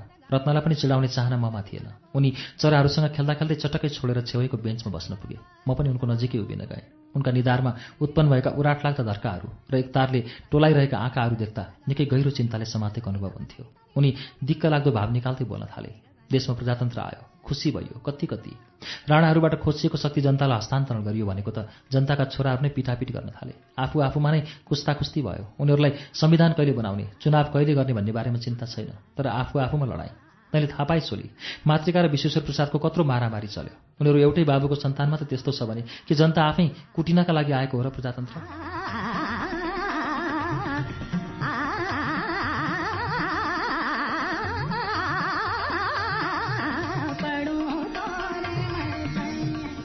केही दिन अघि मात्र टोडी खेलमा भएको विश्वेश्वर प्रसाद र मातृका पक्ष बीचको झगडालाई उनले सङ्केत गरेका थिए। उनी बोल्दै गए तिनीहरू बल्ल बल्ल ठाममा आएका थिए तर फेरि अहिले यो रत्नले के गर्न खोजेकी हो वर्षौँदेखि बस्दै आएकी तँलाई निकाल्छु भन्छे।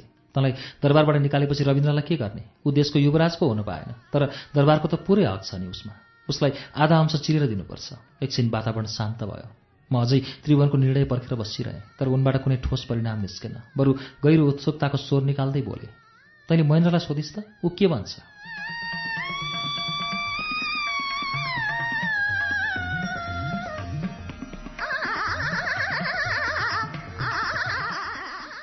पहिलो कुरो मलाई महेन्द्र सरकारप्रति कुनै भरोसा नै थिएन।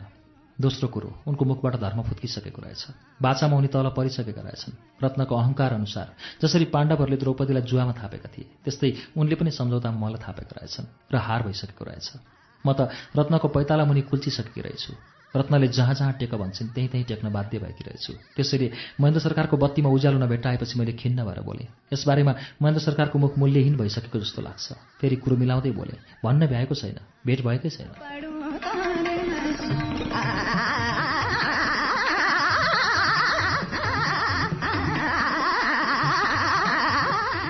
अनायास उनको आफ्नो प्रश्नको उत्तर आफैबाट आयो।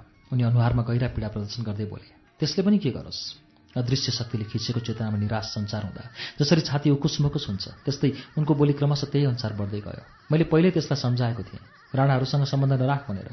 मेरो कुरालाई टेरपुच्छर लगाएन। यदि सम्बन्ध राख्नु नै छ भने भीम शमशेरतिर राखेको भए हुन्थ्यो। उनका पनि छोरीहरू थिए। कहाँ कहाँ? जुद्ध शमशेरसित सम्बन्ध जोड्न पुग्यो। जुद्ध शमशेर जस्तो। फेरि एकपल्ट नाता टुटिसकेको। इन्द्र मरेर गएपछि फेरि त्यसैको बहिनी बिहे गर्नुहुन्छ। नेपालमा केटी नै नभएको जस्तो।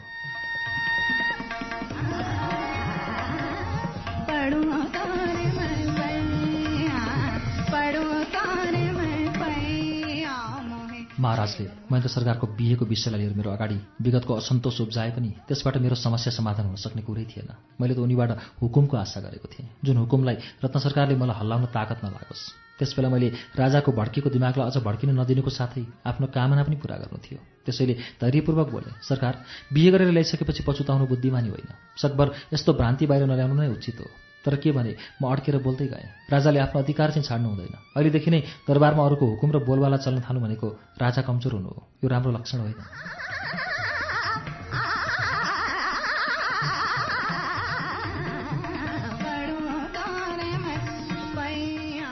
राजालाई मेरो कुराले गहिरोसँग छोएछ र कडा नजर गर्दै मतिर हेरिबक्सेर बोल्न थालिबक्स्यो मेरो जिउ छन्जेल ढुक्क भए हुन्छ।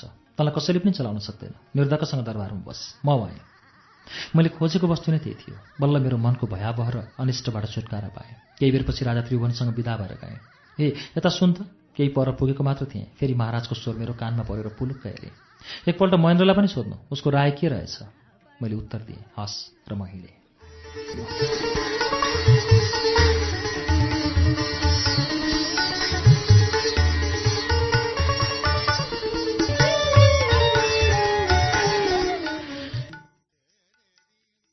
दरबार बाहिरकी महारानीको नौ श्रृङ्खला पृष्ठ एक सय चौसठीबाट।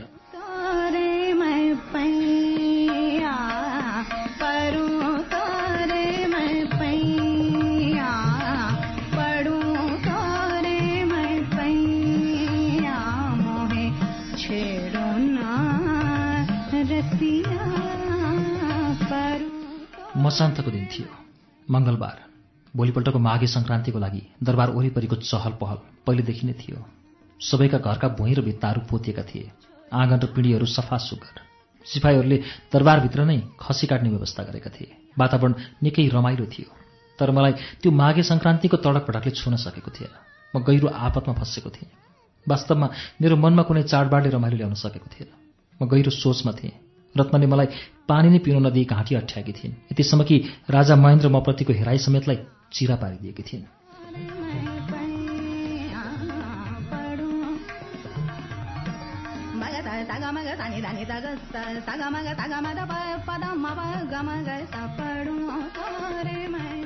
त्यस्तो स्नेहकर मान्छेको मानसिकतालाई एकाएक परिवर्तन भएको देख्दा मलाई अनौठो अनुभूति गरेकी थिएँ मैले। म भित्रभित्रै सोच्थेँ मान्छेको दिमाग कसरी साटफेर हुँदो रहेछ। अझ त्यति बेला रविन्द्रको मनोविज्ञान बिगारिदिने पनि कम थिएनन्। त्यति बेलासम्म उसका कान भर्नेहरूको सङ्ख्यामा वृद्धि आइसकेको थियो। कान फुक्नेहरू थुप्रै थिए। राजाको छोरो भएर राज्य गर्न त कता हो कता? झन् झोला बोकेर हिँड्ने साहस निकाल्नुपर्छ। मौका यही हो त्यसै हार्ने भन्नेहरू पनि थिए। अभागी भनेर अस्वाभाविक लोलोपोतो राख्नेहरू पनि थिए। ऊ दैनिक नै अपमान र ग्लानीको तीव्र ज्वाला लिएर मेरो अगाडि उदास भएर ठिङ्ग उभिन्थ्यो म सधैँ हैरान थिएँ। राजा त्रिभुवन पनि बुहारी रत्नसँग हारिसकेको मैले थाहा पाएकी थिएँ। युवराज महेन्द्रको पनि केही सिप तोरे मैं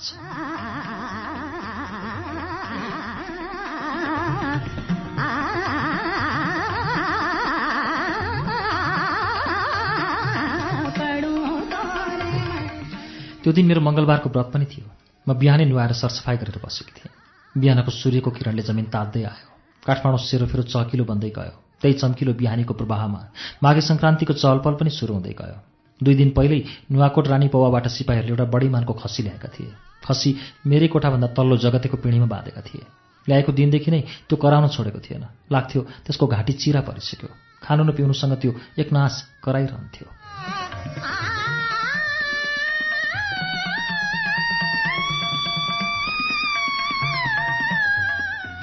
एकातिर त्यो खसीको एकनाशको क्रन्दनले मेरो टाउको फुट्ला जस्तो भइरहेको थियो भने अर्कोतिर बेला बेलामा केटाकेटीहरूले खसीको सिङ तानेर खेलेको देख्दा अति दिगदारीमा थिए। उनीहरू खसीको दारी र सिङसँग झगडा गरिरहेका हुन्थे रमाई रमाई हानाथाप गरिरहेका हुन्थे। म चाहिँ भित्रभित्र रिसाइरहेकी थिएँ। लाग्थ्यो किन ल्याएका हुन् खसी? किन खानु पर्यो मासु? तर कता कता त्यो खसीको रुवाईमा मेरै प्रतिध्वनि पाउन थाले। मलाई थाहा थियो। त्यो खसी आफू काटिन लागेको छु भन्ने चिन्ताले पक्कै रोएको थिएन। त्यो जड पशुलाई त्यसको चेतना भएको भए यो स्वार्थी मानवले आफ्नो जीवन त्यति सजिलैसँग स्वादिलो बनाउन पाउँथ्यो र किन पशु पक्षीमाथि अत्याचार हुन्थ्यो होला? त्यसलाई भविष्यको अलिकति पनि ज्ञान छैन। त्यो आँसु झारी झारी चित्कार गर्नुको कारण थियो। बथानबाट छुटिनु।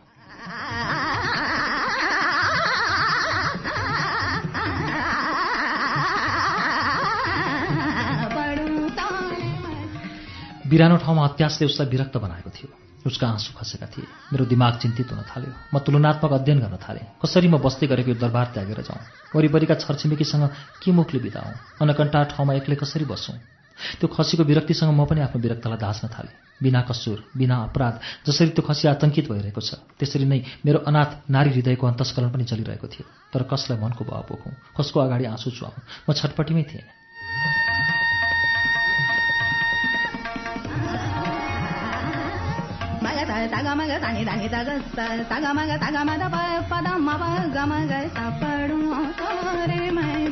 त्यही बेला चार पाँचजना मान्छेहरू दरबारको मूल ढोकाबाट फुत्त फुत्त निस्किए र सरासर मेरै घर अगाडि ठिङ्ग उभिन आइपुगे। एउटा सामान्य चालमा त्यो अधिकांश पूर्ण परिचित अनुहार थिए। पाँच खालका सुखदेव डिट्ठा हर्कपुर कोते दुम्जाको सिपाही अनि एउटालाई त्यति मेसो पाउन सकिन। उनीहरू आँगनमा आइसकेपछि धेरै बेर नै असजिलो मानी मानी उभिरहे। आफू आफूमा नै खासखुस कानेखुसी गरिरहे। उनीहरूलाई कुरो खोल्ने साहस पुगेन होला। हर्कपुर कोतेलाई देख्नासाथ मलाई शङ्का लाग्यो। उनीहरू रविन्द्रको बारेमा केही भन्न आएका हुन् कि? किनकि केही दिन अगाडि हर्कपुरे कोतेको छोरो र रविन्द्रका बीच केही झगडा परेको थियो। त्यति मात्र होइन केही दिन यता रविन्द्रको स्वभाव झगडालु भएको थियो। मानसिक उत्पीडनमा आक्रोश व्यक्त हुनु त्यो स्वाभाविक थियो। त्यसैले उनीहरूको साहसलाई सजिलो पार्नमा आफै बिस्तारै नजिक गएर मन्द स्वरमा सोधे डिठा किन आयो? पाँचजना कम्बर कसेर आएका छौ? के भयो?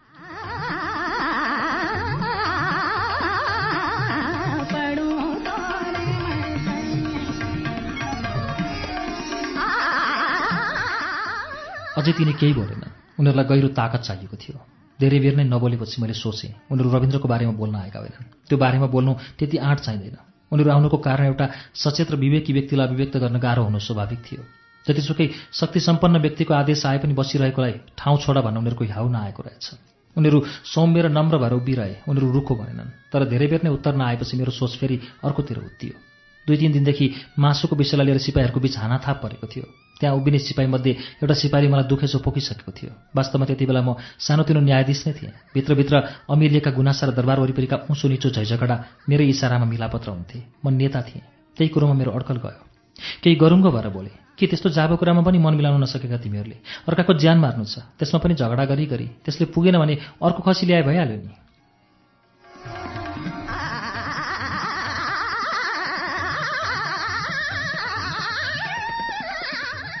तर म एक्लै फतफताउनु व्यर्थ भएछ। उनीहरूले मेरो कुरो सुन्ने चेष्टै गरेनन्। बरु सुखदेव बिट्ठाले एकपल्ट पुलुक्क कोतेतिर हेरेपछि एक दुई पाइला अगाडि सरेर नम्र भएर बोल्यो दिजु हामीहरूलाई रत्न सरकारले पठाइ बक्सेर आएका हौँ। किन? के काम पर्यो? मैले आत्तिँदै बोलेँ।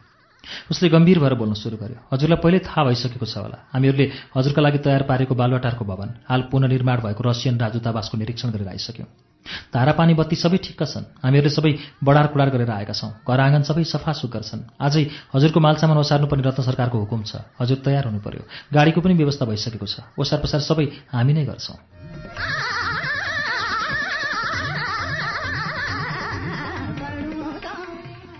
उनीहरूको बोली सुन्न साथ मलाई एक्कासी। कसैले अग्लो भिरबाट खसालेको अनुभव भयो मलाई ल्याकलुलुक भएर गलेँ।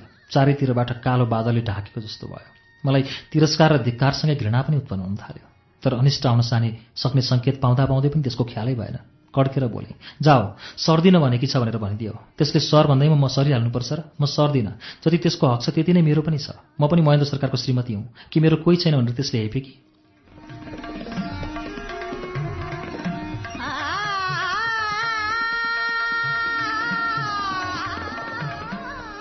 मेरो चर्को स्वर सुनेपछि उनीहरू सबै टाउको निहुराएर उभिरहे। उनीहरूले जवाफ फर्काउने कुरा त थिँदै थिएन भने। अझ त्यो कुरो रत्नलाई सोझै लगेर सुनाउँदैन थिए पनि। किनकि मलाई परेको अन्यायप्रति उनीहरू सबैको पहिलादेखिकै सहानुभूति थियो। रत्नले मलाई लखेटेको प्रति उनीहरूलाई पटक्कै चित्त बुझेको थिएन।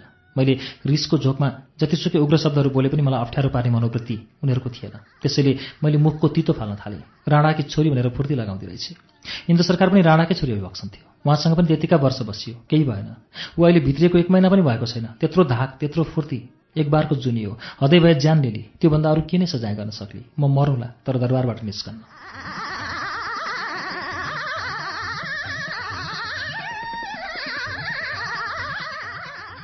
अघिसम्म माघे सङ्क्रान्तिले ल्याउँदै गरेको त्यहाँको वरिपरिको उमङ्ग र उत्साह एकाएक बदलियो।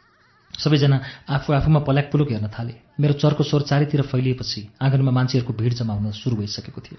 खसीसँगै जिस्किरहेका केटाहरू र रविन्द्र पनि जिल्ल परे। एकाएक त्यहाँ एक किसिमको अन्यहरूको वातावरण सिर्जना भयो। फुत्त फुत्त मान्छेहरू थपिँदै गए। हुन त केही दिन अगाडिदेखि नै मलाई दरबारबाट बाहिर सार्ने कुराको सन्चनी दरबारमा मात्र होइन। बागदरबार रत्नको माइती घरसम्म फैलिएको थियो। नोकर चाकरदेखि ठुला ठुला हाकिमहरूले समेत मेरै विषयमा चियो चर्चो गरेका हुन्थे। तर एक्कासी आज त्यति हतारमा सार्छन् भन्ने कसैले अड्कल काट्न सकेका थिएनन्। सबै जिल्ल परे। खसीसँग जिस्किरहेको रविन्द्र सरासर मैतिर आएर कुरै नबुझी कडा चोरमा डिट्ठाहरूतिर हेरेर सोध्यो डिट्ठा किन? के भयो? किन आएका तिमीहरू? के काम छ?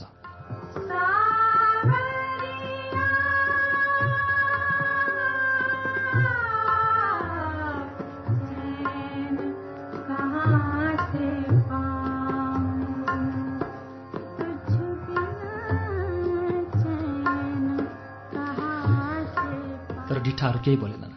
निकै होसियार भएर उनीहरू ठाउँको ठाउँ उभिरहे उनीहरू रविन्द्रसँग सतर्क हुनुमा महेन्द्र सरकारको छोराको नाताले मात्र नभई कहिलेकाहीँ रविन्द्रले देखाउने गरेको शाही खानदानको उद्दण्ड स्वभाव पनि थियो। ऊ आफू शाही खानदानको हाराहारीमा पुगेको सङ्केत गर्दै नोकर चाकर र कर्मचारीहरूलाई तर्साउने गर्थे। सायद आफ्नो बाबुको रिस साथीभाइसँग पोखेको पनि हुनसक्छ।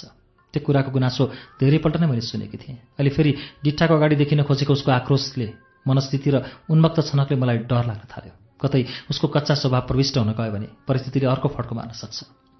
एकातिर केही बेर अगाडि मात्र मेरो रिसको पोको फुस्कनु। अहिले फेरि रविन्द्रको रुखोपन देखा पर्नु। अवश्य डिट्ठाले सहन गर्न सक्दैनन् र जस्ताको तस्तै रत्नको अगाडि ओखलिदिन्छन् अनि रत्नको प्रचण्ड तेज झन् खारिएर आउन सक्छ। त्यसैले मैले छोरालाई सम्झाउँदै भने बाबु रविन्द्र यिनीहरूसँग चर्को छोरमा बोलेर हामीहरूलाई केही फाइदा छैन। यिनीहरू त अरूले लगाएको अराएको काम गर्ने मात्र हुन्। कर्मचारी भएपछि आफूभन्दा माथिकाहरूले अराएको लगाएको काम गर्नु नै पर्यो। त त्यसरी कठोर भएर नबोल।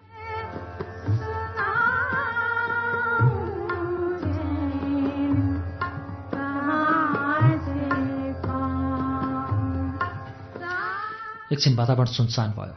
न उनीहरूसँग मेरा घरभित्र पसेर मालसामान मिल्काउने ताकत आयो। न मैले उनीहरूलाई अनुमति नै दिएँ। त्यहाँ कुनै छलफल विचार विमर्शको कुरै थिएन। उनीहरू ठेलमठेल गरेर मलाई जित्न आएका पनि थिएनन्। उनीहरूको त्यस्तो चाहना पनि थिएन।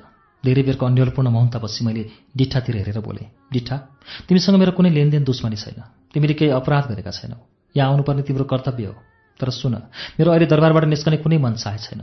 मेरो मानसिकता तयार छैन। म जान्न।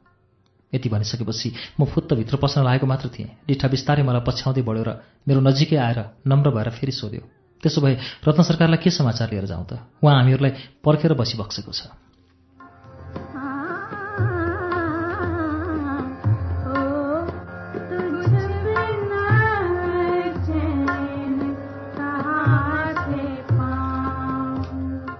मैले के समाचार लैजाऊ भन्ने? जे देखेका छौ त्यही लैजानु भेट भएन भनिदिनु। निकै साहस बटुलेर भने तर मलाई थाहा थियो मैले बोलेको कुनै पनि कुरो हुबहु रत्नलाई उनीहरूले बताउँदैनन्। उनीहरूले मेरो पक्षमा कुरा मिलाएरै बोल्छन्। मलाई अप्ठ्यारोमा पार्दैनन् केही बेरपछि उनीहरू फर्किए। उनीहरू गइसकेपछि पनि हामी आमा छोराबीच एक प्रकारको उत्तेजना बढेर गइसकेको थियो। रविन्द्रले उसको बाबुलाई दोष दिन थाल्यो। ऊ बाबुप्रति आफ्नो उकुस मुकुसलाई प्रहार गर्दै थियो तर मेरो क्रोध रत्नमा गइरहेको थियो।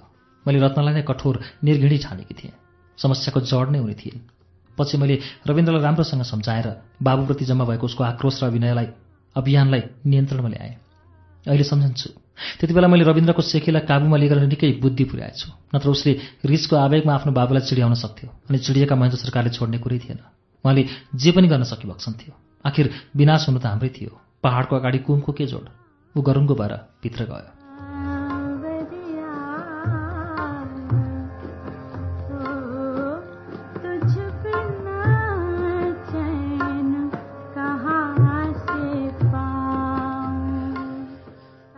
घाम अस्दै सकेको थियो। साँझतिर महेन्द्र सरकार आफै मेरो कोठामा आइबक्स्यो र आँगनबाटै बोलाइबक्स्यो। गीता बोलीमा तेज मात्र नभए कठोरता पनि थियो। मैले थाहा पाएँ कि युवराज निकै दृढ भएर आइबक्सेको छ।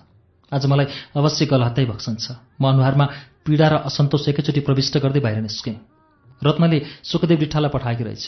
खै मालसामान बाकासहरू सबै ठिकठाक भयो? बिहानैदेखि गाडीको पनि व्यवस्था भएको थियो रे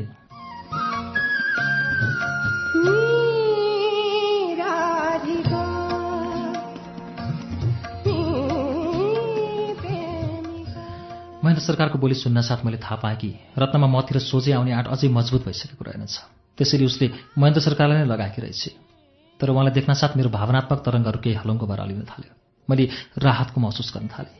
मेरो असन्तुलित मनस्थिति नरम भयो। आँखाहरू रसाउँदै आउन थाले।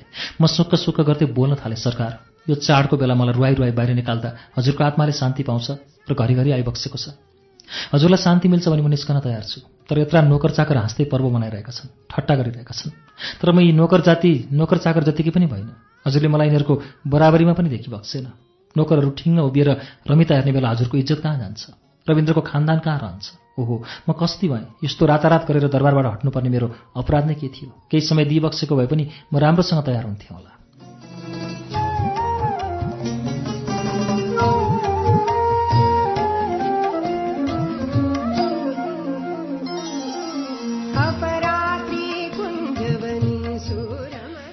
सरकार मेरो नजिकै आइबक्स्यो। मेरो विरक्त लाग्दो स्वरमा बोलिबक्स्यो गीता तिम्रो कुरा सुन्दा मलाई धिक्कार लाग्छ। मलाई सधैँ त्यही इज्जतले प्रश्न गरिराख्यो। त्यसैले नै मैले तिमीलाई यस्तो गर्नु पर्यो तिमीलाई मैले सुरक्षित पार्नु मेरो कर्तव्य हो। शाही खानदानको लागि राजदरबारको लागि र देशको लागि नै यो गर्दैछु। तिमीहरू नोकर चाकरको स्तरका मान्छेहरू होइनौ। तिमीहरू उपल्लो दर्जामा पुगिसक्यौ। किन यहीँ बस्न खोजिरहेका छौ? अब तिमीहरूको इज्जत बढेको छ। सुरक्षा पनि चाहिएको छ। नोकरहरूसँग कुम जोडेर बस्नु तिमीहरूको इज्जत होइन। महेन्द्र सरकारको बोलीमा मैले चतुर्याइ पाएँ।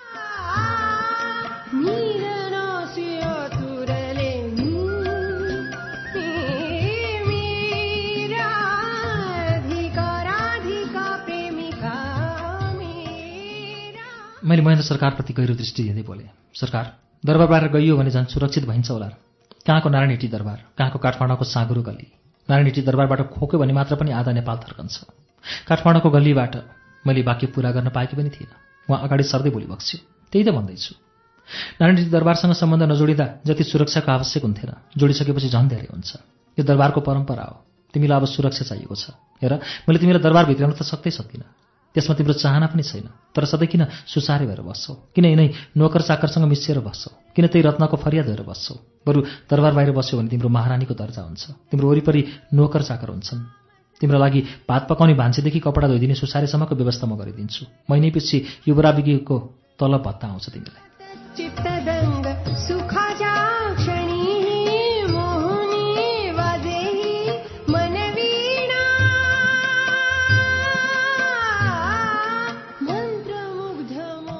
उहाँले केही उज्यालो अनुहार लगाइ बक्स्यो। महेन्द्र सरकारले सुखद अनुभूतिको हावभाव देखाउँदै मलाई मक्क पार्न खोजे पनि मेरो हृदयमा हर्षको जन्म हुन सकेन। यसलाई मैले केवल महेन्द्र सरकारको अभिनय मात्र ठाने र सङ्कोच मानी मानी बोले। हजुरको शेषसम्म बाहिर बसे पनि कसैको टाउको ठाडो पार्ने आँट नहोला तर शेषपछि शेषपछि मेरो के गति होला? मलाई कसले हेरविचार गर्छ? दरबार बाहिरकी महारानीको के मूल्य? शक्ति वैभव शान दरबारमा हुने। मैले चाहिँ बाहिर बसेर के पाउँछु? मलाई कसले पुज्छ रविन्द्र कसरी बस्छ? साथीभाइ सबै दरबारमा नै छन्। त्यो त बहुला हुन्छ।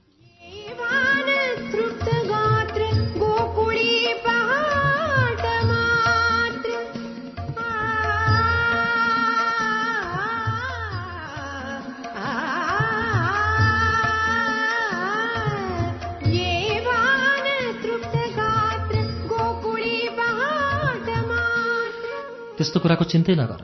एकपल्ट मैले दिने भनेर बसाइसकेको नियम काट्न कसको ताकत? मलाई निर्धक्कसँग बोली मेरो एक मन महेन्द्र सरकारसँग घमण्ड गर्दै आफ्नो अड्डी नछाड्ने थियो भने अर्को मन डराउन थाल्यो। यदि महेन्द्र सरकार रिसाइ बक्स्यो भने रत्न मेरो सामा आफै आइन् भने म डराउन थालेँ। मलाई सम्झौता गर्न करै लाग्यो र न्याउरो हुँदै बोले सरकार आजै जानुपर्ने? हजुर बेला बेलामा भेट गर्न आइबक्स्योस् है त। नत्र म आत्तिर पागल हुन्छु। मेरो अरू को छ र आधार भरोसा?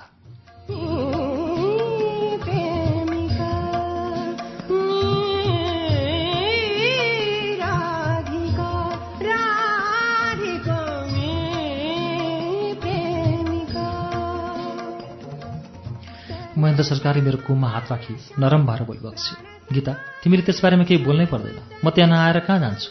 मेरो पनि अरू ठाउँ कहाँ नै छ र?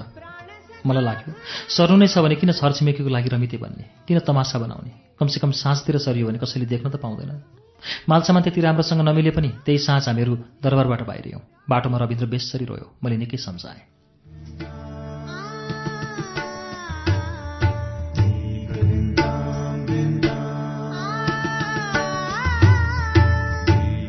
कार्यक्रम श्रुति सम्वेकमा अहिले तपाईँले सुनिरहेको वाचन नगेन्द्र नेौपानेको उपन्यास दरबार बाहिरकी महारानीको वाचन हो। यसको बाँकी अंश केही बेरमा वाचन हुनेछ। उज्यालो सुन्दै गर्नुहोला।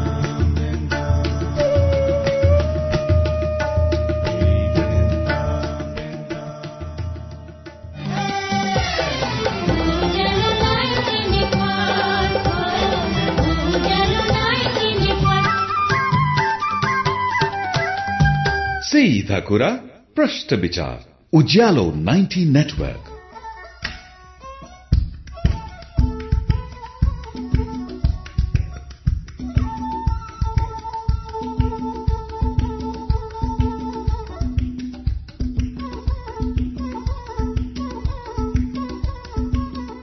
कार्यक्रम श्रुति सम्वेकमा पुनः स्वागत छ।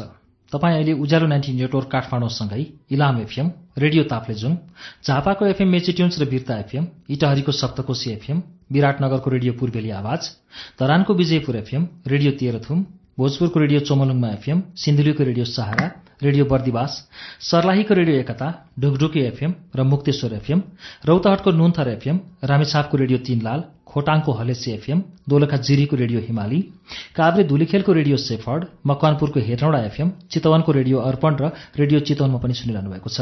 त्यसै गरी फलेवासको रेडियो पर्वत रुकुमको रेडियो सिस्ने पाल्पाको पश्चिमाञ्चल एफएम र रेडियो रामपुर पोखराको रेडियो तरंग तनहुँको रेडियो भानुभक्त रेडियो ढोर बाराही रेडियो बन्दीपुर र स्मार्ट एफएम गोर्खाको गोरखकाली एफएम बागलुङको रेडियो सार्थी एफएम र गलकोट एफएममा पनि श्रुति सम्वेक सुन्दै हुनुहुन्छ।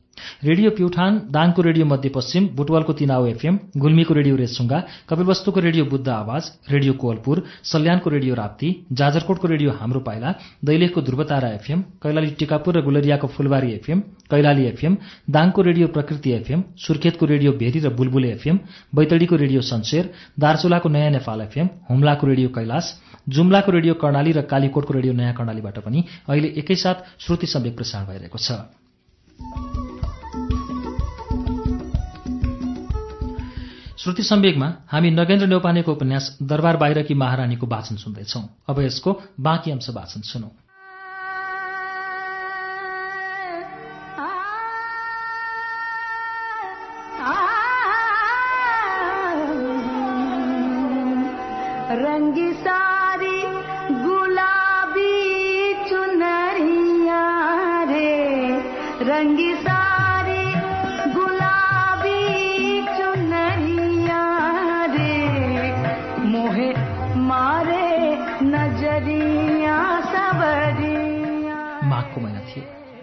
दुई तिन दिनदेखि निकै जाडो बढेको थियो।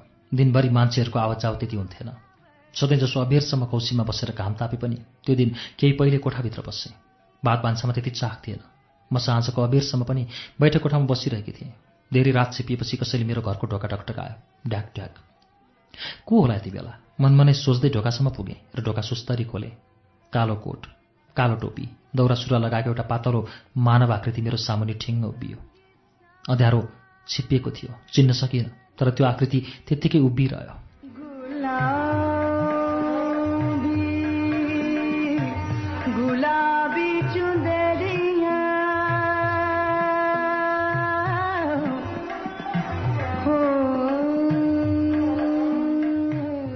गीता भनेर बोलाएको सुनेपछि स्वरले थाहा भयो महेन्द्र सरकार भइबक्सिँदो रहेछ।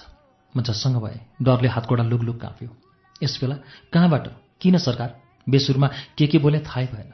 उहाँ केही पनि बोली बक्सेन र कोठा खोल्नासाथ फुत्त भित्र पसी बक्स्यो। झन् मलाई डर लाग्यो।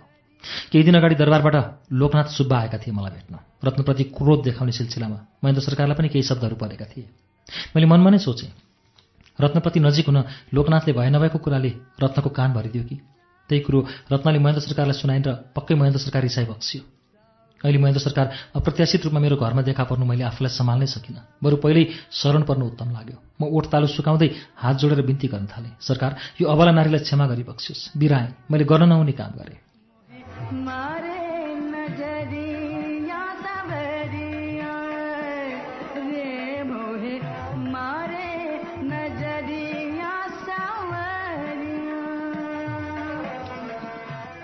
एक्कासी। म चिच्याउँदै उहाँको अगाडि हस्याङ फस्याङ गरेको देखेर महेन्द्र सरकारलाई अनौठो हुनु अनुभव हुनु स्वाभाविक थियो। उहाँ आँखा तुलबुल गर्दै मेरो अगाडि आइबक्स्यो र हतारिँदै सोधिबक्स्यो किन? के भयो गीता? के को लागि माफ? गल्ती त मेरै हो नि दरबारबाट निकाल्नु नहुने। उहाँको बोली सुनेपछि बिस्तारै टाउको उठाएर लामो सास फेरे। उहाँको निधारमा करुणा देखेपछि बल्ल खुलस्त भयो। लोकनाथ सुब्बाको कुरा लिएर उहाँ मेरो कोठामा आइबक्सेको रहेनछ। लोकनाथको बारेमा उहाँलाई थाहै रहेनछ तर पनि मैले सोधेँ हजुरले लोकेश सुब्बालाई पठाइबक्सेको थियो? किन पठाउनु? पठाएको थिएन? ऊ आएको थियो र अहिले मलाई पुरै विश्वास भयो। महेन्द्र सरकार मसँग रिसाइ बक्सेको छैन।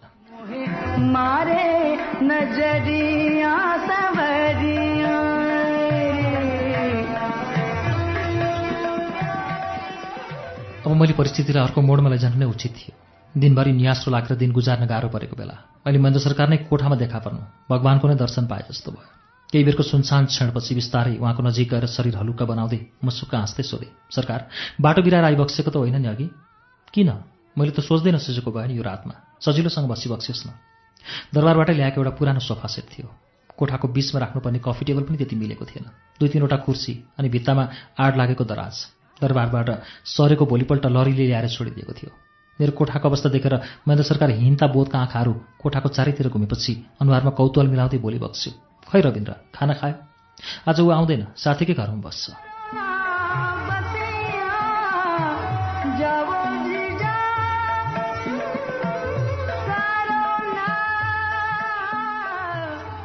अनायास अघिसम्मको उहाँको अबोध अनुहार बल्ल सुरु गर्यो।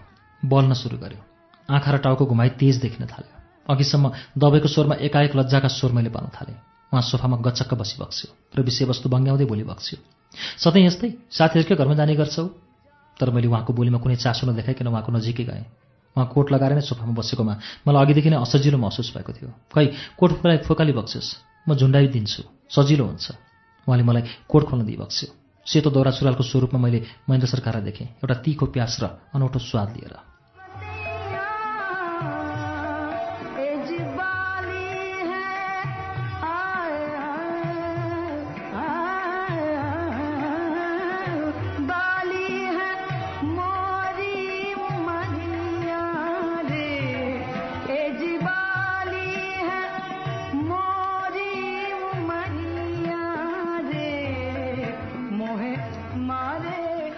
खै दिइबक्सेस् त्यो पोसाक पनि। आज गर्मी छ हलुङ्गो हुन्छ। म आफै दौराको तुना फकाउन गएँ। मैले भित्तामा दौरा झुन्डाएँ। एउटा पुरुषको गन्ध दौराबाट निस्कँदै मेरो शरीरमा पस्यो मैले विचित्रको रोमाञ्चको अनुभव गरेँ। मेरो भित्रभित्र लोलाएर बसेका उच्छ्वासहरू बढ्दै जान थाले। मलाई रमाइलो लाग्दै आयो। त्यस्ताका नेपालमा राजनीतिक चहलपहल त्यति थिएन। जनताहरू भित्रभित्रै मुकामुख गरेका हुन्थे। सबैलाई त्रास र डर थियो। समसाझै सडक सुनसान हुन्थ्यो। पुलिसदेखि सबै डराउने। देशको त दरबार बाहिर बसेर पो थाहा हुँदो रहेछ। त्यहाँ गएपछि थाहा भयो। महेन्द्र सरकारलाई देश चलाउन आछु आछु परेको थियो। महेन्द्र सरकारलाई गाली गर्नेहरू पनि थिए। दरबारबाट मलाई खबर आइरहन्थ्यो। दैनिक मिटिङ बस्थ्यो। नेताहरूसँग भेटघाट हरदम चल्थ्यो।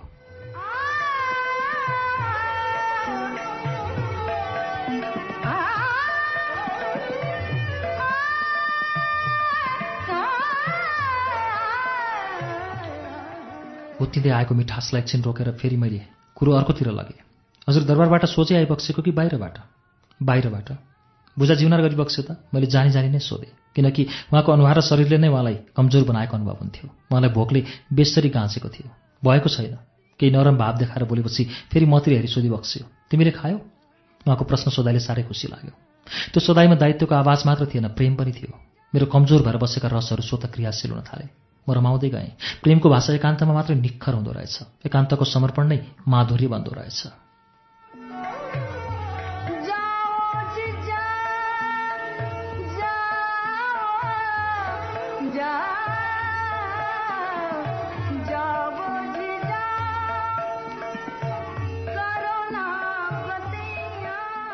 तर मैले प्रेमको बेगलाई प्रकट हुन नदिई। व्यवस्थापूर्ण सङ्केतमा उत्तर दिएँ। सरकार एकान्तमा भोजनको स्वाद नै के हुँदो रहेछ र? भान्सा सधैँ सुनसान लाग्छ।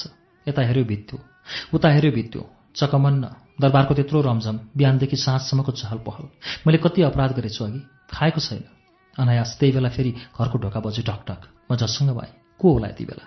खोल्न जाउँ कि नजाउँ भएँ? धेरै बेर नै मेरो अन्तरात्मालाई दुधारले समातिरह्यो तर आवाज रोकिएन ढकढक मैले पुलुको महेन्द्र सरकारतिर हेरेँ। उहाँको आँखाहरू त्रास र अन्तर्पीडाको सम्मिश्रणमा व्यथितिसँग चलिरहेका थिए। कहाँ जाउँ? कता लुकौँ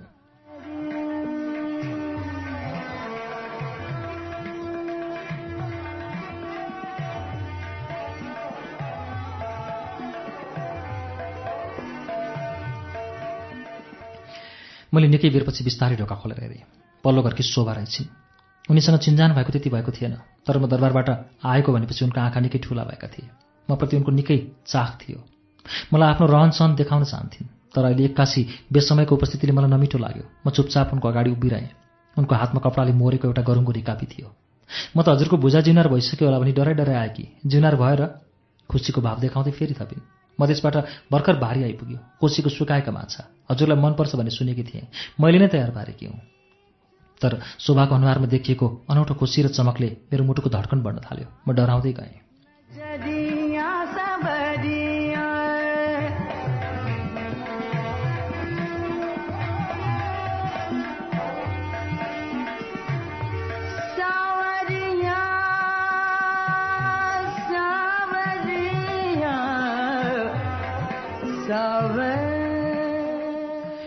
यति राति आफै आइबक्सेको नोकरलाई पठाइबक्सेको भए पनि हुन्थ्यो नि।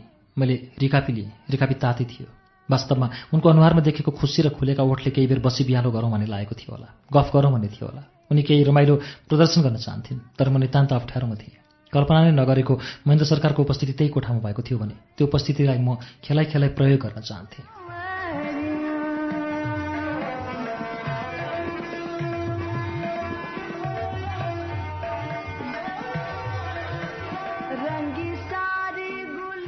मैले उनलाई भित्र बसौँ भनेर अनुरोध गर्ने हिम्मत गरिनँ। अझ सुरुमा मेरो कालो निलो अनुहार देख्न साथ उनका आँखा निकै झस्केका थिए। अझ म पनि झस्केको थिएँ कि महेन्द्र सरकारलाई उनले देखिन् कि? वा हाम्रो गाई गाई आवाज उनको कानमा पऱ्यो कि? तर मेरो आँखाको बुझाइ र अधेरेको भ्रिकुटीले उनको विधि पुगिसकेको थियो। उनको भित्र बसेर गफ गर्न मेसो चकनाचुर भएर फुटिसकेको थियो। बरियारलाई खुवाएर उम्काउनु छ। बोकाएर आएका होलान्। मलाई त फुर्सद छैन। उनले ढोकाबाट उभि उभि वास्तविकता बुझेको जस्तो गरेर गए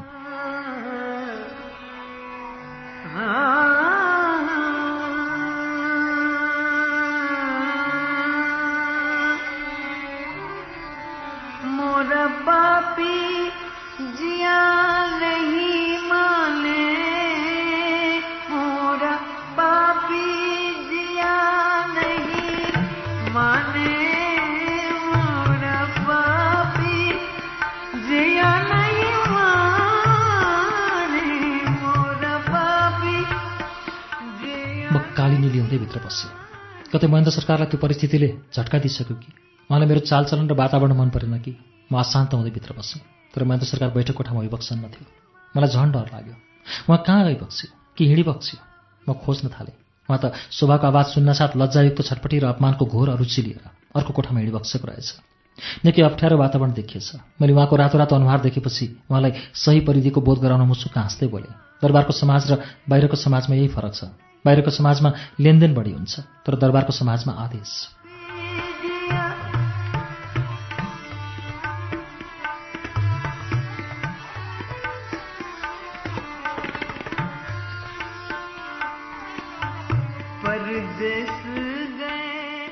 यसबारेमा उहाँको केही प्रतिक्रिया देखेर म सोझै भान्सामा गएँ।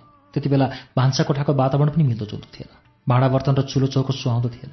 तर पनि महेन्द्र सरकारको उपस्थिति एउटा अव्यक्त मिठास लिएर त्यहाँ भइरह्यो। म आनन्दसँग भान्सा कोठामा चलेको मेरो हात र बेला बेलामा घुमेको नजरलाई मुलायम आँखाले हेरिबक्सन्थ्यो मलाई लागिरहेको थियो प्रेम र स्नेह अभिव्यक्त मिठासबाट नै हुन्छ। भान्सा तयार गरेपछि मैले उहाँलाई बस्ने ठाउँको व्यवस्था गरेँ।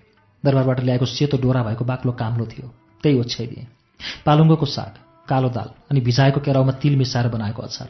उहाँलाई भोक लागेको थियो। भोकको स्वाभाविक आवासमा उहाँका हातहरू चल्न थाले। मैले परेबाट हेरिरहेँ। नरनारीको अपेक्षित यात्राको एउटा रोमाञ्चित परिवेश थियो त्यो जहाँ एकअर्कामा संयोजन हुन सक्छ भावना लट्ठिन सक्छ।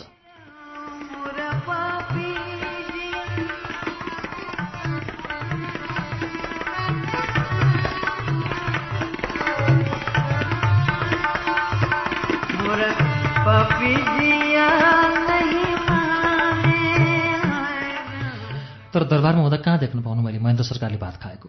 कहाँ भेट्नु उहाँलाई भान्सामा? म त केवल उहाँको अर्धभोग थिएँ। उहाँलाई रागको तरङ्गमा सहजता दिनु मात्र। उहाँको काममा नै मलाई आँखा चिम्लनु थियो। तर आज रसात्मक शैलीको अभिव्यक्ति निकै सक्षम भएको मैले अनुभव गरेँ। स्त्री पुरुषको रागात्मक प्राञ्जलताको समायोजन भएको मलाई अनुभव भयो। आफ्ना श्रीमानलाई भात पस्कर दिँदाको रहरमा निकै बेर भावविवल भइरहे।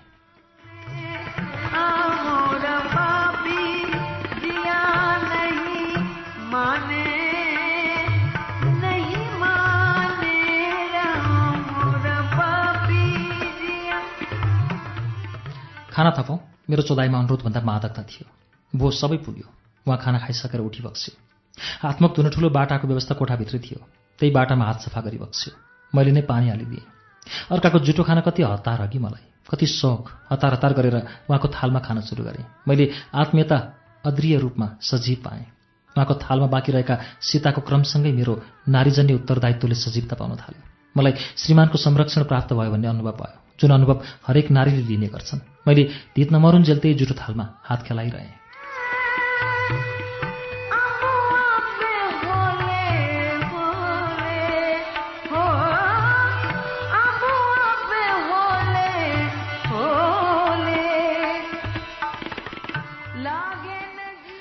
मेरो नारी इच्छाले नजिकैबाट आत्मसात गर्न थाल्यो जुन अहिलेसम्म गर्न पाएकी थिइनँ।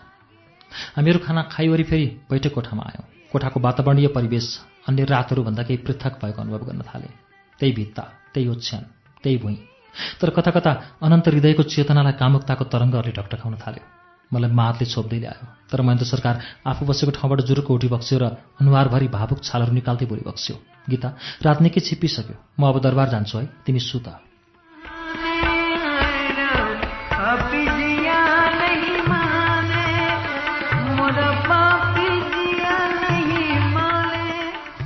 मैले आफूलाई सम्हाल्न नै सकिनँ रसात्मक भावुकताले मलाई अर्को संसारमा लगिसकेको थियो। सुखात्मक आनन्दको उत्कर्षमा पुगेका बेला एकाएक महेन्द्र सरकारको टिठ लाग्दो अभिव्यक्तिले मलाई कसैले अग्लो रुखबाट खसालेको अनुभव भयो अघिदेखि सोचिएर रहेको कल्पनाका रसहरू बकापक पोखिन थाले। मैले नरम भएर सोधेँ हजुर आज यहीँ राज गर्ने होइन र? म त त्यही सोचमा छु। उहाँले अन्कनाउँदै बोली बक्स्यो ड्राइभर कुरिरहेको छ त्यसलाई के भन्ने त? भोलि आउने भनेर पठाइबक्सियोस् न भइहाल्छ नि।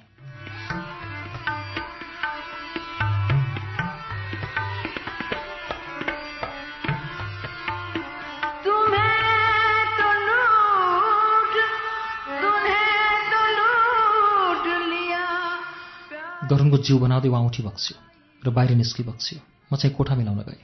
एउटा अनौठो उत्साह र सोणीमा आशा बोकेर। महेन्द्र सरकार केही बेरपछि बैठक कोठामा आइबक्स्यो र पुनः त्यही सोफामा थचक्क बसिबक्स्यो। केही पहिलादेखि उमङ्ग र आस्थाले विद्रोही भएको मेरो मस्तिष्क। अनि चिताउँदै नचिताएको कोठाको परिवेशमा म निकै लट्ठिएकी थिएँ। तर महेन्द्र सरकारको पुनः आलस्यपूर्ण सोफाको बसाइले एकाएक मेरो उत्साह वात्त कट्यो म निकै होसियार हुँदै बोलेँ हजुरले अघिदेखि निन्द्रा लाग्यो भने बक्सेको थियो। आँखा लोलाउँदै थिए। अब सुत्ने बेला भएन र? मैले सबै ओछ्यान मिलाइएको छु। उठी बक्सियोस्। उहाँबाट कुनै प्रतिक्रिया आएन। केवल जिउ चले मलाई बक्स्यो। म नजिकै गएर फेरि बोलेँ खै कपडा फुकाली बक्सियोस् म झुन्डाइदिन्छु। उहाँले बाहिरी कपडा सबै फुकालेर मलाई दिए बक्स्यो।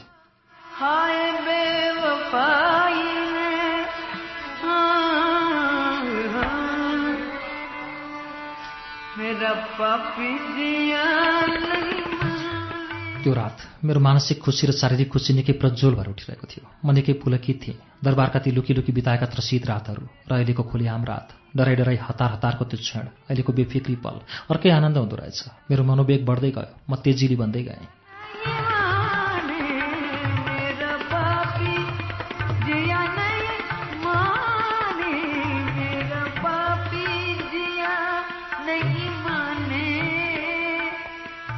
मैले उहाँको कपडाहरू हातमा लिएर भित्तामा झुन्ड्याएँ। मेरो मनले कता कता अर्को भावनात्मक अनुभूतिको अनुभव गर्यो। पुरुषको लुगाको गन्धमा उत्तेजना सञ्चित भएको हुँदो रहेछ। त्यहाँ स्नेह पनि लट्ठिएको हुँदो रहेछ। ती लुगाहरूलाई धेरै बेर हातमा लिएर बाँच्न लिइरहे। निकै प्रेमपूर्ण लाग्यो। त्यो पनि एउटा विवाहित नारीको सौभाग्य थियो। पुरुषको गन्धमा नारी समर्पित हुने सम्मोहन थियो। कटिबरा विगतका दरबारका ती रात। कहाँ मैले महेन्द्र सरकारका लुगा झुन्ड्याउन पाउनु कहाँ धेरै बेर लुगा हातमा लिएर खेलाउन पाउनु सबै क्षणहरू हतार हतारमा बित्थे। सबै मिठासहरू निमेषभरमा नै ढाकछोप हुन्थे। महेन्द्र सरकारलाई फुर्सद थिएन वा त्रास थियो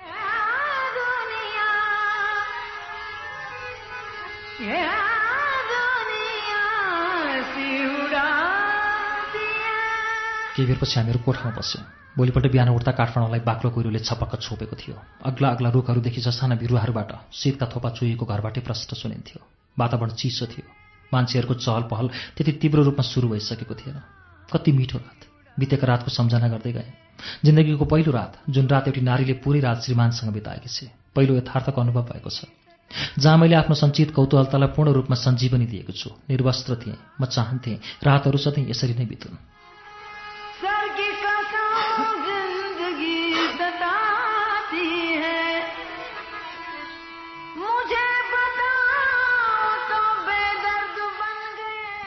केही बेरपछि महेन्द्र सरकारको निद्रा खुल्यो। उहाँ हत्तपत्त आफ्नो झुन्ड्याएको लुगातिर लागेको देख्दा म नराम्रोसँग झस्केँ। मेरो अन्तर्पीडा र अभावका घाउहरू एकाएक चहराउन थाले। म नजिकै गएर सुस्तरी बोलेँ मैले बाहिर हेरेर आएँ। अझै गाडी आएको छैन। एकछिन बसी बक्सियोस् न। कस्तो अहिले जान हतार गरी बक्सेको। कहाँ गाडी आउँछ त? मैले ड्राइभरलाई पर सडकमा नै रोक्नु भनेको छु। उतै जानुपर्छ। हो र? म खिस्रिक्क परेँ उहाँको अठोटमा परिवर्तन हुन सकेन। उहाँ हतार हतारमा नै कोठाबाट निस्कि बक्स्यो म पनि पछि पछि लागेँ। किन? कहाँ जान हिँडेँ कि? महेन्द्र सरकारको तर्सेको स्वर मेरो अगाडि तिको भएर ठोकियो। उहाँलाई म पछि लागेँ भनेर भित्रभित्र आतङ्कले साँच्चै कमजोर बनाएको थियो। उहाँलाई मेरो डर थियो। लुकी लुकी भागी भागी रसरङ गर्नेलाई मान्छेको सामु उत्रन गाह्रो पर्छ। उनीहरू समाजको अगाडि लज्जित हुन चाहँदैनन्। स्वरमा सकेसम्म आतङ्कको आभास हुन नदिई गम्भीर भएर बोले सरकार सडकसम्म म पनि जान्छु।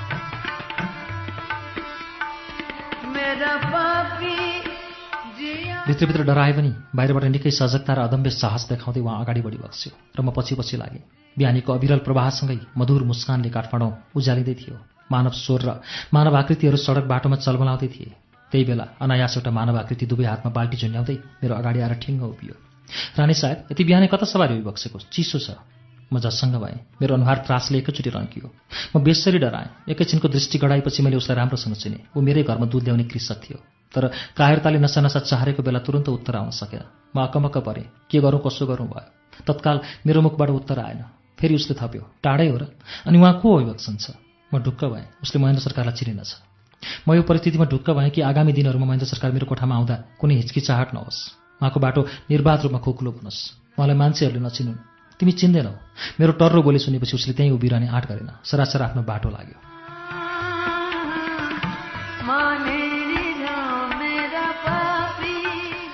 त्यति बेलासम्म महेन्द्र सरकारका पाइलाहरू निकै अगाडि बढिसकेका थिए। उहाँ मूल सडकमा पुगेर पनि फर्किबक्सेको थियो। म अकमक्क परेँ।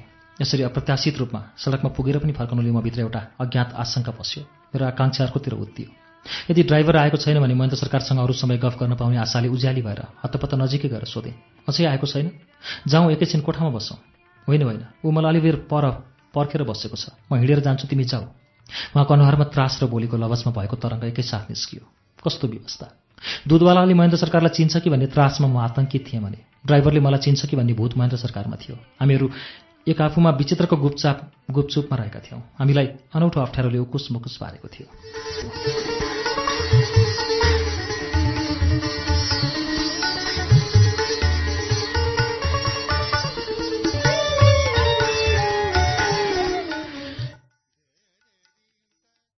दशौं श्रृङ्खला पृष्ठ एक सय त्रियासीबाट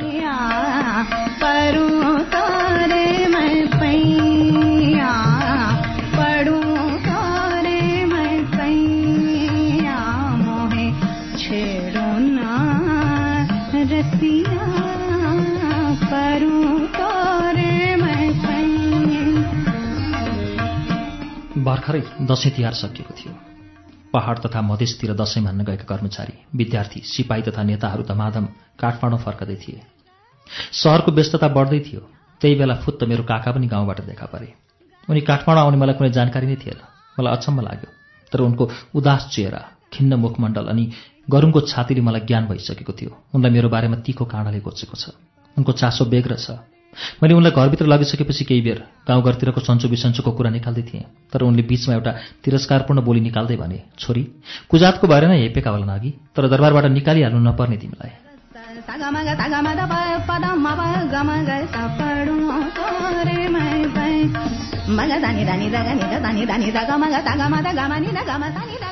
धेरै वर्ष नै पिँधमा छेक्रिएर बसेको चोटलाई जतिसुकै झट्का दिएर पनि त्यसमा मेरो उत्साह देखा पर्न सकेन।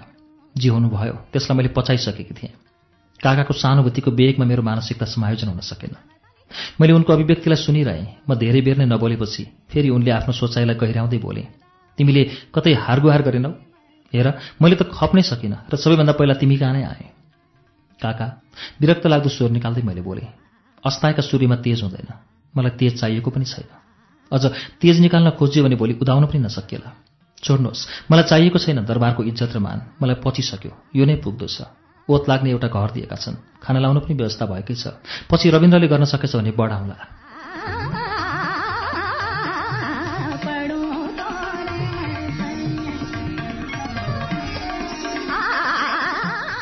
कहाँ हुन्थ्यो त्यसरी? उनका आँखा निकै तिखा भए।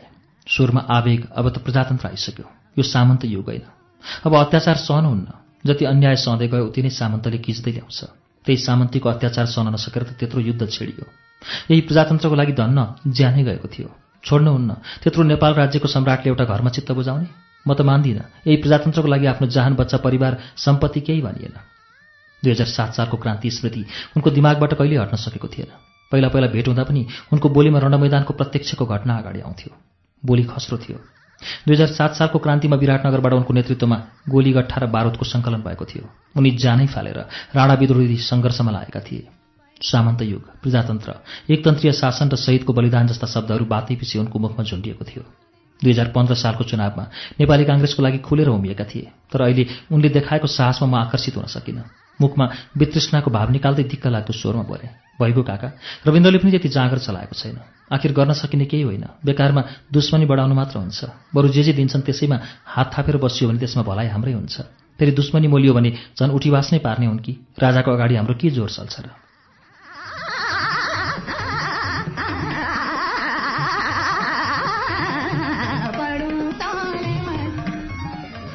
कहाँ हुन्छ? अन्यायसँग भागेर बस्न। म भोलि नै विश्वेश्वर कहाँ नगई छोड्दिनँ। त्यो बाहुनले नगरी सुख पाउँछ। त्यसको लागि मैले के के गरिनँ? हामीले नै भोट दिएर भएको प्रधानमन्त्री हो नि त्यो। राजाले जे पाए त्यही गर्न पाइन्छ। देशका राजदण्ड नै थमाउनु पर्ने मान्छेलाई दरबारबाट नै निकालिदिने यतिसम्म बिजोग पार्ने हिम्मत तिनलाई कहाँबाट आयो? नारायण हिट्टीको आधा भाग पाइन्छ भने मिलिन्छ। होइन भने नेपालका अर्को क्रान्ति सुरु हुन्छ भन्दै काका जुरुक्क उठे। तर विश्वेश्वरको नाम उनको मुखमा आउनासाथ मेरो दिमाग अतीत र वर्तमानको भुमरीमा बेग्र भएर सल्बलायो। त्यति बेला नेपालमा प्रधानमन्त्री विश्वेश्वर प्रसाद कोइराला थिए। निकै बाठा छन् सहयोगी छन् भन्ने सुनेकी थिएँ। उनीसँग भेटघाट कहिल्यै भएको थिएन। हुन त उनी नारायणजी दरबारभित्र केही दिन बसेका रहेछन्। राणा शासनको अन्त्य भएपछि त्रिभुवन सरकारलाई देश सञ्चालन गर्न गाह्रो भएको बेला उनका श्रीमती र छोरीहरू समेतको गुजारा नारायण हिट्टीमा भएको रहेछ। त्यो बेला म पनि दरबारमै भए पनि उसँग कहिल्यै भेट हुन सकेन। सायद मलाई राजनीति सम्बन्धी र देशको गतिविधि थाहा नभएर हुनसक्छ वा पहुँच नभएर हुनसक्छ। तर अहिले एकाएक काकाले विश्वेश्वर प्रसादको नाम अगाडि ल्याएर मेरो शून्य मानसिकतामा एउटा धमिलो आघात भित्र फुत्त पसाइदिए। म मनमा नै सोच्न थालेँ कि विश्वेश्वरबाट यो काम पुरा होला के दरबारमा बस्न पाइएला फेरि। फेरि दिमागको पाटो अर्को पार अर्कोतिर घुम्न थाल्यो। महेन्द्र सरकारले यो कुराको ज्ञान भयो भने रत्नको कानमा पर्यो भने यिनै दृश्य अदृश्य प्रश्नको लहरमा निकै बेर घोरिए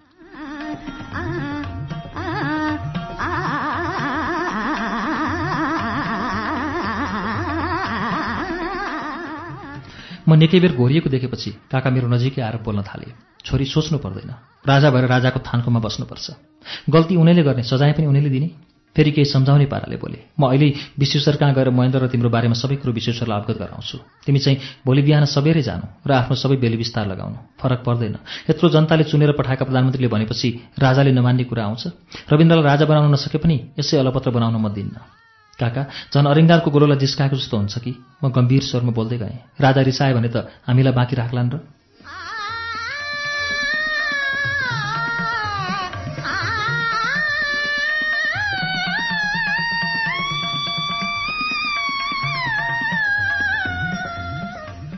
अब राजा अरिङ्गाल होइनन्। अरिङ्गल त जनता हुन्। डर त उनलाई हुन्छ। जनतालाई जिस्कायो भने उनको गोलामा आगो लाग्न सक्छ। त्यसै छोड्न हुँदैन। उनले फेरि त्यसैमा थपे हामी माइती कमजोर खालका भइयो भने घरवालाले हेप्छन्। मलाई कमजोर नबनाऊ म लडेरै छाड्छु धेरै बेरको गहिरो सोचाइपछि विश्वेश्वर प्रसादलाई भेट्ने निर्णय मैले गरेँ। उनलाई भेटेपछि केही नपाए पनि आफ्ना छाती हलुङ्गो हुने आशा लाग्यो। कमसेकम रत्नको उन्मत्त साँडेको ज्वरो त हल्लिएला।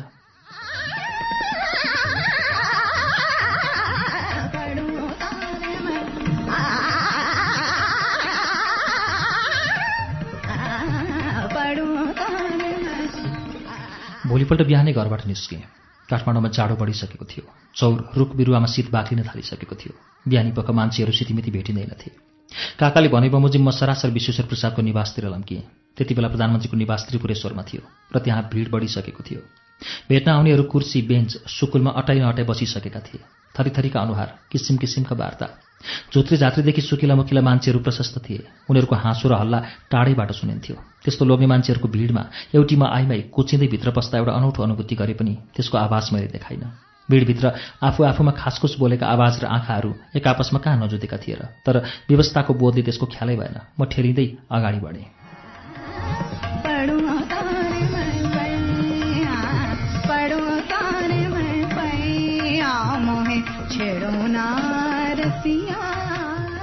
मूल ढोकामै पुग्न लाग्दा त्यही भिडमा एकजना ठुलो निधार भएको युवक उठ्यो र मेरो नजिकै आएर सोध्यो कसलाई भेट्न आउनुभयो के काम छ?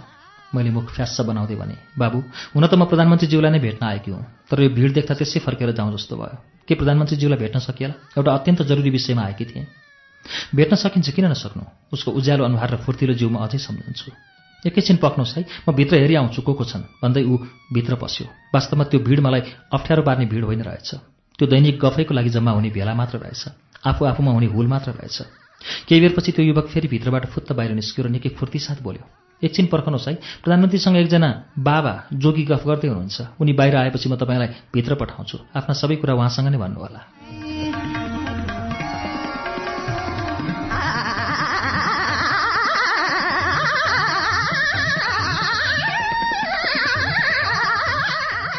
त्यो युवकले भनेअनुसार नै म केही बेर छेउको कुर्सीमा बसेँ।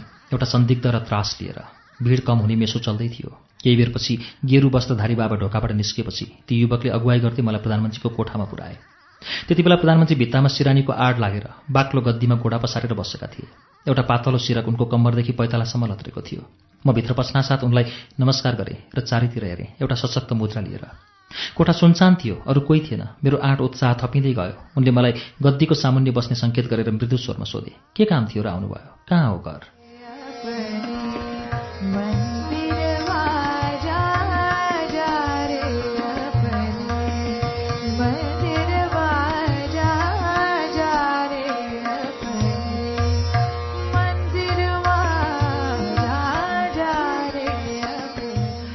मैले आफ्नो परिचय दिएँ। म रविन्द्रकी आमा हुँ। मेरो घर यहीँ काठमाडौँमा हो। त्यति सानो परिचयले मलाई उनले चिन्न सक्ने कुरै थिएन। सम्भव पनि थिएन। रविन्द्र न कुनै ठुलो नेता थियो न कुनै अभिनेता। रविन्द्र नाम गरेका त्यस्ता कति थिए कति। निधारमा गाँठो पार्दै उनले फेरि दोहोऱ्याएर सोधे को रविन्द्र?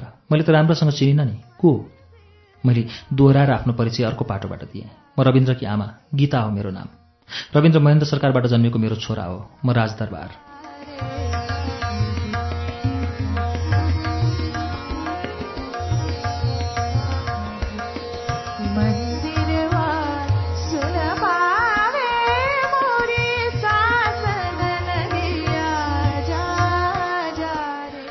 मैले यति भन्ना साथै उनले बिचैमा मलाई रोकेर भने हे हे मैले चिने म राम्रोसँग चिन्छु। उनी निकै फुर्तिला देखिए तर मेरो भित्री आत्मामा क्षोभ र ग्लानीको जन्म भइसकेको थियो। मैले आफ्नो छोरालाई राजाको छोरो भनेर परिचय गराए पनि आफूलाई राजाको श्रीमती भन्न समेत आँट आएन। रविन्द्रको नाम अगाडि युवराज पद दिने साहसै भएन। उनले मेरो परिचय पाएपछि भित्ताबाट आफ्नो जिउलाई तनक्क तन्काएर शरीरलाई सम्मानजनक आकृति दिँदै बोल्न थाले। अनि किन आउनुभयो भाउजू के सेवा गरौँ तपाईँ दरबारको व्यक्तिलाई?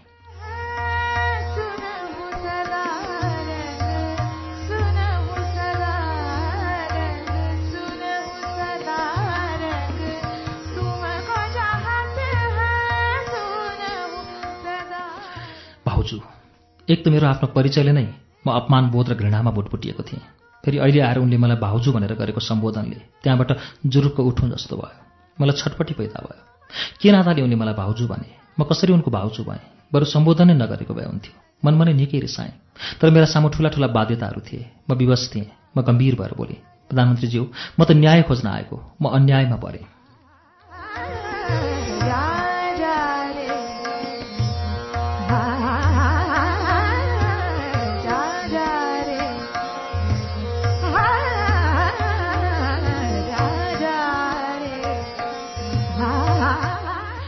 उनी ठट्टाको आवाज देखाउँदै खिस्सा हाँसेर बोले राजदरबारको मान्छेलाई म के सहयोग गर्न सक्छु र? राजा तपाईँको आफ्नै मान्छे कर्मचारी सबैसँग तपाईँको चिन्जान छ युवराज तपाईँको आफ्नै छोरा राजा नै तपाईँका श्रीमान भएपछि तपाईँलाई के को न्यायको आवश्यकता पर्यो? मेरोभन्दा तपाईँको नै बोली बोलियो होला। म गम्भीर भएर बोलेँ मलाई त्यो सबै कुराको जानकारी छ तर के राजदरबारको मान्छेलाई अन्याय पर्दैन र? मेरा आँखाहरू सिधै उनका अगाडि रोकिए। म बोल्दै गएँ राजदरबारमा नै मलाई अन्याय परेको छ भने म कहाँ जाउँ म त्यही बाटो खोजेर यहाँ आएँ। तपाईँलाई परेको अन्यायको कुरो महेन्द्र सरकारसम्म पुग्यो? उनको छोटो प्रश्न थियो। महेन्द्र सरकारबाट नै अन्याय गरिबक्सेको छ भने म कहाँ जाउँ? मैले उनलाई प्रति प्रश्न गरेँ।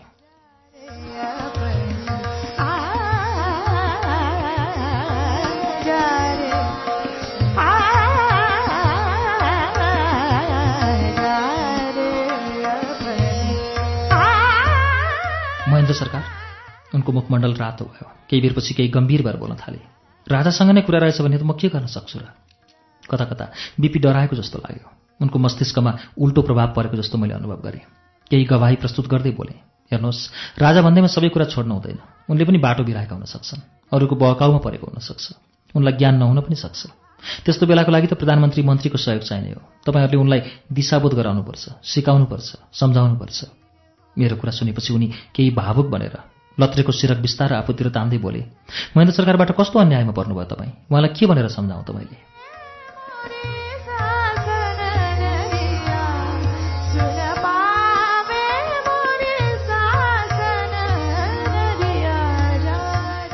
प्रधानमन्त्रीज्यू हामी आमा छोरा दरबारबाट बाहिर निस्कन बाध्य भयौँ। उनीहरूले हामीलाई निकाले।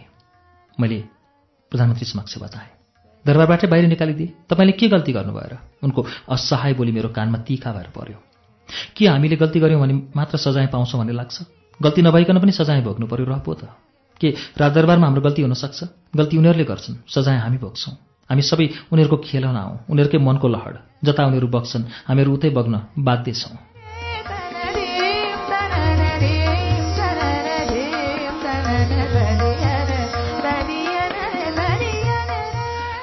मेरो कुरा सुनेपछि उनले फेरि सिरकलाई आफूतिर तानेर शरीरलाई तनक्क तन्काउँदै बोले दरबारमा बसेर राजाले त्यस्तो अन्याय पक्कै गर्न पाउँदैनन्। म भोलि नै यो कुरा उठाउँछु। तपाईँ धन्दा नमान्नुहोस्। म ऐन पढ्छु। ऐनमा के लेखेको छ? राजालाई ऐन विरुद्ध एक पाइला पनि अगाडि बढ्ने अधिकार छैन। ऐन? फेरि मेरो दिमागमा अर्को प्रश्न खडा भयो। ऐन कानुनको आधारमा मेरो समस्या उब्जेको थिएन। मेरो समस्या केवल विवेक र मानसिक डाहाले ल्याएको थियो। त्यो डाहा निभाउन केवल अर्थी र उपदेशले मात्र सक्थ्यो। राजालाई सही सल्लाहको खाँचो थियो। मैले शङ्कालु आँखा लगाउँदै बोलेँ प्रधानमन्त्रीज्यू ऐन कानुन पढेर मैले न्याय पाउने तपाईँ कुरै नगर्नुहोस्। मेरो समस्याको बारेमा ऐनमा केही खुलेको छैन। नियमले मलाई अन्यायमा पारेको छैन। फेरि मैले पनि ऐन कानुन मिच्ने कुनै काम गरेको छैन। तपाईँले केवल एउटी अनाथ नारीलाई दरबारबाट निकाल्दा समाजमा विकृति आउन सक्छ जनताहरू भड्किन सक्छन्। फेरि देशमा अर्को उपद्रव हुन सक्छ भनेर राजालाई सम्झाउनु होला यति भनेपछि उनलाई पुग्छ। प्रधानमन्त्री जस्तो व्यक्तिको मुखबाट यति कुरा चुहिएपछि उनले अवश्य खान्छन्।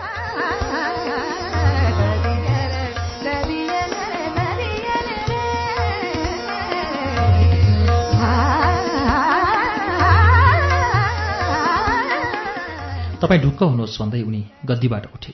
म पनि लामो सन्तोष लिएर उठेँ। बाहुनहरू चलाक हुन्छन् राजनीति गर्न जानेका हुन्छन् मान्छेहरू खेलाउँछन् भन्ने सुनेको थिएँ। त्यही धर्मले त विश्वेश्वर प्रसाद कोइराला प्रधानमन्त्री भएका थिए होलान्। बाहिरबाट उनको अनुहार हेर्दा र बोली सुन्दा निकै उज्जिला देखिन्थे। म ढुक्क भएर फर्किएँ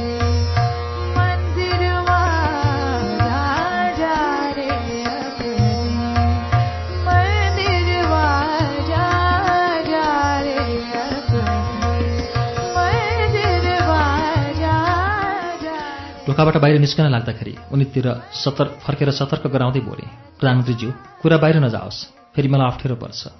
म यहाँ आएको कुरा महेन्द्र सरकारलाई समेत थाहा नहोस्। तिनको दिमागमा विवेक भर्ने मात्र हो। तपाईँ आफै कुरा मिलाएर बताउनुहोला। दोस्रो व्यक्तिको कानमा यो कुरो नपरोस्। तपाईँ त्यसको चिन्तै नगर्नुहोस्। कसैलाई थाहा हुँदैन। उनले भने म ढुक्क भएर बाहिर निस्केँ। तर कठैबरा त्यसको हप्ता दिनमा त विश्वेश्वर प्रसाद कोइराला जेलमा पो परेछन्। प्रधानमन्त्री जस्तो मान्छे। कठै कस्तो कठोर हृदय अघि राजा महेन्द्रको जेलै हाल्न नहुने।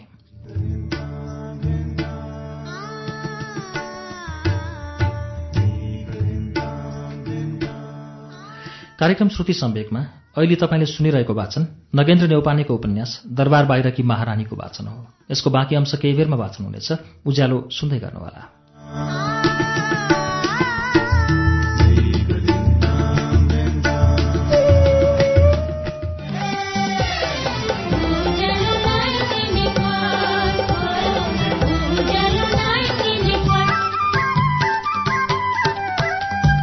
सीधा कुरा प्रश्न विचार उज्यालो 90 नेटवर्क।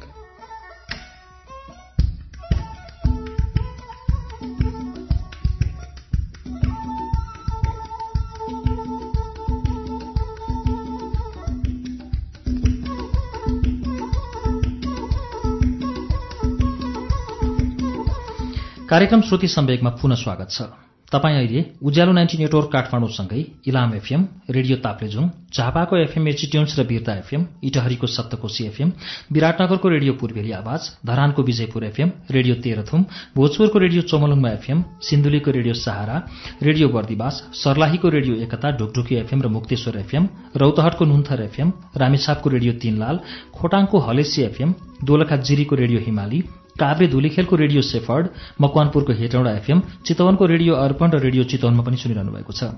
त्यसै गरी फलेवासको रेडियो पर्वत रुकुमको रेडियो सिस्ने पाल्पाको पश्चिमाञ्चल एफएम र रेडियो रामपुर पोखराको radio Tarang तनहुँको radio Bhanubhakta radio Dhorbarahi radio Bandipur र स्मार्ट एफएम गोर्खाको गोरखकाली एफएम बागलुङको रेडियो सार्ती एफएम र गलकोट एफएममा पनि श्रुति सम्वेक सुन्दै हुनुहुन्छ।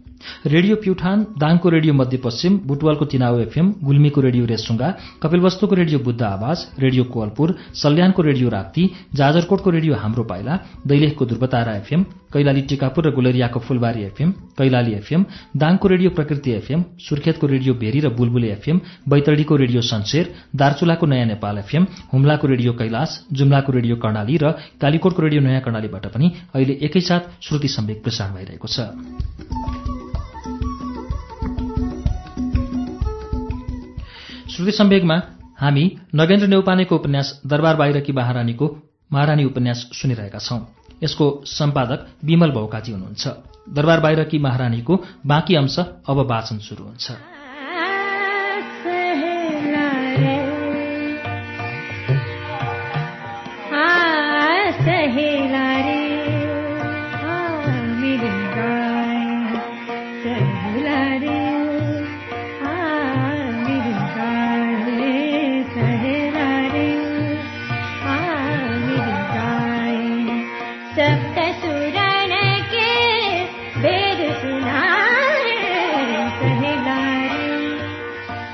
चैत्र महिनाका दिन। साँझतिर चिसो चिसो हावा बहन सुरु भइसकेको थियो। दिनभरि कौसीमा घाम तापे पनि बेलुकातिर घाम अस्ताउने बित्तिकै कोठाभित्र बस्ने गर्थ्यो। मलाई दरबारबाट निकालिदिए पनि हेला गरेर निकालेका थिएनन्। खाना लाउन नदिएर बिजोग पारेका थिएनन्। दरबारबाट पाउने खानकी र सुविधा पाएकी थिएँ। मलाई सन्तोष थियो। म तिनै घाम र हुरीसँग मनका इच्छा र आकाङ्क्षामा समायोजन हुँदै काल पर्खँदै थिएँ। मेरो अतीत र वर्तमानको अस्तित्वमा मौनताभन्दा अरू केही चिज बाँकी थिएन। आकाशमा हिँडिरहने बादल र बतास नै मेरा साथी थिए।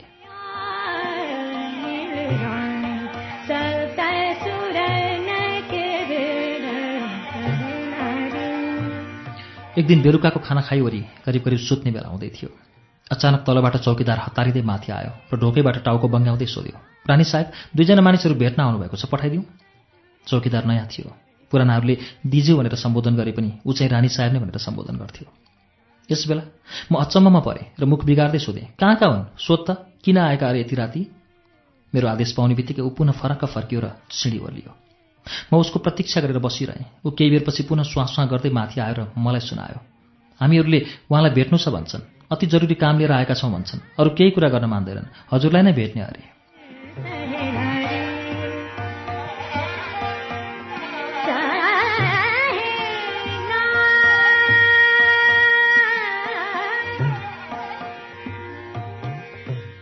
कस्ता छन्?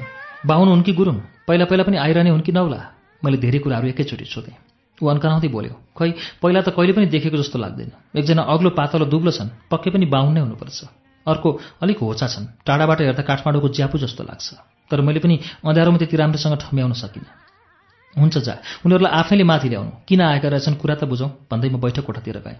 चौकीदार उनीहरूलाई बोलाउन तल गयो। केही बेरपछि उनीहरू मसिनो स्वरले ख्याक ख्याक खोक्दै भर्याङ उक्लिएर बैठक कोठामा पसे। चौकीदारले दिएको आकृति अनुसार नै एउटा अग्लो पातलो र दुब्लो अनि अर्को चाहिँ होचो। दुवैले दौरा सुरुवाल र बाहिर अस्कोट लगाएका थिए। मलाई देख्नासाथ एकैचोटि नमस्कार गरेर एउटा मेचमा बसे।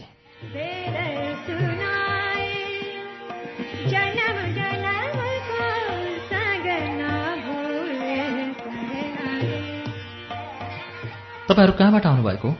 नाम के हो? मैले सोधेँ। अग्लोले आफ्नो परिचय तुरुन्तै दिए। मेरो नाम गिरिजा प्रसाद कोइराला हो। म विश्वेश्वर प्रसाद कोइरालाको भाइ हुँ। त्यसपछि अर्को व्यक्तिले आफ्नो परिचय दिए। मेरो नाम गणेशमान सिंह हो। म एकपल्ट मन्त्री भएको थिएँ। उनीहरूको परिचय पाउनासाथ मेरो अघिसम्मको उत्सुकता झन् बढेर आयो। एकातिर म छक्क पऱ्यो भने अर्कोतिर रिस पनि। उनीहरूलाई प्रत्यक्ष रूपमा कहिले नदेखे पनि नाम चाहिँ प्रशस्त सुनेकी थिएँ। राजदरबारमा हुँदा दिनौँ जस्तो उनीहरूको चर्चा हुन्थ्यो। महेन्द्र सरकार उनीहरूको खुब नाम लिइबक्सन्थ्यो तर उनीहरू कस्ता खालका मान्छे हुन्? के काम गर्छन्? कहाँ बस्छन्? आदि कुराको ज्ञान थिएन। तर यति थाहा थियो कि यिनीहरू महेन्द्र सरकारका पक्षका मान्छेहरू होइनन्। यिनीहरूले महेन्द्र सरकारलाई दुःख दिइरहन्थे विरोधी हुन्। कहिलेकाहीँ महेन्द्र सरकारले यिनीहरूको नाम लिएर मुड्कीले टेबल ठटाएको पनि देखेकी थिएँ। तर मैले त्यो कुराको कुनै आभास नदिए रिसलाई कायमै राखेर नहडबडाइ सोधेँ। यति राति राति किन आउनुभयो त? भोलि पनि दिन आउँछ आउँथ्यो होला। हतारेर आउनुभएछ। भोलि आउनुभयो भने पनि मसँग भेट हुन्थ्यो। म कतै जान्न? जाने ठाउँ छैन मेरो।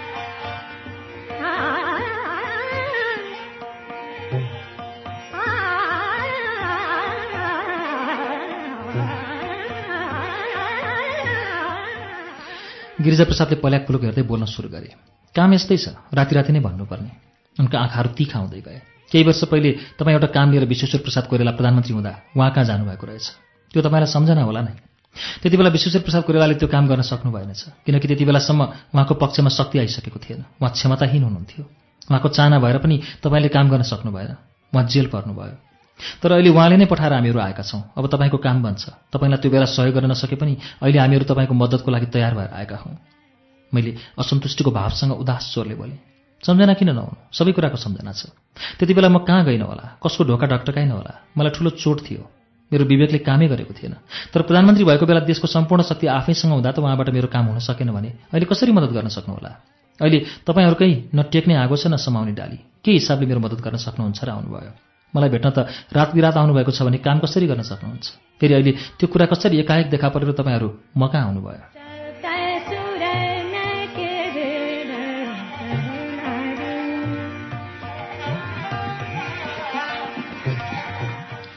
हेर्नुहोस् कुनै कामहरू यस्ता हुन्छन् जुन सत्तामा बस्दा गर्न नसके पनि बाहिर बसेपछि गर्न सकिन्छ। भन्दै गणेशमानले बोल्न सुरु गरे। कुनै कामले समयलाई पनि पर्खेर बस्दो रहेछ। तपाईँको काम पनि त्यस्तै थियो। समयलाई पर्खेर बसेको थियो। अहिले समय आएको छ र त्यो समयमा हामी छौँ। तपाईँले साथ मात्र दिए हुन्छ।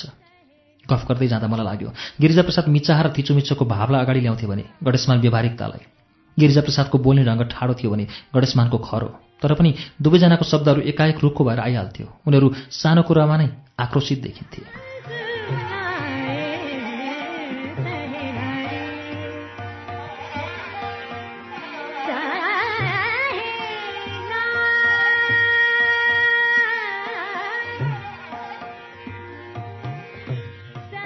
मैले केही तिरस्कार देखाउँदै बोलेँ हेर्नुहोस् जुन बेला मलाई कुनै चिजको आवश्यकता थियो त्यो चिज त्यही बेला नभएपछि अब त्यसको मूल्य पनि रहन सक्दैन। त्यसैले विगतको तितो निकालेर दिमाग खलबल्याउनुभन्दा त्यसको सम्झना नगराउनु उत्तम। तपाईँहरूको अन्य काम छन् भने भन्नुहोस् होइन भने त्यो पुरानो कुरा मलाई सहयोग चाहिँदैन। मेरो वाक्यलाई बिचैमा रोक्दै गिरिजाप्रसादले बोल्न सुरु गरे अधिकार कहिले पनि पुरानो हुँदैन। हजुरबाबुले लिन नसकेको अधिकार नाति पनातिले फर्काएको हुन्छन् भने अघिल्ला पुस्ताले सोच्दै नसोचेको प्रभुत्व पछिल्लो पुस्ताले हात पारेको हुन्छ। तपाईँलाई त के भएको छ र? दुई चार वर्षको फरक न हो अझ त्यसमा साथ दिने हामी छँदैछौँ। दुई चार वर्षमा आफ्नो अधिकार फिर्ता आउँछ भने तपाईँ किन पछि हट्नुहुन्छ? गिरिजाप्रसादले अधिकारको कुरा उठाउन साथ मेरो अनुहारको आकृतिमा एकाएक परिवर्तन भयो। मलाई रिस उठ्दै आयो। तपाईँहरू के अधिकार र हकको कुरा गर्दै हुनुहुन्छ? मेरो अगाडि यी शब्दहरू बोल्दै नबोल्नुहोस्। त्यति बेला मेरो दिमागले के तर्कना गर्यो भने वास्तवमा विश्वेश्वर प्रसादले पठाएर यिनीहरू मलाई भेट्न आएका रहेछन्। नत्र गिरिजाको मुखबाट अधिकारको कुरा उठ्दैन थियो। तर उति बेला पनि मैले विश्वेश्वर प्रसाद कोइरालासँग अधिकारको कुरा गरेकी थिइनँ। केवल अनुरोध गरेकी थिएँ। राजा महेन्द्रलाई सम्झाउनु भनेकी थिएँ। तर उनको दिमागले अधिकार नै सोचेको रहेछ। मलाई अहिले पछुतो लाग्न थाल्यो। त्यति बेला किन आफ्नो व्यक्तिगत कुरो लिएर विश्वेश्वरको निवासमा गएछु? त्यसैले त्यो कुरालाई खुलस्त पार्दै बोले हेर्नुहोस् म कहिले पनि विश्वेश्वर प्रसाद कहाँ अधिकारका लागि गएको थिइनँ। महेन्द्र सरकारका विवेकले काम नगरेका बेला विश्वेश्वर प्रसादले केही थपिदिन्छन् कि भनेर यसो शिष्टता देखाउन मात्र गएकी थिएँ। तर उहाँले यसलाई अधिकारको रूपमा लिनुभएछ। म अधिकारको माग लिएर गएकी थिइनँ। त्यसैले यसलाई यहीँ छोडिदिउँ।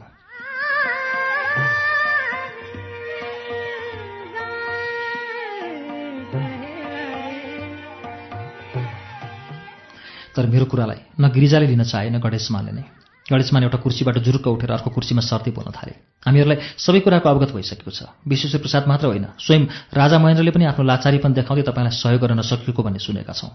तपाईँलाई अन्याय परेको छ अधिकार खोजिएको छ दरबारबाट निकालिदिए। रविन्द्रको राजा हुने हक खोजियो तर अब देशमा प्रजातन्त्र आएको छ। राजाले आफ्नो मन लागि गर्न पाउँदैनन्। तपाईँको अधिकार फिर्ता गर्ने मौका यही हो। हामीहरू तपाईँको अधिकारका लागि लड्न तयार छौँ। तपाईँले आफ्नो अधिकार पाउनुहुन्छ।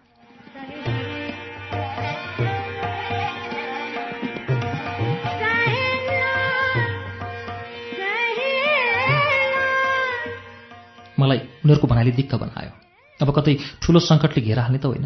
म डराउन पनि थालेँ तर दिमागलाई दह्रो बनाउँदै बोलेँ स्वयं आफ्नो श्रीमान त लाचार भइबक्सेको रहेछ। उहाँ पनि असफल भइबक्से भने तपाईँहरू कसरी आँट गर्दै आउनुभयो? म कसरी विश्वास गरौँ? अब मलाई कुनै अधिकारको आशा छैन कसैको पनि सहयोग चाहिन्न गिरिजाले खोक्दै बोल्न सुरु गरे तपाईँको श्रीमान स्वयंले टार्न नसक्ने सहयोग हामीहरू गरेर छाड्छौँ। त्यसैले त हामी यहाँ आएका छौँ। कुनै यस्ता काम हुन्छन् जुन श्रीमानले श्रीमतीको लागि गर्न सक्दैन तर बाहिरका मान्छेले पुरा गरिदिन्छन्। त्यति बेला बिपी कोरेला सान्दाजु जेल पर्नुभयो उहाँले चाहँदा चाहँदै गर्न सक्नु भएन अहिले हाम्रो चाहना छ मौका पनि यो समय फुत्किन दिनु हुँदैन बेला यही हो। तपाईँको रानी बन्ने अधिकार अवश्य फिर्ता हुन्छ। आफ्नो अधिकार अरूले लिनु भनेको नेपालमा न्याय मर्नु हो।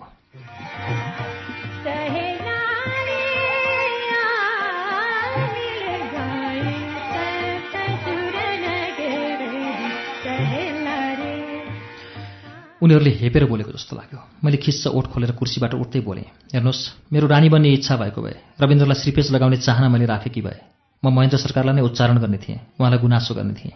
उहाँ मेरा श्रीमान। श्रीमानको अगाडि श्रीमतीले आफ्ना गुनासाहरू इच्छाहरू राख्दा बदमास हुँदैन अपराध हुँदैन सानो बनिँदैन तर ती मेरा इच्छाहरू होइनन्। मेरो इच्छा त दरबारमा नै बस्न पाए हुन्थ्यो भन्ने थियो दरबार छोड्न मन थिएन। मलाई राजाको वरिपरि नै रहने इच्छा थियो। रविन्द्रलाई दरबारमा नै राखेर पढाउने थियो जसरी त्रिभुवनकी भित्रिनी रानी सरला सरकार दरबारमा नै बसिबक्सेको थियो। त्यसै गरी म पनि बस्ने थिएँ। म यही कुरा लिएर तपाईँको दाजु कहाँ गएकी थिएँ तर रानी बन्न होइन। तर त्यो पनि पुरा हुन सकेन। बाहिर आउन बाध्य भएँ। अब के का लागि अधिकार? के का लागि सङ्घर्ष? अब के का अडान? मेरा कुनै इच्छा छैनन्। मेरा कुनै पनि मनोकामना छैनन्। तपाईँहरू मलाई नचाहिँदो लालचमा फसाउन नआउनुहोस्। मेरो शान्त भएर बसेको दिमागलाई नखल ल्याउनुहोस्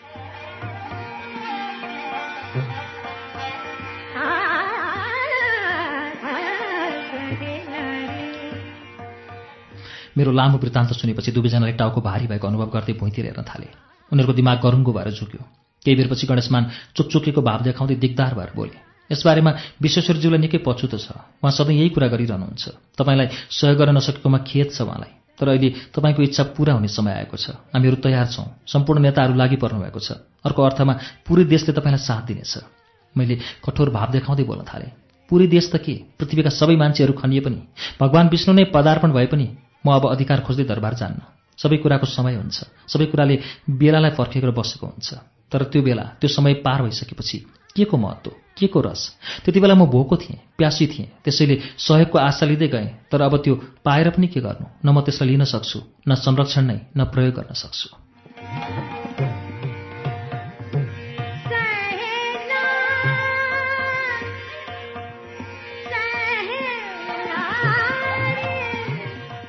तपाईँको कुरा हामीहरूले राम्रोसँग बुझेका छौँ भन्दै गिरिजाले आफ्नो चस्मा बाहिर निकालेपछि देब्रे हातले दुवै आँखा मिसेर फेरि लगाए अनि मतिर हेरेर बोल्न सुरु गरे। रानी बन्ने इच्छा तपाईँको पो भएन। तपाईँलाई चाहना छैन। उमेर र स्तरले त्यसलाई अँगाल्न नसकेको हुनसक्छ। तर रविन्द्र जेठो छोरा हुँदाहुँदै राजा बन्नु त कता हो कता? दरबारबाटै निकालिनु पर्दा उसले के सोचेको होला? जेठा छोरा राजा हुन नपाउनु कतिसम्म अत्याचार हो? कि राजा महेन्द्रले रविन्द्रलाई आफ्नो छोरा होइन भन्न सक्नु पर्यो होइन भने राज संस्थामा चलिआएको परम्परा बिगार्न पाइँदैन। जनताले पक्कै छोड्दैनन्। बलिहारी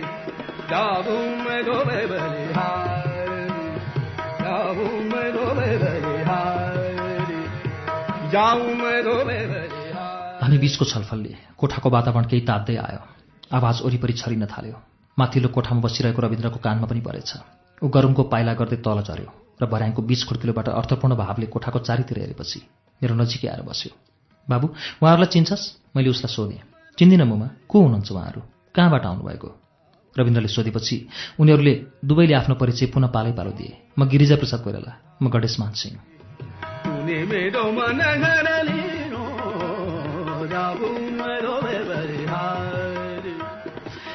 उनीहरूको नाम सुन्नासाथ घरभित्र बाघ नै पसेको जस्तो। रविन्द्र चिच्याउँदै जुरुक्क उठ्यो र मतिर हेरेर हडबडाउँदै बोल्न थाल्यो। उहाँहरू किन आउनुभयो त हाम्रो घरमा? हजुर उहाँहरूलाई चिनी बक्सिन्छ? उहाँहरू त हाम्रो बुबाको सबैभन्दा पहिलो दुश्मन शत्रुहरू। हाम्रो बुबा चढेको मोटरमा गोली हान्ने उहाँहरू नै हो। विराटनगरमा कालो झन्डा देखाउने उहाँहरू नै हो। नेपाललाई भारतमा गाभ्न खोज्ने उहाँहरू नै हो। नदीनालाहरू बेच्ने उहाँहरू नै हो। उहाँहरू त काङ्ग्रेसका मान्छे। उहाँहरूसँग गफ पनि गर्न हुँदैन। भित्ताको पनि कान हुन्छ। अहिले कसैले सुन्यो भने मैले भन्दा उसले नेपालको राजनीतिमा कान लगाउनु स्वाभाविक थियो। त्यति बेलाको दरबारको रहनसहन र बाबुसँगको उठबसले उसलाई धेरै ज्ञान थिएको थियो। बाबु र हजुरबाबु बसेको ठाउँमा बेला बेला उसले राय मिसाएको मलाई सम्झना थियो। सन् दुई हजार सत्र सालको काण्डपछि त महेन्द्र सरकारले उसका कुरालाई निकै ध्यान दिइबक्सेको मैले अनुभव गरेको थिएँ। तर त्यति बेलाको परिस्थितिमा र अहिलेका कोठामा भएको परिस्थितिमा कुनै सामञ्जस्य थिएन। धेरै कुराहरू परिवर्तन भइसकेका थिए। अझ उनीहरू मेरै सहयोगका लागि आएका थिए। तर ऊ अधीर हुँदै वातावरणलाई तनावपूर्ण बनाउँदै गएको मलाई चित्त बुझेन र त कुरा त सुन भन्दै हातले तान्दै आफूसँग बसाएर सम्झाउन थाले। बाबु हामीहरू त्यही कुरामा छलफल गर्दैछौँ।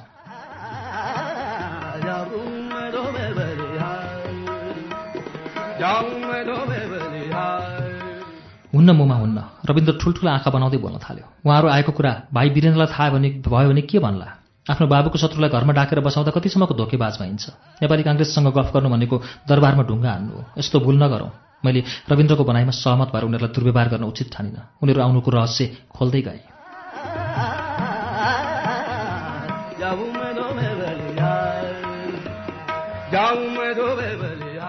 तर गिरिजा आफ्नो सुकेको ओठ टोक्दै गणेशमानतिर हेरिरहेको मैले देखेँ भने गणेशमानको अनुहार झन् फिक्टा भयो। उनी ओठ कपाउँदै झ्यालतिर हेर्दै थिए। उनीहरू दुवैजना भयभीत भए। उनीहरूले हाम्रो छलफलबाट बुझे कि महेन्द्र सरकारप्रति हामीहरू वफादार छौँ इमान्दार छौँ उहाँप्रति हाम्रो आदर छ भक्ति छ। बाहिरी दुनियाँलाई हेर्दा त बाबु छोराबीच कटाक्ष हुनुपर्ने वैरभाव रहनुपर्ने तर रविन्द्रमा त्यो देखिएन। त्यसैले हाम्रो तर्फबाट उनीहरूलाई सहयोग हुने लक्षण नदेखिएपछि उनीहरूले आशा मारे चुप लागेर सुनिरहे। रविन्द्रले त्यसको भित्री रहस्य नबुझेर पनि हुनसक्छ। वा बाबुप्रतिको निष्ठाले हो। ऊ रातो रातो हुँदै रिसाउँदै गयो। तर अहिले गिरिजा र गणेशमानको कुरा सुनेपछि मेरो पिँध लागेर बसेको रत्नप्रतिको क्रोध भने एकाएक सलबलाउँदै बाहिर निस्कियो र नवीन ज्वाला दिँदै चारैतिर फैलिन थाल्यो। मैले नयाँ आशा देखेर निकै धैर्य गर्दै रविन्द्रतिर फेरि अर्थ्याउन थालेँ। बाबु सधैँ एउटै कुरालाई मात्र मनमा राखेर यो संसार कसरी चल्छ? मैले थाहा पाएँ उहाँहरूबाट गल्ती भएछ तर गल्ती सुधार गर्ने मौका दिनुपर्छ। त्यही प्रायश्चितको लागि उहाँहरू आउनुभएको हो। बाबुको शत्रुलाई छोराले मित्र बनाउन सक्नु पो पुरुषार्थ। पुरानै कुरामा हट के काम? सानातिना मनमुटावलाई अड्कोमा लिनु हुँदैन। उहाँहरू बुबाको पो शत्रु हुनुभयो। छोरोको मित्र पनि हुन सक्नुहुन्छ।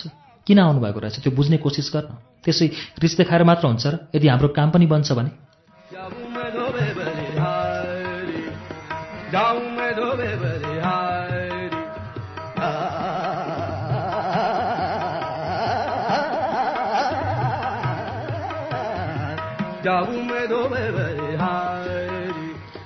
मेरो भनाइमा गणेशमानले केही आड भेट्टाएछन् र पहिलेको गफको सिलसिला जोड्दै चनाखो भएर बोल्न थाले।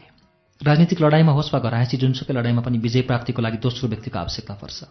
त्यति बेला तपाईँलाई साथ दिने कोही भएनछन्। तपाईँहरू दरबारबाट बाहिर निक्लिनु परेछ। तर अहिले हाम्रो साथ तपाईँहरूमा छ। पुरै नेपाली काङ्ग्रेस पार्टी छ। त्यतिर पुगेन भने पुरै नेपाली जनतालाई समेत सामेल गराउँछौँ। अब यो विद्रोह हाम्रो हो राष्ट्रको हो। हामीहरूलाई छोडिदिनुहोस्। त्यसो भए हामीहरूलाई फेरि दरबार फिर्ता हुन पाउँछौँ होला। रविन्द्र अनखनाउँदै बोल्यो दरबारभित्र बस्न पाइन्छ भने त दरबार पस्ने कुरो मात्र होइन। गिरिजा चनाको आवाज लिँदै बोल्न थाले। दरबार फर्कने कुरा त धेरै तलको। यहाँ श्रीपिसकै कुरो चलिरहेको छ। कहाँ तपाईँ दरबार पस्ने कुरामा अल्म लिनुहुन्छ? राजाको जेठो छोरो नै राजा हुने यो परम्परा मात्र नभई नेपालको संविधानमा नै प्रष्टसँग खुलेको छ। नेपालको संविधान र परम्परालाई तोड्ने साहस राजा महेन्द्रमा कसरी आयो? हामीहरू त्यही प्रश्न लिएर अहिले यहाँ आएका छौँ। हामी तपाईँको राजा हुने अधिकारलाई हिम्मतका साथ फिर्ता गराइ छोड्छौँ तपाईँ जाग्नु पर्यो। हामीहरूलाई पनि जगाउनु पर्यो।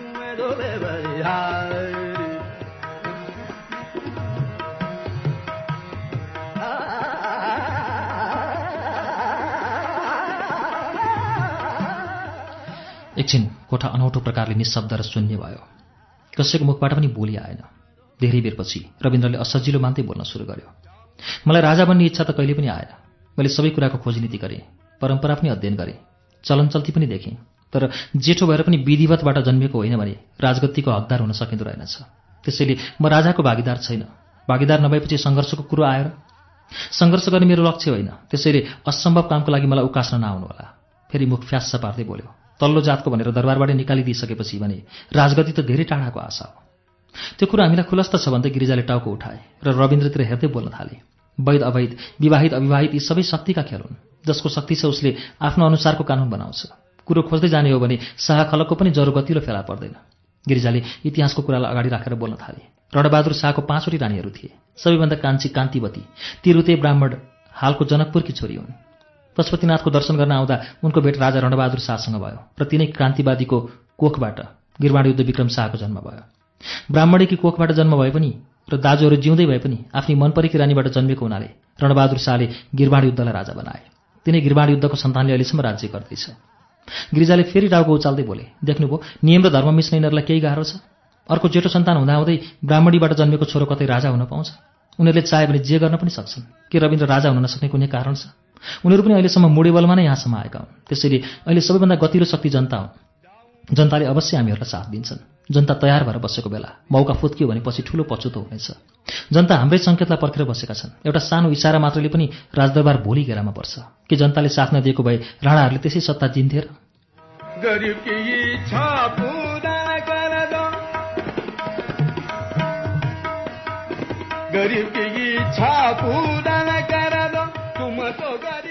रविन्द्र फेरि सशङ्कित हुँदै बोल्यो मलाई पहिलादेखि नै राजा हुने इच्छा त कहिल्यै उब्जिएन सायद आँटै नभएर होला।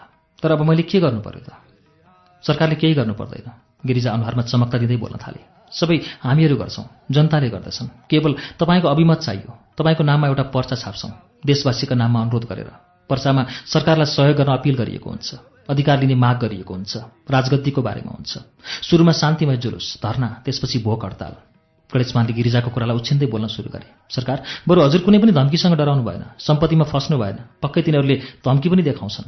ठुलो पद र सम्मान दिन्छौँ भनेर फकाउँदै आउँछन् पनि। तर सरकारले त्यस्तो कुनै धम्की र लालची आँखा दिनु भएन आफ्नो अडान छोड्नु भएन अरू सबै फत्ते गर्ने काम हाम्रो भयो।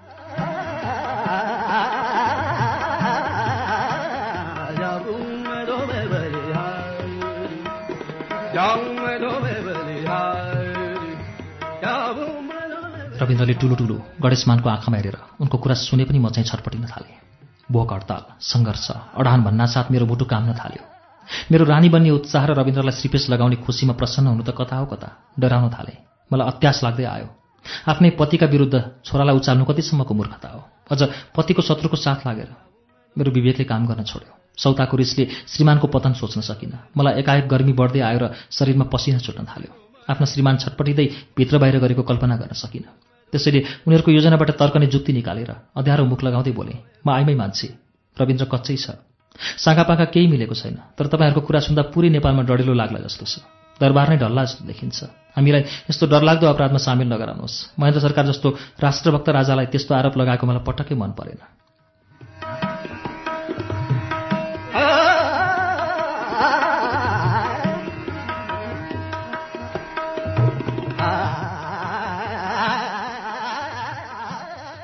सरकार हजुरले आइमाई भनेर आफ्नो औकातलाई आफैले तल झार्ने काम नगर्नुहोस्। आइमाईले कत्रो कत्रो लडाइँ लडेका छन्। झाँसीकी रानीको कुरा त सुन्नुभएको होला। उनले अङ्ग्रेजको सैनिकलाई पछाडिन् अझ बुबाको समयमा पुरै शक्ति आफैले लिइन्। अझ टाढा किन जानु पर्यो इन्दिरा गान्धीको ताकतले त्यत्रो हिन्दुस्तान हल्लियो। त्यत्र नेताहरूलाई एउटै मुठीमा पारेर राज्य गरिन्। अझ तपाईँलाई साथ दिन हामी छँदैछौँ। त्यत्रो जनशक्ति तपाईँको पछाडि लाग्छ भने तपाईँ आइमाई भन्दै आफ्नो क्षमतालाई घटाएर पन्छेन मिल्दैन। उनीहरूको कुरा मैले सुनिरहेँ। त्यो रात हामीहरू बीच लामो छलफल भयो। दुवैतिरबाट तर्क वितर्क गरिए तर कुनै पनि ठोस निर्णयमा पुग्न सकिएन।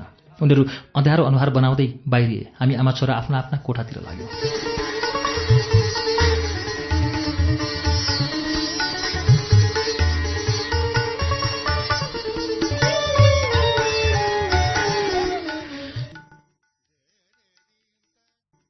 नगेन्द्र नेौपानेको उपन्यास दरबार बाहिरकी महारानीको एघारौं श्रृङ्खला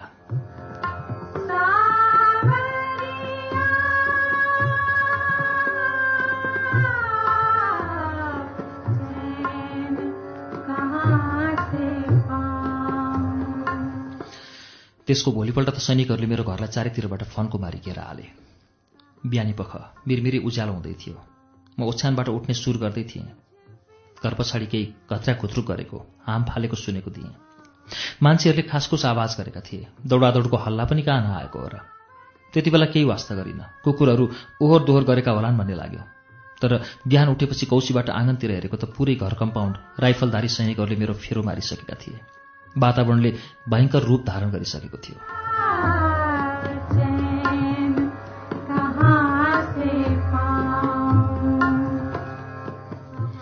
म हुत्तिँदै माथि तलाबाट आँगनमा आएँ र सडकतिर आँखा लगाउँदै थिएँ।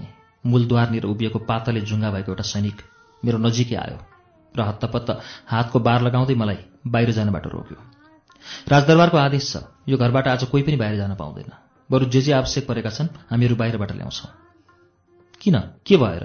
हामीले के अपराध गरेका छौँ? मैले निस्सासिँदै सोधेँ। हामी सैनिकलाई आदेशभन्दा अरू के थाहा हुन्छ? थाहा भए पनि हामीले खुलाउन मिल्दैन। तर आजकल अराजकता बढ्दैछ अरे। उद्दण्ड मान्छे खुलेर आइसके अरे भन्ने सुनेका छौँ।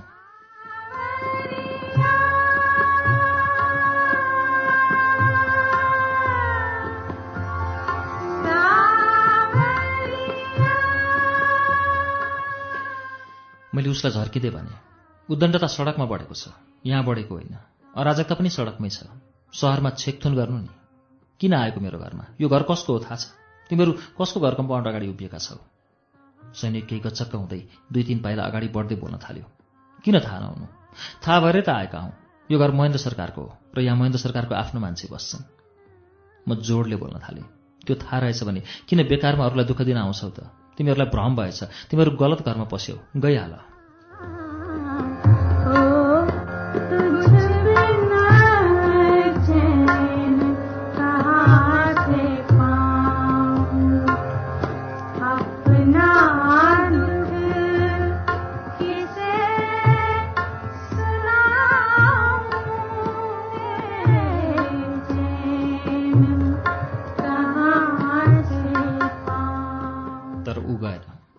आफ्नो हातको बन्दुकलाई सुमसुमाउँदै बोल्न थाल्यो। हामीहरू भ्रममा छैनौँ। हामीहरू यही घरमा आएका हौँ। हिजो यो टोलको सबै घरमा खानतलासी पनि भएको थियो। देशद्रोही यतै कतै लुकेका छन् भन्ने रिपोर्ट गएको छ। देशद्रोहीलाई नपक्रेसम्म यो गल्लीमा सैनिक यत्तिकै हुन्छन्। पहरा दिनुपर्ने आदेश छ। अघिसम्म निसासिएको मेरो आत्मा। सैनिकको बयान सुनेपछि केही हलुङ्गो भयो। मैले राहतको अनुभव गरेँ। मलाई थाहा भयो कि हिजो गिरिजा र गणेशमान मेरो घरमा आएको जानकारी दरबारमा गइसकेछ। र त्यसको पिछा लाग्दै सैनिकहरू आएका रहेछन्। धन्य भगवान्। मलाई बचायो। मैले लामो श्वास लिएर भगवान्को सम्झना गरेँ। कमसेकम उनीहरूलाई हिजो बास दिइनँ। उनीहरू यहाँ सुतेका भए मेरो हालत के हुन्थ्यो होला? म सोझै जेलमा जान्थेँ।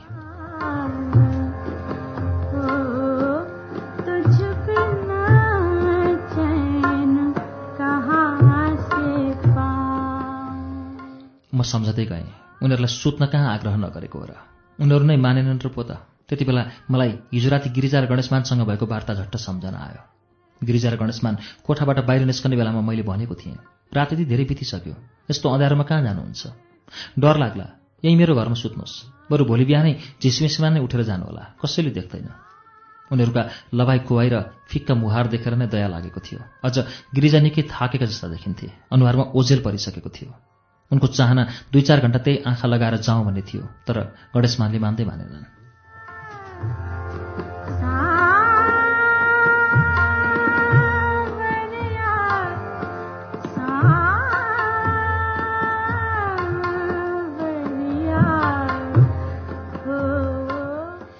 उनी केही गरुङ्गो भएर बोलेका थिए। के को डर लाग्नु? लाग्दैन। हाम्रो कामै यस्तै हो। राति राति हिँड्नु अनि दिनभरि लुक्नु। र उनीहरू हिँडेका थिए।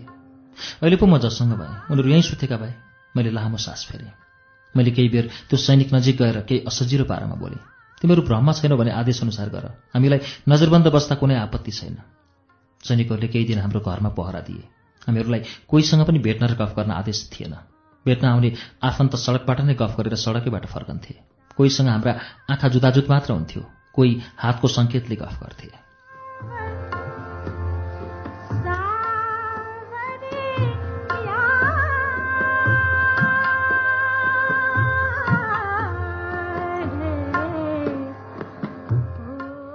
एक दिन अचानक बिहान उठ्दा सैनिकहरू त्यहाँ थिएनन्। उनीहरूलाई फिर्ता हुने आदेश आएको रहेछ। उनीहरू गए। मैले लामो सास फेरेँ। कस्तो अत्यास लाग्दो दिन अघि बिस्तारै दिनहरू बित्दै गए। हाम्रो अनुगमन र चियो चर्चो त अवश्य हुन्थ्यो होला दरबारमा। अनुगमन हुँदै गयो। तर टोल छिमेकीमा त्राही त्राही नै थियो। कसको घरमा कतिखेर खानतलासी हुन्छ कसलाई केरकार हुन्छ थाहै हुन्थेन। पुलिस र सैनिकहरू पालै पालो आउँथे। उनीहरू अनेक प्रकारको लापरवाही गरेर हिँड्थे। वास्तवमा मलाई सपना जस्तो लागिरहेको थियो। दरबारबाट निकालिदिएपछि पनि मैले किन ढुक्काको सास फेर्न पाइनँ? मेरो एक्लो जीवनसँग किन जिस्किरहन्छ उनीहरू?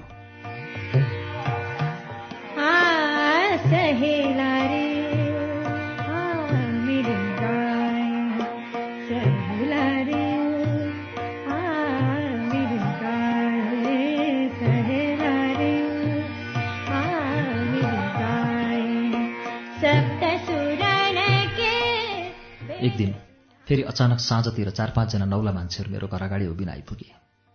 नाक लामा भएका गाउँबाट भर्खर सहर पसेका जस्ता। लबाई त्यति मिलेको थिएन। मेरो दिमाग फनफनी घुम्न थाल्यो। सुरुमा मेरो मनमा उनीहरूलाई कठोर वचनले ढोकाबाटै पठाइदिने विचारको प्रादुर्भाव भए पनि भविष्यसँग टक्कर लिन सकिनँ। मलाई डर लाग्यो। बिस्तारै तल ओर्लिएँ। उनीहरूको नजिकै गएर सोधेँ कसलाई खोज्नुभयो? के काम छ? यहाँ पुष्पलाल प्रधान भन्ने व्यक्ति बस्नुभएको छ अरे। उहाँसँग केही काम थियो र भेट्न आएको। तिनीहरूमध्ये अलिक पाको व्यक्तिले आफ्नो अनुहारमा खेतपूर्ण आकृति दिँदै अगाडि आएर सुनायो। उसको बोलीमा जति सद्भाव थियो त्यति नै आदरणीय पनि। तर मैले फेरि लामो सास फेरेर आँखा चिम्म गरेर गुहार मागेँ हे ईश्वर म जन्मिँदै किन मर्न सकिनँ? मेरो यो सुन्दर जीवनमा किन राक्षस रूपी संस्कार पछि लाग्यो? मैले के बिराएँ?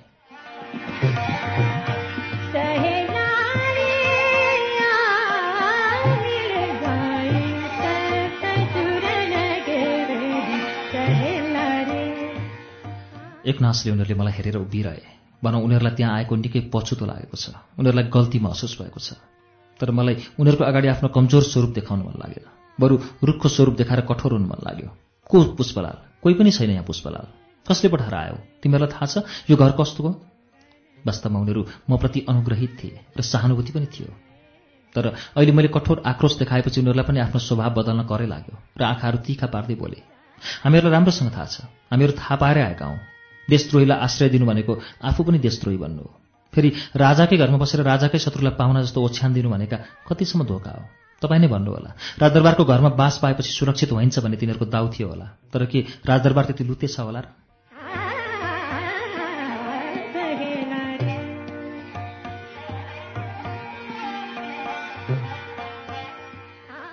त्यो छद्मवेशी सैनिकको बिनामेश्वरको लामो बयान सुनेपछि केही दिन अगाडि मेरो घरमा आएका गिरिजा र गणेशमानतिर नै शङ्का गयो। मेरो घरमा कोही न कोही नेता बस्यो भन्ने लक त काटेका रहेछन् तर उनीहरूलाई चिन्न गाह्रो भएको रहेछ। उनीहरू अन्दाजको भरमा त्यहाँ आएका रहेछन्। त्यति बेला काङ्ग्रेसको बिगबिगी काठमाडौँमा त्यति थिएन। जति थियो काठमाडौँ बाहिर नै थियो बरु काठमाडौँमा कम्युनिस्ट निकै तातेका थिए। उनीहरूले शङ्काले हानेको लङ्का पुष्पलालतिर गएको हुनुपर्छ। र तिनलाई मैले पुष्पलाललाई लुकाएको छु भन्ने भ्रम थियो।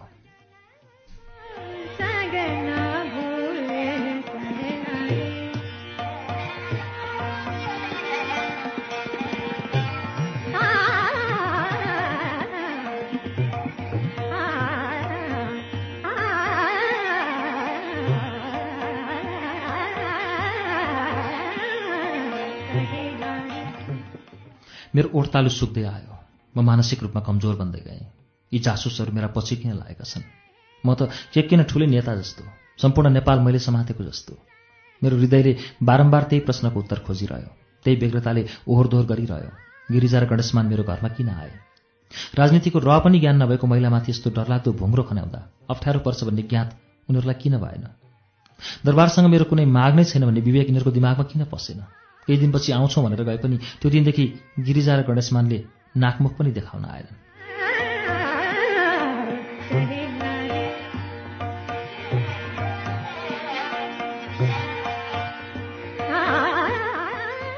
आउनु पनि कसरी? मेरो घर चारैतिरबाट सैनिक घेराउमा थियो।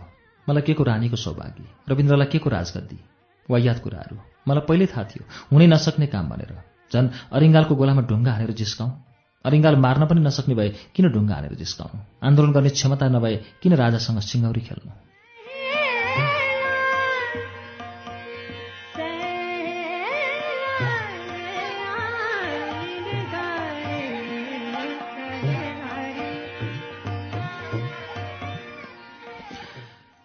म धेरै नै नबोलेको देखेपछि त्यो पाको व्यक्ति केही ठुलो स्वर गर्दै अगाडि आयो।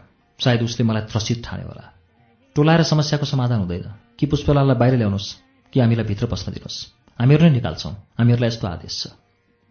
कतिसम्म मेरो अपमान? कतिसम्म म निर्घिणी? उनीहरूको कत्रो आँट? उनीहरूले यहाँसम्म मलाई कमजोर बनाए कि उनीहरूले जे जे माग गर्छन् त्यो तयार गर्ने? प्रधानमन्त्रीलाई जेल हाल्ने महेन्द्र सरकार जस्तो व्यक्तित्वसँग टक्कर लिने महिला म? रत्न जस्ती जडलाई आछु आछु पार्ने सौता म? यिनीहरूले कमजोर ठान नहुने। उनीहरूको अन्दाज कमजोर भयो। म बिचरी थिइनँ।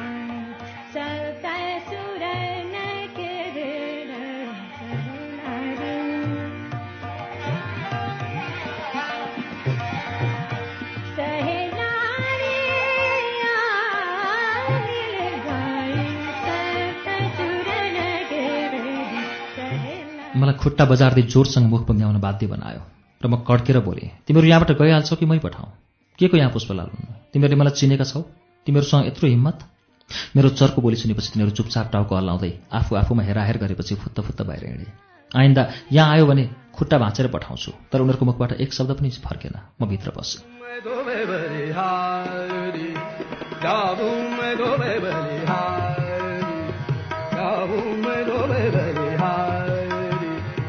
जाऊं मैं दो बलिहारी जाऊं मैं दो बलिहारी लामो नजरबन्ध र छद्म भेसी जासुसीको अप्ठ्यारोपछि। छुटकारा पाए पनि धेरै दिनसम्म हामी आमा छोरा बाहिर जान सकेनौँ। के को मुख देखाउनु बाहिर निस्कनु? कुन आँखाले यो संसार हेर्नु? चारैतिर बदनामी बदनामी नै थियो।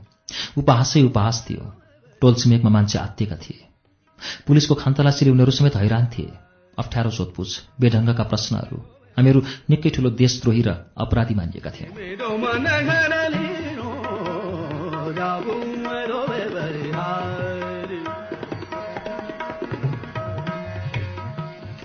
केही दिनपछि रविन्द्र बिहानै सुकिलो र सफाचट भएर बाहिर जान तयार भयो। म छक्क परेँ। उसले लगाएको गहकिलो पोसाक र आँखाको कालो चस्माले उसको टाढैको यात्रा होला भन्ने अनुमान लगाएकी थिएँ मैले। तर परिस्थिति अझै हाम्रो समयानुकूल थिएन। समय अझै हाम्रो हातमा थिएन। भित्रभित्र म त्रसित थिएँ। त्यसैले मैले संदिग्ध हुँदै सोधेँ बाबु एका बिहानै केही नखाई बाहिर जान ठिक्क परेको छस्। टाढै हो? बुबाले दरबारमा बोलाइबक्सेको छ दरबार जान लागेको। उसले भन्यो दरबार? मेरो आँखा धमिला भए मलाई झनक्क रिस उठ्यो। किन जानु पर्यो अरे दरबारमा? तेरो बुबालाई अझै हामीहरूलाई दुःख दिन पुगेको छैन अरे। अब के बाँकी रह्यो अरे? पर्दैन जान। यतिका महिना नजरबन्दमा बसेर पनि तँलाई पुगेन र फेरि त्यहीँ जानुपर्ने? निस्सन्देह। मैले बोलेका सम्पूर्ण शब्दहरू उसका लागि नराम्रो ठरिएको पनि हुनसक्छ। तर बाबु छोराबीच कस्तो समझदारी भएको थियो मलाई थाहा थिएन।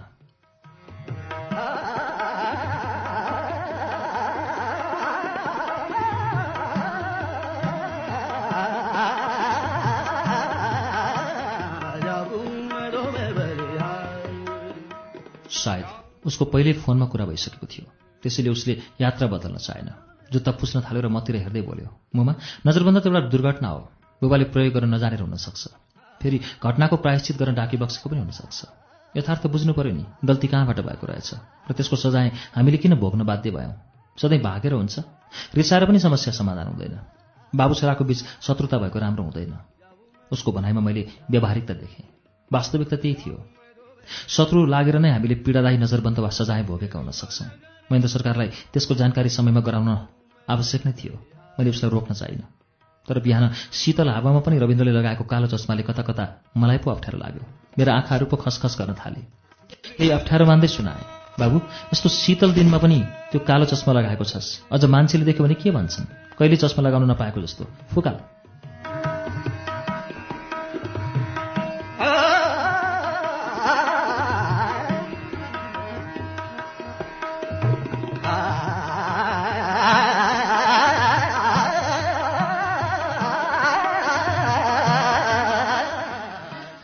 उग्गै भावुक बन्दै मेरो नजिकै आयो र बोल्न थाल्यो।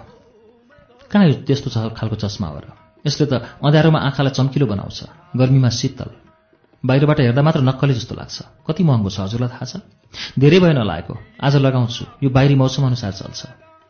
अनि बुबाको अगाडि पनि चस्मा लगाउँछस् त मैले कडा स्वर निकालेर सोधेँ। के हुन्छ र? लगाउनुहुन्न? यसै त नाना थरीको शङ्काले उनको टाउको खाएको बेला उनैको अगाडि कालो चस्मा लगाएर ढल्किएर उभिस भने तँलाई बाँकी राख्ला? मेरो अगाडि कालो चस्मा ढल्काएर आउने होइन भनेर भन्छन्। उहाँ अस्ति नै कुन्नी कसले नाम बिर्से एउटा समारोहमा कालो चस्मा लगाउँदा कत्रो हप्की खानु परेको थियो दरबार नै हल्लिएको थियो। त्यस्तो मर्यादाको ख्याल गर्ने व्यक्तिलाई भेट गर्न जाँदा धेरै कुराको विचार पुर्याउनुपर्छ। फेरि तँ त दरबारबाट निकालिएको नोकर्नीको छोरा तेरो आँखामा यो कालो चस्मा उनले देख्यो भने के गर्लान्? हुने काम पनि बिग्रन्छ फुकाल। उसले गरुङको हात लगाउँदै कानबाट चस्मा फुकालेर गोजीमा राख्यो। इच्छा पूरा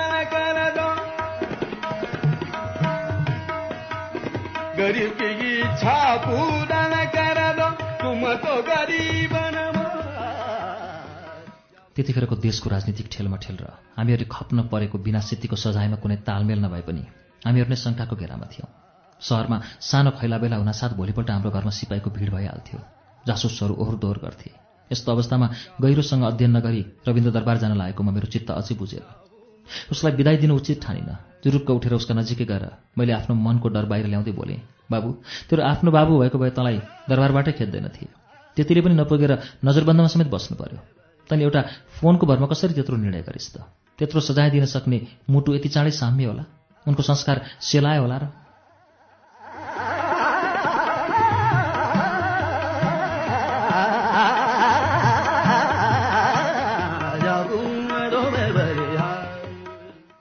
इबी साँधेर बस्न सक्ने अवस्था पनि छैन नि मुमा हाम्रो। ऊ सशक्त हुँदै बोल्न थाल्यो। क्षमता नभएपछि मिल्नु नै उत्तम हुन्छ। फेरि अहिले उहाँले नै बोलाइ बक्सेको बेला गइन भने झन् शङ्का आकाशिन सक्छ। पछि भेट्न आउँछु भनेर अनुरोध गर्दा पर्दैन भनिबक्स्यो भने झन् अप्ठ्यारो।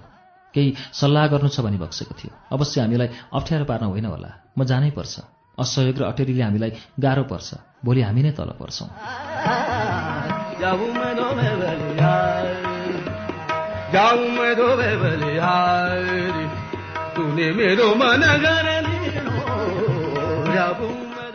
केही दिन अगाडि सहरमा ठुलै हल्लाले बजार लिएको थियो। राजा महेन्द्रले राज्य सम्बन्धी निकै चहल पहल गर्दैछन् भन्ने गाई गुई सुनिएको थियो। विपन्न वर्ग र भूमिहीन वर्गलाई योग्यताअनुसार काम दिन्छन् भनेर सबै खुसी थिए। ठुल्ठुला पदमा पनि मान्छेहरू भर्ना र तालिम दिने कुरा चल्दै थियो। ठुला कल कारखाना खोल्दैछन् भन्ने खबर थियो। मैले सोचेँ सायद यी पदहरूमध्ये एउटामा रविन्द्रलाई राख्ने होला। केही जिम्मेवारी दिने होला जस्तो पनि लाग्यो। फेरि त्यही बेला महेन्द्र सरकारले विगतमा बोलेको एउटा प्रसङ्गको सम्झना आयो। गीता। देश चलाउनु त्यति सजिलो छैन। गाउँ स्तरदेखि माथिल्लो तहसम्म एउटा न एउटा पदमा आफ्नो मान्छे घुसाएको हुनुपर्छ। सैनिक प्रहरी ब्यारेकमा समेत दृष्टि राख्नुपर्छ। चारैतिर आँखा परेन भने विद्रोहीले ठाउँ पाइहाल्छ। क्रान्ति मचिहाल्छ राजा हुन कहाँ सजिलो छ र?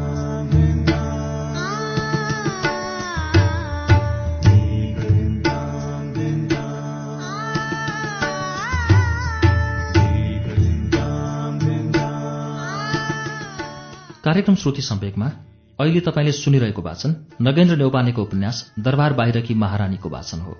यसको बाँकी अंश केही बेरमा वाचन हुनेछ। उज्यालो सुन्दै गर्नुहोला।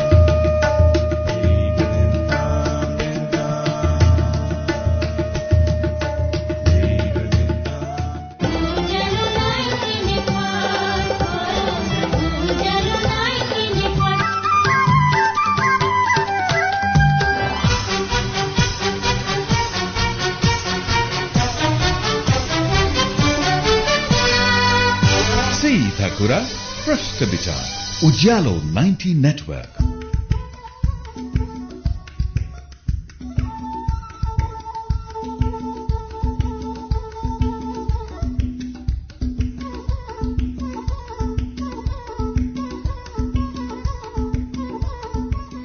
कार्यक्रम श्रुति सम्वेकमा पुनः स्वागत छ। तपाईँ अहिले उज्यालो नाइन्टी नेटवर्क काठमाडौँसँगै इलाम एफएम रेडियो ताप्लेजुङ झापाको एफएम मेचिट्युन्स र बिर्ता एफएम इटहरीको सप्तकोशी एफएम विराटनगरको रेडियो पूर्वेली आवाज धरानको विजयपुर एफएम रेडियो तेह्रथुम भोजपुरको रेडियो चोमलुङमा एफएम सिन्धुलीको रेडियो सहारा रेडियो बर्दिवास सर्लाहीको रेडियो एकता ढुकढुकी एफएम र मुक्तेश्वर एफएम रौतहटको नुनथर एफएम रामेछापको रेडियो तीनलाल खोटाङको हलेसी एफएम दोलखा जिरीको रेडियो हिमाली काभ्रे धुलीखेलको रेडियो सेफर्ड मकवानपुरको हेटौँडा एफएम चितवनको रेडियो अर्पण र रेडियो चितवनमा पनि सुनिरहनु भएको छ। त्यसै गरी फलेवासको रेडियो पर्वत रुकुमको रेडियो सिस्ने पाल्पाको पश्चिमाञ्चल एफएम र रेडियो रामपुर पोखराको radio Tarang तनहुँको radio Bhanubhakta radio Dhorbarahi radio Bandipur र स्मार्ट एफएम गोर्खाको गोरखकाली एफएम बागलुङको रेडियो सार्थी एफएम र गलकोट एफएममा पनि श्रुति सम्वेक सुन्दै हुनुहुन्छ। रेडियो प्युठान दाङको रेडियो मध्यपश्चिम बुटवलको तिनाव एफएम गुल्मीको रेडियो रेसुङ्गा कपिलवस्तुको रेडियो बुद्ध आवाज रेडियो कोलपुर सल्यानको रेडियो राप्ती जाजरकोटको रेडियो हाम्रो पाइला दैलेखको ध्रुवतारा एफएम कैलाली टिकापुर र गुलरियाको फुलबारी एफएम कैलाली एफएम दाङको रेडियो प्रकृति एफएम सुर्खेतको रेडियो भेरी र बुलबुले एफएम बैतडीको रेडियो सन्सेर दार्चुलाको नयाँ नेपाल एफएम हुम्लाको रेडियो कैलाश जुम्लाको रेडियो कर्णाली र कालीकोटको रेडियो नयाँ कर्णालीबाट पनि अहिले एकैसाथ श्रुति सम्वेक प्रसारण भइरहेको छ।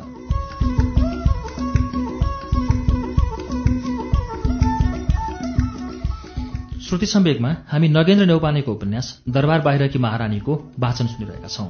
अब यसको बाँकी अंश वाचन सुनौ।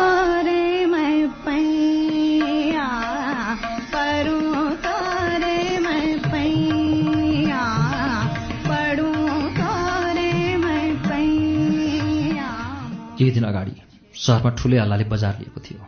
राजा महेन्द्रले राज्य सम्बन्धी निकै चहल पहल गर्दैछन् भन्ने गाईगुई सुनिएको थियो।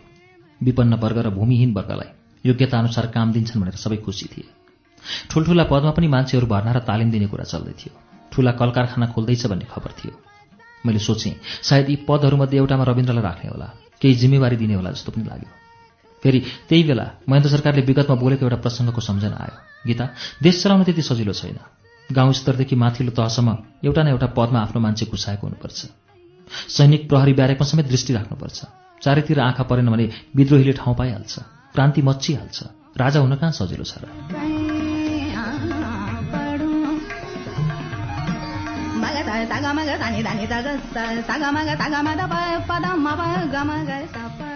मेरो दिमाग त्यतिर गयो। सोचेँ आफ्ना श्रीमानलाई अप्ठ्यारो पर्न त भएन। हामीसँग केही सहयोग अपेक्षा गरेका छन् भने किन नगर्ने त? उनको पो कुरी नबुझी आँखामा बादल लाग्यो। तर हामीले त त्यसो गर्नु भएन नि। तैँले केही मेसो पाइनस् कस्तो कुरा गरी बक्स्यो किन होला? कुनै पदको बारेमा गफ भएको थियो? केही मेसो पाउन सकिनँ ममा भन्दै उसले जुत्ताको तुना बाँध्यो अनि कोटको टाँक लगाउँदै मतिर हेरेर फिस्सा हाँस्दै बोल्यो। हाम्रो बुबालाई आफूले गरेको शङ्काले आफैलाई खाएको होला। उतिखेर सत्य र असत्यको मेसो भएन र हामीहरू नजरबन्दमा राखिबक्स्यो त्यसको क्षमायाचनाको लागि त होला नत्र खुबै भए भाइलाई सहयोग गर्नु काङ्ग्रेसको हात बढिसक्यो भन्ने त होला। नेतालाई जेलमा राखेर आफ्नै छोरालाई नजरबन्दमा थुनेर के राज्य चलाउन सकिबक्सिन्छ होला? कति वर्ष चल्छ यसरी शासन सत्ता? हाम्रो बुवाको राजनीति नै कहाँ तर्छ?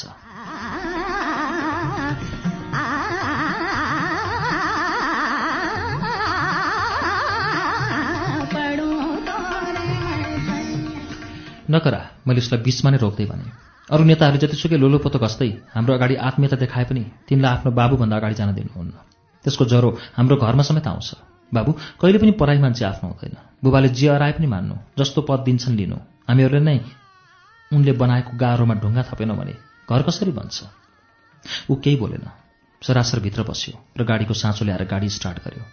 मैले हेरिरहेँ गाडी भित्र पस्नुभन्दा पहिला मतिर हेरेर ठिङ्ग उभियो र भावुक भएर बोल्यो मलाई सबै कुरो ज्ञान छ। हजुरले चिन्तै गर्नु पर्दैन। म सबै मिलाएर आउँछु।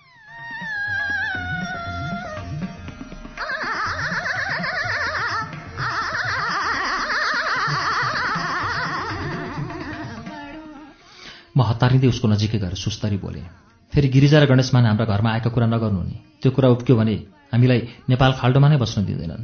हामीहरूले पो उनीहरूलाई लोपा खुवाएर पठायौँ। तर यो कुरा सुन्यो भने दिमागमा कस्तो छाप पर्छ? राजाको छोरा भएर राजाको दुश्मनसँग साँठगाँठ गर्ने? यो त कुलङ्गार छोराले मात्रै गर्छन्। फेरि उसले मुख प्याच्च बङ्ग्याउँदै बोल्यो मुमा हजुर कस्तो कुरा गरी बक्सिन्छ? के म त्यति बिग्न बेवकुफ छु होला र?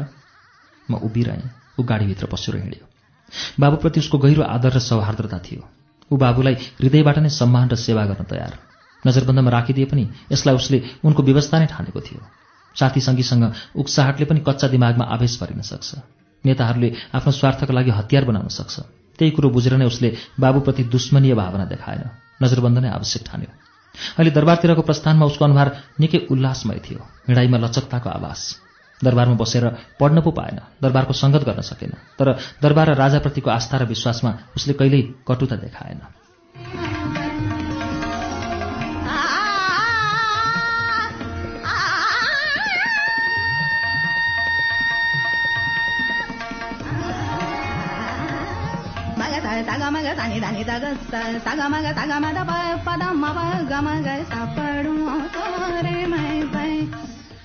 मैले भात सात खाइ भान्सा उठाउन भ्याएको पनि थिइनँ। ऊ टुप्लुक्क देखा पर्यो म छक्क परेँ।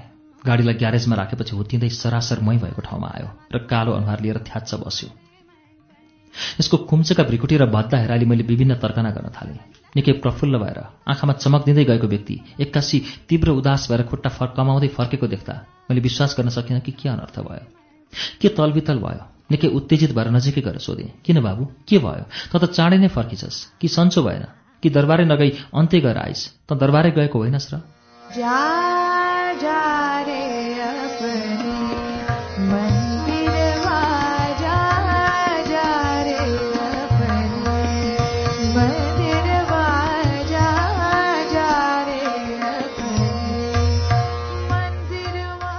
तर ऊ केही पनि बोलेन।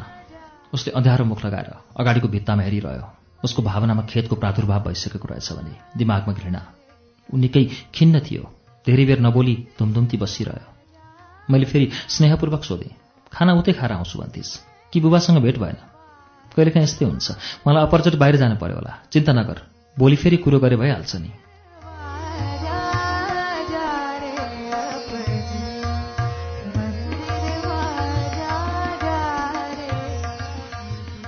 मेरा धेरै शङ्का उपशङ्का उसका कानहरू भरिँदै आएपछि उसले धान्नै नसकेर होला। बजिलो स्वर निकाल्दै बोल्न सुरु गर्यो। मुमा छोराको प्रगति उन्नतिमा कसको बाबुले डाह गर्छन् होला र? बाबु भएपछि बाबुको कर्तव्य निभाउनु कता हो कता? उल्टै हफ्काएर पठाउने? हौसला दिनु उत्साह बढाउनु बाबुको दायित्व होइन?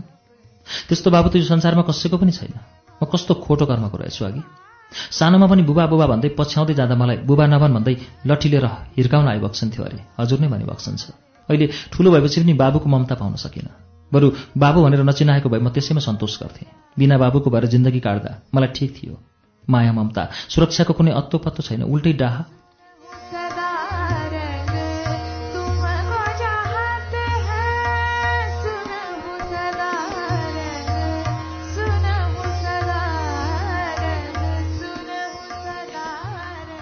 उसको प्रचण्ड क्रोधको हावाले मेरो शरीरको रौँ रौँ जराक जुरुक उठे।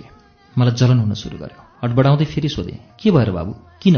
गिरिजा र गणेशमान आएको थाहा पाइबक्सेछ कि तैँले बोल्दा कुरा बिगारिस्? किन बोलाइबक्सेको रहेछ? मैले के को कुरा बिगार्नु र सपार्नु छ? मैले के बोल्न पाएर सुरुमा नै जबारी बक्स्यो। उसले उत्तर दियो किन अरे तैँले के बिगारिस् रे अरे उसले कोठाको वातावरणलाई निस्तब्ध बनाउँदै बोल्न सुरु गर्यो। मैले सुन्दै गएँ मुमा मैले कविता लेखेँ अरे मेरा कविताहरू बढी भावुक र यदि हृदय स्पर्शी भए अरे बुबालाई मन परेन अरे उहाँको राजनीति खलबलियो अरे कविता म धेरै बेर टक्क टोलाएँ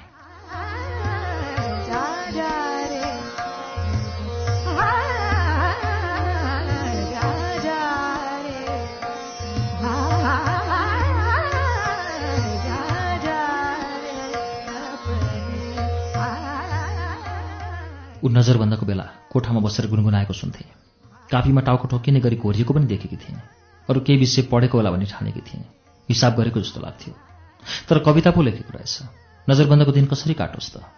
तर बाबुको मनै दुख्ने गरी कविता लेख्न नहुने। बाबुलाई जिस्काउन नहुने। हुन त म लेखपढ गर्न नजान्ने अनपढ महिला थिएँ। मलाई कथा र कविताको ज्ञान थिएन। व्याकरण मलाई आउँदैन थियो। त्यसैले उसलाई अलिकति सम्झाउने र अलिकति हप्काउने पाराले बोले। तँलाई पनि कविता नै किन लेख्नु पर्यो? दुनियाँका छोरालाई कविता नलेखे पनि भएको छ। दिन काट्न गाह्रो भयो भने कि व्यायाम गर्नु कि हार्मोनियम बजाउनु? कमसेकम हार्मोनियम बजाए अरूले सुन्छन्। कविता लेखेर के गर्ने? बरु गीत गाउन सिकेको भए रेडियोमा गाउनु पाइन्थ्यो। कविता नै लेख्नुपर्छ त। अझ आफ्नो बाबुको राजनीति नै कमजोर बनाउने गरेर। बुवा नरिसाउने कुरै भएन। देश चलाउन कम सकस गर्नुपर्छ।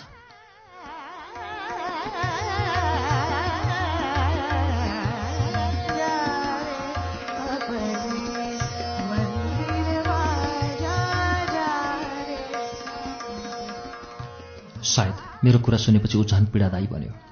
पहिले बाबुले सातो झारेर पठाएका। फेरि मैले पनि असन्तुष्टिको मलजल थपेपछि उसले खप्नै सकेन। अनुहार पहेँलो बनाउँदै बोल्यो मैले कविता लेख्नै नपाउने पनि कतै हुन्छ? नत्र मैले दिन कसरी गुजार्ने? बुबा पनि त कविता लेखिबक्सिन्छ नि आफू कवि भएपछि अर्को कविको सम्मान इज्जत पो गर्नुपर्छ? उल्टै कोलाहल गरेर पठाउने?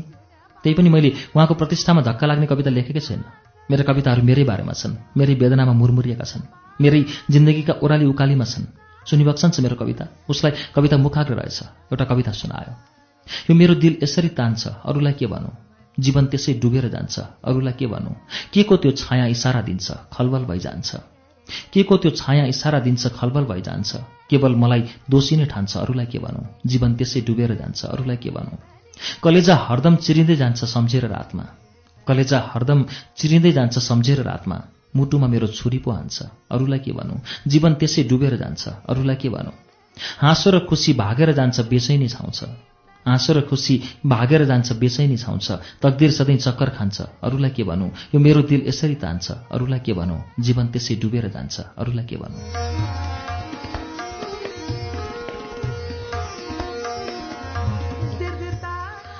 कविता सुनेपछि म मुस्कुराएँ। उसको कविता राम्रो लाग्यो। कविता महेन्द्र सरकारको बारेमा थिएन। भने फेरि किन हप्काएर पठाउन त नहुने नि? आफूले भोगेको अन्तर्पीडालाई कवितामा उतार्नु अवश्य उसको गल्ती होइन। तर पनि बाबु छोराको झगडामा आगोमा घिउ थप्नु उचित थिएन। त्यसैले मैले मध्यस्थकर्ताको भेष लिएर उसलाई सम्झाउन थालेँ। बाबु बुबाले जस्तो सुकै सोचे पनि तैँले चित्त नदुखा। धैर्य गर्न सिक सत्यको विजय अवश्य हुन्छ। त्यो विजय अहिले हामीले नदेखे पनि भोलिको नेपालीले देख्नेछन्। भगवान्ले तेरो भलो गर्न कहिले छोड्दैनन्। यहाँसम्म जेनतेन आएको छ भने अझै अगाडि बढाउने काम पनि उनैको हो। उनैलाई छोडिदिए। बाबुको कुरालाई लिएर मन अधीर नबना गम्भीर नबन।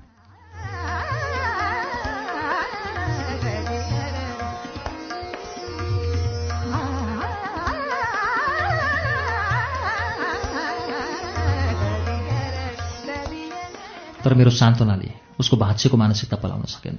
ऊ झन्झन विरक्त बन्दै गयो र धेरै बेर टोलाएर उभिरह्यो। उसको विरक्तिएको मानसिकतामा म समेत सामेल हुन बाध्य भएँ। वास्तवमा महेन्द्र सरकारबाट रविन्द्रलाई उठ्नै नसक्ने गरी दस्काएर पठाइबक्सेको जस्तो लाग्यो। हुर्के बढेको छोराको निशानामा पर्खाल बन्न नहुने। पीडाको अनुभव गर्दै केही अगाडि गएर फेरि मैले सोधेँ के के भनी बुबाले भन् त? बेसरी हकारी बक्स्यो? रत्न पनि त्यहीँ थिइन्? उनले त केही भनिन्? रत्नमुमा पनि त्यहीँ हो बक्सन्थ्यो तर उहाँको मुखबाट एउटा शब्द पनि झरेन। सुनिरही बक्स्यो। रविन्द्र मेरो मुखतिर हेर्दै महेन्द्र सरकारसँग दरबारमा भएको बहस सुनाउन थाल्यो। मैले सुन्दै गएँ।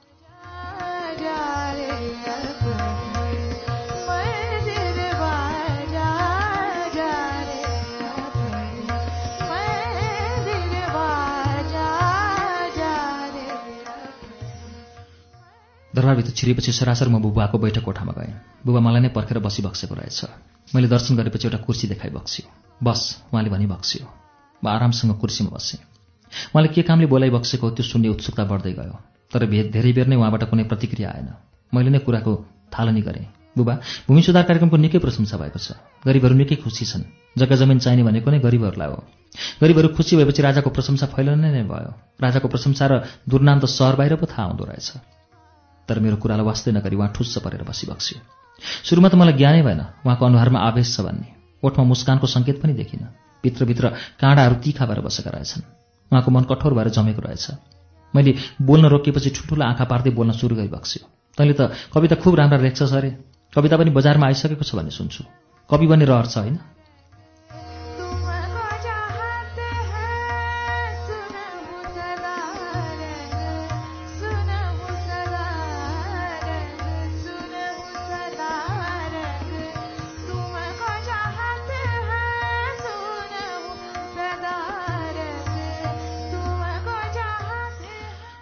बोली र आँखाको हेराइमा कुनै तालमेल नै नभेटेपछि म आन्दोलित हुनुपर्ने हो। हिंता बोधको अनुभव मलाई हुनुपर्ने थियो। तर बुझ्न नसकेर होला। उल्टै उहाँको भनाइले मलाई उत्साहको ज्वालाले न्यानो बनाइदियो। म हँसिन हुँदै बोलेँ हजुरले पढिबक्स्यो। कस्तो लाग्यो? केही कविताहरू पत्रिकामा पनि आइसकेका छन्। भूमिका हजुरबाटै लेखाउने विचार गर्दैछु। अब किताब छाप्दा लेखिबक्सेला एउटा दुईवटा अलि मिलेका छैनन् तर पनि निधारै कुम्च्याउने गरी बिग्रेको छैन। अर्को संस्करणमा मिलाउनु पर्ला। त आफूलाई खुब ठुलो कवि भन् ठान्छस् होइन? भन्दै बुबा कुर्सीबाट उठेपछि म छक्क परेँ। खाउँला चाहिँ ठुल्ठुलो आँखाले हेरिबक्स्यो तैँले अरू कुनै काम पाइनस् र कविता लेख्न सुरु गरिस्। फेरि आफ्नै बारेमा कसैले कविता लेख्छ? आफ्नो बारेमा कविता लेखेर पनि कोही कवि बन्छ? कवि बन्न अरूको हृदय बुझ्न सक्नुपर्छ। अरूलाई अध्ययन गर्नुपर्छ। कवि बन्न त्यति सजिलो छैन। कविता लेख्दैमा कोही कवि बन्दैन।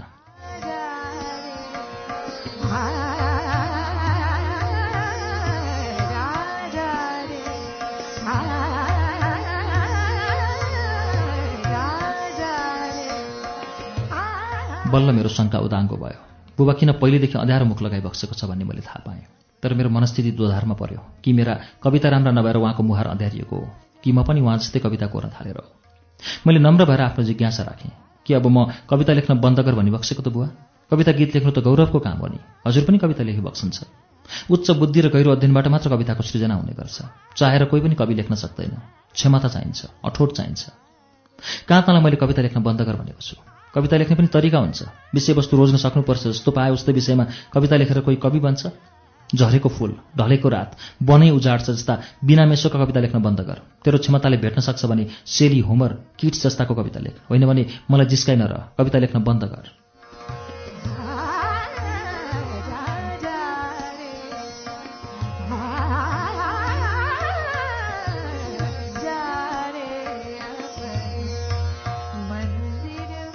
बुबाको आशयले म भित्र एकातिर अपमान र असहायको जन्म गराइदियो भने अर्कोतिर हुकुमी संस्कारको घृणा।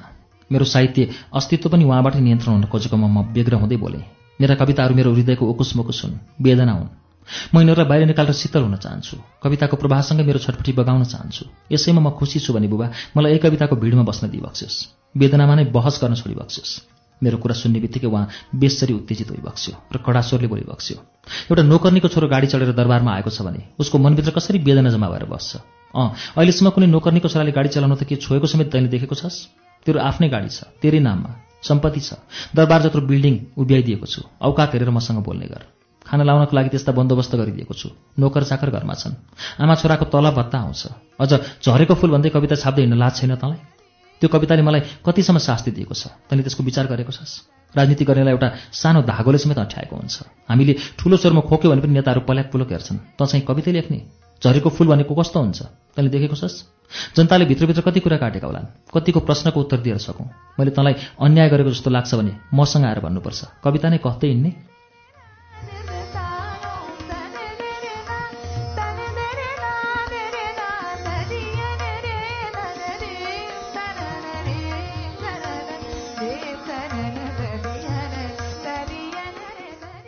कहाँ कहाँबाट मेरो पनि साहस जुर्मरायो मैले कति पनि नडराइकन बोलेँ बुबा म राजाको जेठो छोरा भएर राजा हुनु त कता हो कता? दरबारबाटै निकालिनु परेको छ भने हजुर औकातको कुरा उठाइ बक्सिन्छ। यत्रो नेपाल अधिराज्यको सम्राटलाई एउटा गाडी त्यति ठुलो लाग्यो? कि म एउटा गाडीमा गौरव गर्ने व्यक्ति हुँ? मलाई सिङ्गो नेपाल चाहिन्छ। कि मेरो बाबु देखाइ बक्सियोस् होइन भने यो देशको युवराज हुने अधिकार मेरो हो। मेरा कुराले उहाँको वचन त ठ्याम्मै रोकियो तर रिसले आगो। उहाँ जुरुक्क उठेर सरासर अर्को झ्यालतिर तन्किएको देखेको थिएँ।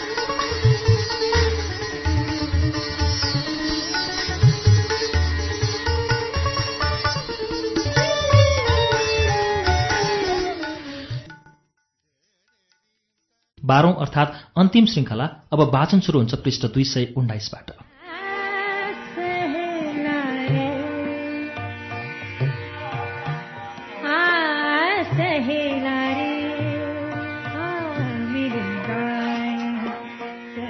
कहाँ कहाँबाट मेरो पनि साहस जुर्मरायो मैले कति पनि नडराइकन बोलेँ बुबा म राजाको जेठो छोरा भएर राजा हुनु त कता हो कता? दरबारबाटै निकालिनु परेको छ भने। हजुर औकातको कुरा उठाइ बक्सिन्छ। यत्रो नेपाल अधिराज्यको सम्राटलाई। एउटा गाडी त्यति ठुलो लाग्यो के म एउटा गाडीमा गौरव गर्ने व्यक्ति हुँ? मलाई सिङ्गो नेपाल चाहिन्छ कि मेरो बाबु देखाइ बक्सियोस्? होइन भने यो देशको युवराज हुने मेरो अधिकार हो। मेरा कुराले उहाँको वचन त ठ्यामै रोकियो तर रिसले आगो। उहाँ जुरुको उठेर सरासर अर्को झ्यालतिर तन्किएको देखेको थिएँ।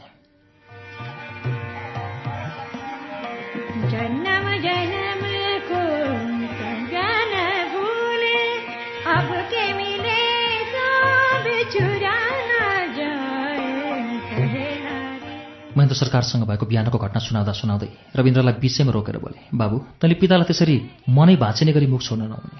भोलिलाई पनि अलिकति बोल्ने ठाउँ राख्नुपर्छ। आठ भरोसा उनैको छ। आठ भरोसा दिनेको केही वचन त सहनु पर्यो नि।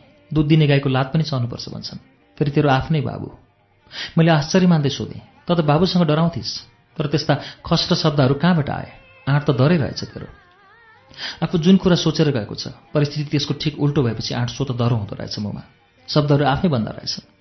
बुबाले के किन नयाँ कुराको उद्घाटन गर्न बोलाउनु भएको भनेर खुसी भएको बेला एक्कासी झटारो थाप्लामा बज्र नपुगेपछि न मैले बाबुको डर देखेँ न राजाको मान गल्ती नगरेको कुरामा कसैले दोष लगायो भने असाध्यै चित्त दुख्दो रहेछ कविता लेख्दैमा गल्ती अवश्य मेरो थिएन बुबाले पनि मैले कम कलम समात्नुभन्दा पहिले सोच्नु पर्थ्यो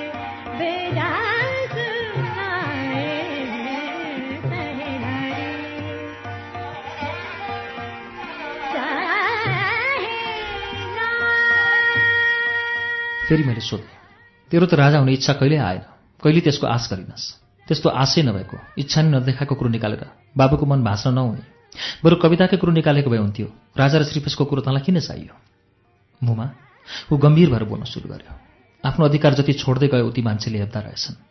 हामीहरूले त्यही गल्ती गर्यौँ। सुरुमा नै राजा हुने अधिकार मेरो हो। मलाई गद्दी चाहिन्छ भनेर बुबाको कानमा पारेको मात्र भए पनि अहिले बाबुको आँट त्यति प्रचण्ड हुँदैन थियो। राजा हुन नपाए पनि कविता लेख्दैमा हप्काइ खान्थिन।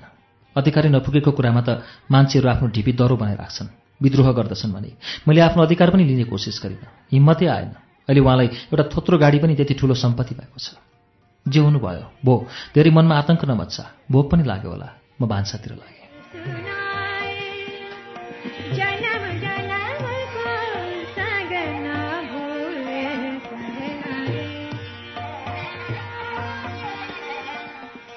तर त्यसपछि पनि उसले कविता लेख्न भने छोडेन। भूमिका बाबुबाटै लेखाउँछु भनेर निकै ढिपी गरेको थियो लेखाएछ। तर भूमिका लेखाइमा उसको चित्त बुझेको थिएन। महेन्द्र सरकारले आफ्नो छोरो भनेरै होला भूमिकामा ठिटाहरू भनेर खसाली दिइबक्सेछ त्यसैले उसले माधवप्रसाद घिमिरे र श्यामदास वैष्णवसँग पनि केही मन्तव्य लेखाएछ।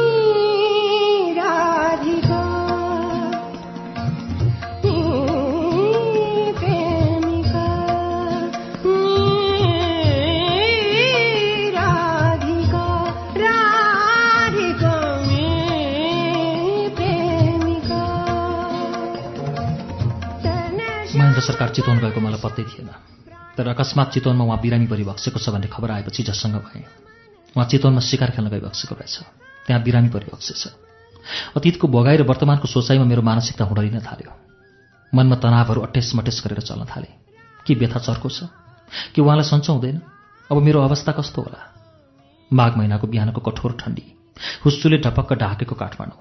बाबु बुबालाई सन्चो छैन अरे। कस्तो बिरामी हो? जा त बुझेर आइज। मैले तुरुन्ता तुरुन्तै रविन्द्रलाई महेन्द्र सरकारको स्वास्थ्य बुझ्न नारायणटी दरबार पठाएँ।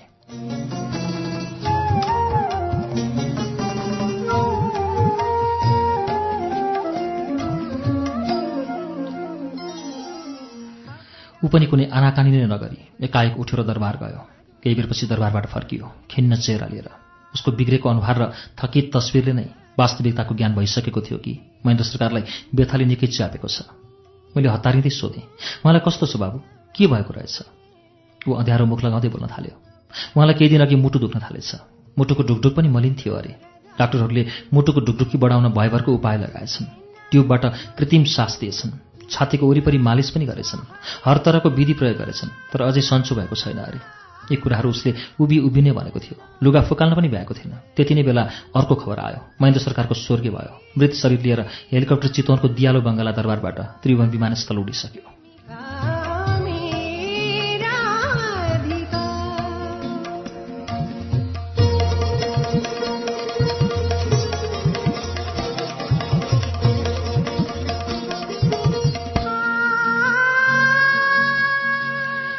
रविन्द्र हतार हतार गर्दै विमानस्थलतिर गयो। म हिन्तु न चिन्तु भएँ। उभिएको ठाउँमा नै थुचुक्क बसेँ। मलाई भक्कान छुट्न थाल्यो। आँखाहरू आँसुले ढाकिए। महेन्द्र सरकारसँग लामो बसाइ नभए पनि हामीहरू बीच निर्वाध सङ्गत नभए पनि उहाँ मेरो स्वामी हो थियो। म एउटा पतिव्रता नारी। म विधवा भएँ। अब मैले चुराहरू फुटाउनुपर्छ। सेतो पहिरनमा बस्नुपर्छ। मैले मृतात्माको चिर शान्तिको कामना गरेँ। मानव एकपटक जन्मेपछि मर्नै पर्छ यो शाश्वत सत्य हो। मैले यसलाई स्वीकार गर्नै पर्छ तर महेन्द्र सरकारको त्यो मर्ने उमेर थिएन। उहाँ अझै केही वर्ष बाँच्नुपर्ने थियो मेरा लागि र राष्ट्रको लागि।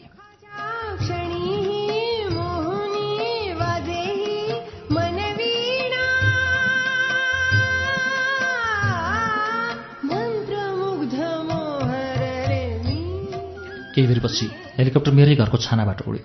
मैले त्यो हेलिकप्टरलाई आँखाले भ्याइन्चेल हेरिरहेँ टाउको आकाशतिर लगिरहेँ। हेलिकप्टर सिधै त्रिभुवन विमानस्थलमा उत्रियो। मृत्युको चोट कति नमिठो हुन्छ। उफ। मैले महेन्द्र सरकारको अन्तिम दर्शन त्यही हेलिकप्टरलाई हेरेर चित्त बुझाएँ। हेर्दा हेर्दै महेन्द्र सरकारको मृत देहलाई चितामा राखियो। केही बेरपछि खरानी भयो।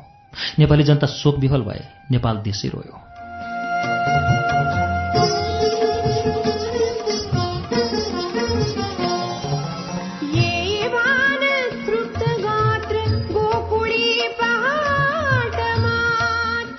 दश क्रियामा ज्ञानेन्द्र र धीरेन्द्र बसेका थिए। उनीहरूले रविन्द्रलाई पनि मिसाए। नोकर्नीको छोरो दासीको कोख भनेर उसलाई खण्ड लगाउँछन् भन्ने औडाहा पहिलेदेखि नै थियो। म त्यही त्रासमा थिएँ तर ऊ खण्डित भएन। ऊ सँगसँगै दश क्रियामा सामेल भयो। रविन्द्रले एघारौँ दिनमा ज्ञानेन्द्र र धीरेन्द्रसँग नै शास्त्रोक्त विधिपूर्वक नै सैया सुन चाँदी गाई हात्ती दान गर्यो। उसले ब्राह्मणलाई दक्षिणा दियो। बाह्रौँ दिनमा उनीहरू सबै कालमोचनबाट दश क्रिया सकेर नारायणटी दरबार फर्किए। सडकमा जनताको ठूलो भिड थियो। उनीहरूको प्रस्थान हेर्न बाटोको दायाँ बायाँ ठेलमठेल जनसमुदाय थियो। आफ्नो पतिको मृत्युमा मभित्र उच्च ताप त छँदै थियो तर पनि रविन्द्रप्रति दरबारको सद्भावले म प्रसन्न थिएँ। यद्यपि ऊ राजा हुन पाएन उसले श्रीपेश लगाउन पाएन त्यसप्रति मलाई कुनै गुनासो थिएन। उसले पाएको समान हैसियत र समान व्यवहारबाट मलाई सहज बनाएको थियो किनकि ऊ दश क्रियामा पृथक पाएन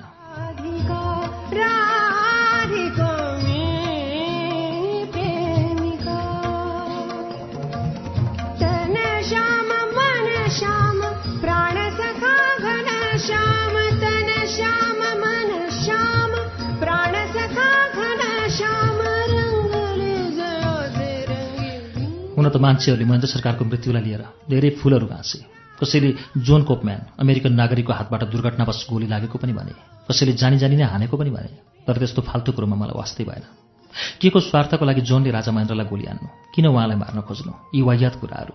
ऊ सिआइएको प्रतिनिधि भएर पनि हुनसक्छ। वा त्यति कलिलो उमेरमा नै उहाँको मृत्युलाई असहज बनाएकोले मान्छेले कुरा काट्ने मौका पाएका होलान्।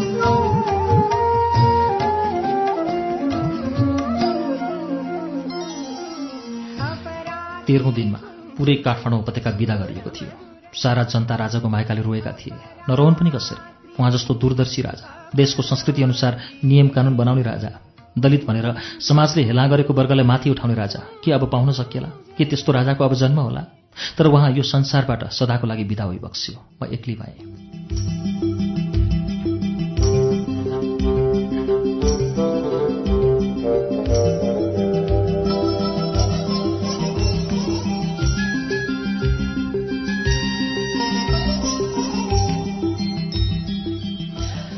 राजा वीरेन्द्रको शुभ राज्याभिषेकको लागि काठमाडौँ सहर मात्र होइन पुरै देश नै रङ्गीन भइरहेको थियो। सडक गल्ली चोक सबै सफा हुँदै थिए।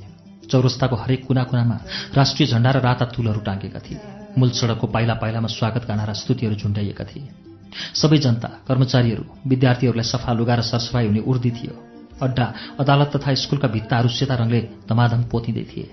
म दङ्ग थिएँ। मेरै काखपल्टामा हुर्केको वीरेन्द्र मेरो आफ्नै हातले सुन्तलाको रस चुसाएको फुच्चे आज राजगद्दीमा बसेर राजा बन्दैछ। म अटाउनै नसकिने प्रसन्नतामा थिएँ। मेरो छोरो रविन्द्रको राजगद्दीको हकदारमा मेरो कुनै पछुतो थिएन। मलाई पूर्ण सन्तोष थियो। अझ त्यति बेला रेडियोले रात दिन गरेको स्तुतिगान र प्रशंसाले देश पुरै हल्लिएको थियो। देश विदेशबाट राजा महाराजाहरू त्यत्तिकै ओइलिएका थिए। शुभराज्याभिषेकको लागि बेलायतबाट राजकुमार चार्ल्स जापानबाट युवराज अकिहितो र युवरागी मिचीको केही दिन पहिल्यै आएका थिए। फिलिपिन्सबाट इमेल्डा मार्कोस ठुलै दलबल लिएर नेपाल पसेकी थिइन्। पाकिस्तानबाट राष्ट्रपति फाजल चौधरी श्रीलङ्काबाट राष्ट्रपति गोपलवा र श्रीमती गोपलवा भारतबाट उपराष्ट्रपति बिडी जतिले प्रतिनिधित्व गरेका थिए। बङ्गलादेशबाट उपराष्ट्रपति सम्यद नजरुल इस्लाम आएका थिए। काठमाडौँ सहर पुरै विदेशी पाहुनाले खचाखच भरिएको थियो।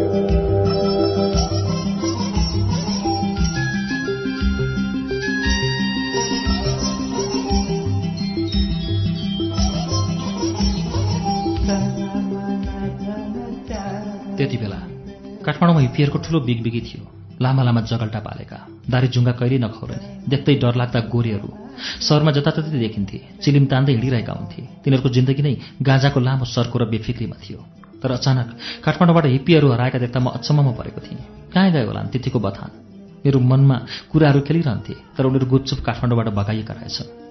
कि होटलबाट बाहिर निस्कन नपाउने कि उपत्यका छोड्नुपर्ने भएपछि सबैजसो हिप्पीले उपत्यका नै छोडिसकेका रहेछन्।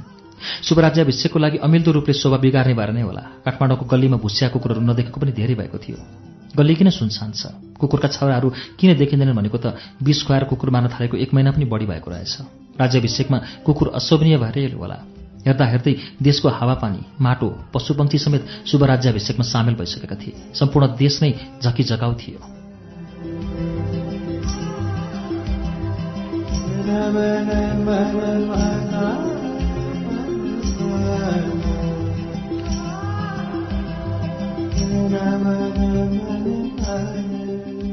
आफूसँग जतिसुकै सम्पत्ति र दौलतको थुप्रो लागे पनि घरमा सबै कुराले भरिपूर्ण भए पनि निगाहको बानी परेपछि निगाहकै रस मिठो हुँदो रहेछ। त्यसैमा आँखा लोभी हुँदो रहेछन् मलाई नपुग्दो के थियो र? खानको लागि कुनै चिन्तै थिएन। सारी चोलाहरू छानी छानी लगाउँथे। बस्नलाई त्यति ठुलो बिल्डिङका कोठाहरू पुरै रित्ता थिए तर पनि शुभराज्याभिषेकको चहल पहल सुरु हुनासाथ मेरा आँखाहरूले लालचको अनुभव गरिरहेका थिए। म आसक्त बन्दै थिएँ। सडकतिर कोही नौलो मान्छे देखियो भने पनि घाँटी तन्काई तन्काई हेर्थेँ। दरबारबाटै कोही उपहार लिएर आएको जस्तो लाग्थ्यो। त्यति बेला मेरो दिमाग नै शुभराज्याभिषेकमा पाउने कोसेलीमा केन्द्रित थियो।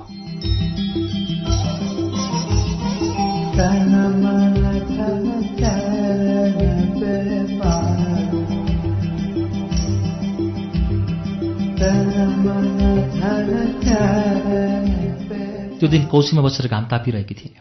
फागुन महिनाको घाम प्यारो थियो। हेर्दा हेर्दै पन्ध्र बिसजना सैनिकको एउटा लामो लर्को मेरै अगाडि तयारी पोजिसन लिएर ठिङ्ग उभियो र पूर्ण सतर्कताका साथ आफ्नो साथको बन्दुकलाई कडा आवाज दिएर बजार्यो।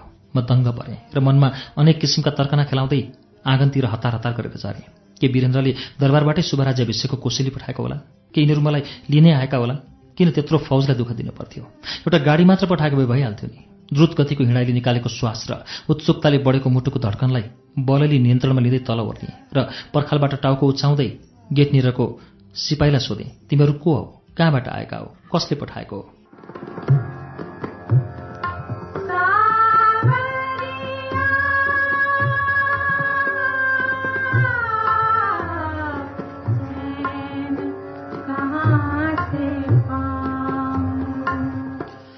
त्यो सैनिकले मेरो प्रश्नको उत्तर दिने कुनै चेष्टै नगरी चाउको धेरै बेर यताउता बटारेपछि मलाई नै प्रश्न गर्यो यो घरको मालिक कहाँ हुनुहुन्छ? हामीहरू उहाँलाई भेट्न आएको। तुरन्त बोलाउनु पर्यो। यसैमा फेरि थप्यो। के यो दरबारको घर हो? मैले केही उच्च स्वरमा बोलेँ किन चाहियो यो घरको मालिक? मै हुँ। के भन्नुहुन्छ? त्यो सैनिकले गहिरो आँखाले मलाई हेरेपछि अपमान बोध निधार अँध्यारो बनायो अनि अगाडि बढेर बोल्न सुरु गर्यो तपाईँ? छोरा पनि हुनुहुन्छ भन्ने जानकारी हामीलाई थियो अनि उहाँ? तपाईँ महारानी? त्यो सैनिकको बोलीमा देखेको असभ्य शैली र अपमानयुक्त लवजले मेरो धैर्य धारण गर्ने शक्ति नै निकै कमजोर बनायो र कडा अभिव्यक्ति दिन करै लाग्यो। हो मै हुँ महारानी। के काम छ?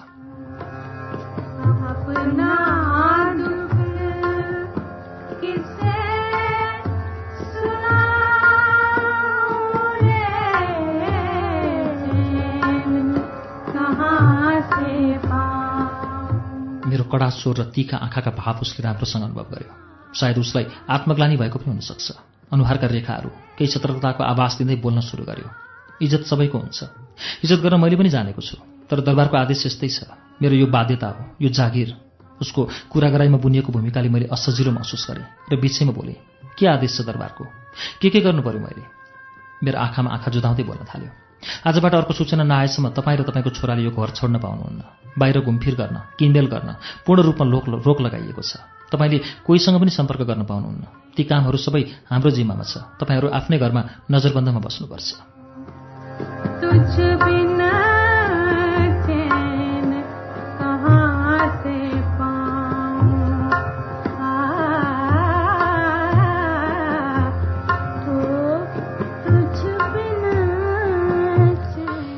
फेरि अर्को नजरबन्द किन? के का लागि?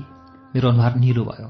गोडाले भर पाउन नसकेपछि मैले भित्तामा आड लिएर एकपल्ट लामो सुस्केर लिएर भगवान्को नाम लिएँ। हे भगवान् के को सजाय हो यो? तर यसपटक मेरो मानसिकता त्यति कमजोर देखिएन जति प्रथम पटक थियो। यसपल्ट उदास र आतंकका परिवेशले जति नै समाते पनि विगतबाट तितो पाचन गर्न सक्ने शक्ति मैले आर्जन गरिसकेकी थिएँ। मलाई नजरबन्दको अनुभव पहिल्यै थियो। अहिले मैले कुनै नियास र मानिनँ र सैनिकको अगाडि दयाको पात्र नभई कठोर हुँदै बोले अनि के अपराध नि हाम्रो? तिमीहरूले थाहा त पायो होला नि। हामीहरूले देशको लागि के बिगार्यौँ अरे?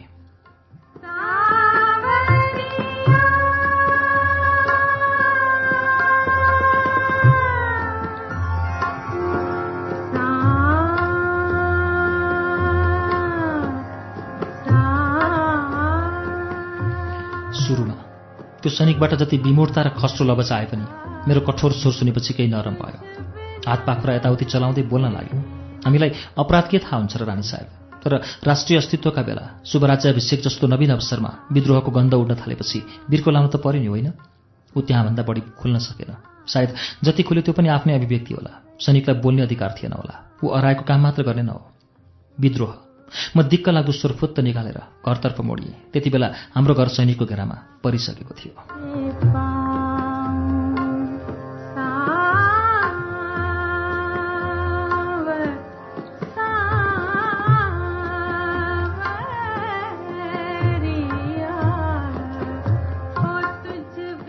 एकातिर सैनिकहरूले फन्को मारेर घर घेरिसकेका थिए। अर्कोतिर कौशिर झ्यालबाट आधा टाउको देखाएर हेर्ने तमासेहरूको भिड। त्योभन्दा कम थिएन। उनीहरू डराई डराई लुकी लुकी हेरिरहेका थिए। त्यति बेला म पछुतो भन्दा पनि आफैले पालन पोषण गरी हुर्काएको वीरेन्द्रको कायरतासँग निकै क्लान्त भएँ। म प्रति र मेरो सन्तानप्रति उसले जन्माएको रोगी मानसिकताबाट मलाई घृणा भएर आयो। मैले के को लागि विद्रोह मचाउने किन सङ्घर्ष गर्ने? खै उसले मेरो शक्ति छाम्न सकेको? मेरो पछाडि कति नै ठुलो भिड होला जस्तो। हल्लै हल्लाको भरमा एउटा अबला नारीप्रति उसको कत्रो शङ्का जाबो एउटी सौतिनी आमाको क्षमता बुझ्न नसक्ने। आफ्नै दरबारमा हुर्केको एकै बाबुको दाईको मुटु छाम्न नसकेकोले कसरी शासन गर्ला? धेरै बेर नै मेरो मनमा कुराहरू खेलिरहे मेरो मनबाट फुत्त शब्द आयो डरपोक।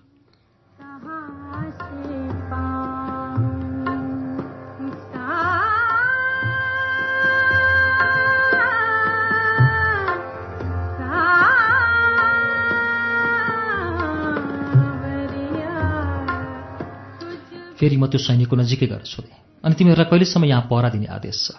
तर तिमीहरू आफूले पाएको आदेश अनुसार नै ढुक्कसँग बस। मलाई कुनै आपत्ति छैन। मेरो मुखबाट निस्केका निर्भीकताका शब्दहरू र अनुहारमा देखेको निरर्थका रेखाले त्यो सैनिकले राष्ट्रियताको अन्धभक्ति देखाउँदै बोल्न थाल्यो। अझ अन्य सिपाहीको अगाडि आफूले केही बुझेको छु जस्तो पनि उसले पार्नु परेको थियो। तपाईँलाई थाहै होला नेपाल अहिले अन्तर्राष्ट्रिय इज्जतमा व्यस्त छ। विश्वका साठीभन्दा बढी देशहरूका राजा महाराजाहरू आउँदैछन्। तराईबाट हात्तीको लस्कर तपाईँले देखिहाल्नुभयो होला। यही बाटो भएर गए। घोडा र बग्गीले खुट्टा टेक्ने ठाउँ छैन। यो समाचार अमेरिकादेखि बेलायतसम्म पुगेको छ। यस्तो बेलामा एकजनाले चर्को स्वरले खोक्यो भने मात्र पनि सैनिकलाई सतर्क हुने आदेश छ भने अभिषेक समारोह नै बिथोल्ने हल्ला सुनेपछि। तर मैले उसको बाँकी पुरै सुनिनँ। आवाज भद्दा लाग्दै आएर भित्र बसेँ।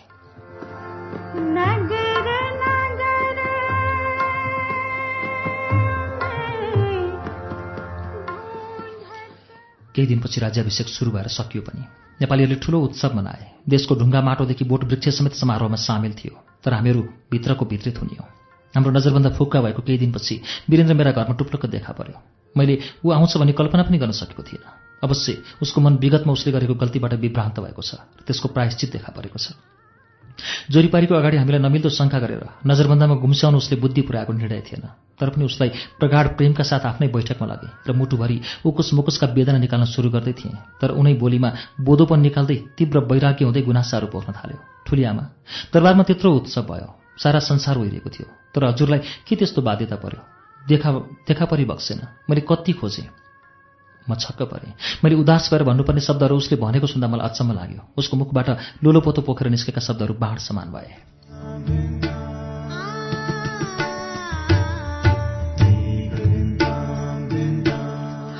कार्यक्रम श्रुति सम्वेकमा अहिले तपाईँले सुनिरहेको वाचन नगेन्द्र नेौपानेको उपन्यास दरबार बाहिरकी महारानीको वाचन हो। यसको बाँकी अंश केही बेरमा वाचन हुनेछ। उज्यालो सुन्दै गर्नुहोला।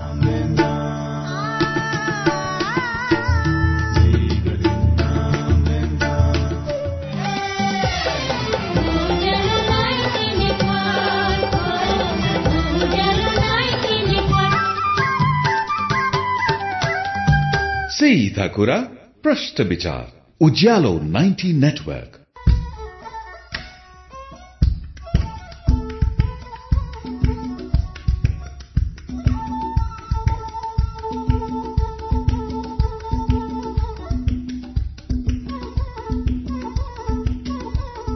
कार्यक्रम श्रुति सम्वेगमा पुनः स्वागत छ। तपाईँ अहिले उज्यालो नाइन्टी नेटवर्क काठमाडौँसँगै देशभरिका विभिन्न एफएम स्टेशनहरूबाट एकैसाथ श्रुति सम्वेक सुनिरहनु भएको छ।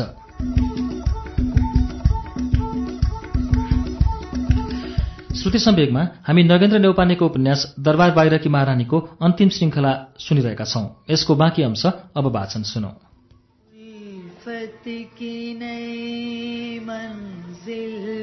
चला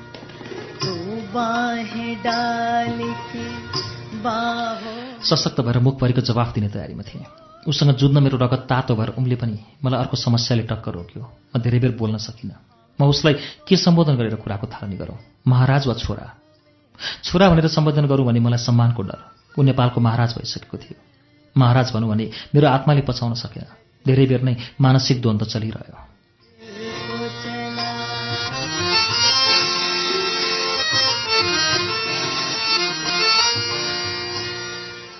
त्यति बेला नै विगतको एउटा सानो याद आयो। ऊ सानै थियो। मैले उसलाई सरकार बक्सियोस् भनेर सम्बोधन गरिरहेको बेला महेन्द्र सरकारले आँखा ठुल्ठुला पार्दै हकारी बक्सेको थियो। के को सरकार भनिराखे त्यति सानो छोरालाई।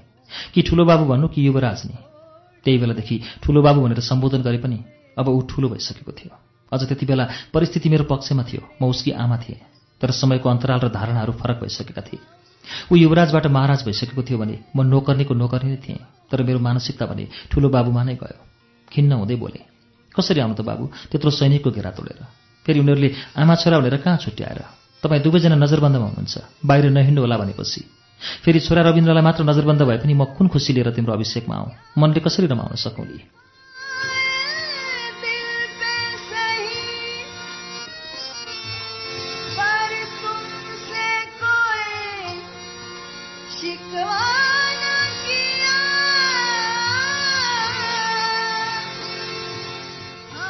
नजरबन्द। किन? को? कसले आदेश दियो? ऊ सोफाबाट उठेर बोल्न थाल्यो। मलाई किन पहिले नभनी बक्सेको? उसले तीव्र आश्चर्यको बाणी फुटाउँदै अनुहार रातो बनायो। उसको बोलीको धारले मलाई थाहा भयो। अवश्य यो विषयमा ऊ अनभिज्ञ नै रहेछ। उसलाई पनि यो कुरा थाहा रहेनछ। हामी आमा छोरा रहस्यमय तरिकाबाट नजरबन्दमा परेका रहेछौँ। के तिमीले पठाएका होइनौ? तिनीहरू त दरबारबाटै आएका हौ भन्थे। मैले किन पठाउनु? हजुरले मेरो के विकार गरिबक्सेको छ र म त झन् किन आइबक्सेन भनेर बुझ्न आएको। उसले देखाएको अनौठो अज्ञानतामा मेरो उत्सुकता बढ्नु स्वाभाविक थियो। म गहिरो सोचमा परेँ। दरबारबाट आउने आदेशमा राजा नै विज्ञ छैनन् भने अवश्य कसैले आफ्नो सूत्र घुसाइसकेको हुनुपर्छ। दरबारमा आफ्ना हातहरू मजबुत बनाउँदै लगेको हुनुपर्छ। यस्तो स्थितिमा मैले वीरेन्द्रसँग क्रोधित हुनुभन्दा नारायणटी दरबारमा हुन गइरहेको रहस्यमय नाटकलाई सतर्कतापूर्वक अनुसन्धान गर्न आवश्यक ठहरियो। यही अहिलेको मेरो नजरबन्दमा वीरेन्द्र अनभिज्ञ नै रहेछ भने यसबाट अर्को जगन्य नाटकहरूको रचना मात्र नभई राजकीय परिवेश नै खतरामा पर्न सक्छ वा राजकीय परम्परा नै बद्लिन सक्छ। जब चांदनी रातों में तूने खुद हमसे किया इकरार वफा। मैले आँखामा आश्चर्यको केही झल्काएर अन्तर्पीडामा आफ्नो दुःखलाई एकैसाथ महसुस गर्दै टर्रो स्वरमा बोले बाबु मुख मनाउँदै नाकले पानी पिउन सुरु गरियो भने यसको परिणाम अवश्य तितो हुन्छ। राजदरबारमा हुने काम कारबाही र राजकाजमा तिमी अवश्य सतर्क हुनुपर्छ। फेरि मैले मेरो मुटुमा सधैँभरि गढेर बसेको शङ्कालाई सफा गर्न खोजेँ। रत्नमुमालाई पनि थाहा छैन कि उहाँले पठाइ बक्सेको हो कि? उसले हल्का रूपमा दायाँ बायाँ टाउको हल्लाएर नकारात्मक सङ्केत गरेपछि भित्तातिर हेर्दै बोल्यो उहाँलाई झन् कसरी थाहा होला र? ऊ धेरै बेर भावुक भएर टोलाइरह्यो। सायद राजदरबारमा उसले असजिलो महसुस गरेको पनि हुनसक्छ वा कुनै अनिष्टको पूर्व सङ्केतले आलस तालस बनाएको पनि हुनसक्छ। वास्तवमा रत्नको नामै काटेर उनलाई शङ्काको घेरामा राखे पनि मैले बुझेसम्म उनको क्षमता त्यहाँसम्म थिएन।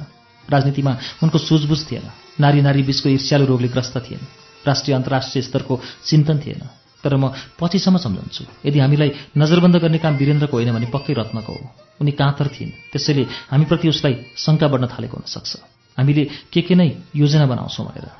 जब मान्छे कायर हुन्छ तब उसले सबैलाई शङ्काको घेरामा राख्छ जसको प्रतिफल उनले वीरेन्द्रलाई पनि उक्साएको थियो। तर मैले मेरो र रत्नबीचको अतीतको सम्बन्ध बिउताएर वीरेन्द्रको मानसिकतामा खैला बेला मचाउन चाहिन बरु ऊ निकै भावुक बनेको देखेर सम्झाउन थालेँ। बाबु म नजरबन्दमा थुनिएर घरभित्र बस्दा कुनै अप्ठ्यारो परेको छैन। आखिर दुई चार दिन बाहिर नडुल्दा के नै अप्ठ्यारो परेर सबै कुराको व्यवस्था थियो। फेरि समारोह माताविहीन पनि भएन। रत्न सरकार त्यहीँ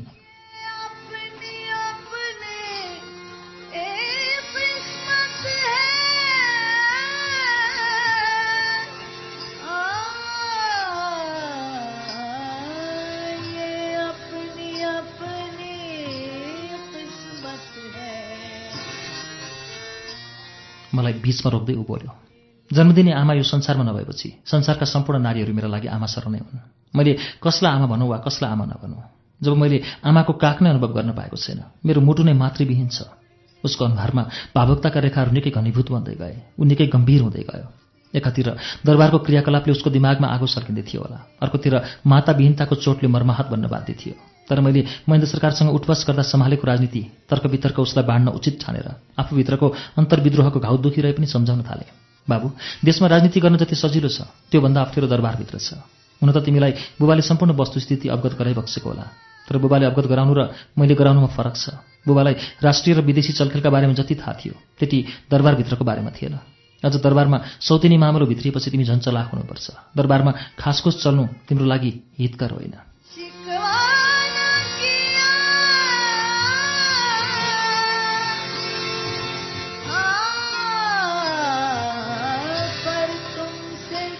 मैले उसलाई धेरै कुराहरू अवगत गराएँ कहानी सुनाएँ उसले सुनिरह्यो तर एक शब्द पनि बोलेन।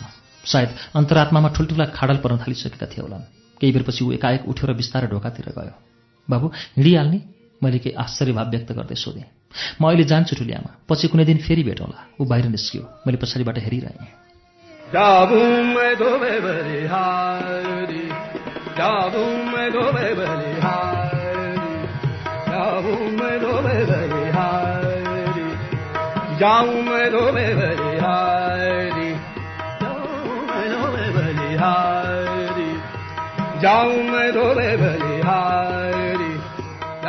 केही दिनपछि फेरि वीरेन्द्र हाम्रो घरमा आयो। हुन त वीरेन्द्र कति बेला हाम्रो घरमा पसेको थियो मलाई थाहै भएन। सायद रविन्द्रसँग फोनबाट नै कुरो मिलाएको थियो होला वा बाटो परेर बसेको थियो। ऊ भित्र कोठामा रविन्द्रसँग गफ गर्दै थियो। मैले बाहिरैबाट सुनेँ। वीरेन्द्रले भन्यो आफूलाई बुबाबाट निकै अन्याय गरे जस्तो लाग्छ। कहाँबाट आयो आफूलाई यो शङ्का अहिले? रविन्द्र र वीरेन्द्र आपसमा भेट हुँदा एकअर्कालाई आफू भनेर सम्बोधन गर्थे। रविन्द्र जेठो भए पनि भित्रियाको कोखबाट जन्मिएकोले वीरेन्द्रले रविन्द्रलाई कहिले हजुर भनी बक्सियोस् भनेन। त्यस्तै राजा भए पनि उमेरमा भाइ भएकोले रविन्द्रले वीरेन्द्रलाई सरकार महाराजा कहिले भनेन। तिनीहरूको भेटघाट कमै हुन्थ्यो। उनीहरू टाढै रहन चाहन्थे। भेटहाप भइहाले पनि बोलीचालीमा निखारताको आवाज आउँदैन थियो। तर आज वीरेन्द्रको बोलीमा देखिएका उत्साह र जाँगरले मेरो मानसिकतामा हलचल ल्याइदियो। म छक्क परेँ। आज ऊ निकै खुलेको थियो। उसले गम्भीर भएर उत्तर दियो। शङ्का परिस्थितिले ल्यायो वातावरणले उब्जायो। शुभराज्य विश्वको उपलक्ष्यमा आफूलाई देखिनँ मुमालाई पनि देखिनँ। त्यति मात्र नभई आफूहरूलाई विध्वंसकारी अपराध लागेछ। मैले त पछि थाहा पाएँ। अझ सबैभन्दा चित्त दुख्ने कुरा आफूलाई आफ्नै जन्मदिनी बुबाले शङ्काको घेरामा राखिबक्सेको रहेछ दुःख दिइबक्सेको रहेछ। बुबाले गरेको गल्तीप्रति म क्षमा चाहन्छु।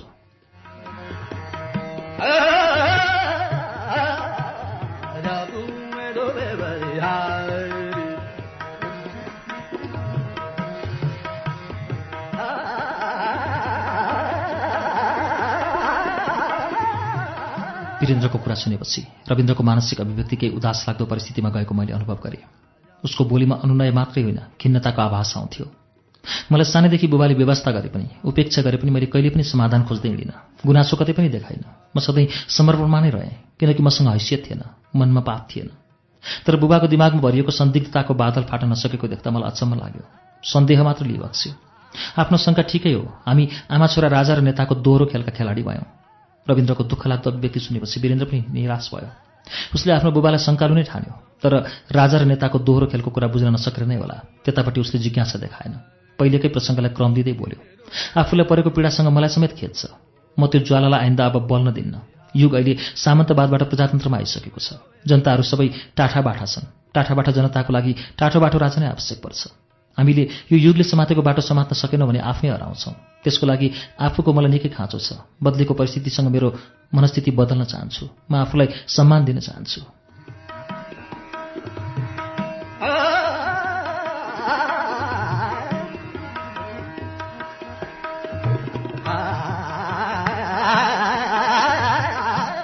मेरो खाँचो यो देशलाई परेको छ।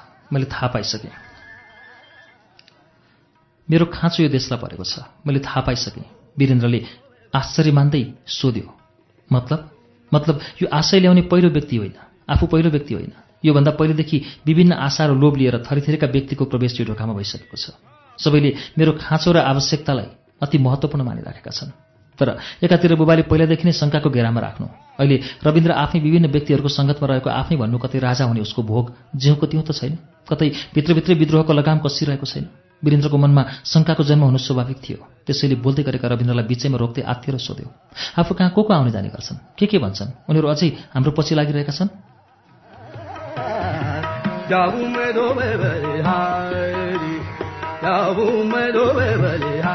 वीरेन्द्रको हतारिएको प्रश्न सुने पनि रविन्द्र कति विचलित भएन। बसिरहेको ठाउँबाट उठ्यो र नराम्रोसँग अनुहार बिगार्यो।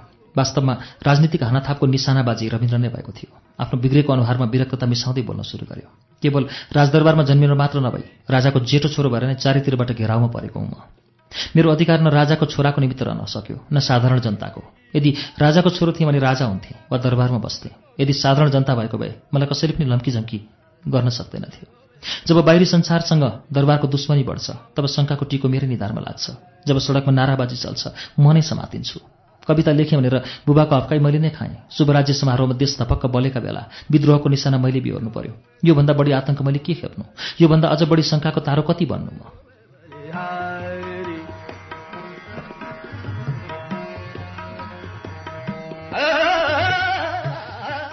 रविन्द्रको गहिरो अभिव्यक्ति सुनेपछि वीरेन्द्रले लामो सास फेर्यो र टाउको सिरिङतिर फर्कायो। नतमस्तक हुँदै बोल्यो त्यो अतीतको तितोलाई वर्तमानमा ल्याएर मसँग मन भाँच्न खोज्नु मुनासिब होइन धेरै गल्तीहरू ठुला बडाले नै गर्छन्। त्यसको खोट सानालाई लगाउन प्रत्यक्ष प्रयत्न गरिन्छ। प्रकृतिको नियम हो यो तर त्यो गल्तीमा सुधार आउनुपर्छ। दाई भाइको समझदारी नै सबभन्दा उत्तम माध्यम हो। मलाई आफूको नितान्त खाँचो छ। वीरेन्द्रको कुरा सुन्दा लाग्थ्यो। उसलाई कसैले कान भरेर पठाएको छ। उसले सोच्नुपर्ने राजनीतिक सन्तुलनमा कसैले मिल्दोजुल्दो बान्की लगाएका छन् र आफ्नो शासनकालमा आइपर्न सक्ने सम्भावित दुर्घटनाको ऊ पहिल्यै समाधान खोजिरहेको छ। ऊ घटनाको पुनरावृत्ति गर्न चाहँदैन। मैले ढोकामा उभिएर उनीहरूको कुरा सुनेको धेरै बेर नै भएको थियो। उनीहरू गफ परिवर्तन गरी गरी निकै गहिराईसम्म बहकिँदै थिए। तर मैले धेरै बेर उभिन उपयुक्त ठानिनँ र बिस्तारै ढोका धक्लेर भित्र बसेँ। अनि रविन्द्रकै छेउमा बसेँ।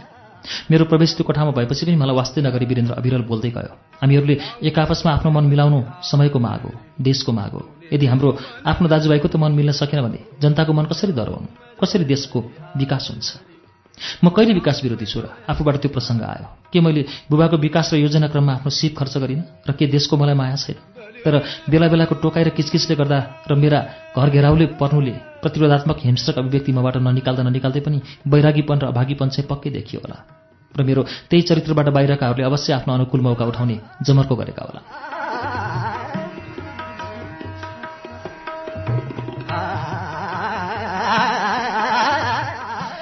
वीरेन्द्र निधार उज्यालो बनाउँदै बोल्यो। अब आइन्दा यस्तो असभ्य व्यवहार र सोचाइको सम्झना नगरे पनि हुन्छ। अबको युग विकास र विश्वास र भरोसाको युग हो। यो विश्वास मेरो कानमा परेको तेस्रो पटक हो। रविन्द्र भाविवर हुँदै बोल्न थाल्यो। एकपल्ट होइन दुईपल्ट होइन। दुईपल्टसम्म नै बुबा हजुरले मेरो अगाडि मतमताउँदो अनुहार लिएर तिनै शब्दहरू दोहोऱ्याउनु भएको थियो। रविन्द्र देश आफ्नो बनाउनुपर्छ। मैले अरूको पछि लागेर तँलाई शङ्काले हेरेँ। त्यति बेला बुबाको बोलीबाट नै म उहाँप्रति वफादार भन्दै आएँ। तर अब भत्केको विश्वास हृदयले सितिमिति सजिलैसँग सन्तोष मान्न सक्दैन। धेरैपल्ट नै मलाई धोका भयो। दरबारबाट आउने व्यक्ति होस् वा सडकबाट आउने नेता मेरो आँखाहरू अगाडिबाट होइन पछाडिबाट अध्ययन गर्न बाध्य छन्। किनकि मेरो अगाडि सबै सत्य ढाकिन्छन्। असत्य मात्र देखा पर्छ। त्यो पनि यिनै व्यक्तिगत निहित स्वार्थको लागि। यो संसार नै मतलबी छ।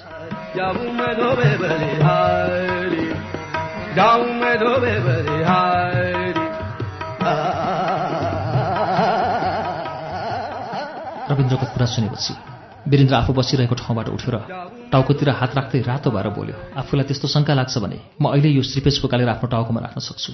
के म आफूलाई उचाल्न र पछार्न आएको जस्तो लाग्छ? आफूले मलाई विश्वास नगर्ने? बिचरा रविन्द्र डरले थर्र काम्यो। अहिले नै श्रीपेज पहिराइहाल्छु जस्तो ऊ साँच्चै डराएर हतारिँदै बोल्यो चाहिँदैन चाहिँदैन मलाई श्रीपेज चाहिँदैन मैले खोजेको होइन।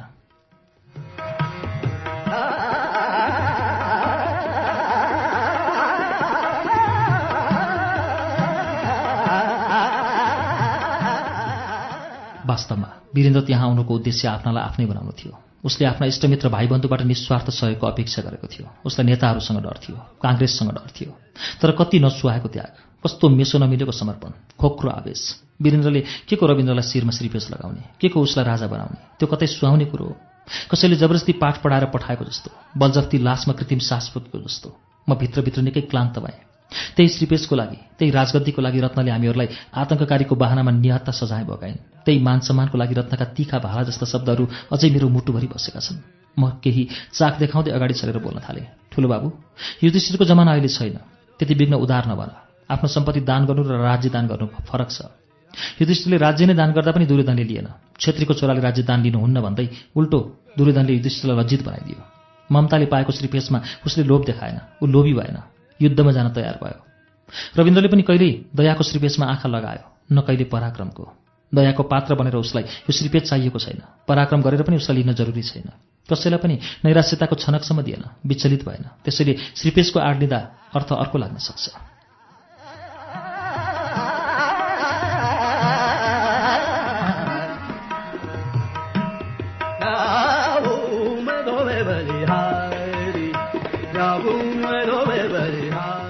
बाहिरबाट हेर्दा वीरेन्द्र बोधो र लम्फू देखिए पनि।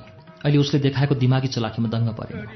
ऊ निकै गहिरो थियो तिखो थियो। धेरै बेर ट्वाल्न परेर हेरेपछि आँखाको नानी चम्काउँदै बोल्न थाल्यो। वास्तविकता थाहा पाएपछि म पनि खिन्न भएँ। दरबारमा जन्मिएको हुर्केको आफूले त्यतिसम्म शास्ति पाएको मलाई पत्तै भएन। म सानै थिएँ। मैले भाविवर हुँदै बोलेँ बाबु तिमी जन्मनासाथ राजा भएर जन्मियौ। सुन चाँदीका थाल कचौरामा तिम्रो भोज भयो। जहाज मोटर तिम्रो खेलौना भए। तिमी देशको राजा हौ। तर राजाको अगाडि पछाडि सधैँ दुश्मन हुन्छन्। तिमीले गोली र बोली दुवै सहनुपर्छ। छलकपटको सामना गर्नुपर्छ। त्यो तिम्रो शरीरसँग पछि लाग्ने छाया जस्तै हो। तर यो रविन्द्र निहत्था शङ्का र पीडामा बाँचिरहेको छ। यो धरती नै उसको लागि अभिशाप भइरहेको छ। गर्भबाट नै कुण्ठा हिंता र नाङ्गो चित्कार बोकेर आयो। ठुलो भएपछि पनि कतैबाट पनि विचार र विवेक पाउन सकेन। यसको थाप्लोमा परेको थिसाई र वज्रले म समेत हैरान भएँ। कुनै नौला मानिस आँगनमा उभियो भने पनि मृत्यु नै आएको जस्तो लाग्छ। नौलो स्वर सुने पनि कानले बोलाएको जस्तो लाग्छ। मैले सबै कुरा बुझेँ। र अब आइन्दा त्यस्तो त्रास र भूतको सामना गर्नु पर्दैन भने भन्दै वीरेन्द्र सरासर ढोकातिर गयो। हामीहरूले उसलाई हेरिरह्यौँ।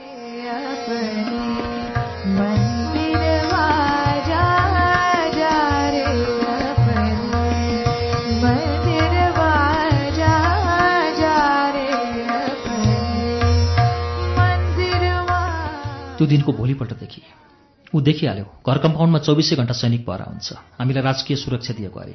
गीता दिजूले मुख फ्यास्स पार्दै बोल्दै गइन् म सुन्दै गएँ। छोराको नाम अगाडि राजकुमार जोडिएको छ। त्यो पनि हामीलाई आवश्यक परेका वस्तुहरू होइनन्। हामीलाई के सुरक्षा चाहियो? दरबार बाहिरका महारानीलाई के को सुरक्षा? सुरक्षा त दरबारलाई नै चाहियो नि जहाँ छल्कपट छ जहाँ अन्याय अत्याचार अविश्वास छ।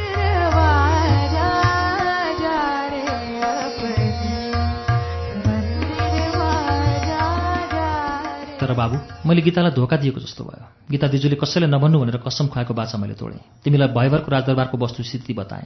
यो कुरा माथि पुग्यो भने के हुन्छ होला? मलाई त निकै अप्ठ्यारो पो पर्छ। गीता शाहको राम कहानी सुनिसकेपछि लक्ष्मी दिदी जुरुक्क उठिन्। म के तपाईँलाई अप्ठ्यारो पार्ने काम गरौँला? ढुक्क हुनुहोस्। मलाई डर छैन र म पनि उठेँ। कसैलाई पनि सुनाउँदिनँ भनेर पूर्ण रूपमा आश्वासन दिलाए पनि अन्तत्वगत्ता यो सत्य कथा उपन्यास भएर बाहिर आइछाड्यो।